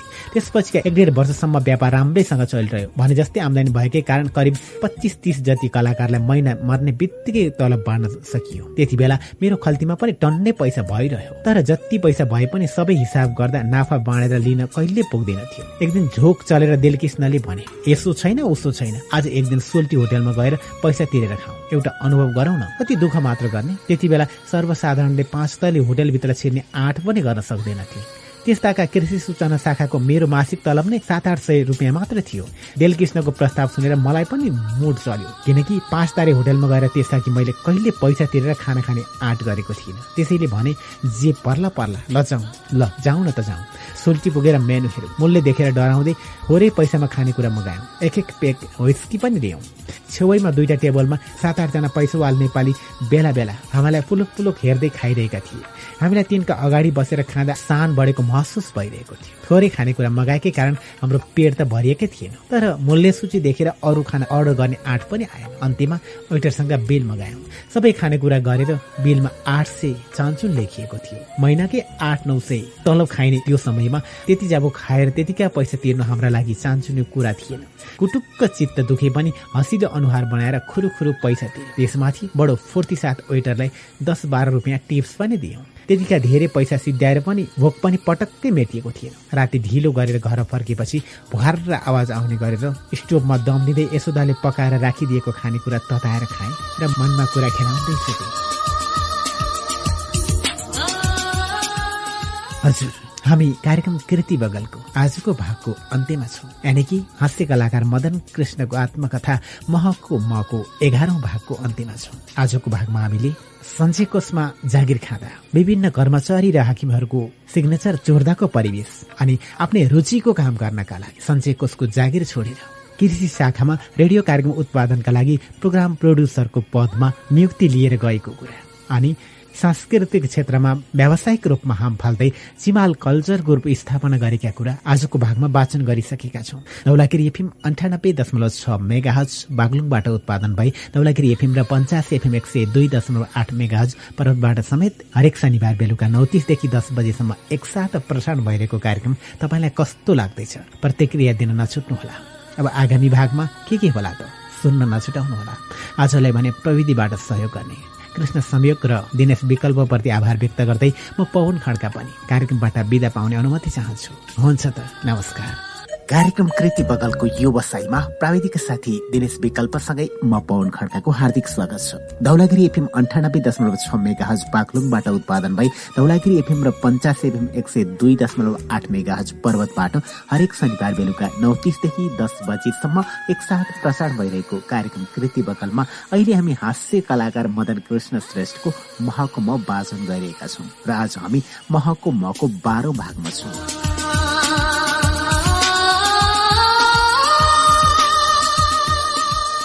आजसम्मका भागमा मदन कृष्ण श्रेष्ठको व्यक्तिगत जीवन र कला क्षेत्रमा प्रवेश गर्दाका रमाइला रमाइला यादकारक घटनाहरू वाचन गर्न पाएका छौँ जसले हाम्रो मनस्थिति र हाम्रो मानसपटलमा पनि नयाँ ऊर्जा थप गरेको छ र मदन कृष्णका बारेमा पनि जानकारी प्राप्त भएको छ।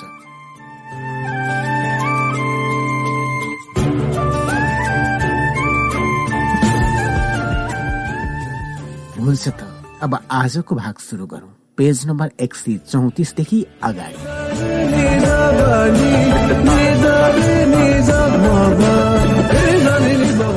सूचना शाखाका रमाइला कुरा।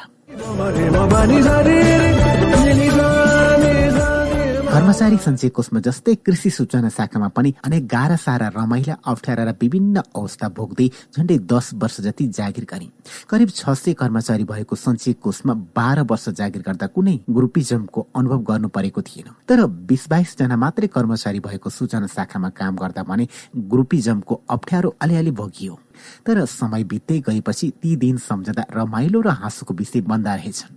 यस्तो कुरूपिजम अक्सर कार्यालयका कर्मचारीहरूले धेरथोर भोगेकै हुन्छन्। तर कृषि सूचना शाखाका पिएनदेखि हाकिमसम्मका सबै कर्मचारी मिलनसार र सहयोगी स्वभावका नै थिए।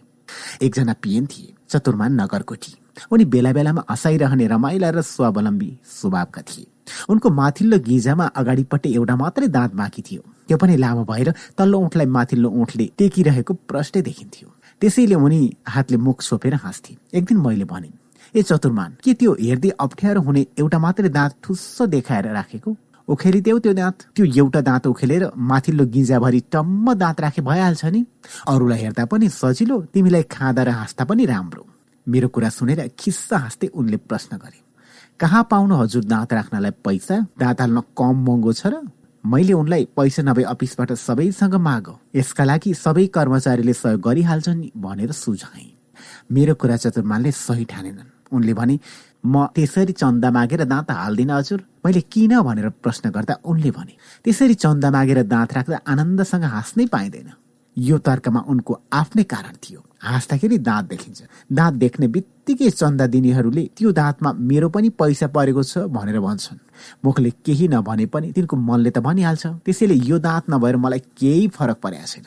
खालि हाँस्दा अलि अप्ठ्यारो पर्ने हो। त्यसका लागि बाँचुन्जेल हातले मुख छोपेर हाँस्छु। मर्ने बेला एउटा दाँत छ। ज जसले हेर्न मन लाग्छ हेर भनेर ख्यास दाँत देखाएर मरिदिन्छु। आफूलाई के मतलब? यति भनेर उनी मजाले हाँसे। उनको तर्क सुनेर मलाई पनि हाँसो उठ्यो।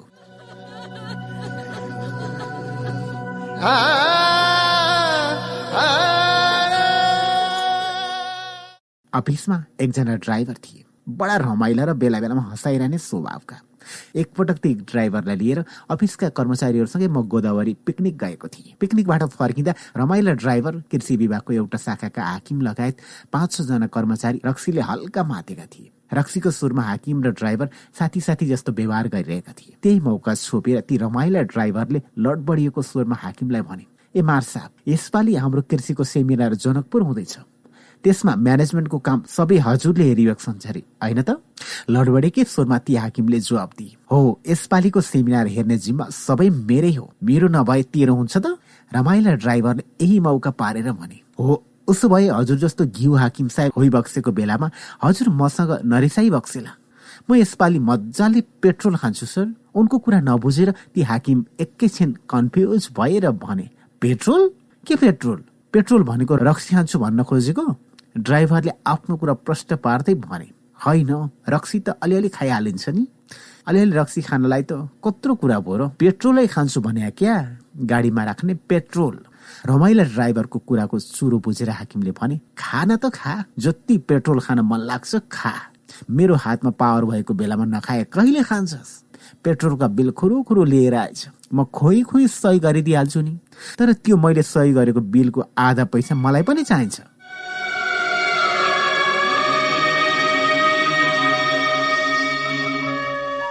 मलाई सञ्जय कसको जागिर छुटाएर कृषि सूचना शाखामा तानेर लैजाने साथी नवीन चित्रकार बेग्लै स्वभावका मान्छे थिए।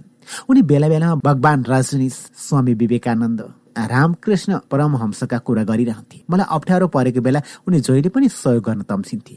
बा बितेपछि क्रिया बसेका बेला उनी फेदिकै घरसम्म आएर मलाई खर्च छ कि छैन भनेर सोधेका थिए। मैले नमागिकनै त्यति बेला उनले पाँच सय रुपियाँ सापटी दिएको म सधैँ सम्झिरहन्छु। रेकर्डिस्ट भएका कारण उनी नयाँ नयाँ टेक्नोलोजीका विषयमा कुरा गर्न रुचाउँथे। उनी राम्रो फोटो खिच्न पनि सिपालु थिए। एक दिन महाबौद्ध स्थित घरमा नवीन बिहेको निम्तो कार्ड हेर्दै रिसाइरहेका थिए। मैले के भो कोसित रिसाएको? भनेर सोद्धा उनले रिसाउनुको कारण बताए। एउटा मान्छेले बिहेको भोज खान उनलाई निम्तो कार्ड पठाएको रहेछ। कार्डको एक छेउमा रातो अक्षरले कम विथ क्यामेरा लेखिएको रहेछ। त्यही देखेर नवीन रिसाएका रहेछन्। उनले रिसाएको स्वरमा भने फोटो खिच्ने त मेरो पेसा हो नि। त्यो मान्छेले मलाई भोज खान बोलाएकै होइन? भोज खुवाउन बोलाएको जस्तो पारेर फोटो खिचाउन खोजेको रहेछ। त्यस कहाँ म किन जानु? जाँदै जानु। नवीनको त्यो रिस म बेला बेला सम्झिरहन्छु। हरिवंश र मलाई पनि कसै कसैले बेला बेला प्रमुख अतिथि बनिदिनु पर्यो भन्दै बोलाउँछन्। तर उनीहरूको दाउ कार्यक्रममा हामीलाई सानोतिनो प्रस्तुति देखाउन बाध्य गराउनु हो। यस्तो बेला म कम क्यामेरा भनेको सम्झन्छु। कृषि सूचना शाखाका अधिकृतहरू चिरञ्जीवी कर्माचार्य बाला प्रसाद शर्मा र चन्द्रकुमार भट्टराई सबै मिलनसार र सहयोगी स्वभावका थिए। तीमध्ये चन्द्रकुमार झनै रसिक स्वभावका थिए। कृषि सूचना शाखाका प्रमुख किरणमणि दीक्षितलाई सबैजसो कर्मचारी बोस भनेर सम्बोधन गर्थे। उहाँ कहिले बाघ जस्तो गमक्क परेर बस्नुहुन्थ्यो त कहिले साथीभाइ जस्तो गरेर सबैसँग घोलमेल हुँदै ठट्टा गर्नुहुन्थ्यो। त्यस्तो बेला हामीले गरेको ठट्टा अलिक बढी भयो जस्तो भयो कि? तिमीहरूले मलाई अलिक बढी नै हेप्न थाल्यो। अब म तिमीहरूलाई हप्ताको दुई पटक छड्के लिन्छु भन्दै तर्साउनुहुन्थ्यो। हामी पनि हप्ता पत्ता कुन कुन दिन छड्के लिनुहुन्छ बोस भनेर सोध्थ्यो त्यसपछि उहाँ मुसुक्क हाँस्नुहुन्थ्यो।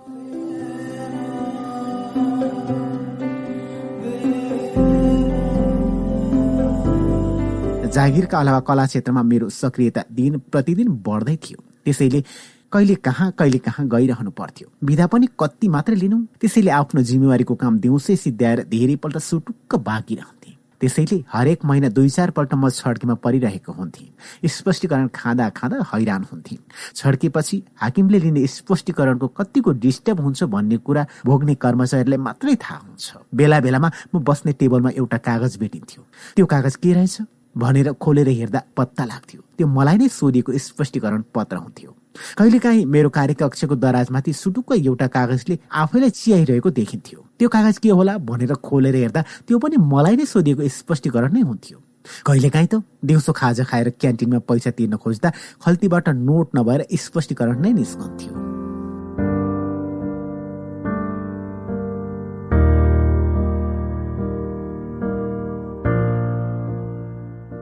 दुई हजार छब्बिस सालतिरको कुरा हो। त्यति बेला अफिसबाट बेला बेला फुत्त भाग्नुका मेरा उद्देश्य अनेक हुन्थे। त्यति बेला श्रीपाँचको सरकारले देशमा बहुदलीय व्यवस्था लागू गर्ने कि सुधारिएको पञ्चायती व्यवस्था लागू गर्ने भनेर जनमत संग्रह गराउने तयारी थाल्दै थियो। म देशमा बहुदलीय व्यवस्था नै लागू गर्नुपर्छ भन्ने पक्षमा थिएँ। त्यसलाई बल पुर्याउन म अनेक किसिमका राजनीतिक व्यङ्ग्य समेटिएका कार्टुन बनाउँथे। त्यस्ता कार्टुन बनाउन आर्ट डिजाइनर समेत रहेका सहकर्मी साथी मंगल नारायण जोशीसँग ठूला आकारका आर्ट पेपर लिन्थे। नजिकका साथीभाइले मैले कोरेका कार्टुनहरू मध्यरातको एघार बाह्र बजीतिर महाबौद्ध गणेश मन्दिर अगाडिको घरका भित्तामा टाँसिदिन्थे। भोलिपल्ट बिहान महाबौद्ध घर भएका सहकर्मी साथी नवीन चित्रकारको घरको झ्यालबाट हेर्दा टन्नै मान्छे मैले बनाएका कार्टुन हेरेर हाँसिरहेका देखिन्थे। मैले कोरेका कार्टुनमा लेखिएका संवाद पढ्दै बटुवाहरू हाँस्दै आफ्नो बाटो लागेको दृश्य लुकी लुकी हेर्दै खुबै आनन्द आउँथ्यो। एक दिन मंगल नारायणको कार्यकक्षमा अन्य तीन चारजना साथीसँगै बसेर बौद्धले व्यवस्था रोजौं भन्ने नारासहितको कार्टुन कोरिरहेको थिए। एक सुरले न्युरीमुन्टी लगाएका कारण मैले मेरो पछि को को उभिएको छ भनेर ख्यालै गरिन। एकैछिनमा यसो टाउको उठाएर हेर्दा मेरो पछाडि बोस र विभागका अन्य हाकिम मैले कार्टुन बनाएको चुपचाप उभिएर हेरिरहेका रहेछन्। म झसङ्गै भएँ। त्यसको एक घण्टापछि मेरो कार्यकक्षमा अर्को स्पष्टीकरण पत्र आइपुग्यो। त्यसमा लेखिएको थियो। कार्यालय समयमा कार्यालयमै बसेर कार्यालयकै कागज दुरुपयोग गरेर व्यवस्था विरोधी काम गरेकोमा तपाईँलाई कारवाही किन नगर्ने? चौबिस घण्टाभित्र जवाब दिनुहोला। अघिल्ला स्पष्टीकरण पत्र भन्दा यसको भाषा एकदमै कडा र डरलाग्दो थियो। अब के जवाब दिने? अब के बहाना खोज्ने? मसँग कुनै उपाय नै थिएन। त्यसमाथि मेरो काम अफिसकै हाकिमहरूले प्रत्यक्ष देखेका थिए। त्यो साँझ लुरुक्क परेर घर गएँ। एकपल्टलाई गल्ती भयो। माफी पाऊ। अब आइन्दा यस्तो काम गर्दिन भनेर जवाब लेखेर दिउँला। अनि पछि आफूले जे गर्नुपर्छ गर्दै गरौँला भन्ने सोचेर आनन्दले सुतेँ। भोलिपल्ट अफिस पुगेर त्यसरी नै माफी पाऊ भन्ने बेहोराको जवाफ लेखेर बुझाएँ। त्यसरी जवाफ लेखेका कारण हाकिमहरूलाई पनि खासै अप्ठ्यारो परेन। मलाई पनि हल्का भयो। म जसरी खुल्न नसके पनि खासमा ती हाकिम बौद्धले व्यवस्थाका पक्षधर नै थिए। मैले कार्टुन बनाएको एकजनाले मात्रै देखेको भए नदेखेको जस्तो गरी जान सक्थे। तर एकैचोटि तिन चारजनाले प्रत्यक्ष देखेको हुनाले मलाई कारवाही नगरी नहुने व्यवस्था निम्तिएको थियो।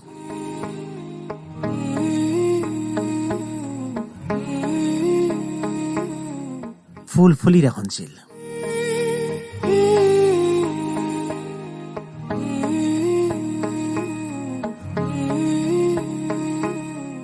दिनभर पुल्चोक स्थित कृषि सूचना शाखामा काम गर्यो। अफिस छुट्ने बित्तिकै लाजिमपाट स्थित चिमाल कल्चरमा दगुर्दै पुग्यो। राति आठ बजेसम्म विदेशी पर्यटकलाई सांस्कृतिक कार्यक्रम देखायो उफ्रियो नाच्यो गायो। फुर्सदका बेला ठाउँ ठाउँमा टिकटको पैसा उठाउन गयो। त्यसरी जम्मा भएको पैसा हिसाब गर्यो। कलाकारहरूलाई तलब बाँड्यो डेढ दुई वर्ष यसै गरी चलिरह्यो। बिस्तारै बिस्तारै फेरि पर्यटक घट्न थाले। आमदानी घटेपछि तिन चार महिनासम्म हल भाडा तिर्न सकेनौँ। एक दिन काठमाडौँ ट्राभलबाट एकैचोटि जना र शङ्कर ट्राभल एन्ड टुर्सबाट बिसजना हलै भरिने गरी एकैपल्ट आउने भए। देलकृष्ण र म दगुरा दगुर गरेर चिमाल कल्चर ग्रुपको हलमा पुग्यौँ। हलमा पुगेर हेर्दा मूल ढोकामा हामीले अघिल्लो दिन लगाइराखेको तालचामाथि अर्को तालचा खप्टिएर झुन्डिरहेको देख्यौँ। कारण बुझ्दा थाहा भयो। तिन चार महिनादेखि हल भाडा तिर्न बाँकी रहेका कारण उक्त भाडा चुक्त गर्न नसकेसम्म तालचा नखोल्ने भन्दै बेलकृष्ण बिनाजु हृदयदासले आफै आएर तालचा मारिदिनु भएको रहेछ। बेलकृष्ण र म हतार हतार भिनाजुलाई होटेलमा भेट्न पुग्यौँ। कैयौँ ठाउँबाट टिकट बाबतको पैसा उठाउन गाह्रो भइरहेकाले भाडा तिर्न नसकिएको हो। तर आज आउने ठुलो ग्रुपको पैसा उठाएर एक हप्ताभित्र तिर्छौँ। आजलाई तालचा खोलिदिनुहोस् भनेर धेरै अनुरोध गर्यौँ। तर उहाँले मुन्टु फर्काएर हाम्रो अनुरोध वास्तै गर्नु भएन। बरु ठुस्स पर्दै भन्नुभयो तिमीहरूलाई मैले धेरै सहयोग र सुविधा दिएँ। त्यसैले तिमीहरू मात थियो मेरो भाडा तिर तुरन्त तालचा खोलिदिन्छु। नत्र जेसुकै गर मलाई मतलब छैन। यति भनेर उहाँ जुरुक्क उठेर बाहिर निस्कनु भयो हिरा आफत टुरिस्टहरूको ग्रुप आउने बेला हुनै आँटिसकेको थियो। हामी दुई छटपटिन थाल्यौँ। के गर्ने? कसो गर्ने? दिमागले केही काम गरिरहेको थिएन। दिक्क भएर संसारदेखि नै विरक्त हुँदै देलकृष्णले लामो श्वास तानेर खुइङ्ग गर्दै भने हेर मदन कृष्ण यो संसारमा लोग्ने छोरा छोरी नातेदार इष्टमित्र जो जतिसुकै भए पनि आफ्नो लागि आफै एकजना बाहेक कोही हुँदो रहेनछ। बुझ्यौ? दिलकृष्णले यति भनेर नराम्रोसँग चित्त दुखाए। त्यति नै बेला एकजना अबको दस मिनटमा टुरिस्टहरूको ग्रुप आइपुग्दैछ। उताबाट अघि नै हिँडिसक्यो रे भनेर दगुर्दै खबर सुनाउन आयो। अब के गर्ने? जे पर्ला पर्ला तालचा फोडिदिउँ। पछि कुरा गर्दै गरौँला भनेर तालचा फोड्नलाई मार्तोल पेजिस हथौडा लिएर गयो। फोड्नलाई तालचा समातेर तान्दा त्यो तालचा त फुसुक्क पो खोलियो। त्यसपछि पो थाहा भयो वास्तवमा तालचा लगाइएकै रहेनछ तर्साउन मात्रै हामीलाई लगाइएको तालचामाथि अर्को तालचा त्यसै सिउरिएर मात्र राखिएको रहेछ। कृष्णले त्यति धेरै चित्त दुखाएर हेर मदन कृष्ण यो संसारमा आफ्नो लागि आफै एकजना बाहेक कोही हुँदो रहेनछ भनेको त खेरै गयो। मेरो मनमा पनि लागिरहेको थियो। दिलकृष्णका आफ्नै भिनाजु भएर पनि हामी कहाँ त्यति धेरै टुरिस्ट आउने थाहा हुँदा हुँदै तालचामाथि तालचा ठोकेर उहाँले भाडा त माग्नु नपर्ने थियो। किनभने हृदयदासजी दिलकृष्णका भिनाजु मात्र होइन अभिभावक पनि हुनुहुन्थ्यो। जे होस् तालचा खोलेपछि हामीलाई आनन्द भयो। एकैछिनमा टुरिस्ट आइपुगे। सदाझै कार्यक्रम देखाइयो। त्यसको केही दिनपछि नै हामीले हल भाडा चुक्ता गर्यौं। तर साथी दिलकृष्णले हेर मदन कृष्ण यो संसारमा आफ्नो लागि आफै एकजना बाहेक कोही हुँदो रहेनछ भनेर बोलेको शब्द मेरो मनमा धेरै पछिसम्म पनि गढिरह्यो। एक दिन त्यही शब्दलाई आधार बनाएर मैले एउटा गीत पनि लेखेँ। सबैलाई हाँसो बाढी दुनियाँ आफ्नो बनाऊ भन्थे धेरै साथीले। आफ्नो लागि आफै बाहेक कोही हुन भन्थ्यो तर एउटा साथीले ईश्वरप्रति आस्था राख दुःखको दिन टर्छ भन्थे। धेरै साथीले दुखी रुँदा दैवले नि नबुझे चाहिँ गर्छ भन्थ्यो एउटा साथीले। धन भए जो पनि साथी बन्छ भन्थे मलाई धेरै साथीले। मन मिल्ने साथी पाउन ठूलो भाग्य चाहिन्छ भन्थ्यो एउटा साथीले। भिरबाट मल्लड्दा एक दिन सहानुभूति दर्शाएथे धेरै साथीले। आँखाभरि आँसु पारी उठाउन आयो केवल एउटै साथीले।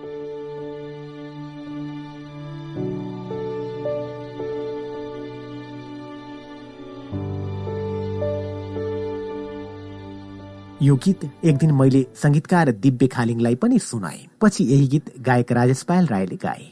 म जस्तै दिलकृष्ण पनि सञ्चयकोषको जागिरमै दिनभर व्यस्त रहन्थे। त्यसैले चिमाल कल्चर ग्रुपका लागि गर्नुपर्ने दौडधुप पर्याप्त भइरहेको थिएन। केही बढी समय दिएर खट्न सके संस्था राम्रो चल्छ भन्ने आत्मविश्वास हामी दुवैमा थियो। त्यसैले दुईजना लगानी साझेदार थप्नु पर्यो कि भनेर हामीले छलफल गर्यौं। त्यही अनुसार हामीले हाम्रा पुराना हितैषी मित्रहरू विशाल राणा र गोवर्धन श्रेष्ठलाई यो प्रस्ताव गर्यौं। मभन्दा अघि नै सञ्चयकोष छाडेका गोवर्धन केही वर्ष नेपाल राष्ट्र ब्याङ्कमा काम गरिगरी नेपाल प्रहरीमा छिरेर डिएसपी भइसकेका थिए। बेला बेला विशाल र गोवर्धनसँग हाम्रो मनास्लु होटेलमा भेटघाट भइरहन्थ्यो। त्यसैले उनीहरू दुवैलाई सिमालको गतिविधिबारे राम्रो जानकारी थियो। हाम्रो प्रस्ताव अनुसार उनीहरू दस दस हजार रुपियाँ हाल्न तयार भए। यसरी सिमाल कल्चर चारजनाको व्यापारिक साझेदारीमा चल्न थाल्यो। सधैँ एकै प्रकारका नृत्यहरू देखाउँदा सिमाल कल्चरमा कुनै नवीनता नै नभएको जस्तो लागिरहेको थियो। नयाँ नयाँ सङ्गीत र नयाँ नयाँ नृत्य कम्पोज गर्न पाए अझै राम्रो हुन्थ्यो भन्ने सोचिरहेका पनि थियौँ। त्यस्ताका कान्छो बुद्ध वज्राचार्य अत्यन्त राम्रो नृत्य निर्देशक र सङ्गीतकारमा गनिनुहुन्थ्यो। उहाँले रचना गरेका उत्कृष्ट बुद्ध भजन स्वयम्भूस्थित ज्ञानमाला भजन मण्डलमा दिनहु जसो गाइन्थे। नेपालका वज्राचार्य समुदायको गोप्य पूजामा मात्र प्रस्तुत गरिने शास्त्रीय चोरिया नृत्यलाई खुला रूपमै दर्शक सामु ल्याउने दुईजना मध्ये कान्छो बाबु एक हुनुहुन्थ्यो। चर्या नृत्य अन्तर्गत कुमारी नृत्य वज्रयोगिनी नृत्य मञ्जुश्री नृत्य जस्ता कैयौँ गोप्य नृत्यलाई सर्वसाधारण माझ प्रस्तुत गर्ने कामको श्रेय सप्तमुनि वज्राचार्य र कान्छा बुद्धलाई नै जान्छ। कान्छा बुद्ध नेपाल प्रज्ञा प्रतिष्ठानमा वरिष्ठ नृत्य निर्देशकका रूपमा पनि कार्यरत हुनुहुन्थ्यो। उल्चोक स्थित नेपाल इन्जिनियरिङ क्याम्पसमा प्राध्यापक रहेका उहाँका कान्छा सुपुत्र रिद्धि बहादुर पनि अत्यन्त राम्रो नृत्य कलाकार पनि थिए। उनले महसञ्चारले बनाएको लालपूर्जा नामक टेलिफिल्ममा महादेवको भूमिका निभाएका थिए। कान्छा बुद्धका छोरालाई नै सिमाल कल्चरमा साझेदारीको रूपमा जोड्न पाए नयाँ नयाँ प्रस्तुति गर्न सकिन्थ्यो भन्ने दिलकृष्ण र मलाई लागिरहेको थियो। यही हिसाबले उनीहरू दुवैसँग कुरा अघि बढायौं। तर यसरी छ छजना साझेदार हुँदा खासै फाइदा नहुने हुनाले आफ्नो रकम फिर्ता लिएर विशाल र गोवर्धन पछि हटिदिए। त्यस लगतै कान्छा बुद्धका बाबु छोरा साझेदारीका रूपमा सिमाल भित्रिए। उनीहरूको संलग्नतापछि चिमाल कल्चरमा अन्य विभिन्न नयाँ नृत्यका साथमा सवा भक्कुलाई राँगा बलिदिने जस्ता क्लासिकल टाइपका नृत्यहरू कम्पोज गरेर पनि देखाउन थालियो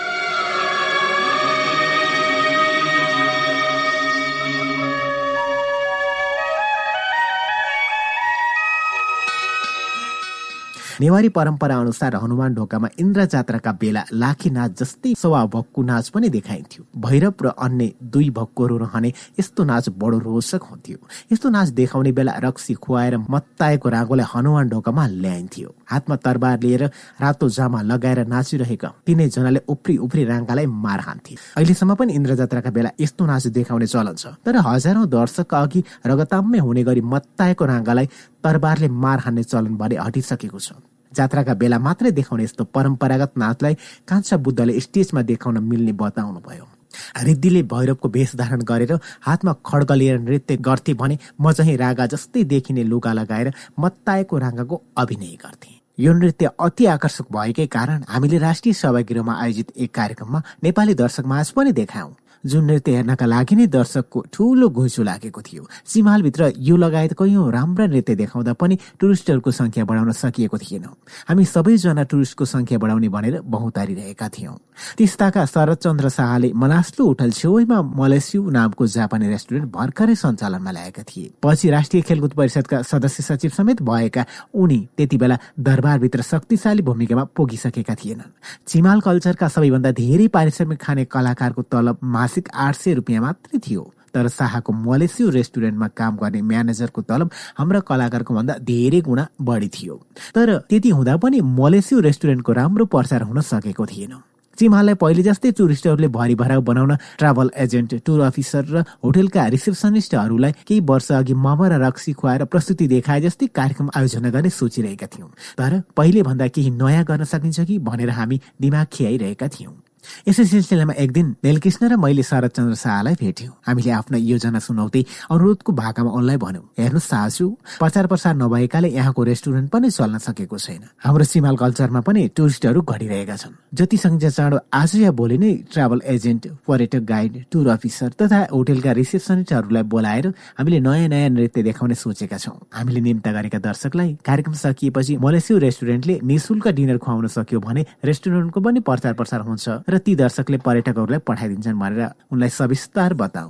हाम्रो प्रस्ताव सुन्ने बित्तिकै उनले ओहो क्या गजबको मार्केटिङ प्लान लिएर आउनुभयो? त्यतिका मान्छेलाई खाना खुवाउन तपाईँहरूलाई झन्झट? त्यतिका कलाकार जम्मा गरेर सांस्कृतिक कार्यक्रम देखाउन मलाई झन्झट? दुवै पक्षलाई सजिलो हुने कायदा। थ्याङ्क्स यू थ्याङ्क्स यू भनेर खुसीले उनी नाच्न थाले। हाम्रो निर्णय अनुसार केही दिनमै सबैलाई निम्ता गरेर चिमालमा भव्य कार्यक्रम देखाइयो। कार्यक्रम लगत्तै सबैजनाले छेउको मोलेसु रेस्टुरेन्टमा जापानी खाना खाए। त्यसको भोलिपल्टदेखि चिमालमा सांस्कृतिक कार्यक्रम हेरिसकेपछि मलेसियामा खाना खान जाने पर्यटकको संख्या बढ्न थाल्यो। अनेक सुख दुःख गरेर हामीले चिमाल चलाइरहेका थियौँ। यही बीचमा साथी दिलकृष्णले अमेरिका जाने अवसर पाए। चिमालमा रहेको आफ्नो हिस्सेदारी भाइ निर्मललाई जिम्मा लगाएर उनी अमेरिका उडे। त्यसपछि मलाई चिमालमा बसिरहन मन लागेन। केही महिनापछि नै कान्छा बुद्धका बाबु छोरा र म त्यहाँबाट अलग्यौं निर्मल एक्लैले चिमाल चलाउने जिम्मेवारी सम्हाले। अमेरिका पुगेका दिलकृष्ण एकैचोटि झण्डै आठ वर्षपछि मात्रै नेपाल फर्किए। भेटेका बेला हामीले पुराना कुरा साटासाट गर्यौं आफ्नो प्रगति र सुख दुःखका कुरा गर्यौं त्यति बेलासम्म म कला क्षेत्रमा सबैले चिनिने गरी अघि बढिसकेको थिएँ। कला क्षेत्रकै उपार्जनबाट मैले धोबीधारामा जग्गा किनेर घर बनाइ बस्न थालिसकेको थिएँ। मेरो सबै प्रगति सुनेर उनी औधी खुसी भए उनले अमेरिकामा आफूले गरेका सङ्घर्षका कथा सुनाए। केही दिनको छुट्टीमा नेपाल आएका दिलकृष्णलाई विदाई गर्न म त्रिभुवन अन्तर्राष्ट्रिय विमानस्थलमै पुगेँ। विदाईको क्रममा हात मिलाउँदै दिलकृष्णले मलाई हेर्दै भने लौ मदन कृष्ण म अमेरिकाबाट धेरै वर्षपछि आउँदा तिमीले प्रशस्त नाम दाम कमाएको प्रगति गरेको देख्दा साह्रै खुसी लाग्यो। आज म फेरि अमेरिका फर्कँदैछु। आज जाने बेलामा अरू के भनौँ? जियोस् एउटा कुरा याद गरिराख्नु। कलाकार भनेको फुलिरहेको फुल हो। फुलिरहन्जेल फुललाई मानिसले फुलदानीमा राखौँ कि कोटमा सिउर्यौँ कि कानमा सिउर्यौँ कि टाउकोमा सिउर्यौँ कि? देवतालाई चढाउँ कि हातमा राखौँ कि झै गर्छन्? तर फुल सधैँ एकै नासले फुलिरहँदैन। एक दिन ओइलिएर झर्नुपर्छ। जब त्यो फुल ओइलाउँछ सबैले त्यही फुललाई कोल्चेर हिँड्छन्। यति भनेर दिलकृष्ण अमेरिकातिर उडे। तर उनले भनेका यी गहकिला कुरा सुनेर मेरो मनमा कहिले नबिर्सिने गरी रहिरहे रहिरहे।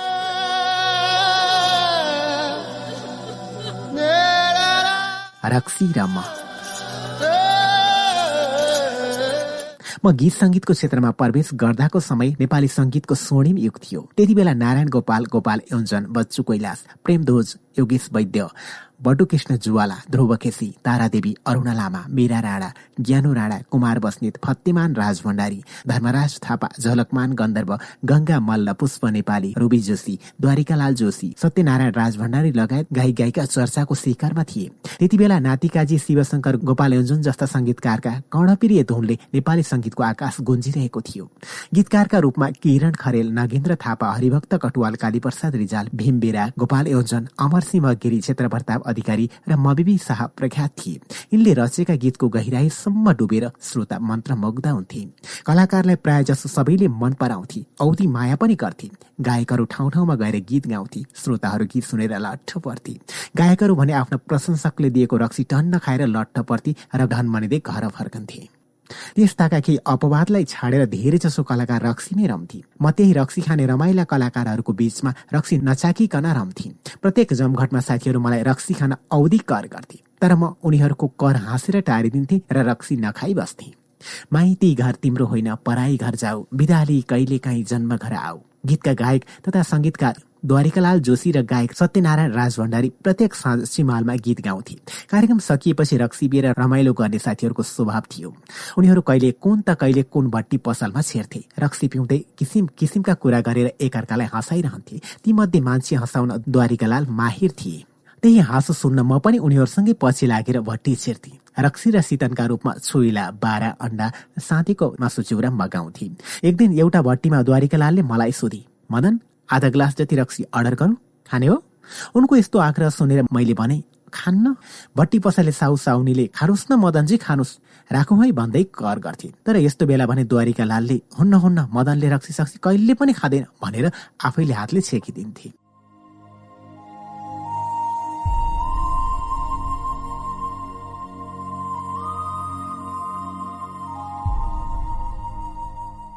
फेरि अर्को दिन उसै गरी भट्टी पसलमा गइन्थ्यो। सधैँ चाहिँ रक्सी र सितन मगाइन्थ्यो। उनीहरू मलाई हँसाउँदै हँसाउँदै रक्सी र सितन खान्थे। म चाहिँ सितन मात्र खाएर उनीहरूको कुरा सुनेर बसिरहन्थे रक्सी मगाउँदा मैले रक्सी खाँदैन भन्ने थाहा हुँदा हुँदै पनि मदन आधा ग्लास जति रक्सी खाने हो मगाऊ भनेर सोध्थे म सधैँ चाहिँ खान्न भनेर टकटकिन्थेँ साहु या साहुनीले आज एक दिन त खानुहोस् न भन्दै कर गर्थे। सधैँ चाहिँ द्वारिका लालले हुँदैन हुँदैन मदन रक्सी सक्सी कहिले खाँदैन भनेर आफै रोकिदिन्थे। त्यस्ता भट्टीमा कहिले नारायण गोपालसँग भेट हुन्थ्यो कहिले सङ्गीतकार हुतराज शर्मासँग। कहिले रेडियो नेपालका गायक तथा उद्घोषकहरू त कहिले राष्ट्रिय नाचघरका विभिन्न कलाकारसँग भेट हुन्थ्यो। यी सबै भेट एक से एक रमाइला थिए एक दिन घर र अफिस कतै बस्दा पनि म शान्त हुन सकिरहेको थिइनँ। अनेक घरायसी झमेलाले म दिक्क भइसकेको थिएँ। साँझ श्रीमाल कल्चरको कार्यक्रम सकेपछि साथीहरूसँग भट्टीमा गएका बेला अघिल्ला दिन जस्तै मदन अलिकति खाने हो। मगाऊ भनेर कसैले सोधे भने हुन्छ भनिदिन्छु भने झोक चलिरहेको थियो। सधैँ चाहिँ बेलुका सिमाल कल्चरको काम सकेर साथीभाइसँग भट्टी बसे। भट्टी पसलमा द्वारिकालाल र रेडियो नेपालका उद्घोषक रहेका उनका दाजु भैरवलाल जोशी पनि थिए। सधैँ चाहिँ द्वारिकालाले मदन अलिकति लिने कि? मगाऊ भनेर सोधे। मैले तुरन्तै हुन्छ भनेर टाउको के हल्लाएको थिएँ। भट्टीभित्र सुकुलमा रक्सी पिउँदै बसिरहेका छ सातजना एकैचोटि खुसी भए। उनीहरूले एकै स्वर भने ए ए ओ ओ त्यो त्यो ऊ ऊ मदन कृष्ण मदन कृष्णलाई दिनुहोस् त एक पेक दिनुहोस् त अलि राम्रो चाहिँ दिनु है टाउको साउको नदुख्ने चाहिँ दिनु। सबैले स्वर मिलाएर यति भनेपछि साउनीले सिसाको गिलासमा लोकल रक्सी ल्याएर मेरो अघिल्तिर राखिदिन् मैले पनि दायाँ बायाँ केही नसोची लौ जा त। भनेर स्वाट्ट आधा गिलास रक्सी घुट्काइदिएँ एकैछिनमा मलाई झुम्म भयो। दिमाग घुमे जस्तो आँखा अघिको दृश्य धमिलो जस्तो भयो। अलिअलि रमाइलो जस्तो पनि भयो। कुरा गर्दा स्वर पनि अलिअलि ठुलो ठुलो भयो। जिन्दगीमा पहिलोपल्ट भट्टीबाट रक्सी खाएर मध्यरातमा घर फर्किए। भोलिपल्ट सधैँ चाहिँ सञ्चय कोष अफिस पुगे। अफिसको मोल ढोकामै संगीतकार होतराज शर्मासँग भेट भयो। उनलाई देख्ने बित्तिकै कैयौं पटक भट्टीमा भेट भएका बेला उनले अरूले जस्तै मलाई रक्सी खान कर गरेको कुरा सम्झे। त्यही भएर उनले ओहो के छ मदन कृष्ण अफिस आएको भनेर सोध्ने बित्तिकै मैले भने होतराज बाजे मैले त हिजो रक्सी खाइदिएँ नि यो कुरा सुनेर उनले आश्चर्य मान्दै भने हो र? ओहो तिमीले खायौ? ल अब भने बल्ल तिमी कलाकार भयो। नेपालमा रक्सी नखाएसम्म कलाकारमा गनिँदैन बुझ्यौ? उनको कुरा सुनेर मलाई एकदमै हाँसो उठ्यो। नेपालमा रक्सी खाएपछि मात्र कलाकार भइन्छ अरे जबकि त्यही रक्सीले थुप्रै राम्रा राम्रा कलाकारहरूलाई बगाएर लग्यो। रक्सीकै कारण मेरा थुप्रै समकालीन कलाकार साथीको अल्पायमै मृत्यु भयो। तर म भने होसको हाँगा समातेर बसिरहेका कारण रक्सीले बगाउनबाट जोगिए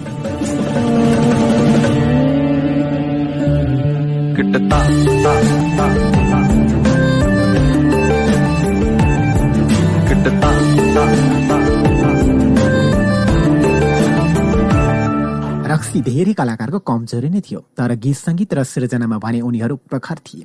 कैयौं कलाकार भेट्दा उनीहरूको शरीरबाट ठुस्स रक्सी गनाउँथ्यो। सञ्चयकोषको जागिर बदलेर म कृषि सूचना शाखामा पुगिसकेको बेलाको कुरा हो। एक दिन कृषि कार्यक्रम रेकर्ड गर्न म आफूले तयार पारेको स्क्रिप्ट लिएर रेकर्डिङ स्टुडियोभित्र छिर्दै थिएँ।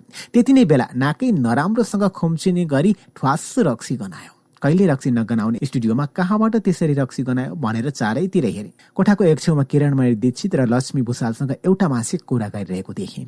अलिक तिल चामलले छिर्कीमिर्के कपाल ठुल्ठुला आँखा हेर्दै रिस उठ्दो जिङ्रिङ्ग परेको मान्छे बिहानैदेखि रक्सी खाएर स्टुडियोमा बसिरहेको देखेर मलाई मनमा नै रिस उठ्यो। दिक्क मारेर त्यो मान्छेलाई आँखा तरेर हेरे। त्यो मान्छेले पनि मलाई को को नचिनेको मान्छेलाई झैँ गरेर हेऱ्यो। धत कस्तो मान्छे रहेछ। त्यसरी बिहानैदेखि रक्सी खाएर सरकारी अफिसमा आउने हो। अलिकति पनि अप्ठ्यारो लाग्दैन भनेर मनमा नै गाली गरे। तर त्यसरी रिस उठ्दो लागिरहेको र परैबाट गनाउने मान्छेसँग किरण मणिले गन्धको केही मतलबै नगरी आनन्दसँग कुरा गरिरहेको देखेर मलाई अचम्म लाग्यो।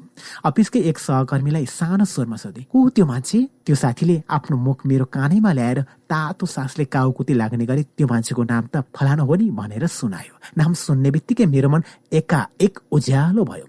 त्यो मान्छेलाई हेर्ने मेरो नजरै एकैछिनमा फरक भयो। एकछिन अघिसम्म ठस्स गणाइरहेको रक्सीको गन्ध कता हरायो हरायो।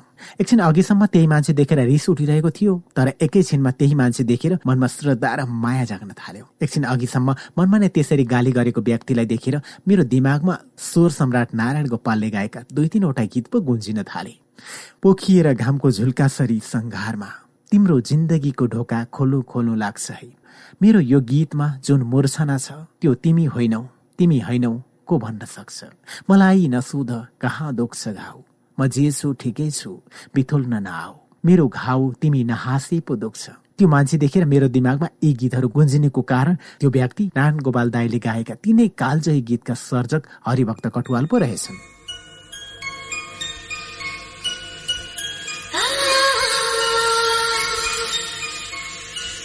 हजुर हामी कार्यक्रम कृति बगलको आजको भागको अन्त्यमा छौँ यानि कि महको महको बाह्रौँ भागको अन्त्यमा छौँ। तपाईँलाई यो कार्यक्रम कृति बगल कस्तो लाग्दैछ कृपया प्रतिक्रिया दिन नछुट्नुहोला तपाईँको साथ र सहयोगले नै हाम्रो कार्यक्रम अगाडि बढ्नेछ। धौलागिरी एफएम अन्ठानब्बे दशमलव छ मेगाज बागलुङबाट उत्पादन भई धौलागिरी एफएम र पञ्चास एफएम एक सय दुई दशमलव आठ मेगाज पर्वतबाट समेत प्रसारण हुँदै आएको यो कार्यक्रम तपाईँलाई युट्युब च्यानलमा समेत सर्च गरेर हेर्न सक्नुहुन्छ। प्रतिक्रियाको भोका छौँ हामी। आजको भागमा हामीले खास गरिकन कृषि सूचना शाखाका रमाइला कुरा अनि सिमाल कल्चरका कुरा र कलाकार भनेको फूल हो। फुलिरहन्जेल जति महत्व पाउँछ। झरेपछिको अस्तित्वविहीनता। यिनै कुराहरू पढिसकेका छौँ। अब भने कार्यक्रमबाट छुट्नुपर्ने बेला भइसकेको छ। अर्को बसाइमा बाँकी भाग लिएर आउनुपर्छ। प्रविधिबाट सघाउने दिनेश विकल्पप्रति आभार व्यक्त गर्दै म पवन खड्का पनि बिदा गर्दैछु। नमस्ते कार्यक्रम कृति बकलको यस श्रृङ्खलामा प्राविधिक साथी दिनेश विकल्प सँगै म पवन खड्काको हार्दिक स्वागत छ। धौलागिरी एफएम अन्ठानब्बे दशमलव छ मेगाहज र पञ्चास एफएम एक सय दुई दशमलव आठ मेगाहजबाट हरेक शनिबार बेलुका नौ तिसदेखि दस बजीसम्म एकसाथ प्रसारण भइरहेको कार्यक्रम कृति बगलमा हामी सिङ्गो कृति कर्मिक रूपमा वाचन गर्ने गर्छौँ र अहिले हामी हास्य कलाकार मदन कृष्ण श्रेष्ठको महको म वाचन गरिरहेका छौँ। र आज हामी महको मको तेह्रौं भागमा छौँ। आजसम्मका भागहरूमा मदन कृष्णको वैयक्तिक जीवन पेसागत रूपमा अगाडि जीवन रथ अनि कला क्षेत्रमा पाइला चाल्दै अगाडि बढेका कुराहरू वाचन गरिसकेका छौँ। सम्भवतः आजको भागमा तपाईँले मदन कृष्ण र हरिवंश आचार्यको सहयात्राको कथा सायद सुन्न पाउनुहुन्छ। हुन्छ त अब ढिला नगरिकन आजको गन्तव्यतर्फ पाइला चढाउँ त पेज नम्बर एक सय सत्तालिसदेखि अघि।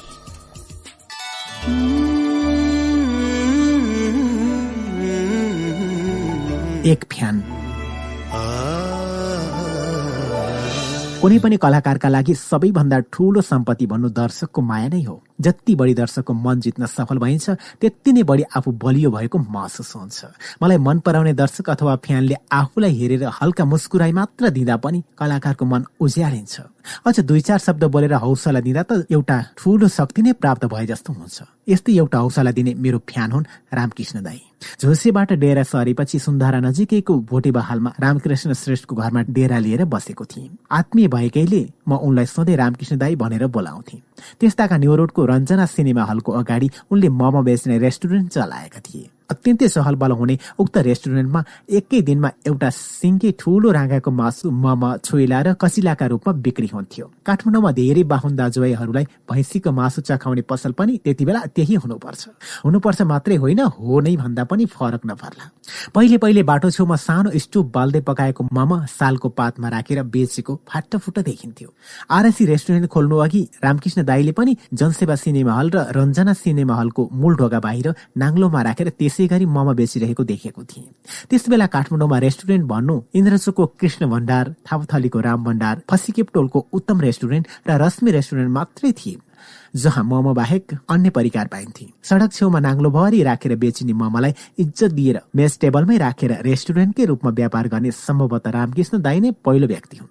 उनले पसलको अघि आरसी ममाचा रेस्टुरेन्ट लेखिएको ठूलो साइनबोर्ड नै झुन्ड्याएका थिए।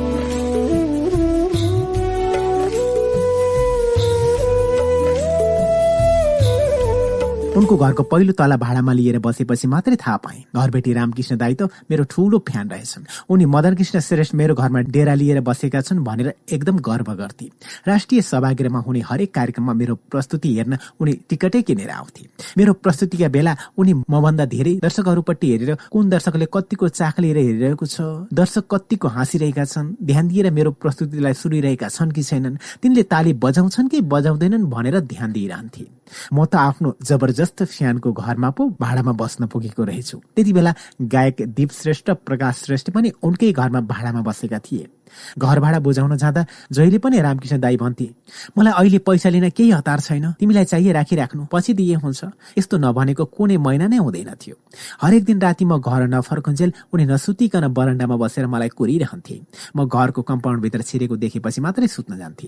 अन्तरङ्ग गफगाफमा उनी मलाई आफूले भोगेका तिता मिठा र प्रगति गरेका कुरा सुनाइरहन्थे। बेला बेलामा भन्थे हेर मदन कृष्ण जिन्दगीमा मैले धेरै दुःख भोगेको छु।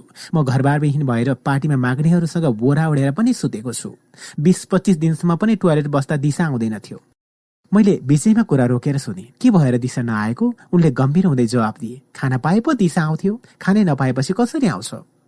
आफूले त खाना पाइन पाइन। कमसेकम मलाई खाएर बाघको भए नि पेट भरियोस् भनेर जङ्गल जङ्गल पनि चाहे तर बाघले पनि खाएन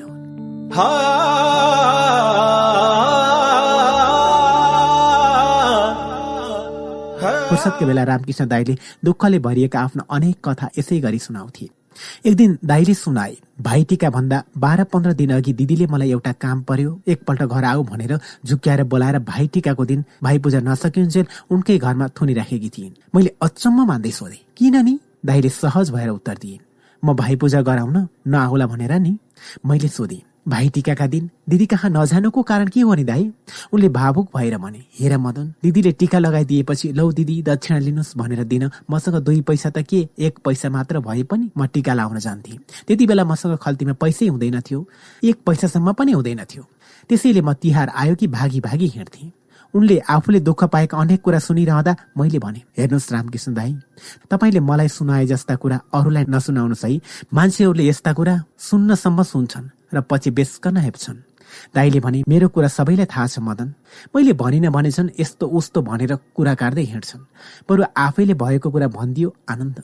कसैलाई ढाँटेर खाएको छैन मागेर खाएको छैन के को पिर? नाङ्लोमा मोमो पसल थापेपछि उनी फसिकेप निर एउटा डेरामा बसेका रहेछन्। उनले भने डेरामा सुतेको पहिलो रातभर म निदाउनै सकिनँ। मैले सोधेँ किन?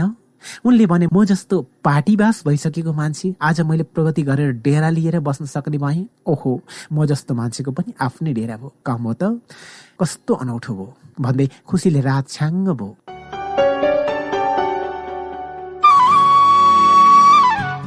पछि मितसँग मिलेर रञ्जना हल अगाडि आरती मम रेस्टुरेन्ट खोलेको केही वर्षमै मैले घर किन्न सकेँ। नयाँ घरमा सरेको पहिलो रात पनि खुसीले छटपट छटपट भएर रातभर निधाउनै सकिनँ। छिनछिनमा अचम्म लाग्ने। म जस्तो शून्यमा पुगिसकेको मान्छेको घर त्यो पनि आफ्नै। आम्मै यस्तो पनि हुन सक्दो रहेछ। आफ्नै घरमा पनि पहिलोपल्ट नयाँ डेरामा सुत्दाको जस्तै रात छ्याङ्गै भयो। रामकृष्ण दाईका कुरा कुनै बनावटी हुँदैनथे कुनै कुरा लुकाइएका हुँदैनथे उनी जे छ त्यही जस्तो छ त्यस्तै सरर भोगाई पोखिरहन्थे। म उनको घरमा भाडामा बसिरहेका बेला उनले आरसी ममा रेस्टुरेन्टका अतिरिक्त खिचा पोखरीमा अर्को ठूलो ओके ममा रेस्टुरेन्ट पनि खोलिसकेका थिए। यी दुई रेस्टुरेन्टमा बहत्तर जना कामदार थिए। आफूले जिन्दगीमा भोक भोकै हिँडेको एक साग खानालाई मुस्किल परेको चुट उनले कहिले बिर्सन सकेनन्। पछि आफू सम्पन्न भएपछि पनि उनी कहिले अहङ्कारी देखिएनन्। बरु पहिले आफूले खान नपाएको चोटको बदला मन शान्त पार्न विभिन्न बहाना बनाई सबैलाई भोज खुवाएर आनन्द लिन्थे। छोराले एक कक्षा पास गरे पनि भोज। छोरीले दुई कक्षा पास गरे पनि भोज। छोराले फुटबल खेलेर एक गोल हाने पनि भोज। उनले आयोजना गर्ने भोजमा आफ्नो परिवार र नातागोता मात्रै होइन। टोल छिमेकका साथीभाइ सबैलाई बोलाउँथे भोज खुवाउँथे र सबैले खाएको हेरेर आनन्द लिन्थे। साथीभाइ भोज खाएर हिँडेपछि आफ्ना दुईवटै रेस्टुरेन्टका बहत्तरजना स्टाफलाई लाइनमा राखेर खुवाउँथे। सबैले खाएको हेरेर आँखी पाउ सन्काई सन्काई खुसीले गदगद हुँदै ए त्यहाँ उसलाई चिउरा थपिदेऊ न। अनि उसलाई मासु थपिदेऊ भनेर हर्ष विभोर भइरहन्थे। त्यस्तो बेला खुसीले चम्किएको उनको अनुहार देखेर मलाई एकदमै आनन्द लाग्थ्यो।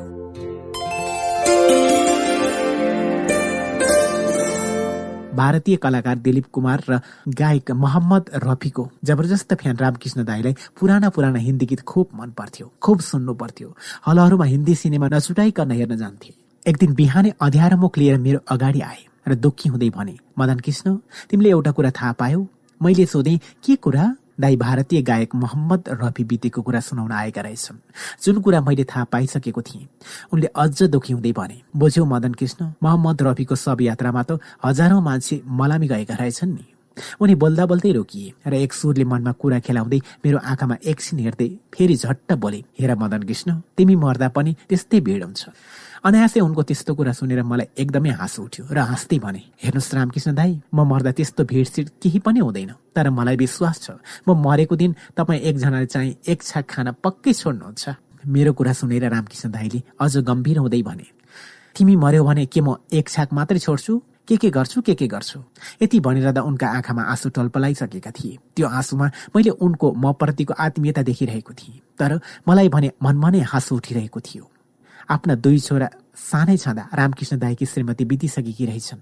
त्यस्तै आरसी ममा रेस्टुरेन्ट खोल्दाका पार्टनर अर्थात् उनका आफ्नै मित पनि बितिसकेका रहेछन्। तिनै बितेका मित र श्रीमतीको स्मरण गर्दै एक दिन मलाई भन्दै थिए हेर मदन कृष्ण जिन्दगीमा एउटी श्रीमती र एउटा साथी आफूलाई राम्रोसँग बुझिदिने खालको भइदियो भने जीवन सुखी हुने रहेछ। मेरो आत्मालाई राम्रोसँग बुझिदिने एउटी श्रीमती पनि थिइन् एउटा साथी पनि थियो। अहिले दुईजना यो संसारमा छैन तर उनीहरू यो संसारमा नभए पनि दुवैजना मसँगै मेरो परिवार यतै कतै बसिरहेका छन् भन्ने सम्झेर म बाँचिरहेको छु अगाडि बढिरहेको छु।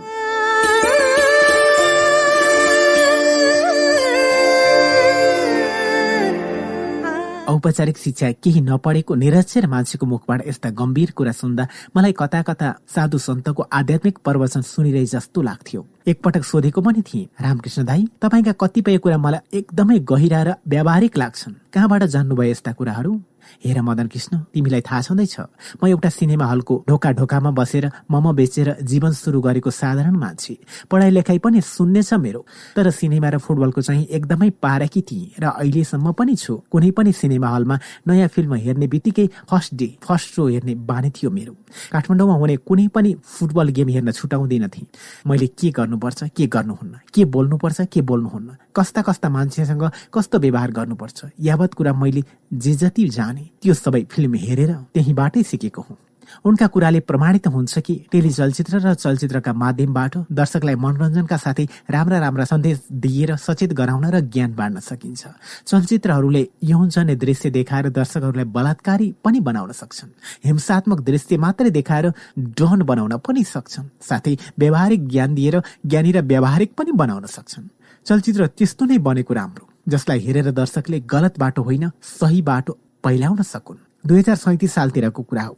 रामकृष्ण दाई कहाँ डेरा बस्दै गर्दा धोबीधारामा जग्गा किनेर घर बनाउन थाले। केही समयमै एक तले घर पनि तयार भयो। तैपनि आफूलाई अत्यन्तै माया गर्ने फ्यान रामकृष्ण दाईको सौहार्दता र न्यानो व्यवहारले गर्दा मलाई उनको घर छाड्न अप्ठ्यारो भइरहेको थियो। धोबीधारामा आफ्नै घर तयार भएर रङरोगन गरिसकेर पनि करिब छ सात महिना जति म उनकै घरमा बसिरहेँ। दसैँ पूर्णिमाको शुभ पाएर घर सर्ने भनेर यशोदा र मैले सल्लाह गर्यो। म घर सर्दैछु है भन्ने खबर सुनाउँदा रामकृष्ण दाईले बेसकन चित्त दुखाउँछन् होला भन्ने मनमा लिएर उनको कोठामा छिरे। बिस्तारै कुरा निकाल्दै भने लौ रामकृष्ण दाई तपाईँको घर मलाई एकदमै फाप्यो यतिसम्म कि धोबीधारामा मेरो एउटा घरै बन्यो। अब यो हप्ताभित्र हामी घर सरौँ कि भन्ने सल्लाह गरेर तपाईँलाई एकपल्ट भन्न आएको। मेरो कुरा सुनेर रामकृष्ण दाईको आँखामा अपनत्वको भाव झल्कियो। भने ठिक हो मदन विष्णु यो मेरो घर तिमीलाई असाध्यै फाप्यो एकदमै फाप्यो घरै बन्यो तिम्रो। अब तिमी आफूले बनाएको घरमा सर्नुपर्छ। तिमी जाऊ आफ्नो घरमा बस्न जाऊ। तर तिमी मेरो घरलाई माइती सम्झेर बेला बेलामा आइराख। धोबीधाराको घरमा सरेको बिसौँ वर्ष बितिसक्दा पनि वर्षको एक दुईपल्ट फुर्सदको समय निकालेर म रामकृष्ण दाईलाई भेट्न गइरहन्छु। उनी आफूलाई अत्यन्त सानो मान्छे सम्झन्छन्। मलाई भने एकदमै ठुलो मान्छे ठान्छन्। म भेट्न जाँदा खुसी हुँदै भन्छन् हेर मदन कृष्ण तिमी संसारले चिनेको ठुलो मान्छे। यति ठुलो मान्छे भएर पनि म जस्तो सानो मान्छेलाई सम्झेर बेला बेलामा भेट्न आउँछौ। जबसम्म तिमी यति ठुलो मान्छे भएर म जस्तो सानो मान्छेको मुख हेर्न आइरहन्छौ तबसम्म तिमी अझ माथि पुग्छौ माथि माथि पुग्छौ। आफूलाई अत्यन्तै आफ्नो सम्झने फ्यानको मुखबाट यस्तो अमृत वचन सुन्दा मलाई बारम्बार भेट्न जाउँ जाउँ लागिरहन्छ। कहिलेकाहीँ महिनासम्म पनि जानै सकिन भने फोनबाटै भए पनि सन्चो बिसन्चो सोधेर सम्बन्ध कायम राखिरहन्छु राखिरहन्छु।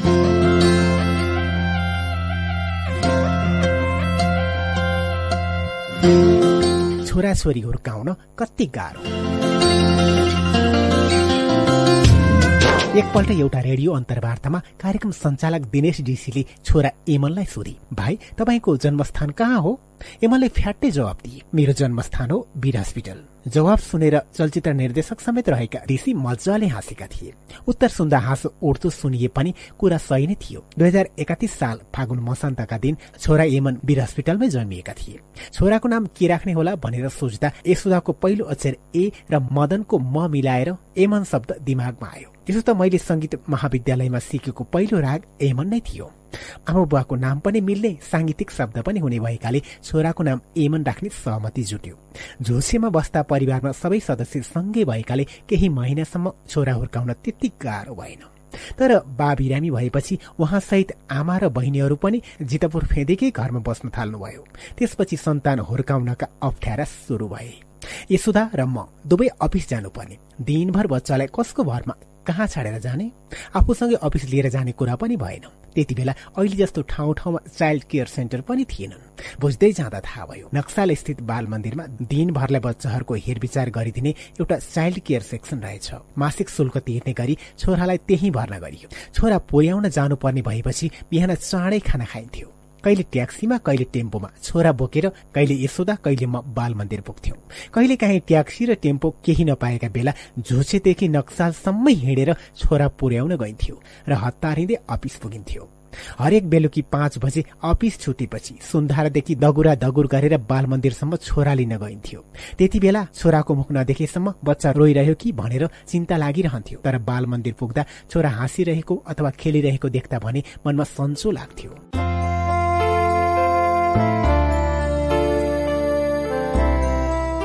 एकपल्ट छोरालाई बाल मन्दिर पुर्याउन जाँदा टेम्पोभित्रै छोराले पिसाब तुर्क्याइदियो। पिसाबका छिटा अलिअलि टेम्पोभित्रका यात्रुको खुट्टामा पनि परे। त्यो देखेर मलाई अप्ठ्यारो लाग्यो। संकोच मान्दै भने के गर्नु? बच्चाले पिसाब गरेछ। टेम्पोमा बसेका मान्छेहरू सज्जन रहेछन्। र केही छैन। बच्चाहरू यस्तै हुन् भनेर समझदार बनिदिए। बाटोमा यस्तै होला भनेर सधैँ जसो बच्चालाई फेरफार गर्न जगेडा लुगा पनि साथैमा लैजान्थे। टेम्पोभित्रै पिसाबले भिजेका कपडा फेरिदिनु पर्यो भनेर सुरुवालभित्र हात छिराएपछि पो थाहा भयो। लौ आपत छोराले पिसाब मात्र होइन दिसाब पनि गरेको रहेछ। मेरो बायाँ हातमा दिसै दिशा लाग्यो। एकदम अप्ठ्यारो भयो। आमा चाहिँ भएको भए राम्ररी हेरेर मात्र सुरुवालभित्र हात छिराउने थिइन्। आफू परियो बाउ चाहिँ। त्यसैले गल्ती भइहाल्यो। सायद आमा र बाबुको फरक यस्तै बेलामा छुट्टिन्छ होला। एकैछिनमा बालमन्दिर पुगेर टेम्पो रोकियो। दायाँ हातमा छोरा बायाँ हातमा छोराको टट्टी। कतै नसमातिकन बल्ल तल्ल टेम्पोबाट ओर्लिए। ड्राइभरलाई भाडा दिनलाई अब कुन हातले खल्तीबाट पैसा झिक्ने? के गर्ने? कसो गर्ने?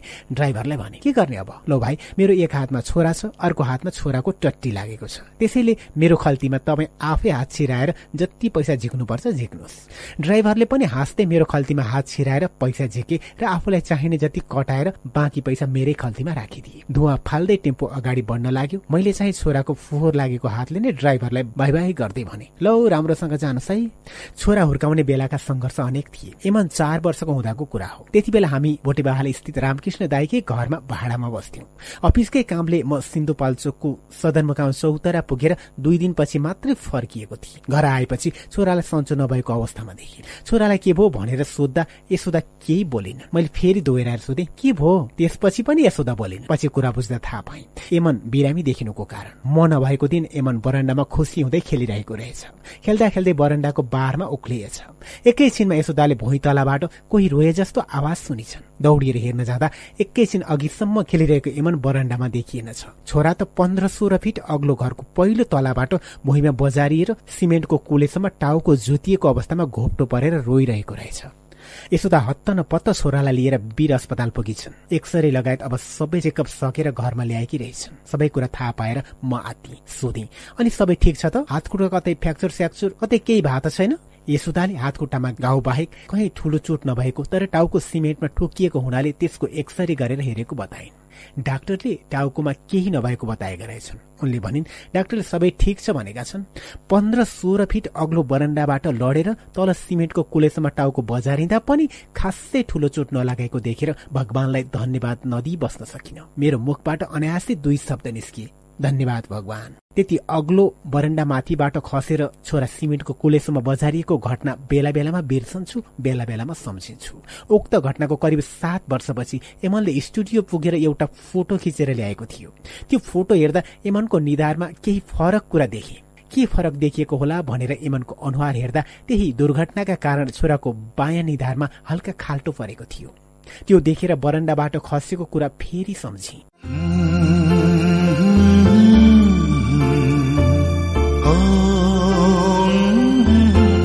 छोरा जन्मिएको पाँच वर्षपछि दुई हजार छत्तिस साल भदौ मसान्तको दिन छोरी जन्मिन् सुरुमा मैले छोराको जस्तै छोरीको नाम पनि सांगीतिक शब्दबाटै राख्ने सोचेको थिएँ।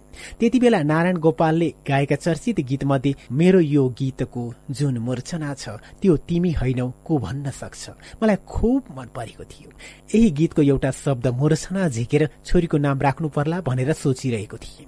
छोरीको नाम उच्चारण गर्न अरूलाई गाह्रो पर्ला कि भनेर मैले यो सोच त्यागिदिएँ। यशोदा र मैले सल्लाह गरेर छोरीको नाम मिर्जना राख्यौं। पाँच छ कक्षा पढ्दासम्म छोरीको नाम यही थियो। पछि छोरी आफैले आफ्नो नाम मन परेन भन्दै गुनासो गरेपछि मैले उनको नयाँ नाम जुराइदिएँ सराना अङ्ग्रेजीमा स्पेलिङ गर्न गाह्रो हुने भएपछि अन्तत छोरीको नाम सराना मात्रै राखियो। यही नाम उनले पनि मन पराइन्। मान्छेहरू छोरीलाई सोध्थे तिम्रो नाम सराना सरानाको अर्थ के हो? उनले भन्थिन् सराना भनेको मदन कृष्णकी छोरी हो। त्यस्ताका रेडियो नेपालबाट एउटा विज्ञापन खुबै घन्किन्थ्यो दुई सन्तान ईश्वरको वरदान। ईश्वरकै वरदान स्वरूप एक छोरा र एक छोरी भएकै कारण यसोद्वारा म एकदमै हर्षित थियौं। तर दुई सन्तान भएपछि बच्चा हुर्काउने समस्या पहिला भन्दा दोब्बर जटिल बन्दै थियो। छोरालाई घर नजिकैको बोर्डिङ स्कुलमा भर्ना गरिएको थियो। बिहानको खाना खाएर म एमनलाई स्कुल पुर्याउँथे र उतैबाट हतारिँदै पुल्चोक स्थित कृषि सूचना शाखामा पुग्थे। यसोदा भने आफूले खाना खाएर छोरीलाई खुवाइवरी अफिस जान तयार हुन्थिन् खाना खाएको एकैछिनमा छोरी दुई तीन घण्टा भुसुक्क निदाउँथिन्। त्यही मौका छोपेर छोरीलाई कोठामा एक्लै छोडेर उनी मजस्ती हतारिँदै अफिस धाउँथिन् हाजिर गरेर दुई अढाई घण्टा काम गर्थिन् र छोरी उठ्ने समय अड्कलेर सुन्दराको सञ्चय कोषदेखि फेरि दौडिँदै डेरा पुग्थिन् त्यसरी यसोदा कोठा पुग्दा प्राय छोरी निदाइरहेकी नै हुन्थिन्। कहिलेकाहीँ भने भर्खर उठेकी हुन्थिन्। कहिलेकाहीँ भने उठीवरी बामे सरेर ढोकानिरै आइपुगेकी हुन्थिन्। त्यसरी बच्चालाई एक्लै सुताएर काममा जानु उचित कुरा थिएन। तर हाम्रो बाध्यता थियो। बच्चा हेर्नकै लागि कहिले म अफिसबाट हाफ छुट्टी लिन्थे कहिले यसोदाले लिन्थिन्? भागदौडको यो श्रृङ्खलामा म कैयौं पल्ट अफिसमा छड्केमा पर्थे स्पष्टीकरण खान्थे कैयौं पटक समयमै हाजिर गर्न नभ्याएकै कारण गयल हुन्थे त्यस्ताका अफिसको काम त थियो नै अन्य थुप्रै सांस्कृतिक कार्यक्रम पनि मेरो सहभागितामा भइरहन्थे। यस्तै काम विशेषले गर्दा एक दिन राति दस बज्ने आँटेका बेला घर फर्केको थिए। कोठाभित्र सुस्तरी छिरेर हेर्दा छोराछोरी मस्तले निधाइरहेका थिए। यसोदा भने टाउकोमा रुमाल बाँधेर मुख अँध्यारो पारेर आँखा चिम्लेर पल्टिरहेकी थिइन्। झट्ट हेर्दा उनी बिरामी जस्तै देखिन्थिन्। ला के भएछ? भन्दै बिस्तारै भान्सामा छिरे खाना पनि केही बनाएकी रहेनछन्। निकै सन्चो भएनछ भन्ठानेर यसोदाको निधार बिस्तारै छामेर हेरे। तर निधार पनि खासै तातो थिएन। अनि सानो स्वरले सोधे के भयो तिमीलाई? जवाफमा उनी केही बोलिनन्। फेरि दोहोऱ्याएर सोधे के भो? किन खानासाना पनि केही नपकाएकी उनले निन्याउरो अनुहार पारेर बिरामी स्वरले भनिन् आज अफिसका कर्मचारी नारायण दासले चाइनिज फिल्मको एउटा पास दिन ल्याएका थिए। मैले अत्तालिँदै सोधेँ अनि? उनले आफ्नै सुरमा भनिन् त्यो पास लिएर सिटी हलमा चाइनिज फिल्म हेर्न गएकी थिए। अनि के भयो त? मैले जिज्ञासु हुँदै सोधेँ भनिन् त्यो चाइनिज फिल्ममा एक दम्पति बच्चालाई कोठामा एक्लै सुताएर अफिस जान्छन्। अफिसबाट छिटो छिटो काम सकेर घर पुग्दा बच्चा चिच्याएर रोइरहेको देख्छन् अनि हत्त न पत्त कोठाभित्र छिरेर आफू पनि रोँदै रोइरहेको बच्चालाई बोक्छन्। कथाको यति सार बताएपछि यसोदा आफै भक्कानिएर रुन थालिन्। हाम्रो घरको दैनिकीसँग फिल्मको कथा ठ्याक्कै मिलेको थियो। चाइनिज फिल्मको भाषा एक शब्द नबुझे पनि कथा सार र घटना चाहिँ पूरा बुझेर उनी रोएकी रहेछन्। उनको कुरा सुनेर छोराछोरी हुर्काउँदाको समस्या हामीले मात्र भोग्नु परेको होइन रहेछ। संसारभरका मानिसले भोग्दा रहेछन् भनेर बुझे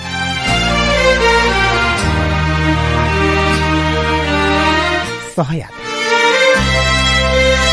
म दिल्ली बजार स्थित नानी फुपूको घरमा बेला बेलामा गइरहन्थे। त्यहाँ जाँदा फुपाजु भरत बहादुर श्रेष्ठ आफ्ना साथीभाइहरूलाई घरमै बोलाएर गफ लडाइरहेको देख्थे। एक दिन म पुगेका बेला फुपाजु आफ्ना साथीहरूसँग तास खेल्दै रमाइरहनु भएको थियो। तास खेलिरहेकै समूहमा एकजना भने बडो मिठो स्वरमा गीत गुनगुनाइरहेका थिए। मिठो गीत सुन्ने बित्तिकै मेरो ध्यान तिनै व्यक्तिमा परिहाल्यो। यस्तो मिठो स्वर भएका को रहेछन् भनेर बुझ्दा थाहा पाए। उनी त वरिष्ठ गायक रोबी जोशी पो रहेछन्। फुपाजुको घरमा जाँदा आउँदा उनीसँग राम्रो चिनाजान भयो। त्यति बेला उनी नेपाल राष्ट्र बैङ्कको प्रथम श्रेणीका अधिकृत थिए। फुपाजुको छिमेकी भएकै कारण उनीसँग बारम्बार भेट भइरहन्थ्यो। एकपल्ट भेटका क्रममा दाईले भने ए मदन कृष्ण भाइ यसपालि राष्ट्र ब्याङ्क पच्चिस वर्ष पुगेको उपलक्ष्यमा भव्य समारोह हुँदैछ जसमा राजा वीरेन्द्र मुख्य अतिथि बन्दैछन्। उक्त कार्यक्रममा राष्ट्र बैङ्क भित्रकै कलाकारबाट पनि केही सांस्कृतिक प्रस्तुति हुँदैछ। एक दुईजना कलाकार बाहिरबाट पनि लिने कुरा भइरहेको छ। तिम्रो नाम पनि राखिदिउ। उनको प्रस्ताव सुन्ने बित्तिकै मैले हुन्छ भनिदिएँ। सोधे अर्को एकजना कलाकार कसलाई राख्दा राम्रो होला? मैले हरिवंश आचार्यको नाम सुझाएँ। यसअघि रेडियो नेपालबाट प्रसारण हुने रसरङ कार्यक्रममा बज्ने रेडियो नाटकमा मैले हरिवंशको क्षमता देखिसकेको थिएँ। कैयौं गाई जात्रा कार्यक्रममा हरिवंश र मैले आफ्नै तरिकाले छुट्टा छुट्टै प्रस्तुति पनि गरिसकेका थियौं। हरिवंशका प्रत्येक प्रस्तुति हेरेर म पेट मेची मेची हाँस्थेँ। त्यही भएर मैले सजिलैसँग फ्याट हरिवंशको नाम लिएँ। दाईले मेरो प्रस्ताव मानेर उनकै सल्लाह अनुसार हरिवंश र मैले छुट्टा छुट्टै प्रस्तुतिको ढाँचा बनाएर लग्यौं त्यसरी दुईजनाको छुट्टा छुट्टै प्रस्तुति देखाउँदा समय नपुग्ने भयो। किनभने त्यस्ताका राजा प्रमुख अतिथि भएको कार्यक्रम नब्बे मिनटभित्र सम्पन्न गरिसक्नुपर्ने दरबारको कड़ा नियम थियो। यही समय सीमाका कारण रोबिदाईले भने ए मदन भाइ हरि भाइ तिमीहरू दुवैजनाले अलग अलग कार्यक्रम देखाउनुको सट्टा एउटै कार्यक्रम बनाएर देखाउँदा के हुन्छ? दायाँबाट केही नसोची हामीले ठिकै हुन्छ भनिदियौं। त्यसपछि हरिवंश र म प्रसनको ढाँचा बनाउन जुट्यौं। हामीले बैंक सम्बन्धी विषय नै समावेश गरेर बैंकेश्वर शीर्षकमा बैंकेश्वर स्क्रिप्ट तयार पार्यौं। यो नै हरिवंश र मेरो पहिलो सहकारी थियो। दुई हजार अडतिस साल वैशाख चौध गते कमलादी स्थित प्रज्ञा प्रतिष्ठानमा राजा वीरेन्द्र र रानी ऐश्वर्यको प्रमुख आतिथ्यमा नेपाल राष्ट्र बैङ्कले कार्यक्रम आयोजना गर्यो जसमा हामी दुईले प्रहसन प्रस्तुत गर्यौं। उक्त प्रहसनमा हामीले चोरमा घाँस खाइरहेको अर्काको माप्पाको भैँसलाई आफ्नो भैँसी भनेर देखाउँदै कृषि विकास बैङ्कलाई झुक्याएर ऋण लिने योजना बनाइरहेको दुई जाली मान्छेको अभिनय गरेका थियौं। कार्यक्रम अत्यन्त रमाइलो र राम्रो भयो। हाम्रो प्रस्तुति हेर्दै राजारानी मजाले हाँसे। प्रस्तुति रमाइलो र सान्दर्भिक भएका कारण हामीले सबैबाट खुबै बधाई।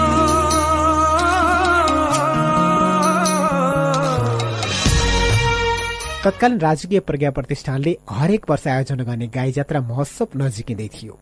यसअघि प्रत्येक गाई जात्रा महोत्सवमा हरिवंश र म आफ्नै ढंगले हाँस्दै प्रस्तुति दिँदै आएका थियौं। तर राष्ट्र बैङ्कको कार्यक्रममा हामी दुईको जोडी खुबै जमेकाले सोही वर्षको भदौमा हुने गाई जात्रा महोत्सवमा पनि सँगै मिलेर प्रस्तुति गर्ने सहमति भयो। हामीले आधा घण्टा लामो एमलोक नामक प्रसन तयार पारेर महोत्सवमा भाग लियौं। कहिले नक्साल स्थित हरिवंशको घरमा बसेर कहिले भोटे बहालको मेरो डेरामा बसेर हामीले प्रसनको खाका तयार पार्यौं त्यस प्रसनमा हरिवंशले एमलोकको द्वारपालको अभिनय गरेका हुन्छन्। म चाहिँ नेपालबाट भर्खर मृत्यु भएर एमलोक पुगेको हुन्छु। द्वारपाल बनेका हरिवंशले मलाई एमलोकको ढोकाभित्र छेर्न दिँदैन तर ढोकाबाट भित्र चियाएर हेर्न चाहिँ दिन्छन्। एमलोकको ढोकाभित्र चियाएर हेर्दा त्यहाँ पृथ्वीबाट नेपालको विकास बजेट न्याय सत्य अधिकार सबै मरेर आएको देखिन्छ। पञ्चायत लगायतका प्रधानमन्त्री र पञ्चायती व्यवस्थाप्रति व्यङ्ग्य गर्ने साहस गर्नु त्यति सजिलो थिएन।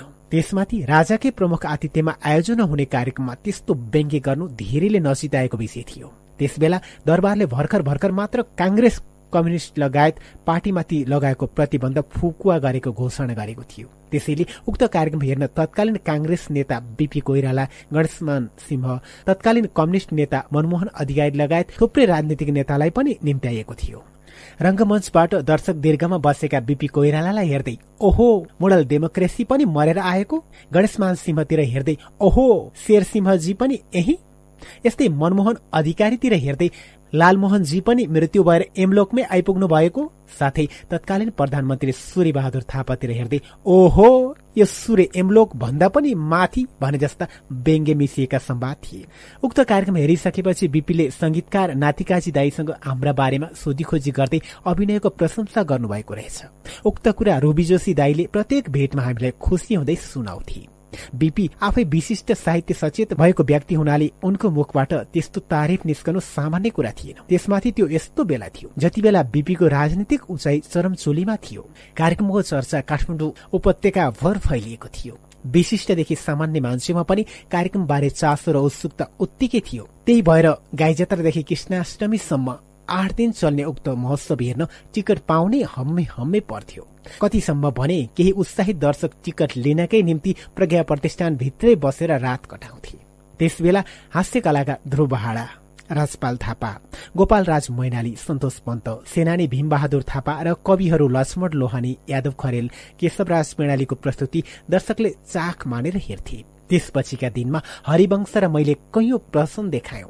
तर हाम्रो सुरुवाती दिनको प्रस्तुति भए पनि एमलोकलाई दर्शकले औधी रुचाइदिए। भनिन्छ मानिसहरूको अन्त्य एमलोकमा हुन्छ। तर हरिवंश र मेरो कला सहयात्राको सुरुवात नै एमलोकबाट भएको थियो।